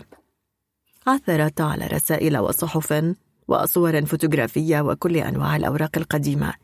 راحت تجردها بشكل محموم وتدون ملاحظات مثل رجل شرطة. أريد أن أفهم كانت تردد هل كان أبي مستغلا قاتلا قادرا؟ الفهم. ما جدواه؟ ألا يكفي الحب؟ في تلك الفترة راح كل شيء يسوء من جديد في البلد. أطاح انقلاب عسكري بالرئيس المنتخب. ولم يكن ذلك ليفاجئ أحدا لو لم يتبعه نظام إرهاب حقيقي لم يرى مثله قط. في كل يوم يعتقل مئات الناس ويسجنون ويعدمون بلا سبب. آنذاك هجرت تونن التي كانت في غاية الورع على الدوام الكنيسة الكاثوليكية. ودخلت في طائفة أمريكية كنيسة المؤمنين باليوم السابع. دخلتها معها ورحنا نمشي كل يوم السبت حتى دوكول وهي بلدة صغيرة على شاطئ البحر كي نصلي وننشد التراتيل ونتطهر ونطلب الغفران ونطرد الشياطين ونحن نسبح برداء أبيض فضفاض. كان ذلك يجعلني أنعم بالراحة. وتفقت أحيانا أرى أبي وأمي يبتسمان لي عند بوابة السماء. أما رينيت فرفضت بشكل قاطع أن تشارك في رحلة الحج تلك سمتها ترهات. برأيها كنا محبطتين ومخبولتين بسبب الفوضى العارمة السائدة في هايتي وأن ما نحتاجه هو النضال بواسطة الالتزام السياسي. علينا أن نكون صوت البؤساء الذي لا صوت لهم. راحت تؤكد بصيغة أشك أنها استعارتها من إحدى مطالعاتها العديدة. وحده هذا الالتزام تابعت تأكيدها سيعطي معنى لحياتنا وهي نفسها قدمت نموذجا ونضلت في جميع أنواع المنظمات من أجل احترام حقوق الإنسان من أجل الدفاع عن الديمقراطية من أجل وقف الاعتقالات التعسفية ومحاكمة السجناء السياسيين وهلم جرى. وكل ذلك ذهب هباء ولا جدوى من الخوض فيه. ذات مساء جاءت تتراقص أمامي. أتعرفين؟ لم يكن أبي طبيب جان كلود فقط كما يعتقد الجميع. إنما كان أيضا موضع ثقته ومستشاره في جميع القضايا الشائكة بسبب قرابته به. مثلا في تموز عام 1980 هو من دفعه إلى اعتقال ذاك الشخص الذي جاء من كوبا نستر تيبوا. أثارت القضية ضجة كبيرة. كان المدعو نستر تيبوا شيوعيا يريد أن يعلم عمال قصب السكر الإضراب. اعتقلوه وعذبوه قبل أن يعدموه. كان أبي قاتلا مثل جان كلود مثل فرانسوا دوفاليه ومثل رافائيل تروخيو في جمهورية الدومينيكان ومثل باتيستا في كوبا إن منطقة الكاريبي تنتج أسوأ الدكتاتوريين لأن شعوبنا في منتهى السلبية. اختتمت حديثها بحدلقة لم يسعني القول هل هذه النظرية صحيحة أم لا. من جهة أخرى لم أكن أهتم بهذه الأمور راح جسدي كله يغلي من الإهانة الموجهة لأبي. كدت أنقض عليها وأصفعها بسبب ما قالته لكنني فضلت أن أدير لها ظهري. ومنذ ذلك اليوم توقفت عن التحدث معها. صرت أتجاوزها كما يتجاوز البحر كيس بل لم أعد أنظر إليها. لابد من أن تصرفي أخذ يعذبها لأنها ليلة بعد ليلة راحت تدخل غرفتي مثل نيزك وتتحدث وحدها وغالبا ما توسلت إلي. واجهي الحقيقة هيا. لماذا لا يستطيع أحد تحمل الحقيقة؟ الماضي هو الماضي. أنت لست مسؤولة عن جرائم أبي وعن تغمته المستغلة. ما يهم هو أنت أن تعيشي حياة أخرى. في أحيان أخرى كانت تخطب بإسهاب حول هذا الموضوع أو ذاك وفي مساء آخر أعلنت لي فجأة. أرغب في تغيير اسم عائلتي. لا يمكن الاستمرار في تسمية آفيد أشعر بالعار من هذا الاسم. اختنقت تشعر بالعار من اسم والديها؟ هل هذا ممكن؟ أليس هذا الاسم كنزا يجب تبجيله؟ عبدها والدي لرينيت خلال الفترة القصيرة التي عاش فيها معها أخذت أتذكر بهجة أبي انظري ما أجملها سنسميها رينيت وتعني الملكة الصغيرة مثلك اسمك ستريلا يعني النجمة وفي مساء آخر صرخت بحماسة مفرطة. أنا مغرمة. تصوري أنني تعرفت على فتى شخص مختلف عن صديقك الميليشياوي السقي. صدقيني يدعى ليوسان ألوا هل تعرفين من هو؟ أجل كنت أعرفه. ليوسان ألوا هو صحفي في راديو ليبرتي وصل حديثا من كوبا.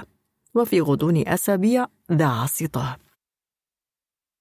الأكثر تشويقا أنه ينتمي إلى عائلة خلاسية. إحدى العائلات الأشد محافظة في هايتي وأفرادها أصدقاء قدامى لدوفاليه لكنه تفاخر أنه قطع أفكارهم وأشاعت ألسنة السوء أنه لم يفعل شيئا في كوبا سوى ضبط إيقاع الجيتار في أوركسترا إبنتشي. ولم يمنعه هذا من لعب دور الثائر العظيم ومن مهاجمة الرئيس. وتفق يؤكد أنه خيب كل الآمال وأنه فاسد وأسوأ من أبي ومن بابي دوك. وأخذت ريني تصول وتجول مجاهرة عبر غرفتي. منذ أن رأى أحدنا الآخر وقعنا في الغرام الأمر جدي نفكر أن نعيش معا. لأنه ما فائدة أن نتزوج في بلد مثل بلدنا يترصدنا فيه الموت مع كل خطوة. لن أتزوج أبدا. كان هذا الخبر يبعث على الذهول في بلدنا فالزنوج والخلسيون قلما يتفقون ونادرا جدا ما يتزوجون انصرفت وأنا مذهولة إلى تحقيق صغير حول الصهر المستقبلي علمت أنه زير نساء. ولا يهتم باللواتي وعدهن بالزواج والأهم علمت أن عددا متزايدا من الأشخاص المصابين بخيبة أمل جراء سلوكه الخاص يحذرونه سياسيا. ازداد سلوك رينيت سخطا وارتدت من الآن فصاعدا قناع العاشقة راحت تتشبث بالهاتف لساعات تتهامس مع صاحبها ليو وطبعا لم تصطحبه قط إلى المنزل. كانت تشعر بخجل شديد منا. أعترف أنني كنت بعيدة كل البعد عن تخيل ما يحضر لنا. جاءت ذات مساء وبريق خبث يلتمع في عمق عينيها وشرحت لي بانفعال. أعددنا أنا وليو مشروع حلقات مسلسلة ستشكل حدثا تاريخيا. سنطلق عليه اسم الذاكرة المشطوبة. العنوان ممتاز أليس كذلك؟ وكالعادة لم أنبس بكلمة فتابعت. سنخصص الحلقة الأولى عن أبي. ظننت أنني أسأت الفهم فاستعدت عادة الكلام لأصرخ. عن أبي؟ أجل. سحبت كرسيا جلست وشرحت لي بتأن كأنها تتحدث إلى طفل. جمعت عددا هائلا من الوثائق طيلة هذه السنوات. وثائق غير منشورة لا يعرفها الناس. سنكشف خبايا حقبة مثيرة. جن جنوني دعي أبي وشأنه صرخت. وفي الوقت ذاته هجمت عليها وأمسكت من خناقها. كدت أقتلها لو لم تهر عتن راكضة بعد أن سمعت صرخاتها وكل تلك الفوضى. نجحت بصعوبة بالغة أن تفصل بيننا. كنت كالمجنونة. ورحت أصرخ أنني سأجلب سكينا من المطبخ لأذبحها. غادرت في عز الليل وهي مرعوبة. وبعد بضع ساعات عادت لتأخذ أمتعتها بصحبة ليو الذي رأيته لأول مرة. كان خلاسيا ناصع البياض. يشبه صورة لفيكتور هوغو الشاب رأيتها في كتاب الهيئة الملائكية ذاتها. لكن كلمات لا علاقة لها بالملائكة خرجت من فمه. أيتها المشعوذتان القذرتان تجرأتما على تهديد رينيت؟ ستدفعان الثمن. سنفضحكما على الهواء. وستأتي الجماهير لرجمكما كما رجمت جان أوفيد. وعندها غادرا ولم أرهما ثانية. وابتداء من اليوم التالي أعلن ليوسان إلوا باحتفالية كبيرة انطلاق سلسلة برامجية أعدها من وثائق تنشر لأول مرة قدمتها له ابنة أحد أعوان دوفالييه كيف السبيل إلى منعهما هو ورينيت من الإيذاء؟ كيف نمنع هذان الأفعوانين من بث سمومهما؟ أطالبك أن تصدقني يرمون أكواما من القصص عني ليست صحيحة. ما أخبرك به أنا أقسم أنه عين الحقيقة. إنني زوجة لرجل واحد. حتى لو تسليت أحيانا مع رجال آخرين.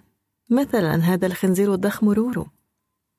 يجب أن تعرف أنني في رتبة حياتي عشت أيضا سعادة كبيرة وربما أعظم سعادة. أحببت وكنت محبوبة أيضا. وذات يوم ظهر كريستوف في حياتي الكئيبة جدا ليحولها إلى ما يشبه حكاية خرافية. إلى سيناريو أكثر تشويقا من سيناريوهات أفلام السينما التي أعمل فيها. حين اصطحبته إلى المنزل في البداية لم تكن تونن فعلا مسرورة. وجدته فاحم السواد. لا يعرف القراءة ولا الكتابة أو يكاد. كان طفلا مهملا وخادما منزليا في صغره ثم ذاب قلبه. لا يمكن لأحد أن يرى كريستوف ولا يحبه. رفضت رينيت بالتأكيد أن تصافحه وتحدثه لكنه لم يعبأ بالأمر. وحتى راح يسخر منه. أختك يجب منادتها الآنسة ثورة ستسمعهم بالتأكيد يروون أسوأ الحكايات عن كريستوف سيقولون لك في البداية إنه دجال لا صلة له بالإمبراطور الراحل. كذب. أنجب هنري كريستوف الأول أربعة صبيان من زنجية من العامة. كانت تدعى ميرتل ومنعها أن تطأ سانسوسي حيث بلاطه أكان يخجل بها؟ هل أراد أن يحميها من كل دسائسه؟ لن يعرف أحد أبدا. على أي حال عند موته قتلت نفسها. ويتحذر هنري كريستوف الثاني من ابنها الأول. سيقولون لك إنه يتاجر بالمخدرات والأسلحة هذا صحيح وأنه يشرب هذا صحيح وأنه يقامر ويمكن أن يربح أو يخسر مبالغ هائلة كل هذا صحيح. لكن لا يحتاج أحد إلى أن يكون كاملا حتى يحب وإلا لصار الحب مكافأة وليس معجزة. المهم هو أن هنري كريستوف الثاني يحمل قلبا كبيرا. لم أصادف قط شخصا يحمل قلبا مثل قلبه. لديه حساب شخصي يصفيه مع المعاناة والبؤس. لا يمكنني أن أحصي عدد المدارس والمستوصفات التي أنشأها. في جريمي مدينة مسقط رأسه بنى المدرسة العليا لحقوق الإنسان. وكل عام تمنح فيه جائزة للديمقراطية. يبدو هذا ساذجا. يفكر طلاب الصفوف العليا في فكر رجل عظيم توكفيل. مونتسكيو تشي جيفارا روبير بادنتير هنري كريستوف الثاني قوي وفي الوقت نفسه رقيق. في غاية الرقة ومرح في غاية المرح. حين تعرفت إليه كان عائدا للتو من واشنطن حيث بقي فيها إلى جانب الرئيس كحارس شخصي. كان يحلم بالعودة معي للعيش فيها. وطفق يقول لي لنترك بؤس هايتي لنرحل إلى الولايات المتحدة الأمريكية. واشنطن هي حديقة مدينة مدينة خضراء. على العكس تماما من بورت أو برنس. في الربيع على امتداد جادة ماساتشوستس تزهر أشجار الكرز اليابانية أزهارا وردية. وفي الخريف على العكس تحمر أوراق الشجر بجميع أطياف اللون الأحمر. كنت أهز كتفي إلى واشنطن وماذا سنفعل هناك؟ توجد مخدرات بكميات كبيرة في الولايات المتحدة الأمريكية. كان يضحك. لن أكون عاطلا عن العمل ولدي علاقات سابقة. كان الرئيس وكريستوف يحبان بعضهما حبا جما مثل أب وابنه. لكننا لم نتطرق إلى ذلك قط. لم نتحدث قط في السياسة فأنا أكره السياسة والعنف الذي تنطوي عليه. هي من قتلت والدي. وبسببها كبرت بلا أب ولا أم. وحين عرضت علي رينيت مشروع برنامجها لم يكن يسعني إلا أن أبكي. تونن هي من نصحتني أن أطلب مساعدة كريستوف. ليساعد بماذا تحديدا؟ لم أكن أمتلك الشجاعة لقول ذلك. لهذا تحدثت إلى كريستوف. قبلني ورجاني ألا أفكر في الأمر ثانية. تكفل بكل شيء. وبعد أقل من أسبوع أردي لي قتيلا في وسط دالماس تعرض جسده للضرب المبرح واخترقت رأسه رصاصتان أو ثلاث. جروه على الأرض في القمامة والتراب طيلة نهار بكامله كان مشهدا فظيعا. وعندما حل المساء تخفى والده وجاء لأخذه. وهكذا على الأقل لن يضل خلوده. هذا اعتقادنا. أحدث ذلك ضجة حقيقية في هايتي. وفي انقلاب كامل الأشخاص ذاتهم الذين اعتبروه مدعيا وحتى دجالا أخذوا يجدلون له إكليل شهيد. وراحوا يتذكرون الشجاعة التي كان ينتقد بها الرئيس يوما بعد يوم في افتتاحياته. وصور سينمائي أمريكي متخرج من هوليوود فيلما وثائقيا من دون أن يستشير أحدا عنوانه الصحفي الكبير. سيرة ساذجة كانت ستثير الضحك لو لم تكن حزينة جدا. اتهم جميع الناس كريستوف بهذه الجريمة. لعله تصرف بأمر مني ومن تونن ولا سيما مني حتى يرضيني سألته وأجابني أنه ليس الفاعل. ليس هو. ماذا حدث؟ ربما أعطى الرئيس أمرا لشخص آخر بتصفية هذا الصحفي لأنه لم يعد قادرا على تحمله. ولعل هذا السافل ليو له أعداء آخرون. امرأة لم يساورني شك في كلام كريستو ارتكبنا أنا وتون حماقة بذهابنا إلى جنازة ليو. نحن نؤمن أنه يجب احترام الموت عندما يمر. اعتبر الناس ذلك استفزازا. كان يوجد حشد في بيت آل سان إلوا حيث عرضت الجثة المرتقة قدر الإمكان. تصدرت رينيت مثل أرملة محزونة وتظاهرت أنها لم ترنا.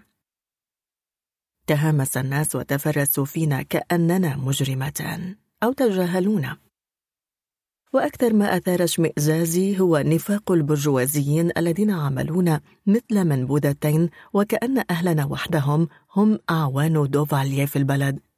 كأنهم هم لم يستفيدوا من سخاء هذا النظام قط. بعد بضع أسابيع اختفت رينيت التي كانت تسكن منزل ليو. بحثنا عنها في كل مكان. بل إن آل سان إلوا أوكلوا الأمر إلى وكالة تحقيقات خاصة. متخصصة في عمليات الخطف التي بدأت عملها المؤسف بلا جدوى. غادرت رينيت البلد على الأرجح كما فعل كثيرون غيرها بشتى الوسائل الممكنة والتي يمكن تصورها.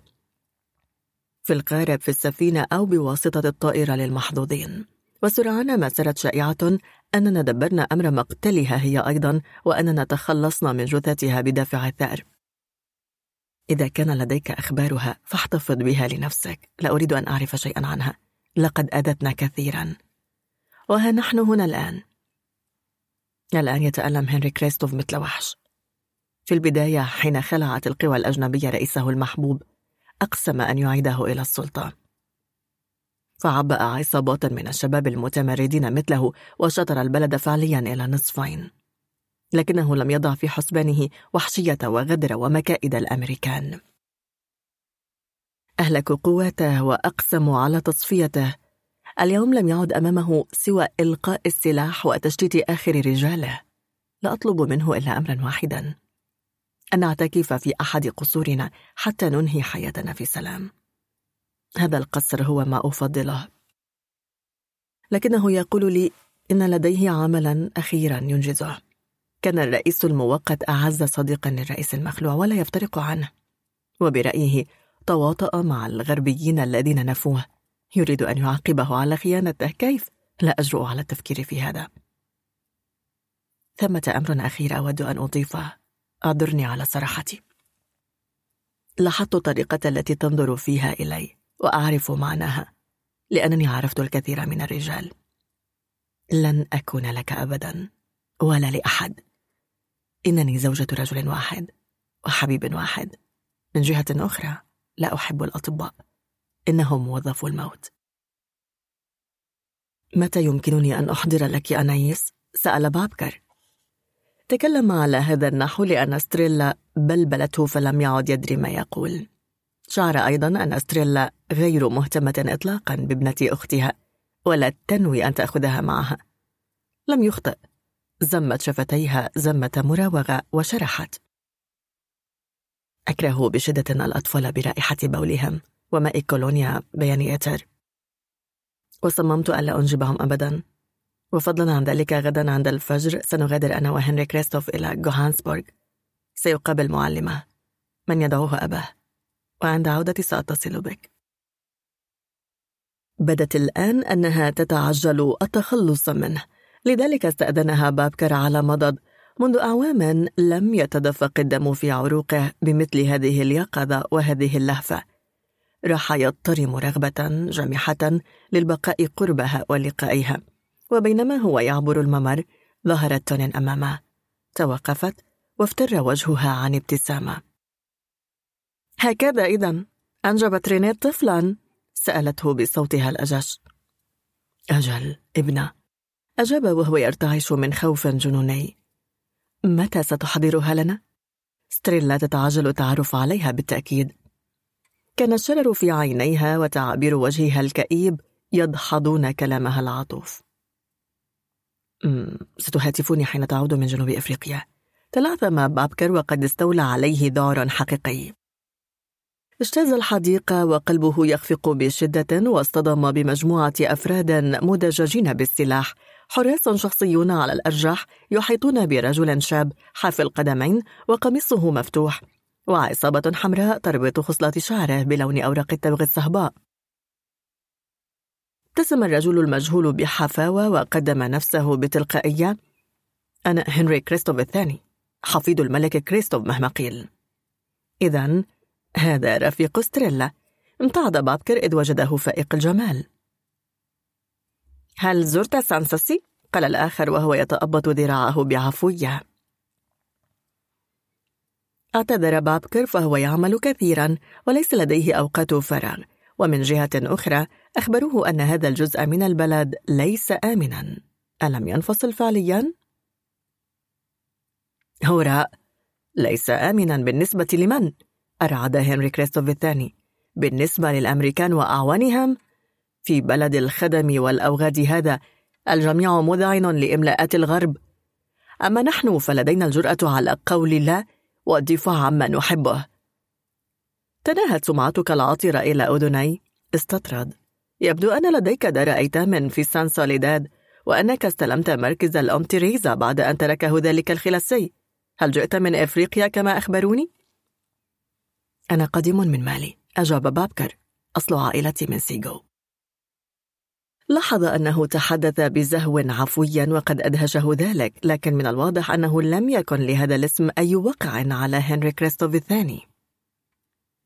ألا ترغب بالعمل معنا؟ سأل. نحتاج إلى رجال من أمثالك. ماذا تريدني أن أفعل؟ ضحك بابكر. لا أعرف سوى التوليد. بالتأكيد لا. ما أحاول فعله هو إعطاء الثقة لشبابنا. ونموذجك قد يلهمهم. أرجوك عد لرؤيتي. ستحدثني عن إفريقيا إنها تسحرني. وظلت تسحرني دوما. عن أي إفريقيا تريد أن أحدثك؟ فكر بابكر. هناك المئة من إفريقيا. إفريقية المعذبة وشهيدة الحروب العبثية قد لا تعجبك. كانت سيارة دفع رباعي تنتظره لتقله إلى ألكسندرا. ومع أن ذعره هدأ لكن قلبه ظل مكلوما. فقد عانى للتو أيضا. صد ابنة أوفيد ذات السحر الفتاك. بداية صدته رينيت ثم ستريلا. من حوله خيم اللون بلون الحبر وأضاءت مصابيح السيارة جذوع الأشجار الملتوية الشبيهة بحيوانات مذعورة. كان فندق ألكسندرا منارا كباخرة تبدأ بالمغادرة وأشارت موسيقى الأوركسترا إلى أن حفلة راقصة تقام في القاعة الكبيرة. اكتفى موفار بالتدخين موليا ظهره إلى النافذة بينما راح فؤاد يرقص ببراعة رقصة المرينجا مع مريم اقترب منه بابكر بخفة وقال له بغضب أين كنتم جميعا؟ وأين ذهبت؟ وردا على ذلك هز موفا رأسه بعنف وعاد إلى لزمته المكرورة بالكريولية هؤلاء الناس ليسوا طيبين دعونا نغادر هذه المنطقة كل هذا ليس إلا أقاويل في مجتمع جامح المخيلة بماذا أساءت ستريلا وتونن بالضبط؟ أخذ يتساءل الآن هل كان يجب تصديق هذيانات السكيرورو؟ خنزير ضخم كانت ستريلا قد قالت لا شك أنها رفضته وهو يثأر لنفسه أما تونن فهل هو ذنبها لأنها فاحمة السواد وشديدة القبح؟ لعل هذا المظهر المنفر يخبئ قلبا من ذهب رأى عندئذ جهيرة ترقص وقد ضمها النقيب دالامبير بحماسة إلى صدره في الأيام التالية لم يستطع باباكار أن يمنع نفسه من التفكير بستريلا وعانى وجدا حقيقيا. ومع أنه راح يردد في سره أن هذا الأمر غير معقول لكنه لم يستفد شيئا. الساحرات لسن فقط زنجيات بعيون زرقاء فتلك المرأة فتنته فعلا. وفي محاولة منه لنسيانها أغرق نفسه أكثر من أي وقت مضى في العمل. ولم يكد يجد وقتا ليلعب مع أنايس التي جسدت حتى تلك اللحظة سعادته. أما أمه فراح يزجرها حين تظهر له. ماما أنا منهك. وذات مساء على العشاء أعلن موفار غدا يجب أن يرافقني بابكر مرة أخرى إلى منزل سوفان فان. اختارتني للتو أن لديها أمرا هاما تخبرني به. بابكر لم يطاوعه قلبه أن يرفض واكتفى فؤاد برفع نظريه إلى السماء. في اليوم التالي استقلت ثلاثة سيارة الدفع الرباعي الباجيرو الجديدة تماما التي اشتريت بقرض لتحل أخيرا مكان الشاحنة الصغيرة أرز لبنان مطبخ متوسطي متقن. وسرعان ما تركهما فؤاد من دون استئذان وتوقف عند جسكار أحد أصدقائهم عامل حدادة فنية يتمتع بموهبة صناعة أشكال رائعة وخيالية من الصفائح وعبوات المعلبة الفارغة. طيور الطوقان وحيد القرن طيور الكركي وفيلة وخيول مجنحة. كان جاسكار حفيد أحد أعوان دوفاليي المشهورين جدا. ظل وزيرا للداخلية فترة مديدة. أطلق على نفسه اسم جيسكر لامرد جيسكر البراز عند موت بابا دوك فرانسوا دوفاليي كان يحلو له أن يوضح.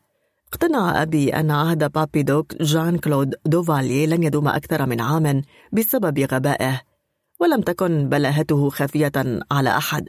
لذلك نفى نفسه إلى المكسيك موطن أمي الأصلي ترعرعت هناك من دون أن أسمع بهايتي إطلاقا.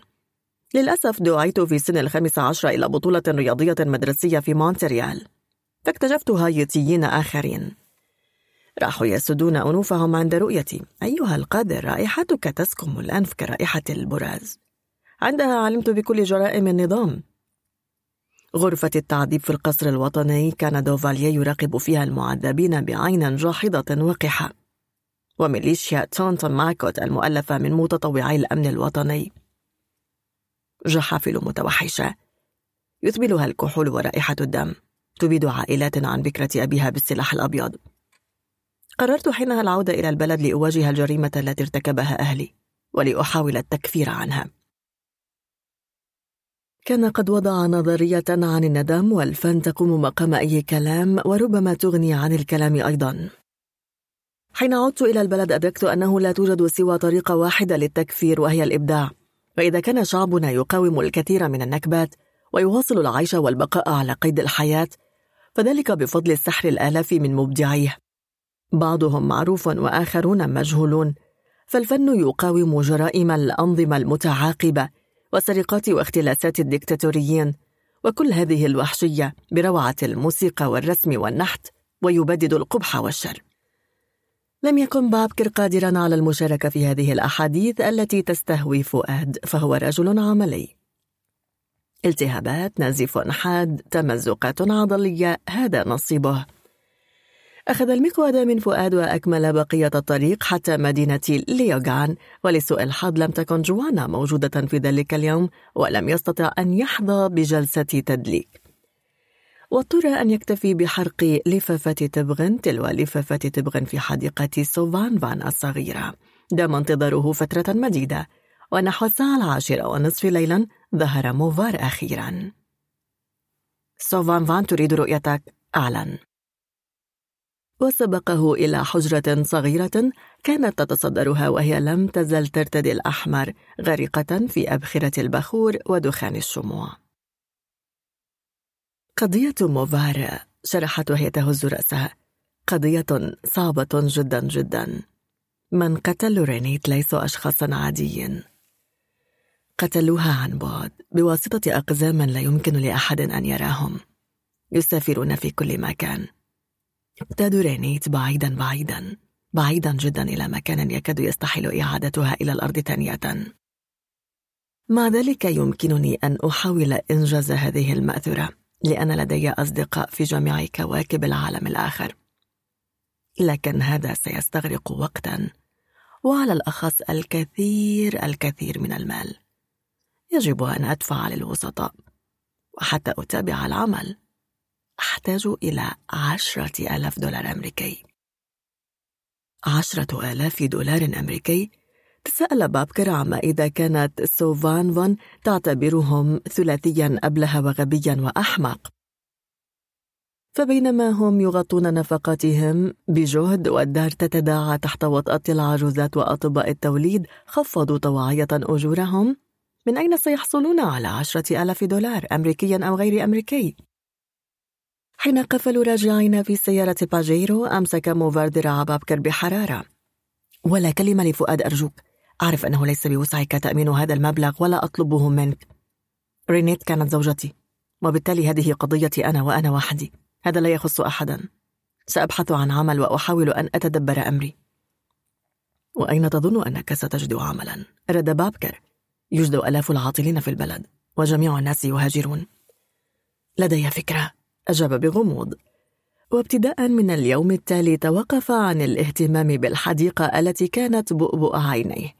وراح كل صباح يغيب ولا يعود إلى الدار إلا عند حلول الظلام أين يذهب؟ راح فؤاد يتساءل ساخطا وماذا يفعل طيلة النهار؟ يبحث عن عمل انتهى بابكر إلى إخباره بكل القضية من أين تريدنا أن نحصل على عشرة ألاف دولار؟ قال الآخر مندهشا هل تحسبنا مغفلين؟ إذا تمسعد موفار وقت العشاء أخذ مكانه على المائدة وأعلن سأغادر إلى لابادي. وما هي لابادي؟ قال بابكر وفؤاد بالحيرة ذاتها. أوضح موفار بأسلوبه الغامض. إنها في الشمال قرب كاب هايتان. كل شهر تتوقف فيها سفن الرحلات السياحية الأمريكية مكتظة بالسياح. وعما ستبحث هناك؟ سأله فؤاد. يوظفون الكثير من الأشخاص ويدفعون لهم بالدولار الأمريكي. ثمة من يعملون على متن السفن وآخرون يهتمون بالسياح عند وصولهم إلى اليابسة. يصطحبونهم إلى الشواطئ ويراقبونهم عندما يسبحون أو يأخذونهم لشراء التذكارات أنت لست بحارا ولا مرشدا سياحيا ولا منقذا. قطعه بابكر بحزم وفوق ذلك أنت لا تفهم كلمة واحدة إنجليزية. أرجوك يا موفار لا تتخذ أي قرار قبل أن تخبرني. بعد يومين ومن دون أن يصغي لأحد اختفى موفار.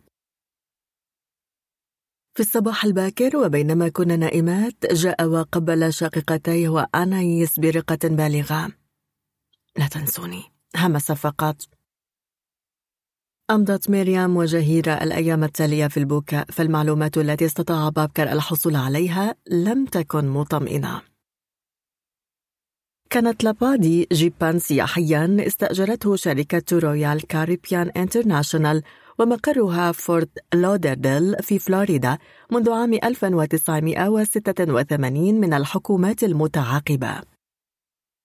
وكانت هذه الشركة تدفع للدولة الهايتية ستة دولارات على كل سائح ومقابل هذا العطاء لم تبادر جحافل الموت جوعا إلى إزعاجها.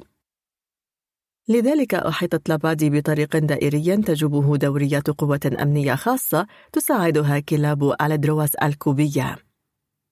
رحيل موفار الذي جاء بعد حبه التعس لستريلا غمر بابكر باليأس اتضح بجلاء أنه غير جدير بحماية من يحبهم. لم يستطع أن يمنع علي من ملاحقة أحلامه الجوفاء والموت على شاطئ لامبيدوزا ولم يتمكن من إنقاذ أزيليا.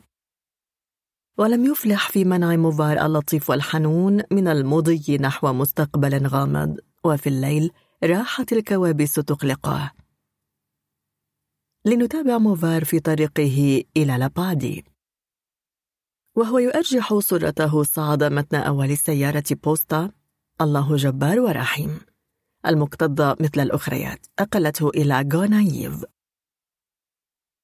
لم تشفى مدينة الاستقلال من إعصار العام الماضي ولم تكن أكثر من كومة أنقاض يجوبها السكان والكلاب الكبيرة المتضورون جوعا على حد سواء.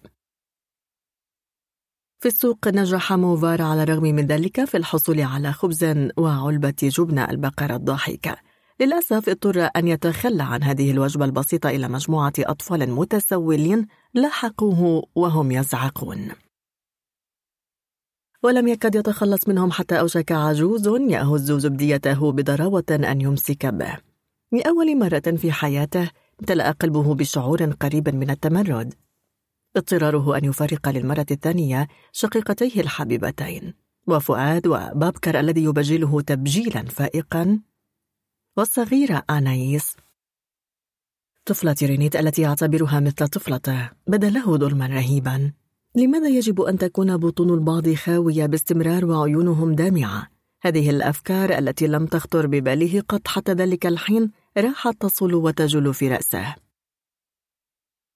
في سيارة البوسطة الثانية واسمها الإيمان ينجي التي تترجرج نحو كاب هايتان اتخذ مكانه بجانب رجل منحه الوقت ليجتر غضبه الوليد لأن الرجل لم يتوقف عن الشخير فغيرا فما هو كاشفا عن أسنان تالفة كان موفر يعرف سلفا المناظر الخلابة وتزحم الجبال المحيشة ذات السفوح الجرداء التي تعتبر مستودع العوز والفاقة لماذا يعيش البؤس المزري في قلب الجمال الخلاب؟ راح يتساءل من المسؤول عن ذلك؟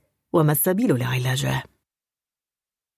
بلغ كاب هايتان نهاية النهار حين كانت الشمس الأرجوانية تتأهب للغطس في البحر.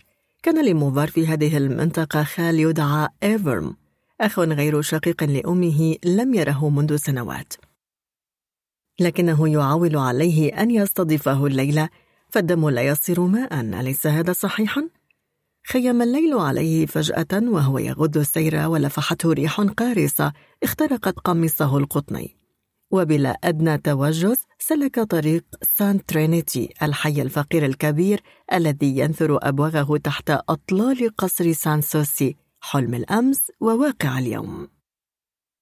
عثر بلا عناء على مكان إقامة خاله في متاهة أزقة تحف بها أكواخ فقيرة وأكوام مواد عشوائية مستهلكة. وهذا بوجهه المراوغ والماكر لم يتذكره حتى دس في راحة يده دولارين أمريكيين أنعش ذاكرته. لديه زوجة بول شيري وستة أبناء جميعهم بنات يشبهن الجهيرة ومريم. ما جعل الدموع تطفر في عيني موفار وحول ما يشبه الوجبة راح خاله ينتحب بلا توقف. لم تعرف هايتي قط إلا رئيسا واحدا يهتم بشعبه. وانظر ماذا حدث له خيب هنري كريستوف الثاني أمل جميع الناس بعد أن وعدهم بالانتقام له. انظر كيف سحب هذا الجبان قوته من النورد ولاذ بقصره كاسكيا كلير لأنه خاف من الأمريكيين. ثم أخذ يمطر موفار بوابل من الأسئلة. عما جاء يبحث في الكاب حاول أن يشرح له بوضوح فائق لم يسبق له أن مارسه حتى ذلك الحين. جاء يبحث عن العمل في لابادي علم أن مالكتها شركة رويال كاربيان انترناشونال ملزمة بتشغيل مواطني البلد للعمل في المطابخ على متن سفنها والتنظيف وترتيب مقصورة الركاب. هز الخال رأسه. لا يمكن لأحد الدخول إلى لابادي إنها في هايتي وفي الوقت نفسه ليست في هايتي. فالمكان محاط بجدران تعلوها الأسلاك الشائكة المكهربة. ولأن موفار لم يكن يريد أن يسمع شيئا وبدأ مصمما على الرغم من كل شيء أن يجرب حظه. لم يلح خاله واقترح أن يقوم بجولة في شي المارموت وهي حانة تفتح نهارا وليلا وتبيع أفخر أنواع الكليران في البلد. وفي طريقهما توقفا ليأخذا فوي ديودوني صديق فوديودني الذي يسكن غير بعيدا ضخم البنية وقد حقن إفراطه في المخدرات والكحول عينيه بألياف حمراء وخرج الثلاثة معا. هنا وهناك كانت بقع ضوئية تضيء نساء يجلسن على مقاعد صغيرة ويبيعن أطعمة لا اسم لها. وما خلا ذلك كان الظلام دامسا مكان موحش فعلا. وهناك على طريق المارموت حدث كل شيء. طرح إفريم وديودوني موفار أرضا وسلباه محفظة نقوده التي تحتوي فقط ورقتين من فئة الخمسة دولارات أمريكية مطويتين بعناية. وبنطاله الجينز وقميصه الجديد المخطط. وبعد ذلك أوسعاه ركلا. وألقياه في مجرور فغاص في مياهه الآسنة حيث غاص في المياه الآسنة وقد تحطم عظم صدره. يا له من مشهد حزين ومؤثر. مع ذلك دعونا لا نسهب في هذا الأمر. والأجدر بنا أن نتخيل الصور الأخيرة التي تزاحمت تحت أجفان موفار وهو ينزف دمه وحياته.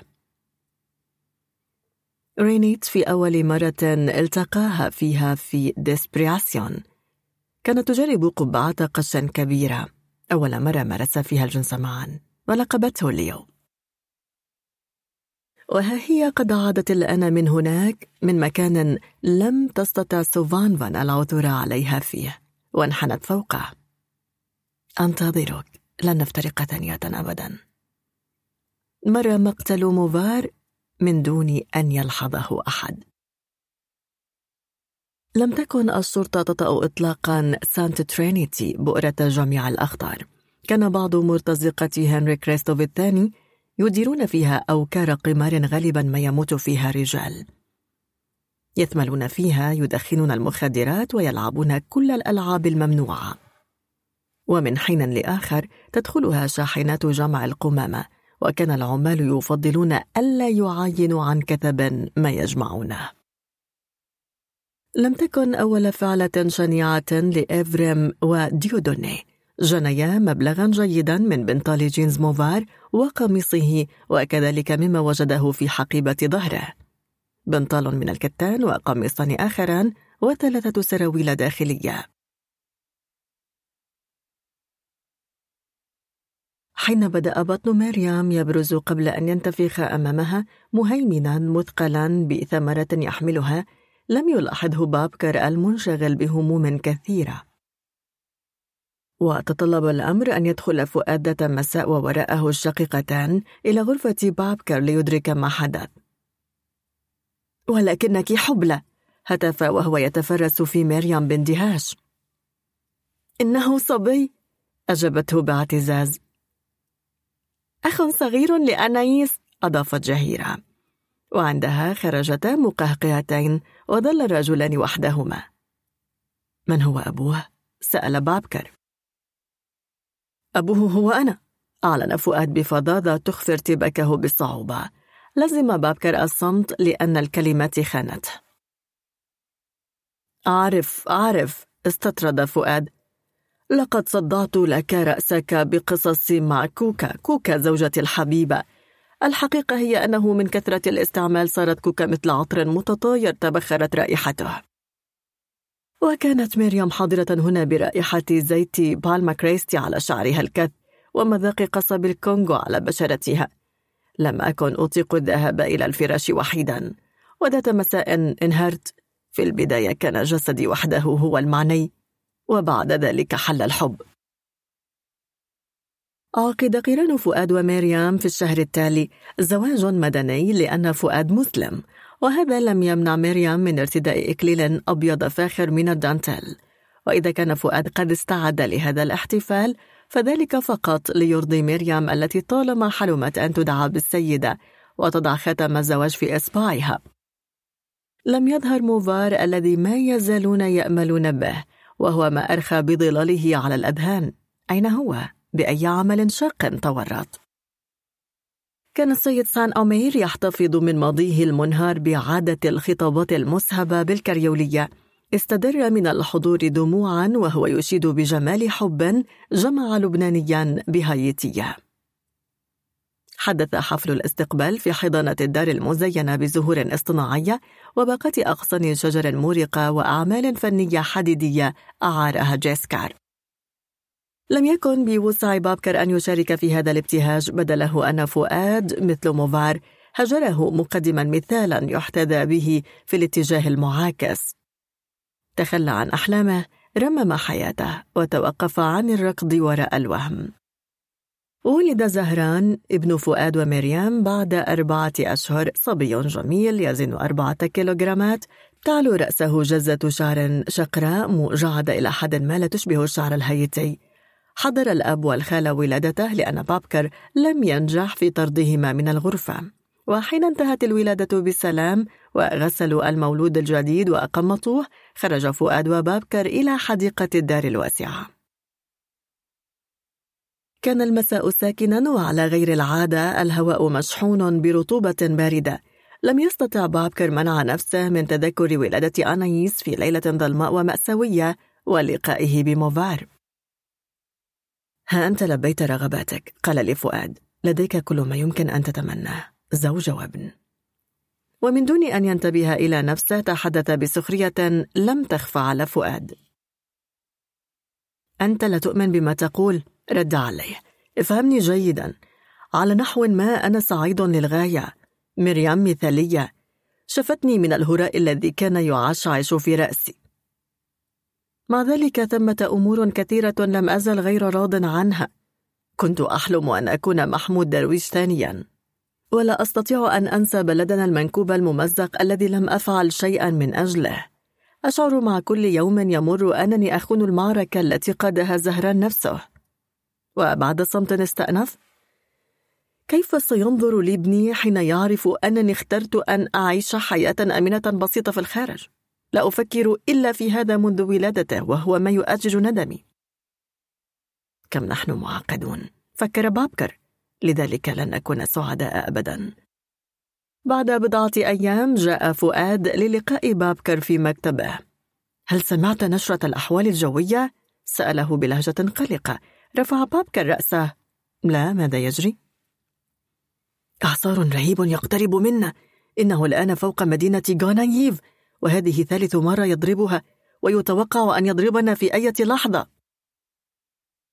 إقامته في الجزيرة المجاورة التي تلقت على مر السنين عواقبه المألوفة عودت بابكر على العواصف المدارية والزوابع وثورات غضب الطقس الأخرى. لذلك لم يتأثر. لكنه اتخذ إجراءات الأمان المعتادة أمضى نهاره يشتري ألواحا خشبية رقيقة ليحكم إغلاق الأبواب والنوافذ. تسلق سقوف الكتل الثلاث التي تشكل الدار ليتحقق من أحكام سدها وجمع في الأكثر اتساعا الحضانة عددا كبيرا من الأسرة والفرش.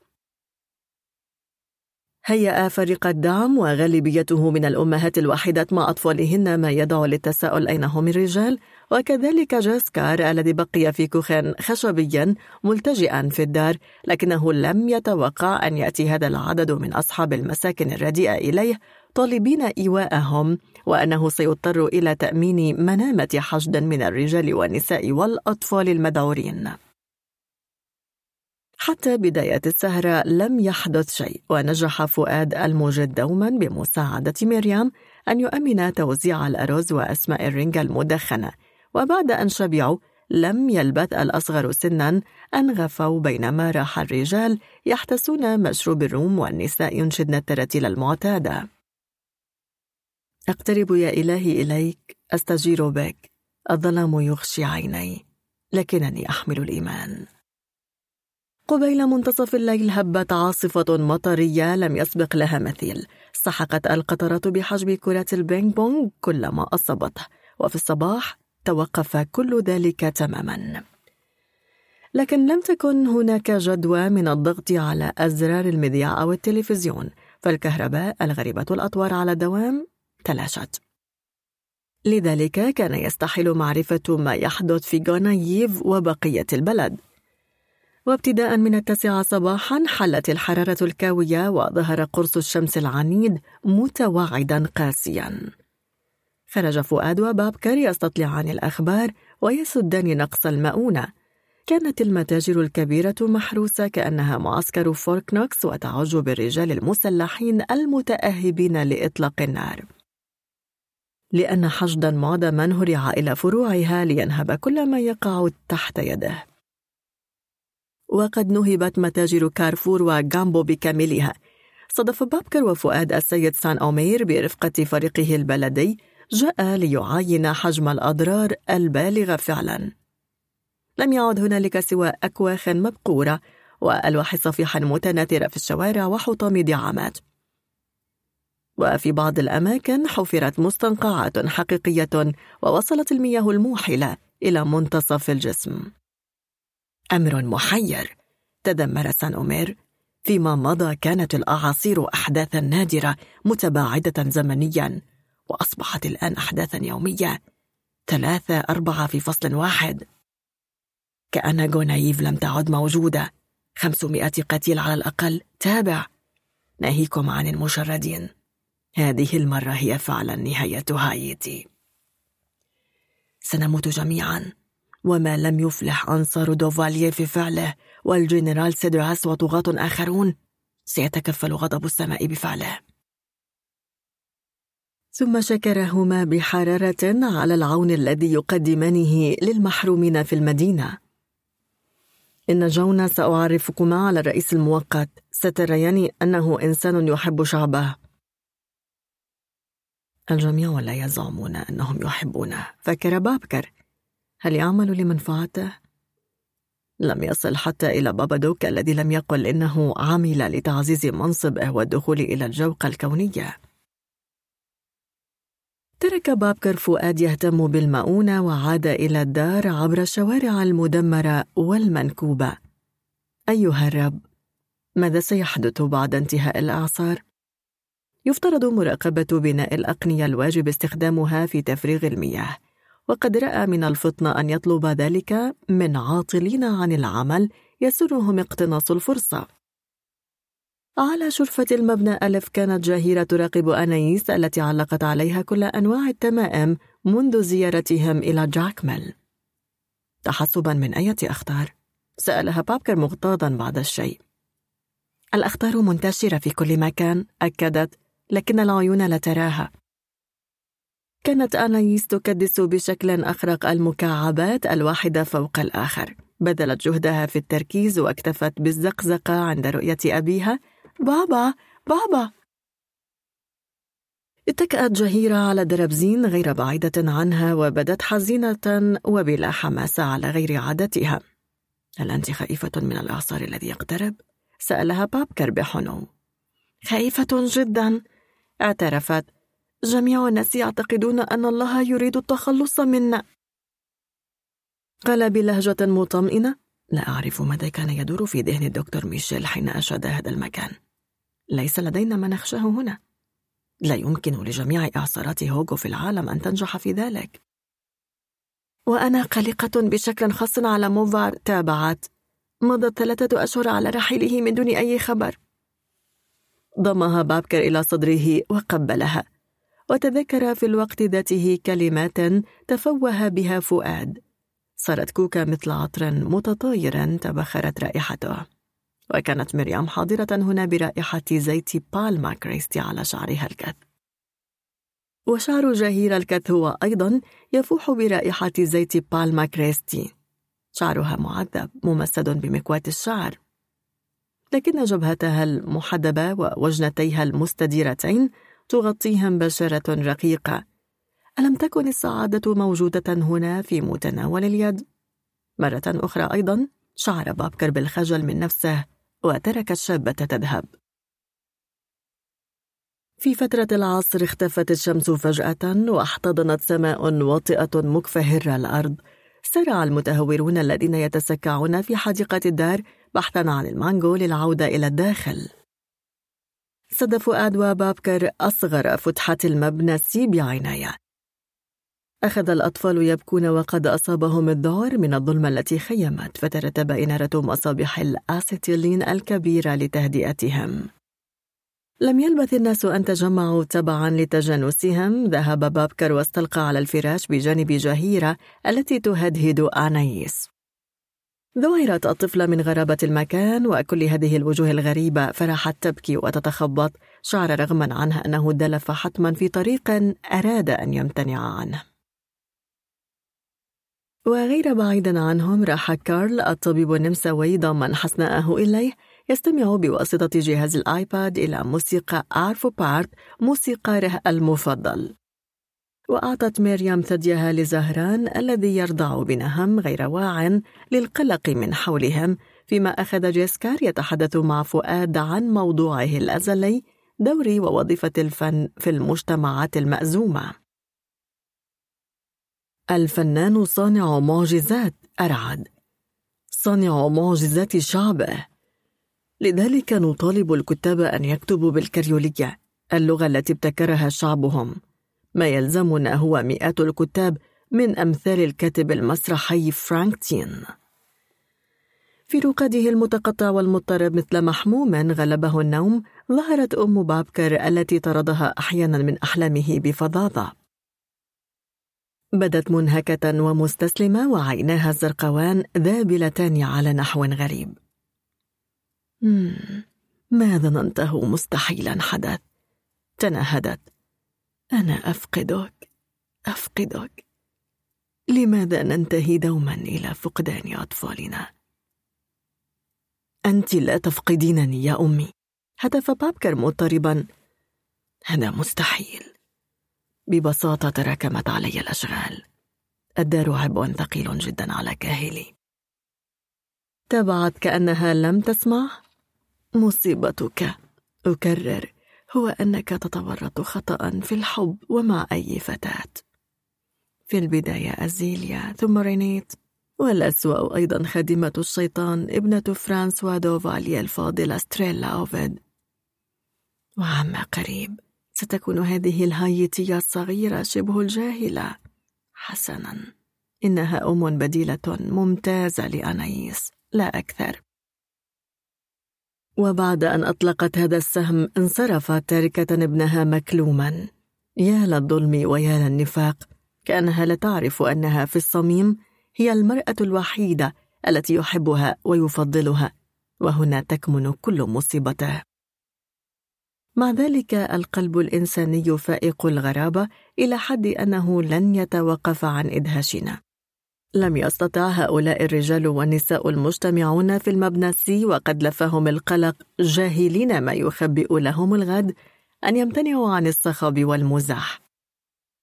راح بعضهم يروي نكاتا بالكريولية وأروع مثالا عن العولمة أخذ مجموعة طلاب في المعهد الفندقي. حولتهم الأمطار المدرارة بلمح البصر إلى مصفى يعزفون على الجيتار ويقلدون مغنيا فرنسيا عزيزا جدا على الإذاعة الهايتية الوطنية اسمه فرانسيس كابريل. حين ترتفع الجدران أمامي في منزل السيدة هوتساف وسأخلد إلى نومي. وأبعد من ذلك بقليل طفقت امرأة تغني أغاني فلكلورية وغدا الجو احتفاليا. عندها نهض رجل قصير متوسط العمر وخط الشيب شعره ولحيته يرتدي الأسود مثل رجل كهنوت إنجليزي وصرخ بصوت حاد للغاية بلغة فرنسية ممتازة قبل أن يركع. كفى كفى الله هو من يجب أن نصلي له اركعوا. احتج البعض لكن الأغلبية أذعنت له على الفور. بل إن بعض الأمهات أجبرن صغارهن على الركوع وضم اليدين ابتهالا. تابع الرجل بقوة. هل تظنون أننا نعاني كل ما نعانيه صدفة؟ دكتاتوريون يقتلوننا أو يرغموننا على الهجرة. ولاجئون يغرقون بالآلاف على متن المراكب. ومدارس تنهار فوق رؤوس أطفالنا. والأعاصير ثلاثة في فصل واحد وفيضانات. ساد الصمت حوله فأعلن هذا لأن الله يئس منا. لم تتوقف هيتي عن اقتراف الإثم. أجل اقتراف الإثم. في البداية اعتناق ديانة الفودو ثم الزنا ثم المخدرات. ثم كل أنواع العنف والنهب. اركعوا. أقول لكم ورددوا معي. باسم الأب والابن والروح القدس. لقد طرح السؤال الحقيقي سؤال ظل بلا جواب. هل كانت الأمة المثيرة للشفقة على حد تعبير أحد أبنائها؟ آثمة؟ وبماذا؟ فعلا الضحايا هم دوما آثمون. سدى الآن مزيج أصوات جميل وبعد أبانا أنشد البعض. الرب يرعاني فلا شيء يعوزني حيث يقودني. هكذا بدأ الليل الأول في الفوضى. مع ذلك سرعان ما تخامد الضجيج. بدأت الرياح تعصف وقد سبقتها ضوضاء هائلة. بدأت تنبعث من أحشاء الأرض العميقة. عندها احتضن الناس بعضهم الآخر. قصفت الرياح بقية الليلة ثم نهارا وليلة أيضا ثم نهارا بكامله. ثم ردحا من الليل التالي وأخيرا هدأت تماما وجفت السيول التي صنعتها العواصف المطرية. فتح الرجال والنساء الأبواب وهم يرتعشون وفي آذانهم صمم. وجزفوا بالخروج إلى الشرفة فلم يتعرفوا إلى شيء من حولهم. الإعصار هو يد الله الغاضبة التي تضرب بلدا لذلك تنتزع أوراق شجرة البيبيا ورقة ورقة وتكسر أغصانها وتقتلع أقوى جذورها وتحني أضعفها. لا تميز بين فقراء وأغنياء وبالغضب ذاته تحطم زوارق النزهة للبرجوازيين في المراسي وأكواخ البؤساء المتداعية في القيعان. وتتسلى بتقليب السيارات والدراجات النارية التي ظلت مركونة في المرائب وحين تحطم كل شيء وتدمر حينها يضحك الله. الأيام التالية لأي إعصار تجسد معركة هرمجدون. معركة نهاية العالم التي نتوجس منها جميعا. يسعى كل واحد إلى العثور على معالم حياته الماضية متسلحا بأدوات بسيطة معاول للاء ومكانس. حقق السيد سان أومير معجزة ونجح في إيواء جميع المشردين في خيام عسكرية. ووجد بابكر الوقت لتقديم نصائح طبية مجانا إلى النساء الحوامل. كان يعرف أنهن يلقبنه من وراء ظهر بابالوكو أي معلم الشفاء والنبات. ولم يكن يعرف هل تحمل الكلمة الكريولية ذات المعنى الذي تحمله الكلمة الإسبانية لكن هذا سره في العمق. هل يعني ذلك أن الناس يرونني مجنونا؟ راح يتساءل بنوع من الافتتان. إنني ابن زنجية. ذات عينين زرقاوين وأب فاشل. من يزيد؟ رددت الصحافة الدولية بكاملها أن هذه الأعاصير المريعة كادت تمسح هايتي عن خريطة الأرض. وبحسب الأهمية التي توليها لهذا البلد البائس نشرت الصحف هذا الخبر في الصفحة الأخيرة أو على صفحتها الأولى. وحين ذكرت هذه الاضطرابات الجوية فضلت صحيفة أومني ميديا من جانبها أن تتحدث مطولا عن زعيم عصابة كاريزمي. أطلق على نفسه اسم هنري كريستوف الثاني تذكيرا بالإمبراطور السابق. كان يرفض إلقاء السلاح قبل أن يصفي حسابه مع الرئيس المؤقت الصديق الحميم السابق للرئيس المخلوع الذي اتهمه بالخيانة. وحتى يجعل قراءه يحلمون على نحو أفضل لم يتردد كاتب المقال في تصوير نوع من رجل مثاليا أفسدته المخدرات والكحول لكنه صادق صادق للغاية. وسلسلة الصور من نمط الصور التي جعلت هذا النوع من الصحافة مشهورا تمثل هنري كريستوف الثاني في ديكور جبلي يعتمر قبعة على طريقة فادر كاسترو. مصوبا بندقيته أو على العكس وسط حفلة راقية يرتدي بزة أنيقة ماركة جورجو أرماني أو أخيرا بلباس سباحة مبرزا عضلاته. وفي إحدى الصور كان يمد ذراعه إلى امرأة فائقة الجمال ترتدي ثوبا لائقا مزينا بالمسكوكة اللامعة. وبقلب منقبض قرأ بابكر بنهم وتعرف على ستريلا في الصور ما أجملها كيف أصبحت. لم يكن لديه أي خبر عنها. هل ما زال زوجان في جوهانسبرغ؟ وبينما راح يعذب ذهنه في طرح هذه التساؤلات أعلن هنري كريستوف الثاني عن عودته إلى البلاد باحتفالية صاخبة وفجر ذات يوم هاجم رجاله القصر الوطني بقذائف الهاون مستغلين الفوضى التي أحدثتها الأعاصير لم يجدوا فيه الرئيس المؤقت الذي راح من باب الحيطة والحذر كل ليلة عند عاشقة مختلفة لكنهم حطموا كتيبة القوات الديمقراطية التي تحرسه في البداية رفض الجيش تسليم جثة من الجنود فقد قتلتهم عصابة هنري كريستوف الثاني في منتهى الوحشية وارتكبت مذبحة فصلت رؤوسهم عن أجسادهم وقطعت أوصالهم وبقرت صدورهم ورمتهم على عجل في مقبرة جماعية. لكن يأس أهل الضحايا شجعهم هل نسوا أنهم لا يستطيعون اللقاء ثانية بمن لا تقام لهم مراسم جنائزية دينية قبل دفنهم؟ لذلك عسكروا نهارا وليلا يصلون وينتحبون في محيط القصر الوطني ما اضطر الرئيس المؤقت إلى التدخل. أمر بإخراج الجثث من القبور الجماعية التي كدست فيها وتسليمها إلى عائلتها بأكياس بلاستيكية رمادية. تسليم هذا الكيس ترافق مع تسليم الشيك بقيمة 250 دولار أمريكي يمثل راتب آخر شهر للمتوفى. لم تجد معظم العائلات بحوزتها مثل هذا المبلغ قط وهذا ساعدهم في مواساتهم بفقد عزيز عليهم. كانت أيام تلك الفترة كئيبة. لم يصل أي خبر عن موفار وأصارت أسوأ الفرضيات مقبولة الآن. راح الندم يتأكل بابكر لأنه في النهاية أما كان يفترض به أن يؤمن هذه العشرة آلاف دولار المنحوسة التي طلبتها سوفان فان لو شاء أن يمنع ذلك الرحيل وذلك الاختفاء؟ أن يقترضها؟ من مصرف، من صديق، من جسكار مثلا الذي يجني ذهبا من أعماله الفنية المعدنية؟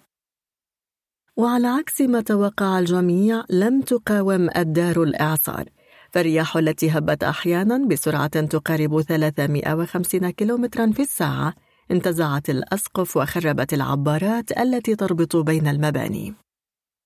ونجحت في التسرب من فجوات ألواح الخشب التي وضعها بابكر ليسد الأبواب والنوافذ فخلعتها وطيرتها. لذلك اندفعت المياه بغزارة وأغرقت الطوابق. أما السيل فأصبح شلالا حقيقيا تجاوز مجراه وراح يغذي الجداول التي تسيل في كل الاتجاهات. وصارت التربة الموحلة مغطاة بجذوع أو أغصان الأشجار وألواح الصفيح وحطام المفروشات وشتى أنواع القمامة. عاش الناس في فوضى وقذارة لن يتخلصوا منها قبل أشهر. وفي إحدى الليالي ازدادت وطأة الإحباط على بابكر وتمدد على سريره بكامل ملابسه. فهو لم يذق طعم النوم منذ ليال وكما في فيلم راحت الصور تتتالى في رأسه. موفار تحت المطر يحتمي بورقة شجرة موز موفار يبكي رينيت. موفار وسوفان فان لكن أيضا وبشكل خاص ستريلا التي لا تشبه الصورة التي التقطت لها بصحبة زعيم العصابة المسلحة. وإنما ستريلا التي سحرته سمع صوت إغلاق باب غرفة أنايس الملاصقة لغرفته ثم دخلت جهير الحجرة. ماذا تريدين؟ سألها بفظاظة بالغة لأنها لم تكن تشغل أي حيز في تفكيره. لم تجب أسندت ظهرها على الحائط وظلت ساكنة في البداية. ثم زلقت فستانها حتى الأرض وبقيت للحظات بسروالها الداخلي وحملت نهديها القطني الوردي القبيح قبل أن تنزعهما بدورهما. وظلت ترتدي جمال جسدها الفتي الفاسق وحده. بابكر المذهول المرتعش من شهوة لم يتوقعها نظر إليها صامتا من دون أن يستطيع التفوه بكلمة واحدة. كانت تشبه لوحة للرسام أنجر أو بوتشيلي تحتفي بجمال المرأة مع أنها بشرتها سوداء. اجتازت الغرفة بثبات واندست في فراشه.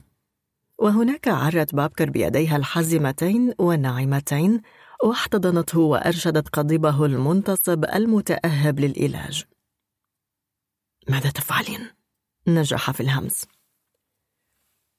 رأيت موفار الليلة الماضية في الحلم تنهدت. أخبرني أنه سيسر إن مارسنا هذا. انغمس بابكر في اللذة وعلى النقيض من أزيليا لم تكن جهيرة عذرة آه تبا. قال في سره وهو مستاء من شعور راوده بأنه تعرض للخداع. نحن في القرن الواحد والعشرين. لم يقلل ذلك من متعة اللحظات التالية. أحببتك منذ رأيتك أول مرة. أكدت منذ ترجلت من شاحنة فؤاد الصغيرة. فكرت هذا الرجل لي. أجل سأكون ربة منزله. بالنسبة لي الأمر أكثر تعقيدا.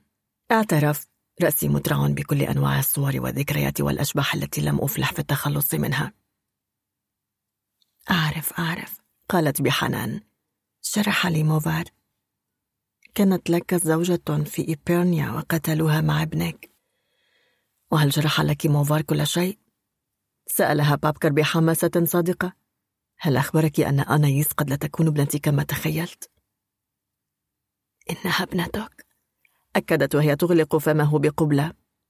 أنت تحبها كأنك أنجبتها؟ كان يستحيل المقارنة بين أزيليا وجهيرة لأن أي مخلوق لن يسعه وضع إحداهما مقابل الأخرى. كانت أزيليا خجولة ووجلة أدرك باكر ذلك الآن بسبب هشاشة وضعها كامرأة. ظلت طيلة حياتها مسحوقة ومهمشة من الرجال من والدها وأشقائها. وسلبت حق الاختيار واتخاذ القرار. لذلك لم تستطع أن تثق بنفسها. أما حالة جهيرة فكانت مختلفة تماما. كانت مرحة وتواجه بابتسامة حالة شرود وصمت بابكر وعلى الرغم من صغر سنها كانت تشع قوة وإيمانا بنفسها متمتعة على الدوام بهبة قراءة العلامات في الطبيعة كما لدى موفار. وهو ما كان يسر بابكر ويغيظه في آن معا. قوس قزح يخلع باب الغيوم. والنبات الخطمي يزهر من جديد بعد الإعصار وصقر يجتاز السماء من اليمين إلى اليسار وليس من اليسار إلى اليمين. ودت لو أنها أصبحت موسيقية وفي المساء راحت تنيم أنايس بصوتها الآسر الجميل. انضمت في الماضي إلى فرقة كورال متواضعة للأغاني الشعبية. أصبحت اليوم مشهورة في العالم كله بعد أن اضطر معظم أعضائها للهجرة إلى كندا. يخطر ببالها أحيانا أن تلحق بهم لكنها سرعان ما تطرد هذه الفكرة. قلبي متعلق بهذا البلد. تقول لم تكن المشاعر التي يكنها بابكر لها محددة. تارة يطفح قلبه بالامتنان ويشكرها على حبها لأنايس وعلى الجو العاطفي الذي نسجته حوله. وأحيانا أخرى يستيقظ في عز الليل ويتساءل عما تفعله هذه الشابة الجميلة الممتلئة الجسد في فراشه. السلام لا يدوم في بلدنا هذا معروف. استؤنفت المجازر بقوة أكبر. ومع أن هجوم هنري كريستوف الثاني على القصر الوطني فشل لكنه ملأ الرئيس المؤقت ذعرا وهلعا.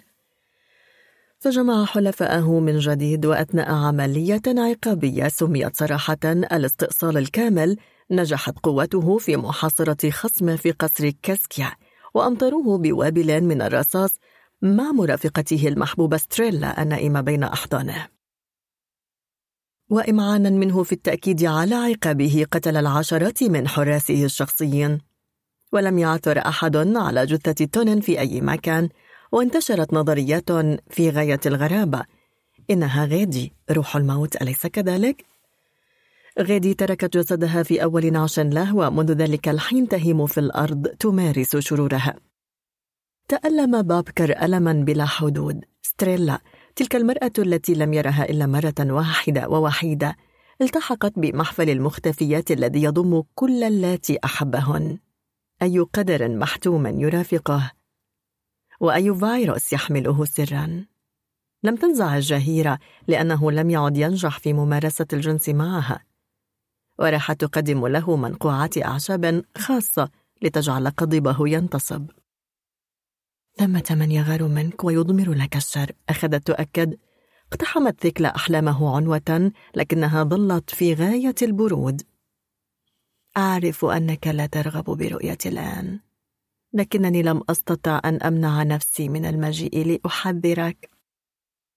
استعد لحدث هام سيرغمك على مواجهة الحياة التي تعيشها وجها لوجه أنت تظن نفسك سعيدا أليس كذلك؟ لا لا لا أظن ذلك تلعثم بابكر لكن ماذا تريدينني أن أفعل؟ اختفت ثيكلا من دون أن تجيب وبعد يومين تلقى رسالة من مؤسسة إيراديكات بوفرتي اعتذرت المؤسسة بشدة وأوضحت أنها لا تستطيع أن تحول إلا ثلث إعاناتها المالية التي اعتادت منحها للدار. ونظرا للأزمة الشديدة التي تضرب العالم برمته وخاصة الولايات المتحدة الأمريكية ترى نفسها مضطرة للبحث عن شركاء آخرين إن كانت تنوي متابعة نشاطاتها الخيرية في هايتي. وإن لم تفلح في ذلك ستجد نفسها مضطرة إلى إقفال المركز وبيعه. ستعلمه عن تطور الوضع. واجه بابكر إغلاق المركز لأول مرة هذا يعني أن عليه مغادرة هايتي. هل تعلق بهذا البلد وسيؤلمه مغادرته؟ لا يسعه أن يقول ذلك. لماذا تصبح أرض ذات يوم وطنا؟ ليست برودة نسمة أو حدة الشمس أو على العكس رطوبة الغابات. إنه شيء لا يوصف وغامض ولا يمكن تعريفه. لكن ما بينه وبين هايتي يضم ما يعتبره الأغلى على قلبه أنايس وجهيرة وذكرى موفار وعلى ما يبدو حادث لم يحدث بعد. ذلك أنها على الرغم من معاناتها كانت هايتي تظهر حيوية بالغة ومتفجرة تخيف طبيعتها الغامضة. أدهشته ردة فعل فؤاد التي كشفت له أن لدى صديقه مشاعر لا يعرفها. لعل حياتنا الروتينية مهددة قال فؤاد. روتينية؟ لم يخطر ببال بابكر استخدام هذا التوصيف. فعلا كانا يقضيان معظم وقتهما يعملان وهو لم يعرف عطلة نهاية الأسبوع ولا أيام أعياد لأن أرحام النساء لا تعرفها. لكنه كلما ساعد طفلا على إبصار النور راوده شعور لا يكل بالنصر. كان يسافر معه ويجتاز ذهنيا الطريق الطويل والمتعرج الذي سيقوده إلى ساعته الأخيرة. وأيضا كلما نجح في أن يعهد بيتيما إلى عائلة يتخيله في مسكنه الجديد. لأن هايتي أضحت أرضا متميزة بالتبني وأولئك الذين يتحرقون شوقا للأطفال يتشجرون على ثمار البؤس ويغادر المحرومون ليلتحقوا بشطآن الرخاء والهناء. الأسبوع الماضي غادر طفل إلى لاروشيل وليلة أمس غادر طفل آخر إلى ميامي. في خضم القلق الذي يتخبط فيه خطرت فكرة ببال بابكر. أليس بوسع الحكومة أن تساعد مركزا طبيا مشهود له بالمنفعة العامة؟ أقنع فؤاد أن يطلب مقابلة السيد سان أومير. منذ الانتخابات الأخيرة وتحت مسمى غريب مسؤول التحديث الوطني شغل مناصب هامة وأصبح القصر الوطني محروسا حراسة مشددة من مجندين جدد فتية صغار في السن شبه أطفال. نظر بابكر وفؤاد بألم إلى هؤلاء اليافعين السذاجين والمعوزين الذين يجازفون بحياتهم. استقبلهما السيد سان أومير بحفاوة أكثر من المعتاد في مكتب فخم أثثه من خشب الأكاجو الهندوراسي المرصع بخشب الأبنوس.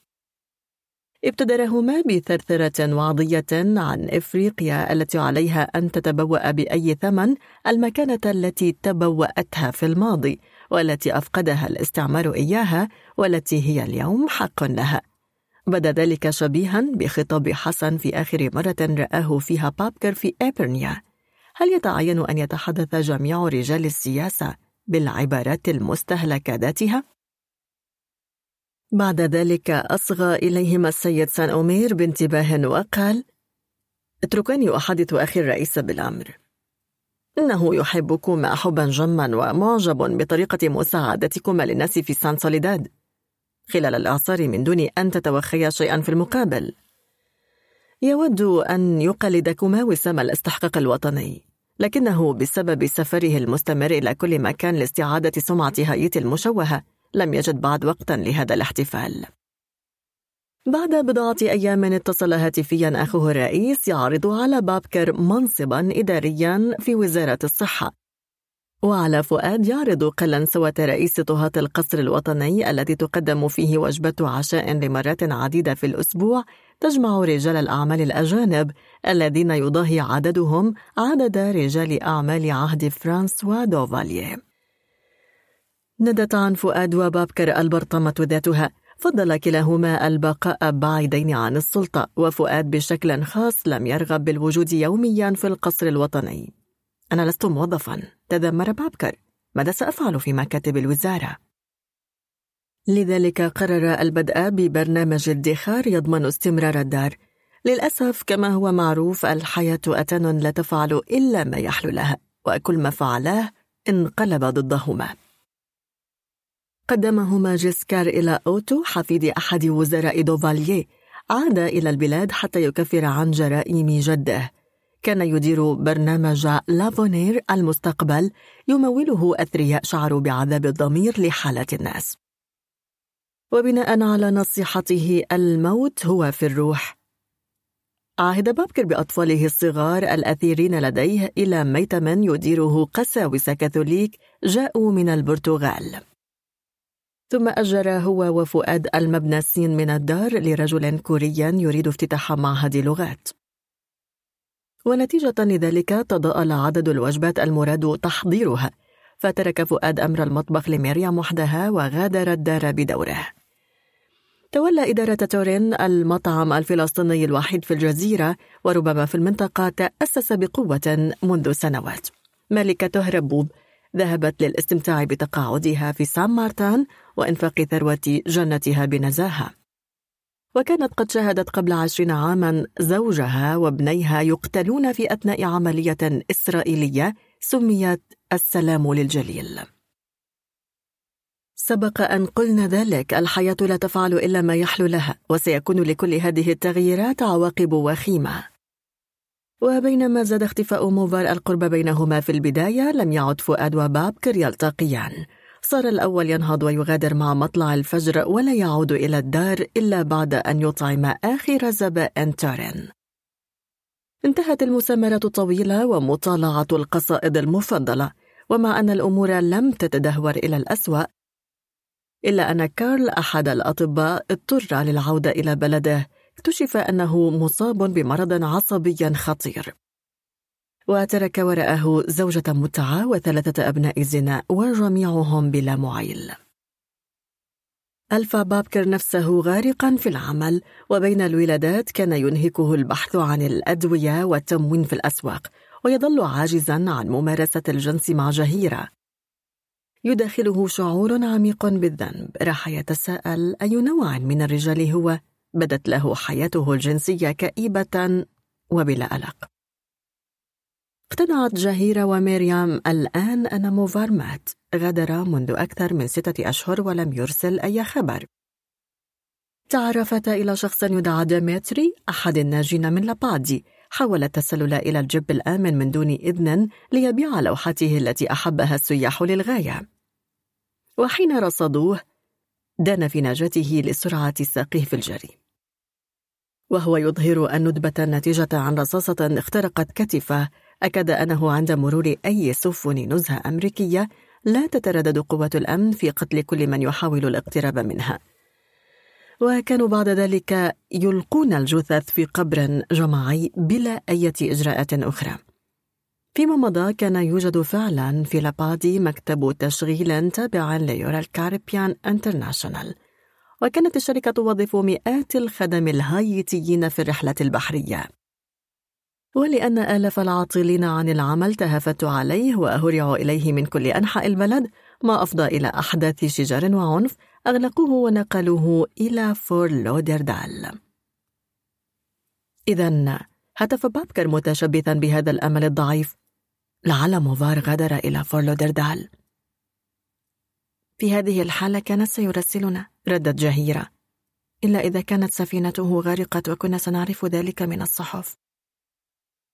عثرت هي وميريام حينئذ على المدعو سو أوفرازي وهي نموذج أقل تكلفة من سوفان فان وعلى الرغم من الجلسات التي لا تحصى حول الشموع بين روائح البخور لم تفلح في نفي موت موفار ولا في تأكيده.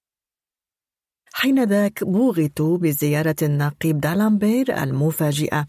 ذاك الأربعاء كان أربعاء سيئا. لم يستطع بابكر إنقاذ جنينا وسحبه متصلبا ومزرقا من رحم أمه. وهذه الأخيرة لم تكد تبلغ من العمر الخامسة عشرة. كانت محتارة بين الارتياح والتظاهر بالحزن. مع ذلك سيدوم هذا الارتياح لفترة قصيرة. ولن تلبث أن تحمل من جديد وتتابع طريق الأمومة. لم يستطع بابكر بعد قضائه كل هذه الأعوام في التوليد أن يعتاد على هذه الفضيحة التي هي موت الطفل. اجتزم مكتئبا الحديقة الواسعة التي أصبحت تثير الرثاء منذ الإعصار واختفاء موفار.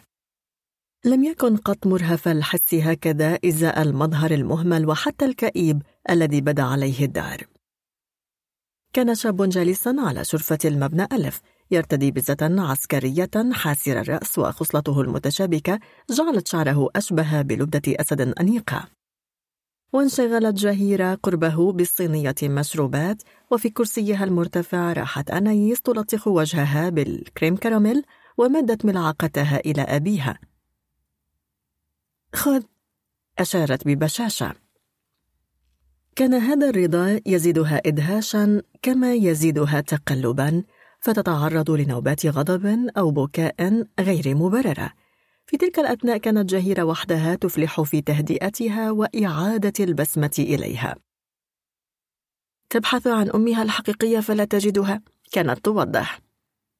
لأول وهلة لم يتعرف بابكر إلى النقيب ولما تبينه هتف متعجبا بلا دماثة. أنت؟ ثم حاول أن يلطف استقباله مقدما له تعازيه المتأخرة لكن دالامبير تلقاها بشيء من الاستعلاء. لم ينفكوا يتحدثون عن أخي. عدت إلى مسقط رأسي إلى جريمي وأكتب مذكراته بإملاء منه إلى حد ما. سيكون عملا شيقا لأن أخي عاش حياتين حياة جدنا وحياته.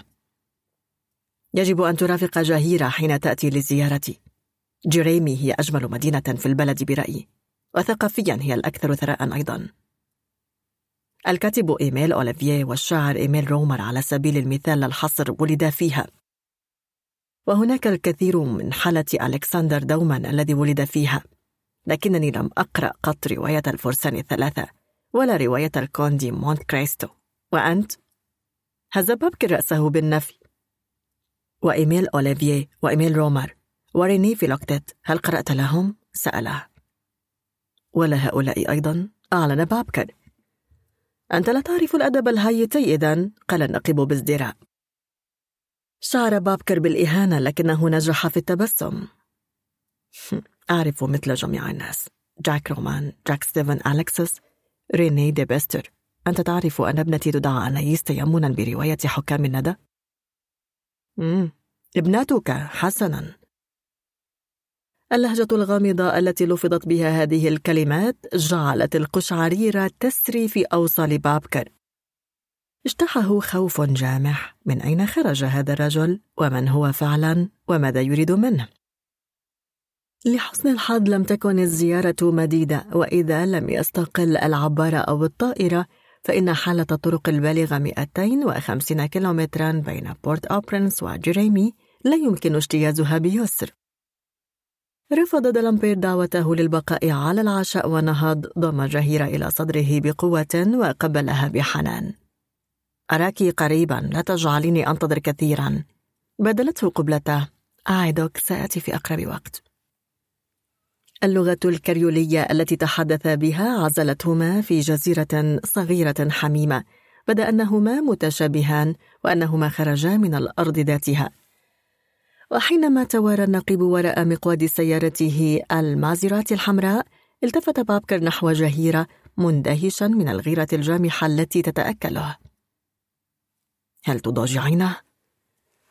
انفجرت ضاحكة كأن السؤال أسعدها في العمق ثم قالت بلا غضب وبنبرة من يخاطب طفلا طائشا هيا لو أنني أضاجعه لما جئت به إلى هنا أمامك لكنت وفيته في مخبأ سبق أن أخبرتك أن دلامبير أخي هو في عمر موفار ويعرف بحزن العميق على موفار.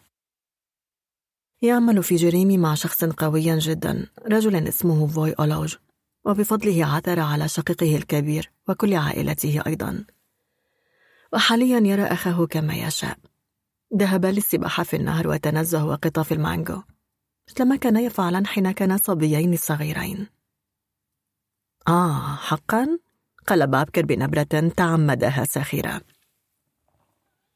أطبقت على وجهه براحتيها الناعمتين جدا وقبلته. سيعرفون عليه أنا ومريم وسيرتب لقاء. فكرة ممتازة. قال بابكر ممعنا في سخريته. اقتربت منه. لماذا تزعج نفسك بهذه الأفكار الغبية؟ همست برقة. شعر بابكر بالخجل فلم يلح. كان طلاب وأساتذة معهد اللغات يجتازون الحديقة أربع مرات في اليوم قاصدين قاعات صفوفهم وهم يمرون كانوا يثرثرون ويقهقهون بالصخب وخلال الاستراحات ينخرطون في الضجيج يزعقون يتعاركون أو يلعبون ألعابا عنيفة. وعند الظهيرة يجلسون على الأرض ويتغدون لأنه ليس لديهم مطعم ويواظبون على الضجيج ملتهمين سندويشتهم من سمك المورة أو زبدة الفستق ويلقون على الأرض الأكياس الفارغة وأكوام الورق الملطخة بالدسم. ومع موسم المانجا أصبح الوضع لا يطاق أكثر أيضا. متسلحين بمضارب التنس أو الحصى ببساطة راحوا يتشتتون بين أشجار البييبوا يصوبون على الثمار الناضجة ويصيحون فرحا عندما ينجحون في إسقاطها. يتلذذون بلبها السميك ويخلفون في كل مكان أكواما من قشورها التي تجذب الذباب. استاء بابكر وعزم أن يذهب إلى مدير معهد اللغات للتقدم بشكوى حين وقع حدث آخر غير أفكاره. المدخرات التي توقع تحقيقها مقابل تضحيات جمة لم تفد شيئا واجهت مؤسسة إيراديكات بوفرتي رسالة جديدة إلى بابكر تخبره فيها أنها مضطرة لبيع أراضيها في سان ساليداد إلى شركة يينكاو الصينية صاحبة سلسلة فنادق ذات شهرة عالمية التي تنوي إقامة فندق فخم إضافيا عليها. أوه هذا غير معقول. فكر متألما ماذا يفيد استبدال مركز إنساني بمشروع سياحي؟ وفضلا عن ذلك هذا لن يجدي. لم يعد يوجد سائح واحد في هايتي. كان يترتب عليه أن يبحث خبرا بهذه الأهمية مع فؤاد في أقصى سرعة وقرر الذهاب للقائه في عمله وفي آخر النهار حاول أن يشق طريقه في زحمة سيارات البوسطة وسيارات الدفع الرباعي ومركبات تلفظ أنفاسها الأخيرة وجميعها في ساعة الذروة أو غيرها. تتجه نحو بورت أوبرنس وبعد ساعة من الزحام والضجيج استطاع أن يركن سيارته في دالماس ويتخلص منها. المطعم الكائن في صدر فناء كان مكتظا. مغتربون وجنود من قوات المينوستا أو من قوات أخرى انتشرت في البلد طبقه المميز هو لحم الضأن بالبامية الصغيرة الذي كان يلقى إقبالا كبيرا. دفع بابكر باب المطبخ جنة روائح المساعد وهو شاب عربي من أي جحيم هرب. كان يقطع أعشابا وفؤاد يزين الأطباق وتأخذها نادلتان هايتيتان إلى الصالة أي ريح طيبة حملتك إلينا؟ هتف فؤاد. أو الأصح ريح سيئة. صحح ملاحظا هيئة بابكر. سيئة جدا. زود هذا الأخير. جئت أطلعك على رسالة تلقيتها هذا الصباح. قرأ فؤاد بتأن رسالة مؤسسة إيراديكات بوفرتي العاجلة وأعادها بحركة عفوية. حسنا كأن هذا الإله الذي لا يؤمن أي منا به يجبرنا على اتخاذ قرار. يجب أن نرحل. نرحل؟ أجل أنت طبيب. ستجد بلا عناء مستشفى وعيادة سيقدمان لك العمل. أما أنا فسأقوم أخيرا بما أحلم به. أي؟ سأله بابكر. وبدل أن يجيب طوق فؤاد كتفي بابكر. اذهب إلى العشاء. سأوافيك متى استطعت اتجه بابكر إلى قاعة الطعام أربكه موقف صديقه فقد بدا مرتاحا ومتحررا هل كان يفكر في مغادرة هايتي؟ منذ متى؟ ومثل زوج يكتشف زن زوجته راح يلوم نفسه لأنه لم يشتبه بالشيء لكن ألم يخبره حسن بذلك قبل بضع سنوات خلت؟ كان أعمى حينئذ اقتربت منه شابة شقراء ترتدي سروالا كاكي قصيرا إنها آمي. مراسلة صحيفة أخبار سان فرانسيسكو التي كانت قبل عامين تسكن في فندق أرز لبنان. أيضا هنا؟ قال مندهشا. جلست بلا تكلف إلى طاولته. العام الماضي أوضحت استدعوني إلى سان فرانسيسكو ثم أوفدوني منذ بضعة أسابيع إلى هنا. لأكون شاهدة على عودة الديمقراطية. عودة الديمقراطية؟ أعرب بابكر عن دهشته مشيرا إلى عدد العسكريين حولهما. أحنت رأسها مؤكدة. أجل يمكنك أن تقول ذلك.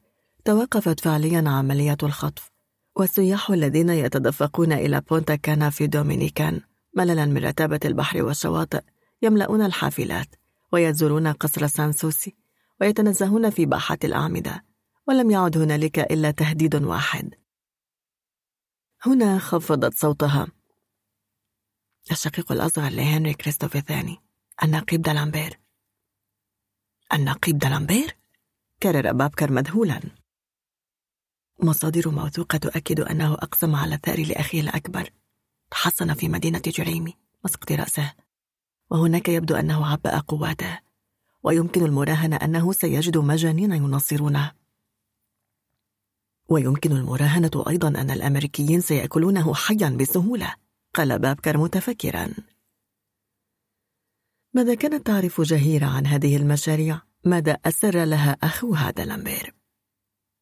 كيف حال ابنتك الصغيرة المحبوبة؟ سألته آمي بابكر الذي يسترسل حين يتعلق الأمر بابنته أسهب في إعطاء أخبار أنيس وهي بالفعل كانت في غاية اليقظة مبرهنة عن ذكاء أكبر من سنها وما كان يقلق بابكر هو شرودها المستمر وتلك اللحظات المتزايدة باضطراد التي تبدو فيها تتحدث مع أشخاص لا أحد يلحظهم سواها من هم؟ أمها؟ أبوها؟ اللذان لن يحتضنانها أبدا؟ وبعد لحظة نهضت أمي للأسف يجب أن أنصرف لدي موعد قالت معتذرة متى سأراك ثانية؟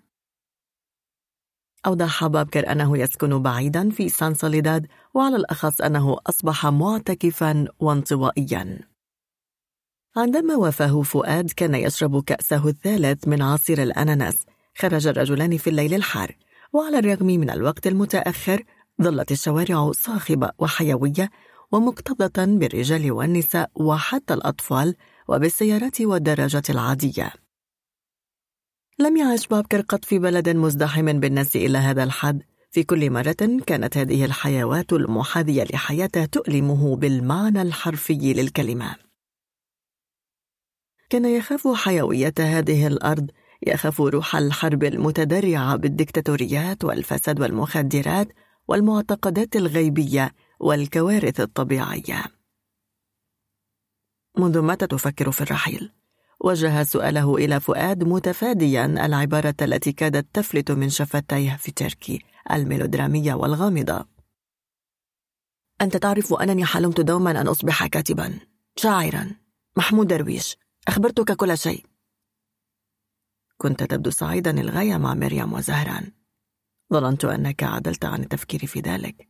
همس بابكر مدركا سؤانيته أنت تعرف حق المعرفة أن هذا ليس صحيحا. قطعه فؤاد محتدا. كيف لرجل أن ينسى أحلامه؟ وأيضا هناك ابن خالة زهران الذي لا أستطيع نسيانه. حين وصلا إلى السيارة الداكنة والقابعة في العتمة أبدى بابكر اعتراضا آخر. هل ستقبل مريم بمغادرة هايتي ومرافقتك إلى الولايات المتحدة الأمريكية؟ لم يحر فؤاد جوابا هل ستأخذها معك؟ ألح بابكر إن شاءت وابنك؟ أجاب الآخر بنبرة مستسلمة أمه ستقرر قطعا المسافة بلا كلام كل واحد منهما يهجس في أفكاره رعت بابكر المحزون لغياب موفار فكرة أيامه الكئيبة القادمة من دون فؤاد إذا غادر هذا الأخير هايتي فسيحدو حدواه أين سيذهب؟ هل سيقصد الولايات المتحدة الأمريكية؟ هل سيعتاد عليها؟ لم يعش قط في بلد متطور ولم يكن يعرف سوى العوز والعذبات والأموات الذين يمكن تحاشيهم بعد تلك الليلة بوقت قصير وصل السيد زانغ زونغ لي الذي يتحدث خمس لغات بإتقان من هونغ كونغ ليمثل شركة ينكاو لم يخفي رأيه. يجب هدم كل شيء وتحويل بيئة منافرة إلى جنة أرضية وبناء فندق فخم يضاهي سلسلة الفنادق المملوكة في جزيرة سان بارتيلمي بدا غير مدركا لسخافة مشروعه. كان مخطط جهيرة هو الذهاب إلى جيريمي. اعترفت سو أوفرازي بهذا. لا تستطيع إنجاز العمل الذي طلبناه منها أنا ومريم. لا يمكنها تحديد مكان موفار. وهل هو حي أم ميت؟ الشخص الذي يعرفه دالامبير يمكنه مساعدتنا. ما كانت تتوجس منه هو اصطحاب أنايس معها كانت الطفلة مفرطة الحساسية وكانت تثيرها التنقلات والأسفار ولقاء وجوه جديدة. أكره أن أتركها. راحت تردد متأسفة لكننا لن نتغيب طويلا. ثلاثة أيام كأقصى حد. لم تكن هذه الزيارة إلى جريمي تروق لبابكر. أبدى أول اعتراض أليس من الخطير الذهاب إلى تلك المنطقة؟ ألم يحصل فيها مؤخرا حادث فظيع؟ ومثلما تحدثت عن الأعاصير تحدثت صحف العالم أجمع عنه العبارة نيبتون المنسقة منذ سنوات وتربط بورت أوبرنس بمدينة جريمي وهي في حالة مزرية كانت كالعادة محملة فوق الحد. كانت تنقل إضافة إلى ما يقارب الألفي راكب ثمانمائة ثور وأكياس من جوز الهند. وهنا تتبين الآراء. يؤكد البعض أن سطح العبارة انهار وأدى إلى كارثة وزعم آخرون أن عاصفة عنيفة ضربتها وأخذت المياه تتسرب إلى قلب العبارة والمضخات لم تعمل. ولأنه لم يكن يوجد على متنها سترة نجاة ولا قوارب إنقاذ كان من السهل التنبؤ بالنهاية. عثر على مئات الجثث على شواطئ ميراغوان وبوتيغواف وإذا كان البعض نجا من الغرق فلأنهم ركبوا ظهور الماشية أو تشبثوا بقرونها. مثل تلك المرأة التي راحت تصرخ صراخا هستيريا وهي نصف عارية. هذا الثور هو الذي أنقذني. ومنذ تلك اللحظة حتى تحويل الثيران إلى تجسدات عطوفة لأرواح حامية لم يستغرق الأمر إلا خطوة واحدة. كل ذلك أصبح موضوع أغنية في التجمعات السكنية العائلية المسمى لاكو. وتكدست آلاف اللوحات الساذجة بين ليلة وضحاها في الأسواق أو أمام الفنادق السياحية تصور معجزة نبتون. ثيران مجنحة تشمخ بأنوفها وتحمل على ظهرها رجالا ونساء وأطفالا يصلون وأيديهم مضمومة إلى صدورهم. ونشرت مجلة دراسات كاريبية الرصينة جدا عددا خاصا عنونته بحدلقة رهانة الشعب وكرسته للإبداع الاستثنائي للشعب الهايتي. لا تخشى شيئا قالت جهيرة. سنستقل الطائرة. أعطانا دلمبير التذاكر. قدم بابكر اعتراضه الثاني. هل المكان آمن؟ سمع أن النقيب دلمبير يجمع قوات مرتزقة هناك بهدف الثأر لاغتيال شقيقه. رفعت عينيها إلى السماء. من روى لك تلك الترهات؟ ذلك القدر سان أمير؟ لن يشعر هو وصديقه المخلص الرئيس بالسرور قبل أن يتخلصا من عائلة هنري كريستوف الثاني. لا ليس سان أمير إنها عمي إيفان صحفية أمريكية. حدقت فيه بإشفاق. أنت تخلط الأمريكان الآن وتصدق أكاذيبهم؟ إلياس يدافع عن نفسه لأنه مضطر. في الحقيقة يكره العنف. وما يبغيه هو العمل في الموسيقى. نكره جميعا العنف. فكر بابكر ومع ذلك هو يلهمنا ويفعل بنا ما يشاء. لم يتجرأ على التصريح باعتراضه الثالث الهام الغيرة التي تعذبه لذلك لم يتفوه بأي كلمة. وفي اليوم المحدد قبل جهيرة بلا شاطة خاص. ثم ذهب وأخذ ابنته النائمة في الحجرة المجاورة. ورغما عنه شعر بالسعادة لفكرة أنه سيقضي وحده بضعة أيام معها. جيريمي وهي اليوم بلدة صغيرة بلا أهمية لكنها وحدها تحافظ على أصالة موقعها.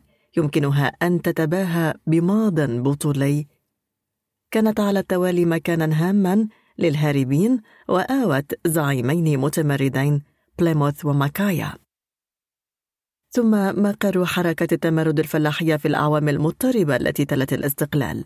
وعندما أعلن هنري كريستوف الثاني نفسه من سلالة الإمبراطور لم يتفاجأ أحد حتى أولئك الذين شهدوا ولادته من أم معوزة وصياد بحر متواضع. على كل حال يحق لأي واحد فينا الادعاء بأنه يتحدر من نسل أبطال تاريخيين. أليسوا هم آباء الأمة؟ ولاحقا تحمس العاطلون عن العمل الكثر في جريمي وفي كل مكان من البلد وحتى يقال تحت قبب جميع السماوات. وساعدوه على بناء القصر رويال بومبون الذي شيده لنفسه ولرفيقته البارعة الجمال في أعالي الجبال. بنوه بحجارة لامعة استخرجوها من قاع الأنهار وسموها المرمر الاستوائي. استقبل خبر اغتيال هنري كريستوف الثاني في قصر كاسكيا بذهول لا يصدق. هراء كان جميع الناس مقتنعين أن رصاص الأمريكان وأعوانهم المحليين لا يمكن أن يصرع رجلا بهذا الحجم. كان لا يقهر مثل العبد الثائر ما كاندال لذلك لم يفاجئ أحدا حين ظهر من جديد في المنطقة بعد بضعة أسابيع. رآه البعض في عز الظهيرة يتنزه متأبطا ذراعي ستريلا وأخيه الصغير النقيب دالامبير. وفي بعض ليالي الصفاء كان قصر رويال بومبون يضاء ويشع أنواره كسفينة تتأهب للإبحار. وعلى الشرفة هناك الأريكة التي تتصدرها من قامت مقام أم ستريلا مانتونن والهيئة الشامخة المتوجة بضفائر شعر هنري كريستوف الثاني وهيئة رفيقته ملكة جمال هيت الحقيقية. يحيط بهم جنرالات ببزات زرقاء وحمراء ونساء يرتدين تنانير فضفاضة ويتباهين بنهود متراقصة في أثوابهن المقورة التي تكشف عن صدورهن وأكتافهن. كان الندل يدورون بكل أنواع المشروبات الشمبانيا تفور في الكؤوس والموسيقى تصدح وأزواج يرقصون وأحيانا على العكس يسود صمت مطبق. وتعرض مسرحيات للكاتب فرانك إيتيان أعيد إحياء كل أبهاء قصر سانسوسي على مرأى من أعين الفضوليين المبهورين. وفي أمسية أخرى كان هنري كريستوف الثاني وشقيقه الصغير يذهبان بعفوية ليشربوا الكليران في حانة شباب نوغيز بينما ستريلا وتونن تتنزهان في الحقول المجاورة.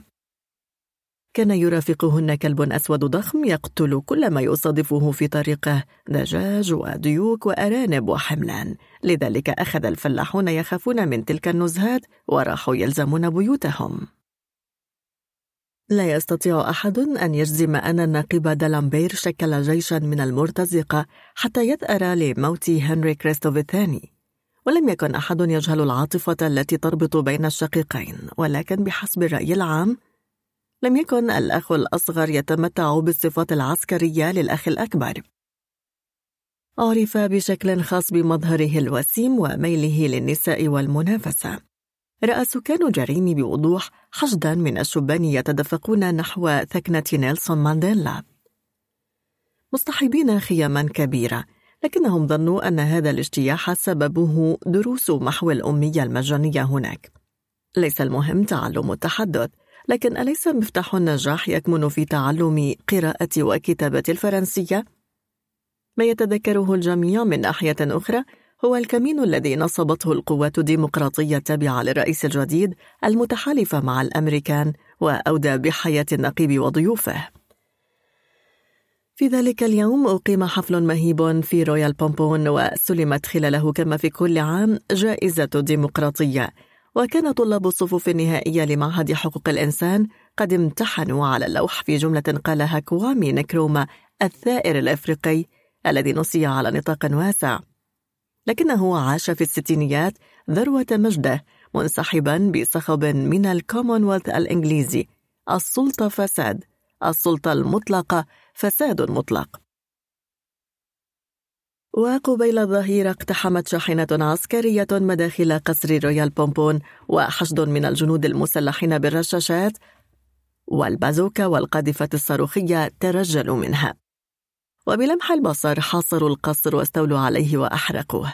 ثم ركب الجنود شاحنتهم وغادروا كما جاءوا كأنه حلم حلم مزعج. انتشل سكان جريمي المذهولون ثمانين جثة متفحمة من بين الأنقاض. ونظرا لسوء حالة الاتصالات الهاتفية مع بورت أبرنس لم تصل أخبار هذه المأساة إلى سان سوليداد إلا في وقت متأخر. ولم يعرف بابكر وفؤاد بفداحة خسارتهما إلا بعد يومين من الهجوم. سارع رجلان إلى جريمي بالطائرة وتمكنا من الإقامة في ألكسندر دوما وهو نزل عائلي توافد إليه المفجوعون.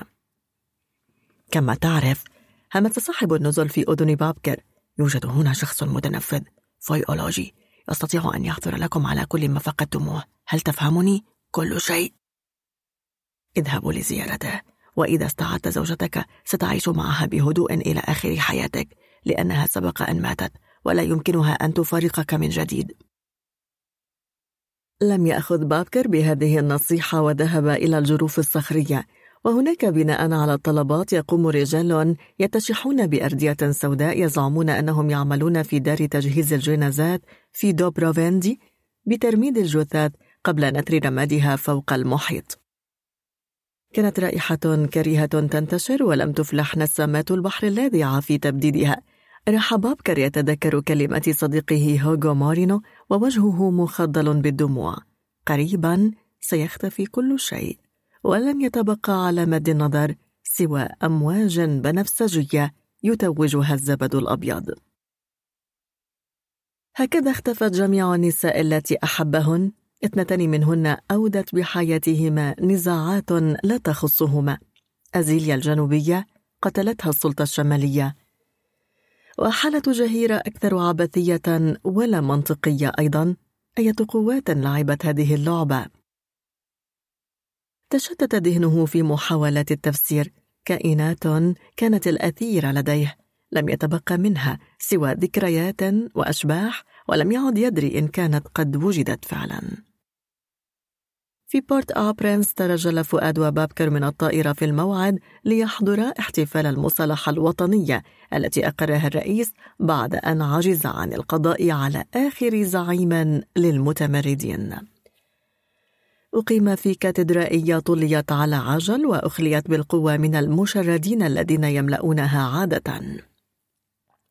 نجح بابكر وفؤاد في الجلوس في أول صف للمتفرجين الذين تجمهروا بكثرة لرؤية هذا المشهد. راحت مجموعات من رجال الشرطة تبعد الحشد إلى مسافة مناسبة ولم يعد أحد يرى سوى سيارات الوجهاء اللامعة مع ذلك كان الناس يعرفون أنه إلى جانب الرئيس حضر وزراء ورجال دين جاءوا من شتى أنحاء العالم.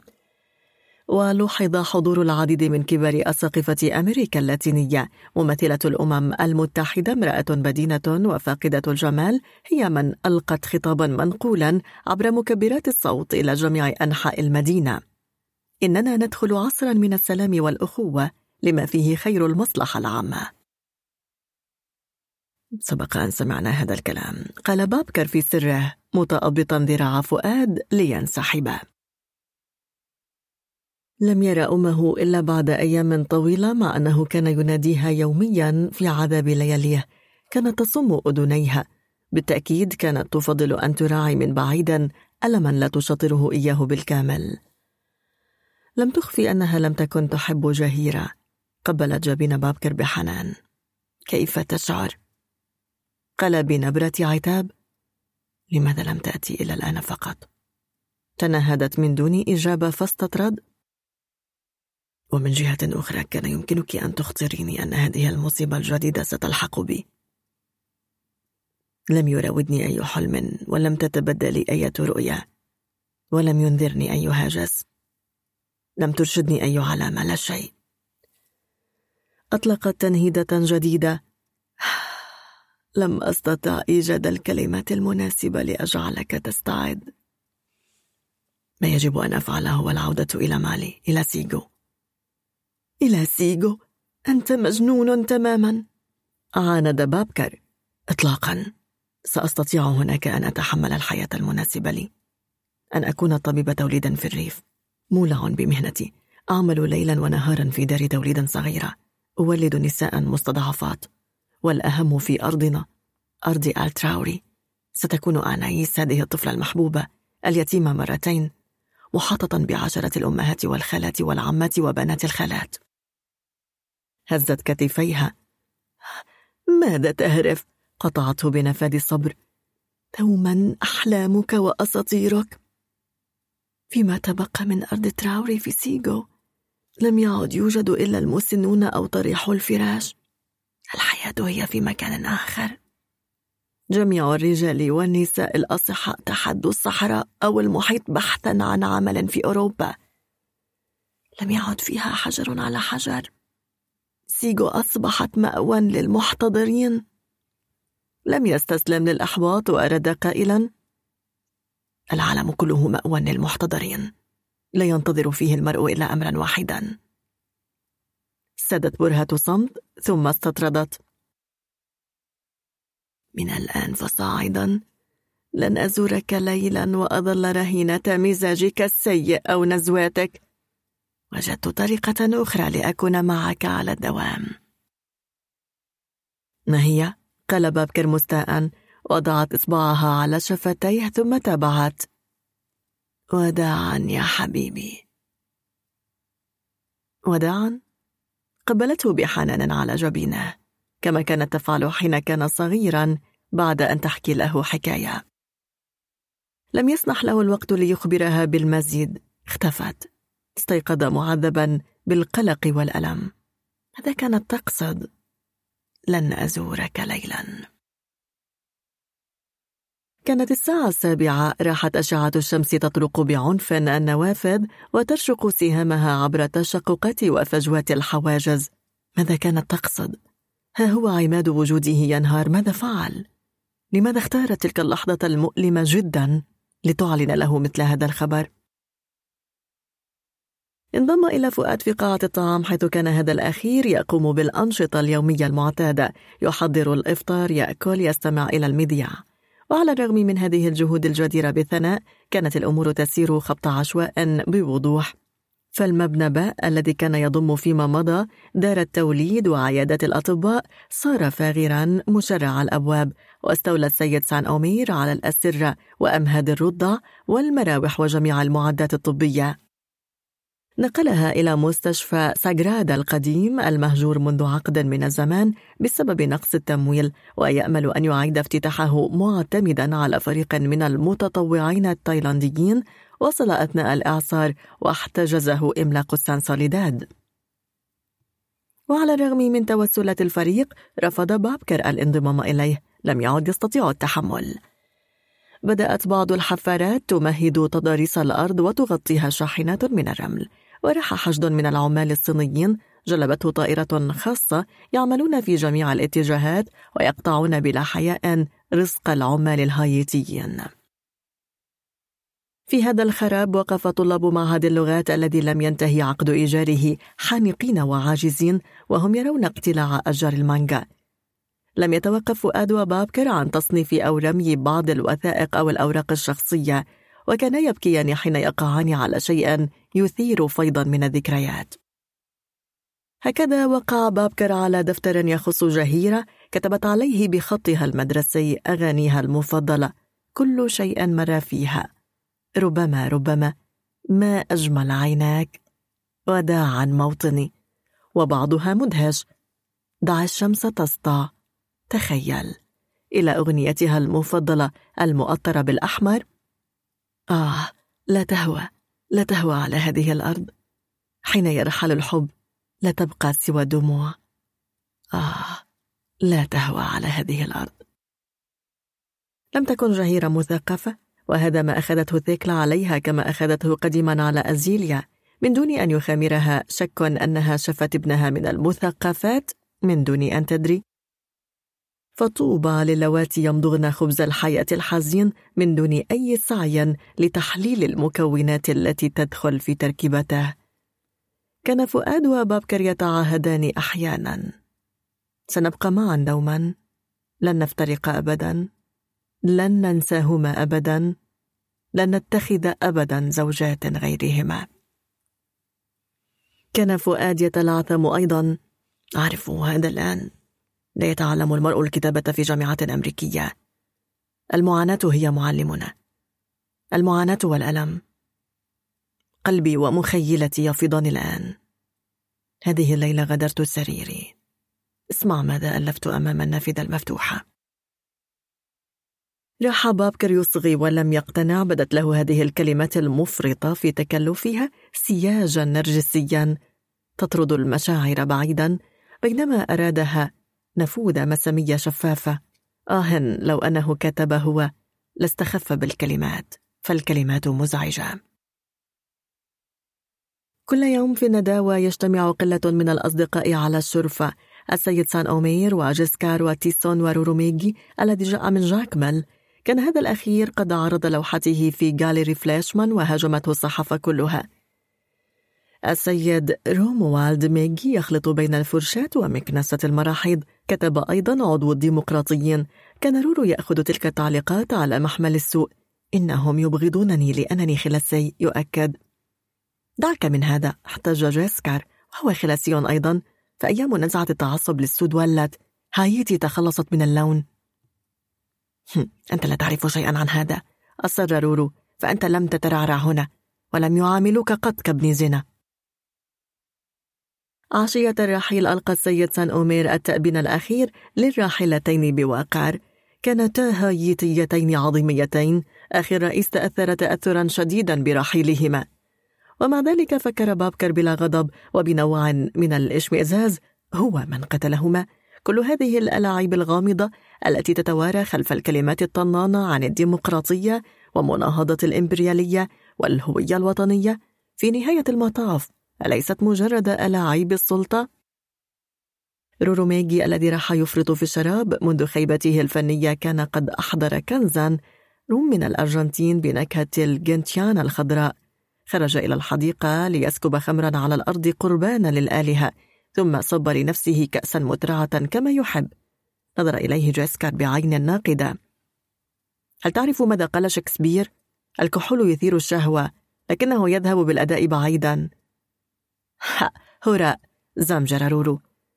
كل شيء يتوقف على المقصود بكلمة أداء تدخل فؤاد. تتبع بابكر إحدى هذه المناقشة العقيمة والشيقة في آن معا التي هم وحدهم لديهم سرها وكعادته لم يشارك في الجدل الكلامي. بالتأكيد لم يكن واثقا من أفكاره حول الحياة والعالم. وعندما انتهى النقاش سأل السيد سان أومير بشيء من السخرية. أين يقع البلد الذي ستغادرون إليه؟ بحثت عنه على الخريطة ولم أعثر عليه. فؤاد هو من أجاب إنه ليس بلدا إنها مستعمرة. مجتمع صغير في جنوب تنزانيا تجمع فيه روانديون وأفغان وعراقيون. باختصار أناس مثلنا. فقدوا كل شيء. كبدوا كثيرا فرغبوا أن ينسحبوا من العالم ليفكروا معا في سبل تحسينه. وكيف سيفعلون ذلك؟ بفضل الفن أرعد جيسكار الذي لم يكن ينتظر على ما يبدو إلا فرصة ليعود إلى موضوع حديثه المحبب. لا أنفك أردد وأكرر أن الفن وحده يمكنه تغيير العالم. لا أتحدث فقط عن البشر اعترض السيد سان أومير. قد نفلح في تغيير قلوبهم وجعلهم أكثر وعيا وأكثر تسامحا وأقل عنفا. لكن الطبيعة لم تزل أشرس من الإنسان. من جديد نقاش آخر مبهم وشيق بدأ. يؤسفني فراقكما قال السيد سان أومير حينما عاد الصمت وأخي الرئيس مثلي نأمل ألا تحملا ذكريات سيئة عن بلدنا. يبدو أن الطبيعة لم تكتفي بأعاصيرها مؤخرا ولم تتخلى عن العودة إلى فرض قانونها. راح ضباب كثيف يحجب النجوم وسمعت ضجة صماء. بالتأكيد ليست ضجة البحر فهو يبعد أكثر من مئة كيلومتر تقريبا. إنها ضجة جميع الضحايا المنتزعين بلا وجه حق من رتابة الحياة اليومية. لعلها من أجل إشباع شهية آلاف الأرواح الهائمة. ألوى لكن أية لوى عندما انصرف الأصدقاء صعد بابكر إلى غرفة أنايس لم تكن غافية في سريرها. كانت ساكنة وقد أدارت وجهها نحو الحاجز وبدت تتفحصه ماذا ترى فيه؟ المرأتان اللتان حملتاها إحداهن في بطنها والأخرى في قلبها واليوم توارتا على حد سواء لم تطالب بجهيرة وسألت ببساطة أين رحلت ماما؟ وهي تسمع خطى أبيها نهضت بحيوية أضاء مصباح السرير ولما هم أن يأخذها بين أحضانه لاحظ التغير هرع مذهولا وأدار قطع مصباح السقف ليحصل على مزيد من ضوء. كانت عينا أنايس البراقتان واللامعتان تبرزان من وجهها شبيهتين بزهرتين زرقاوين وبشرتها فاتحة خلاسية بملامح إفريقية. لم يكن الوقع مفاجئا أو غريبا ولا حتى مقلقا كما تبدى ذلك لتيكلا. على العكس غمرته السعادة وزاد جمال الفتاة روعة وإدهاشا. وقلبه يذوب امتنانا ركع بابكر بجانب المهد. قدمت تيكلا له أثمن الهدايا. ربطت أنايس بنسل عائلة مانيرف وبذلك نسبتها إلى ابنها كليا. ومحت ما قد يكون تصرفا مدانا واستبداديا في حركة استيلائه على الطفلة. تلك الليلة الشتائية المشهودة التي بدا كل شيء ممكنا فيها.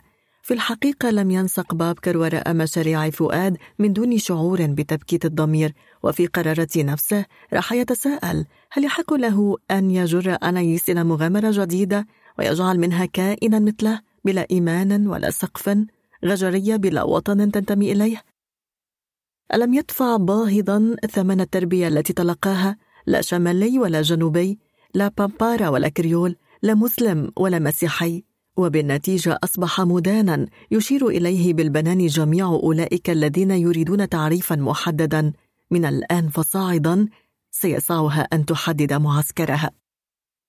حمل الطفل وهرع إلى فؤاد حتى يريه تحولها لم يكن هذا الأخير نائما.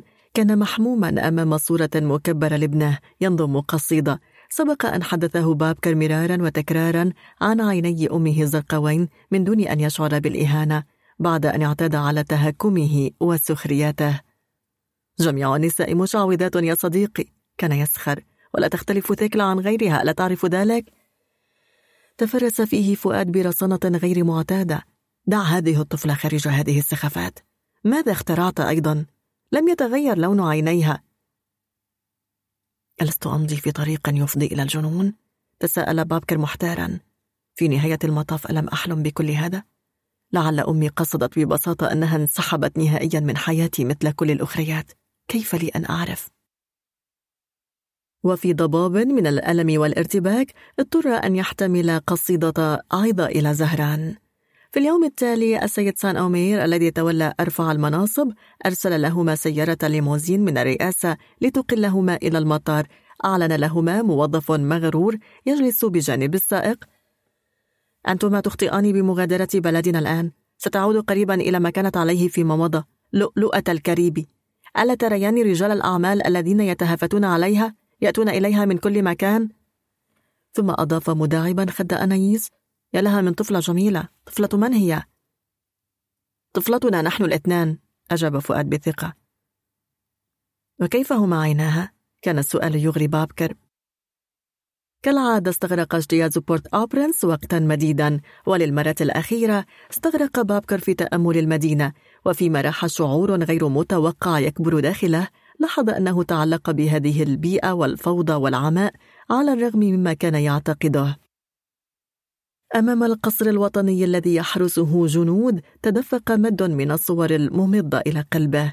ذكره هؤلاء الشبان بآخرين ظن أنه يكرههم. النقيب دالامبير ومرتزقته بأسمالهم البالية على طريق جاكمل ماذا كانت طبيعة علاقته مع جهيرة؟ هل كانا عاشقين؟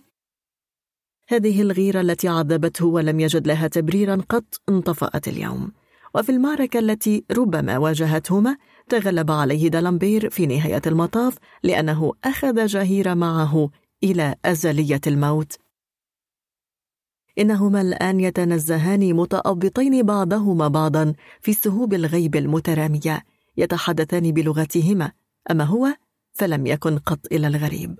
وصلوا إلى المطار.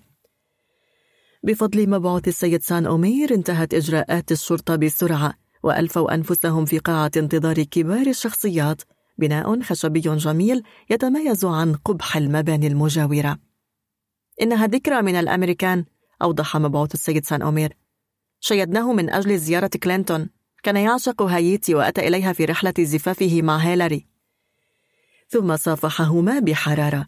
ستعودان لزيارتنا صديقاني هايتي لا تدع أحدا يهجرها هكذا. كانت قاعة انتظار كبار الشخصيات متحفا حقيقيا. لوحات الفن الساذج وجداريات ومنحوتات وأشكال فنية حديدية. وتصدرت كل هذا صورة عملاقة للرئيس. نالت أنايس حظوتها الصغيرة المعتادة أجملها كم عمرها. دهش بابكر لرؤيتها في غاية الهدوء كأن مغادرة هذه الأرض لا تهمها. هل هذا بتأثير تبنيها من قبل ثيكلا؟ ثمة ندل يرتدون سترا حمرا ويقدمون المرطبات. فجأة ومن دون سابق إنذار أخذ كل شيء يهتز وانبعثت ضجة هائلة من الأعماق. انفصلت اللوحات عن الجدران وسقطت أرضا مع قرقعة والتحف المركونة فوق الرفوف تصادمت قبل أن تسقط بدورها وتشققت الأرض وتصدعت إلى آلاف التشققات العميقة كأن أفاع عملاقة تتلوى تحت الخرسانة الإسمنتية. تبادل الجميع النظرات مذهولين ولم يستولي الرعب عليهم بعد ثم صرخ صوت زلزال! إنه زلزال! وتلا ذلك ثوان مديدة راحت خلالها شقوق الأرض تتزايد وتتعرج وتتعمق وصيحات مدوية تأتي من الخارج. ثم ثم هدأ كل شيء فجأة كما بدأ وساد صمت مطبق. وهو يضم أنيس إلى صدره بقوة تجاه بابكر يتبعه فؤاد نحو باب مشرع فتحته يد خفية.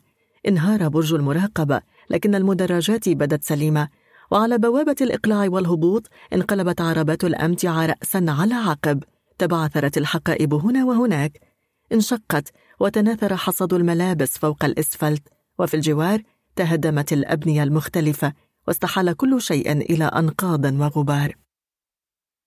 يجب أن نودع بعضنا. همس بابكر في أذن فؤاد بصوت مخنوق. أنا طبيب ولم يعد بوسع المغادرة. سيكون هذا بمثابة التواني عن تقديم مساعدة لشخص في خطر. لكن حين اقترب منه ليعانقه وقد غرورقت عينه بالدموع رغما عنه دفعه فؤاد بمحبة أنت مجنون؟ هل تظن أنني سأتركك وحدك هنا؟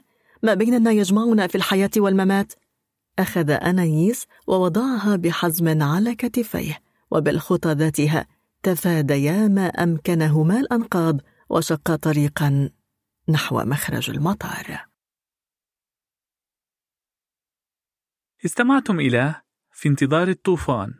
قرأتها لكم رنا الخطيب. تأليف ماريس كوندي.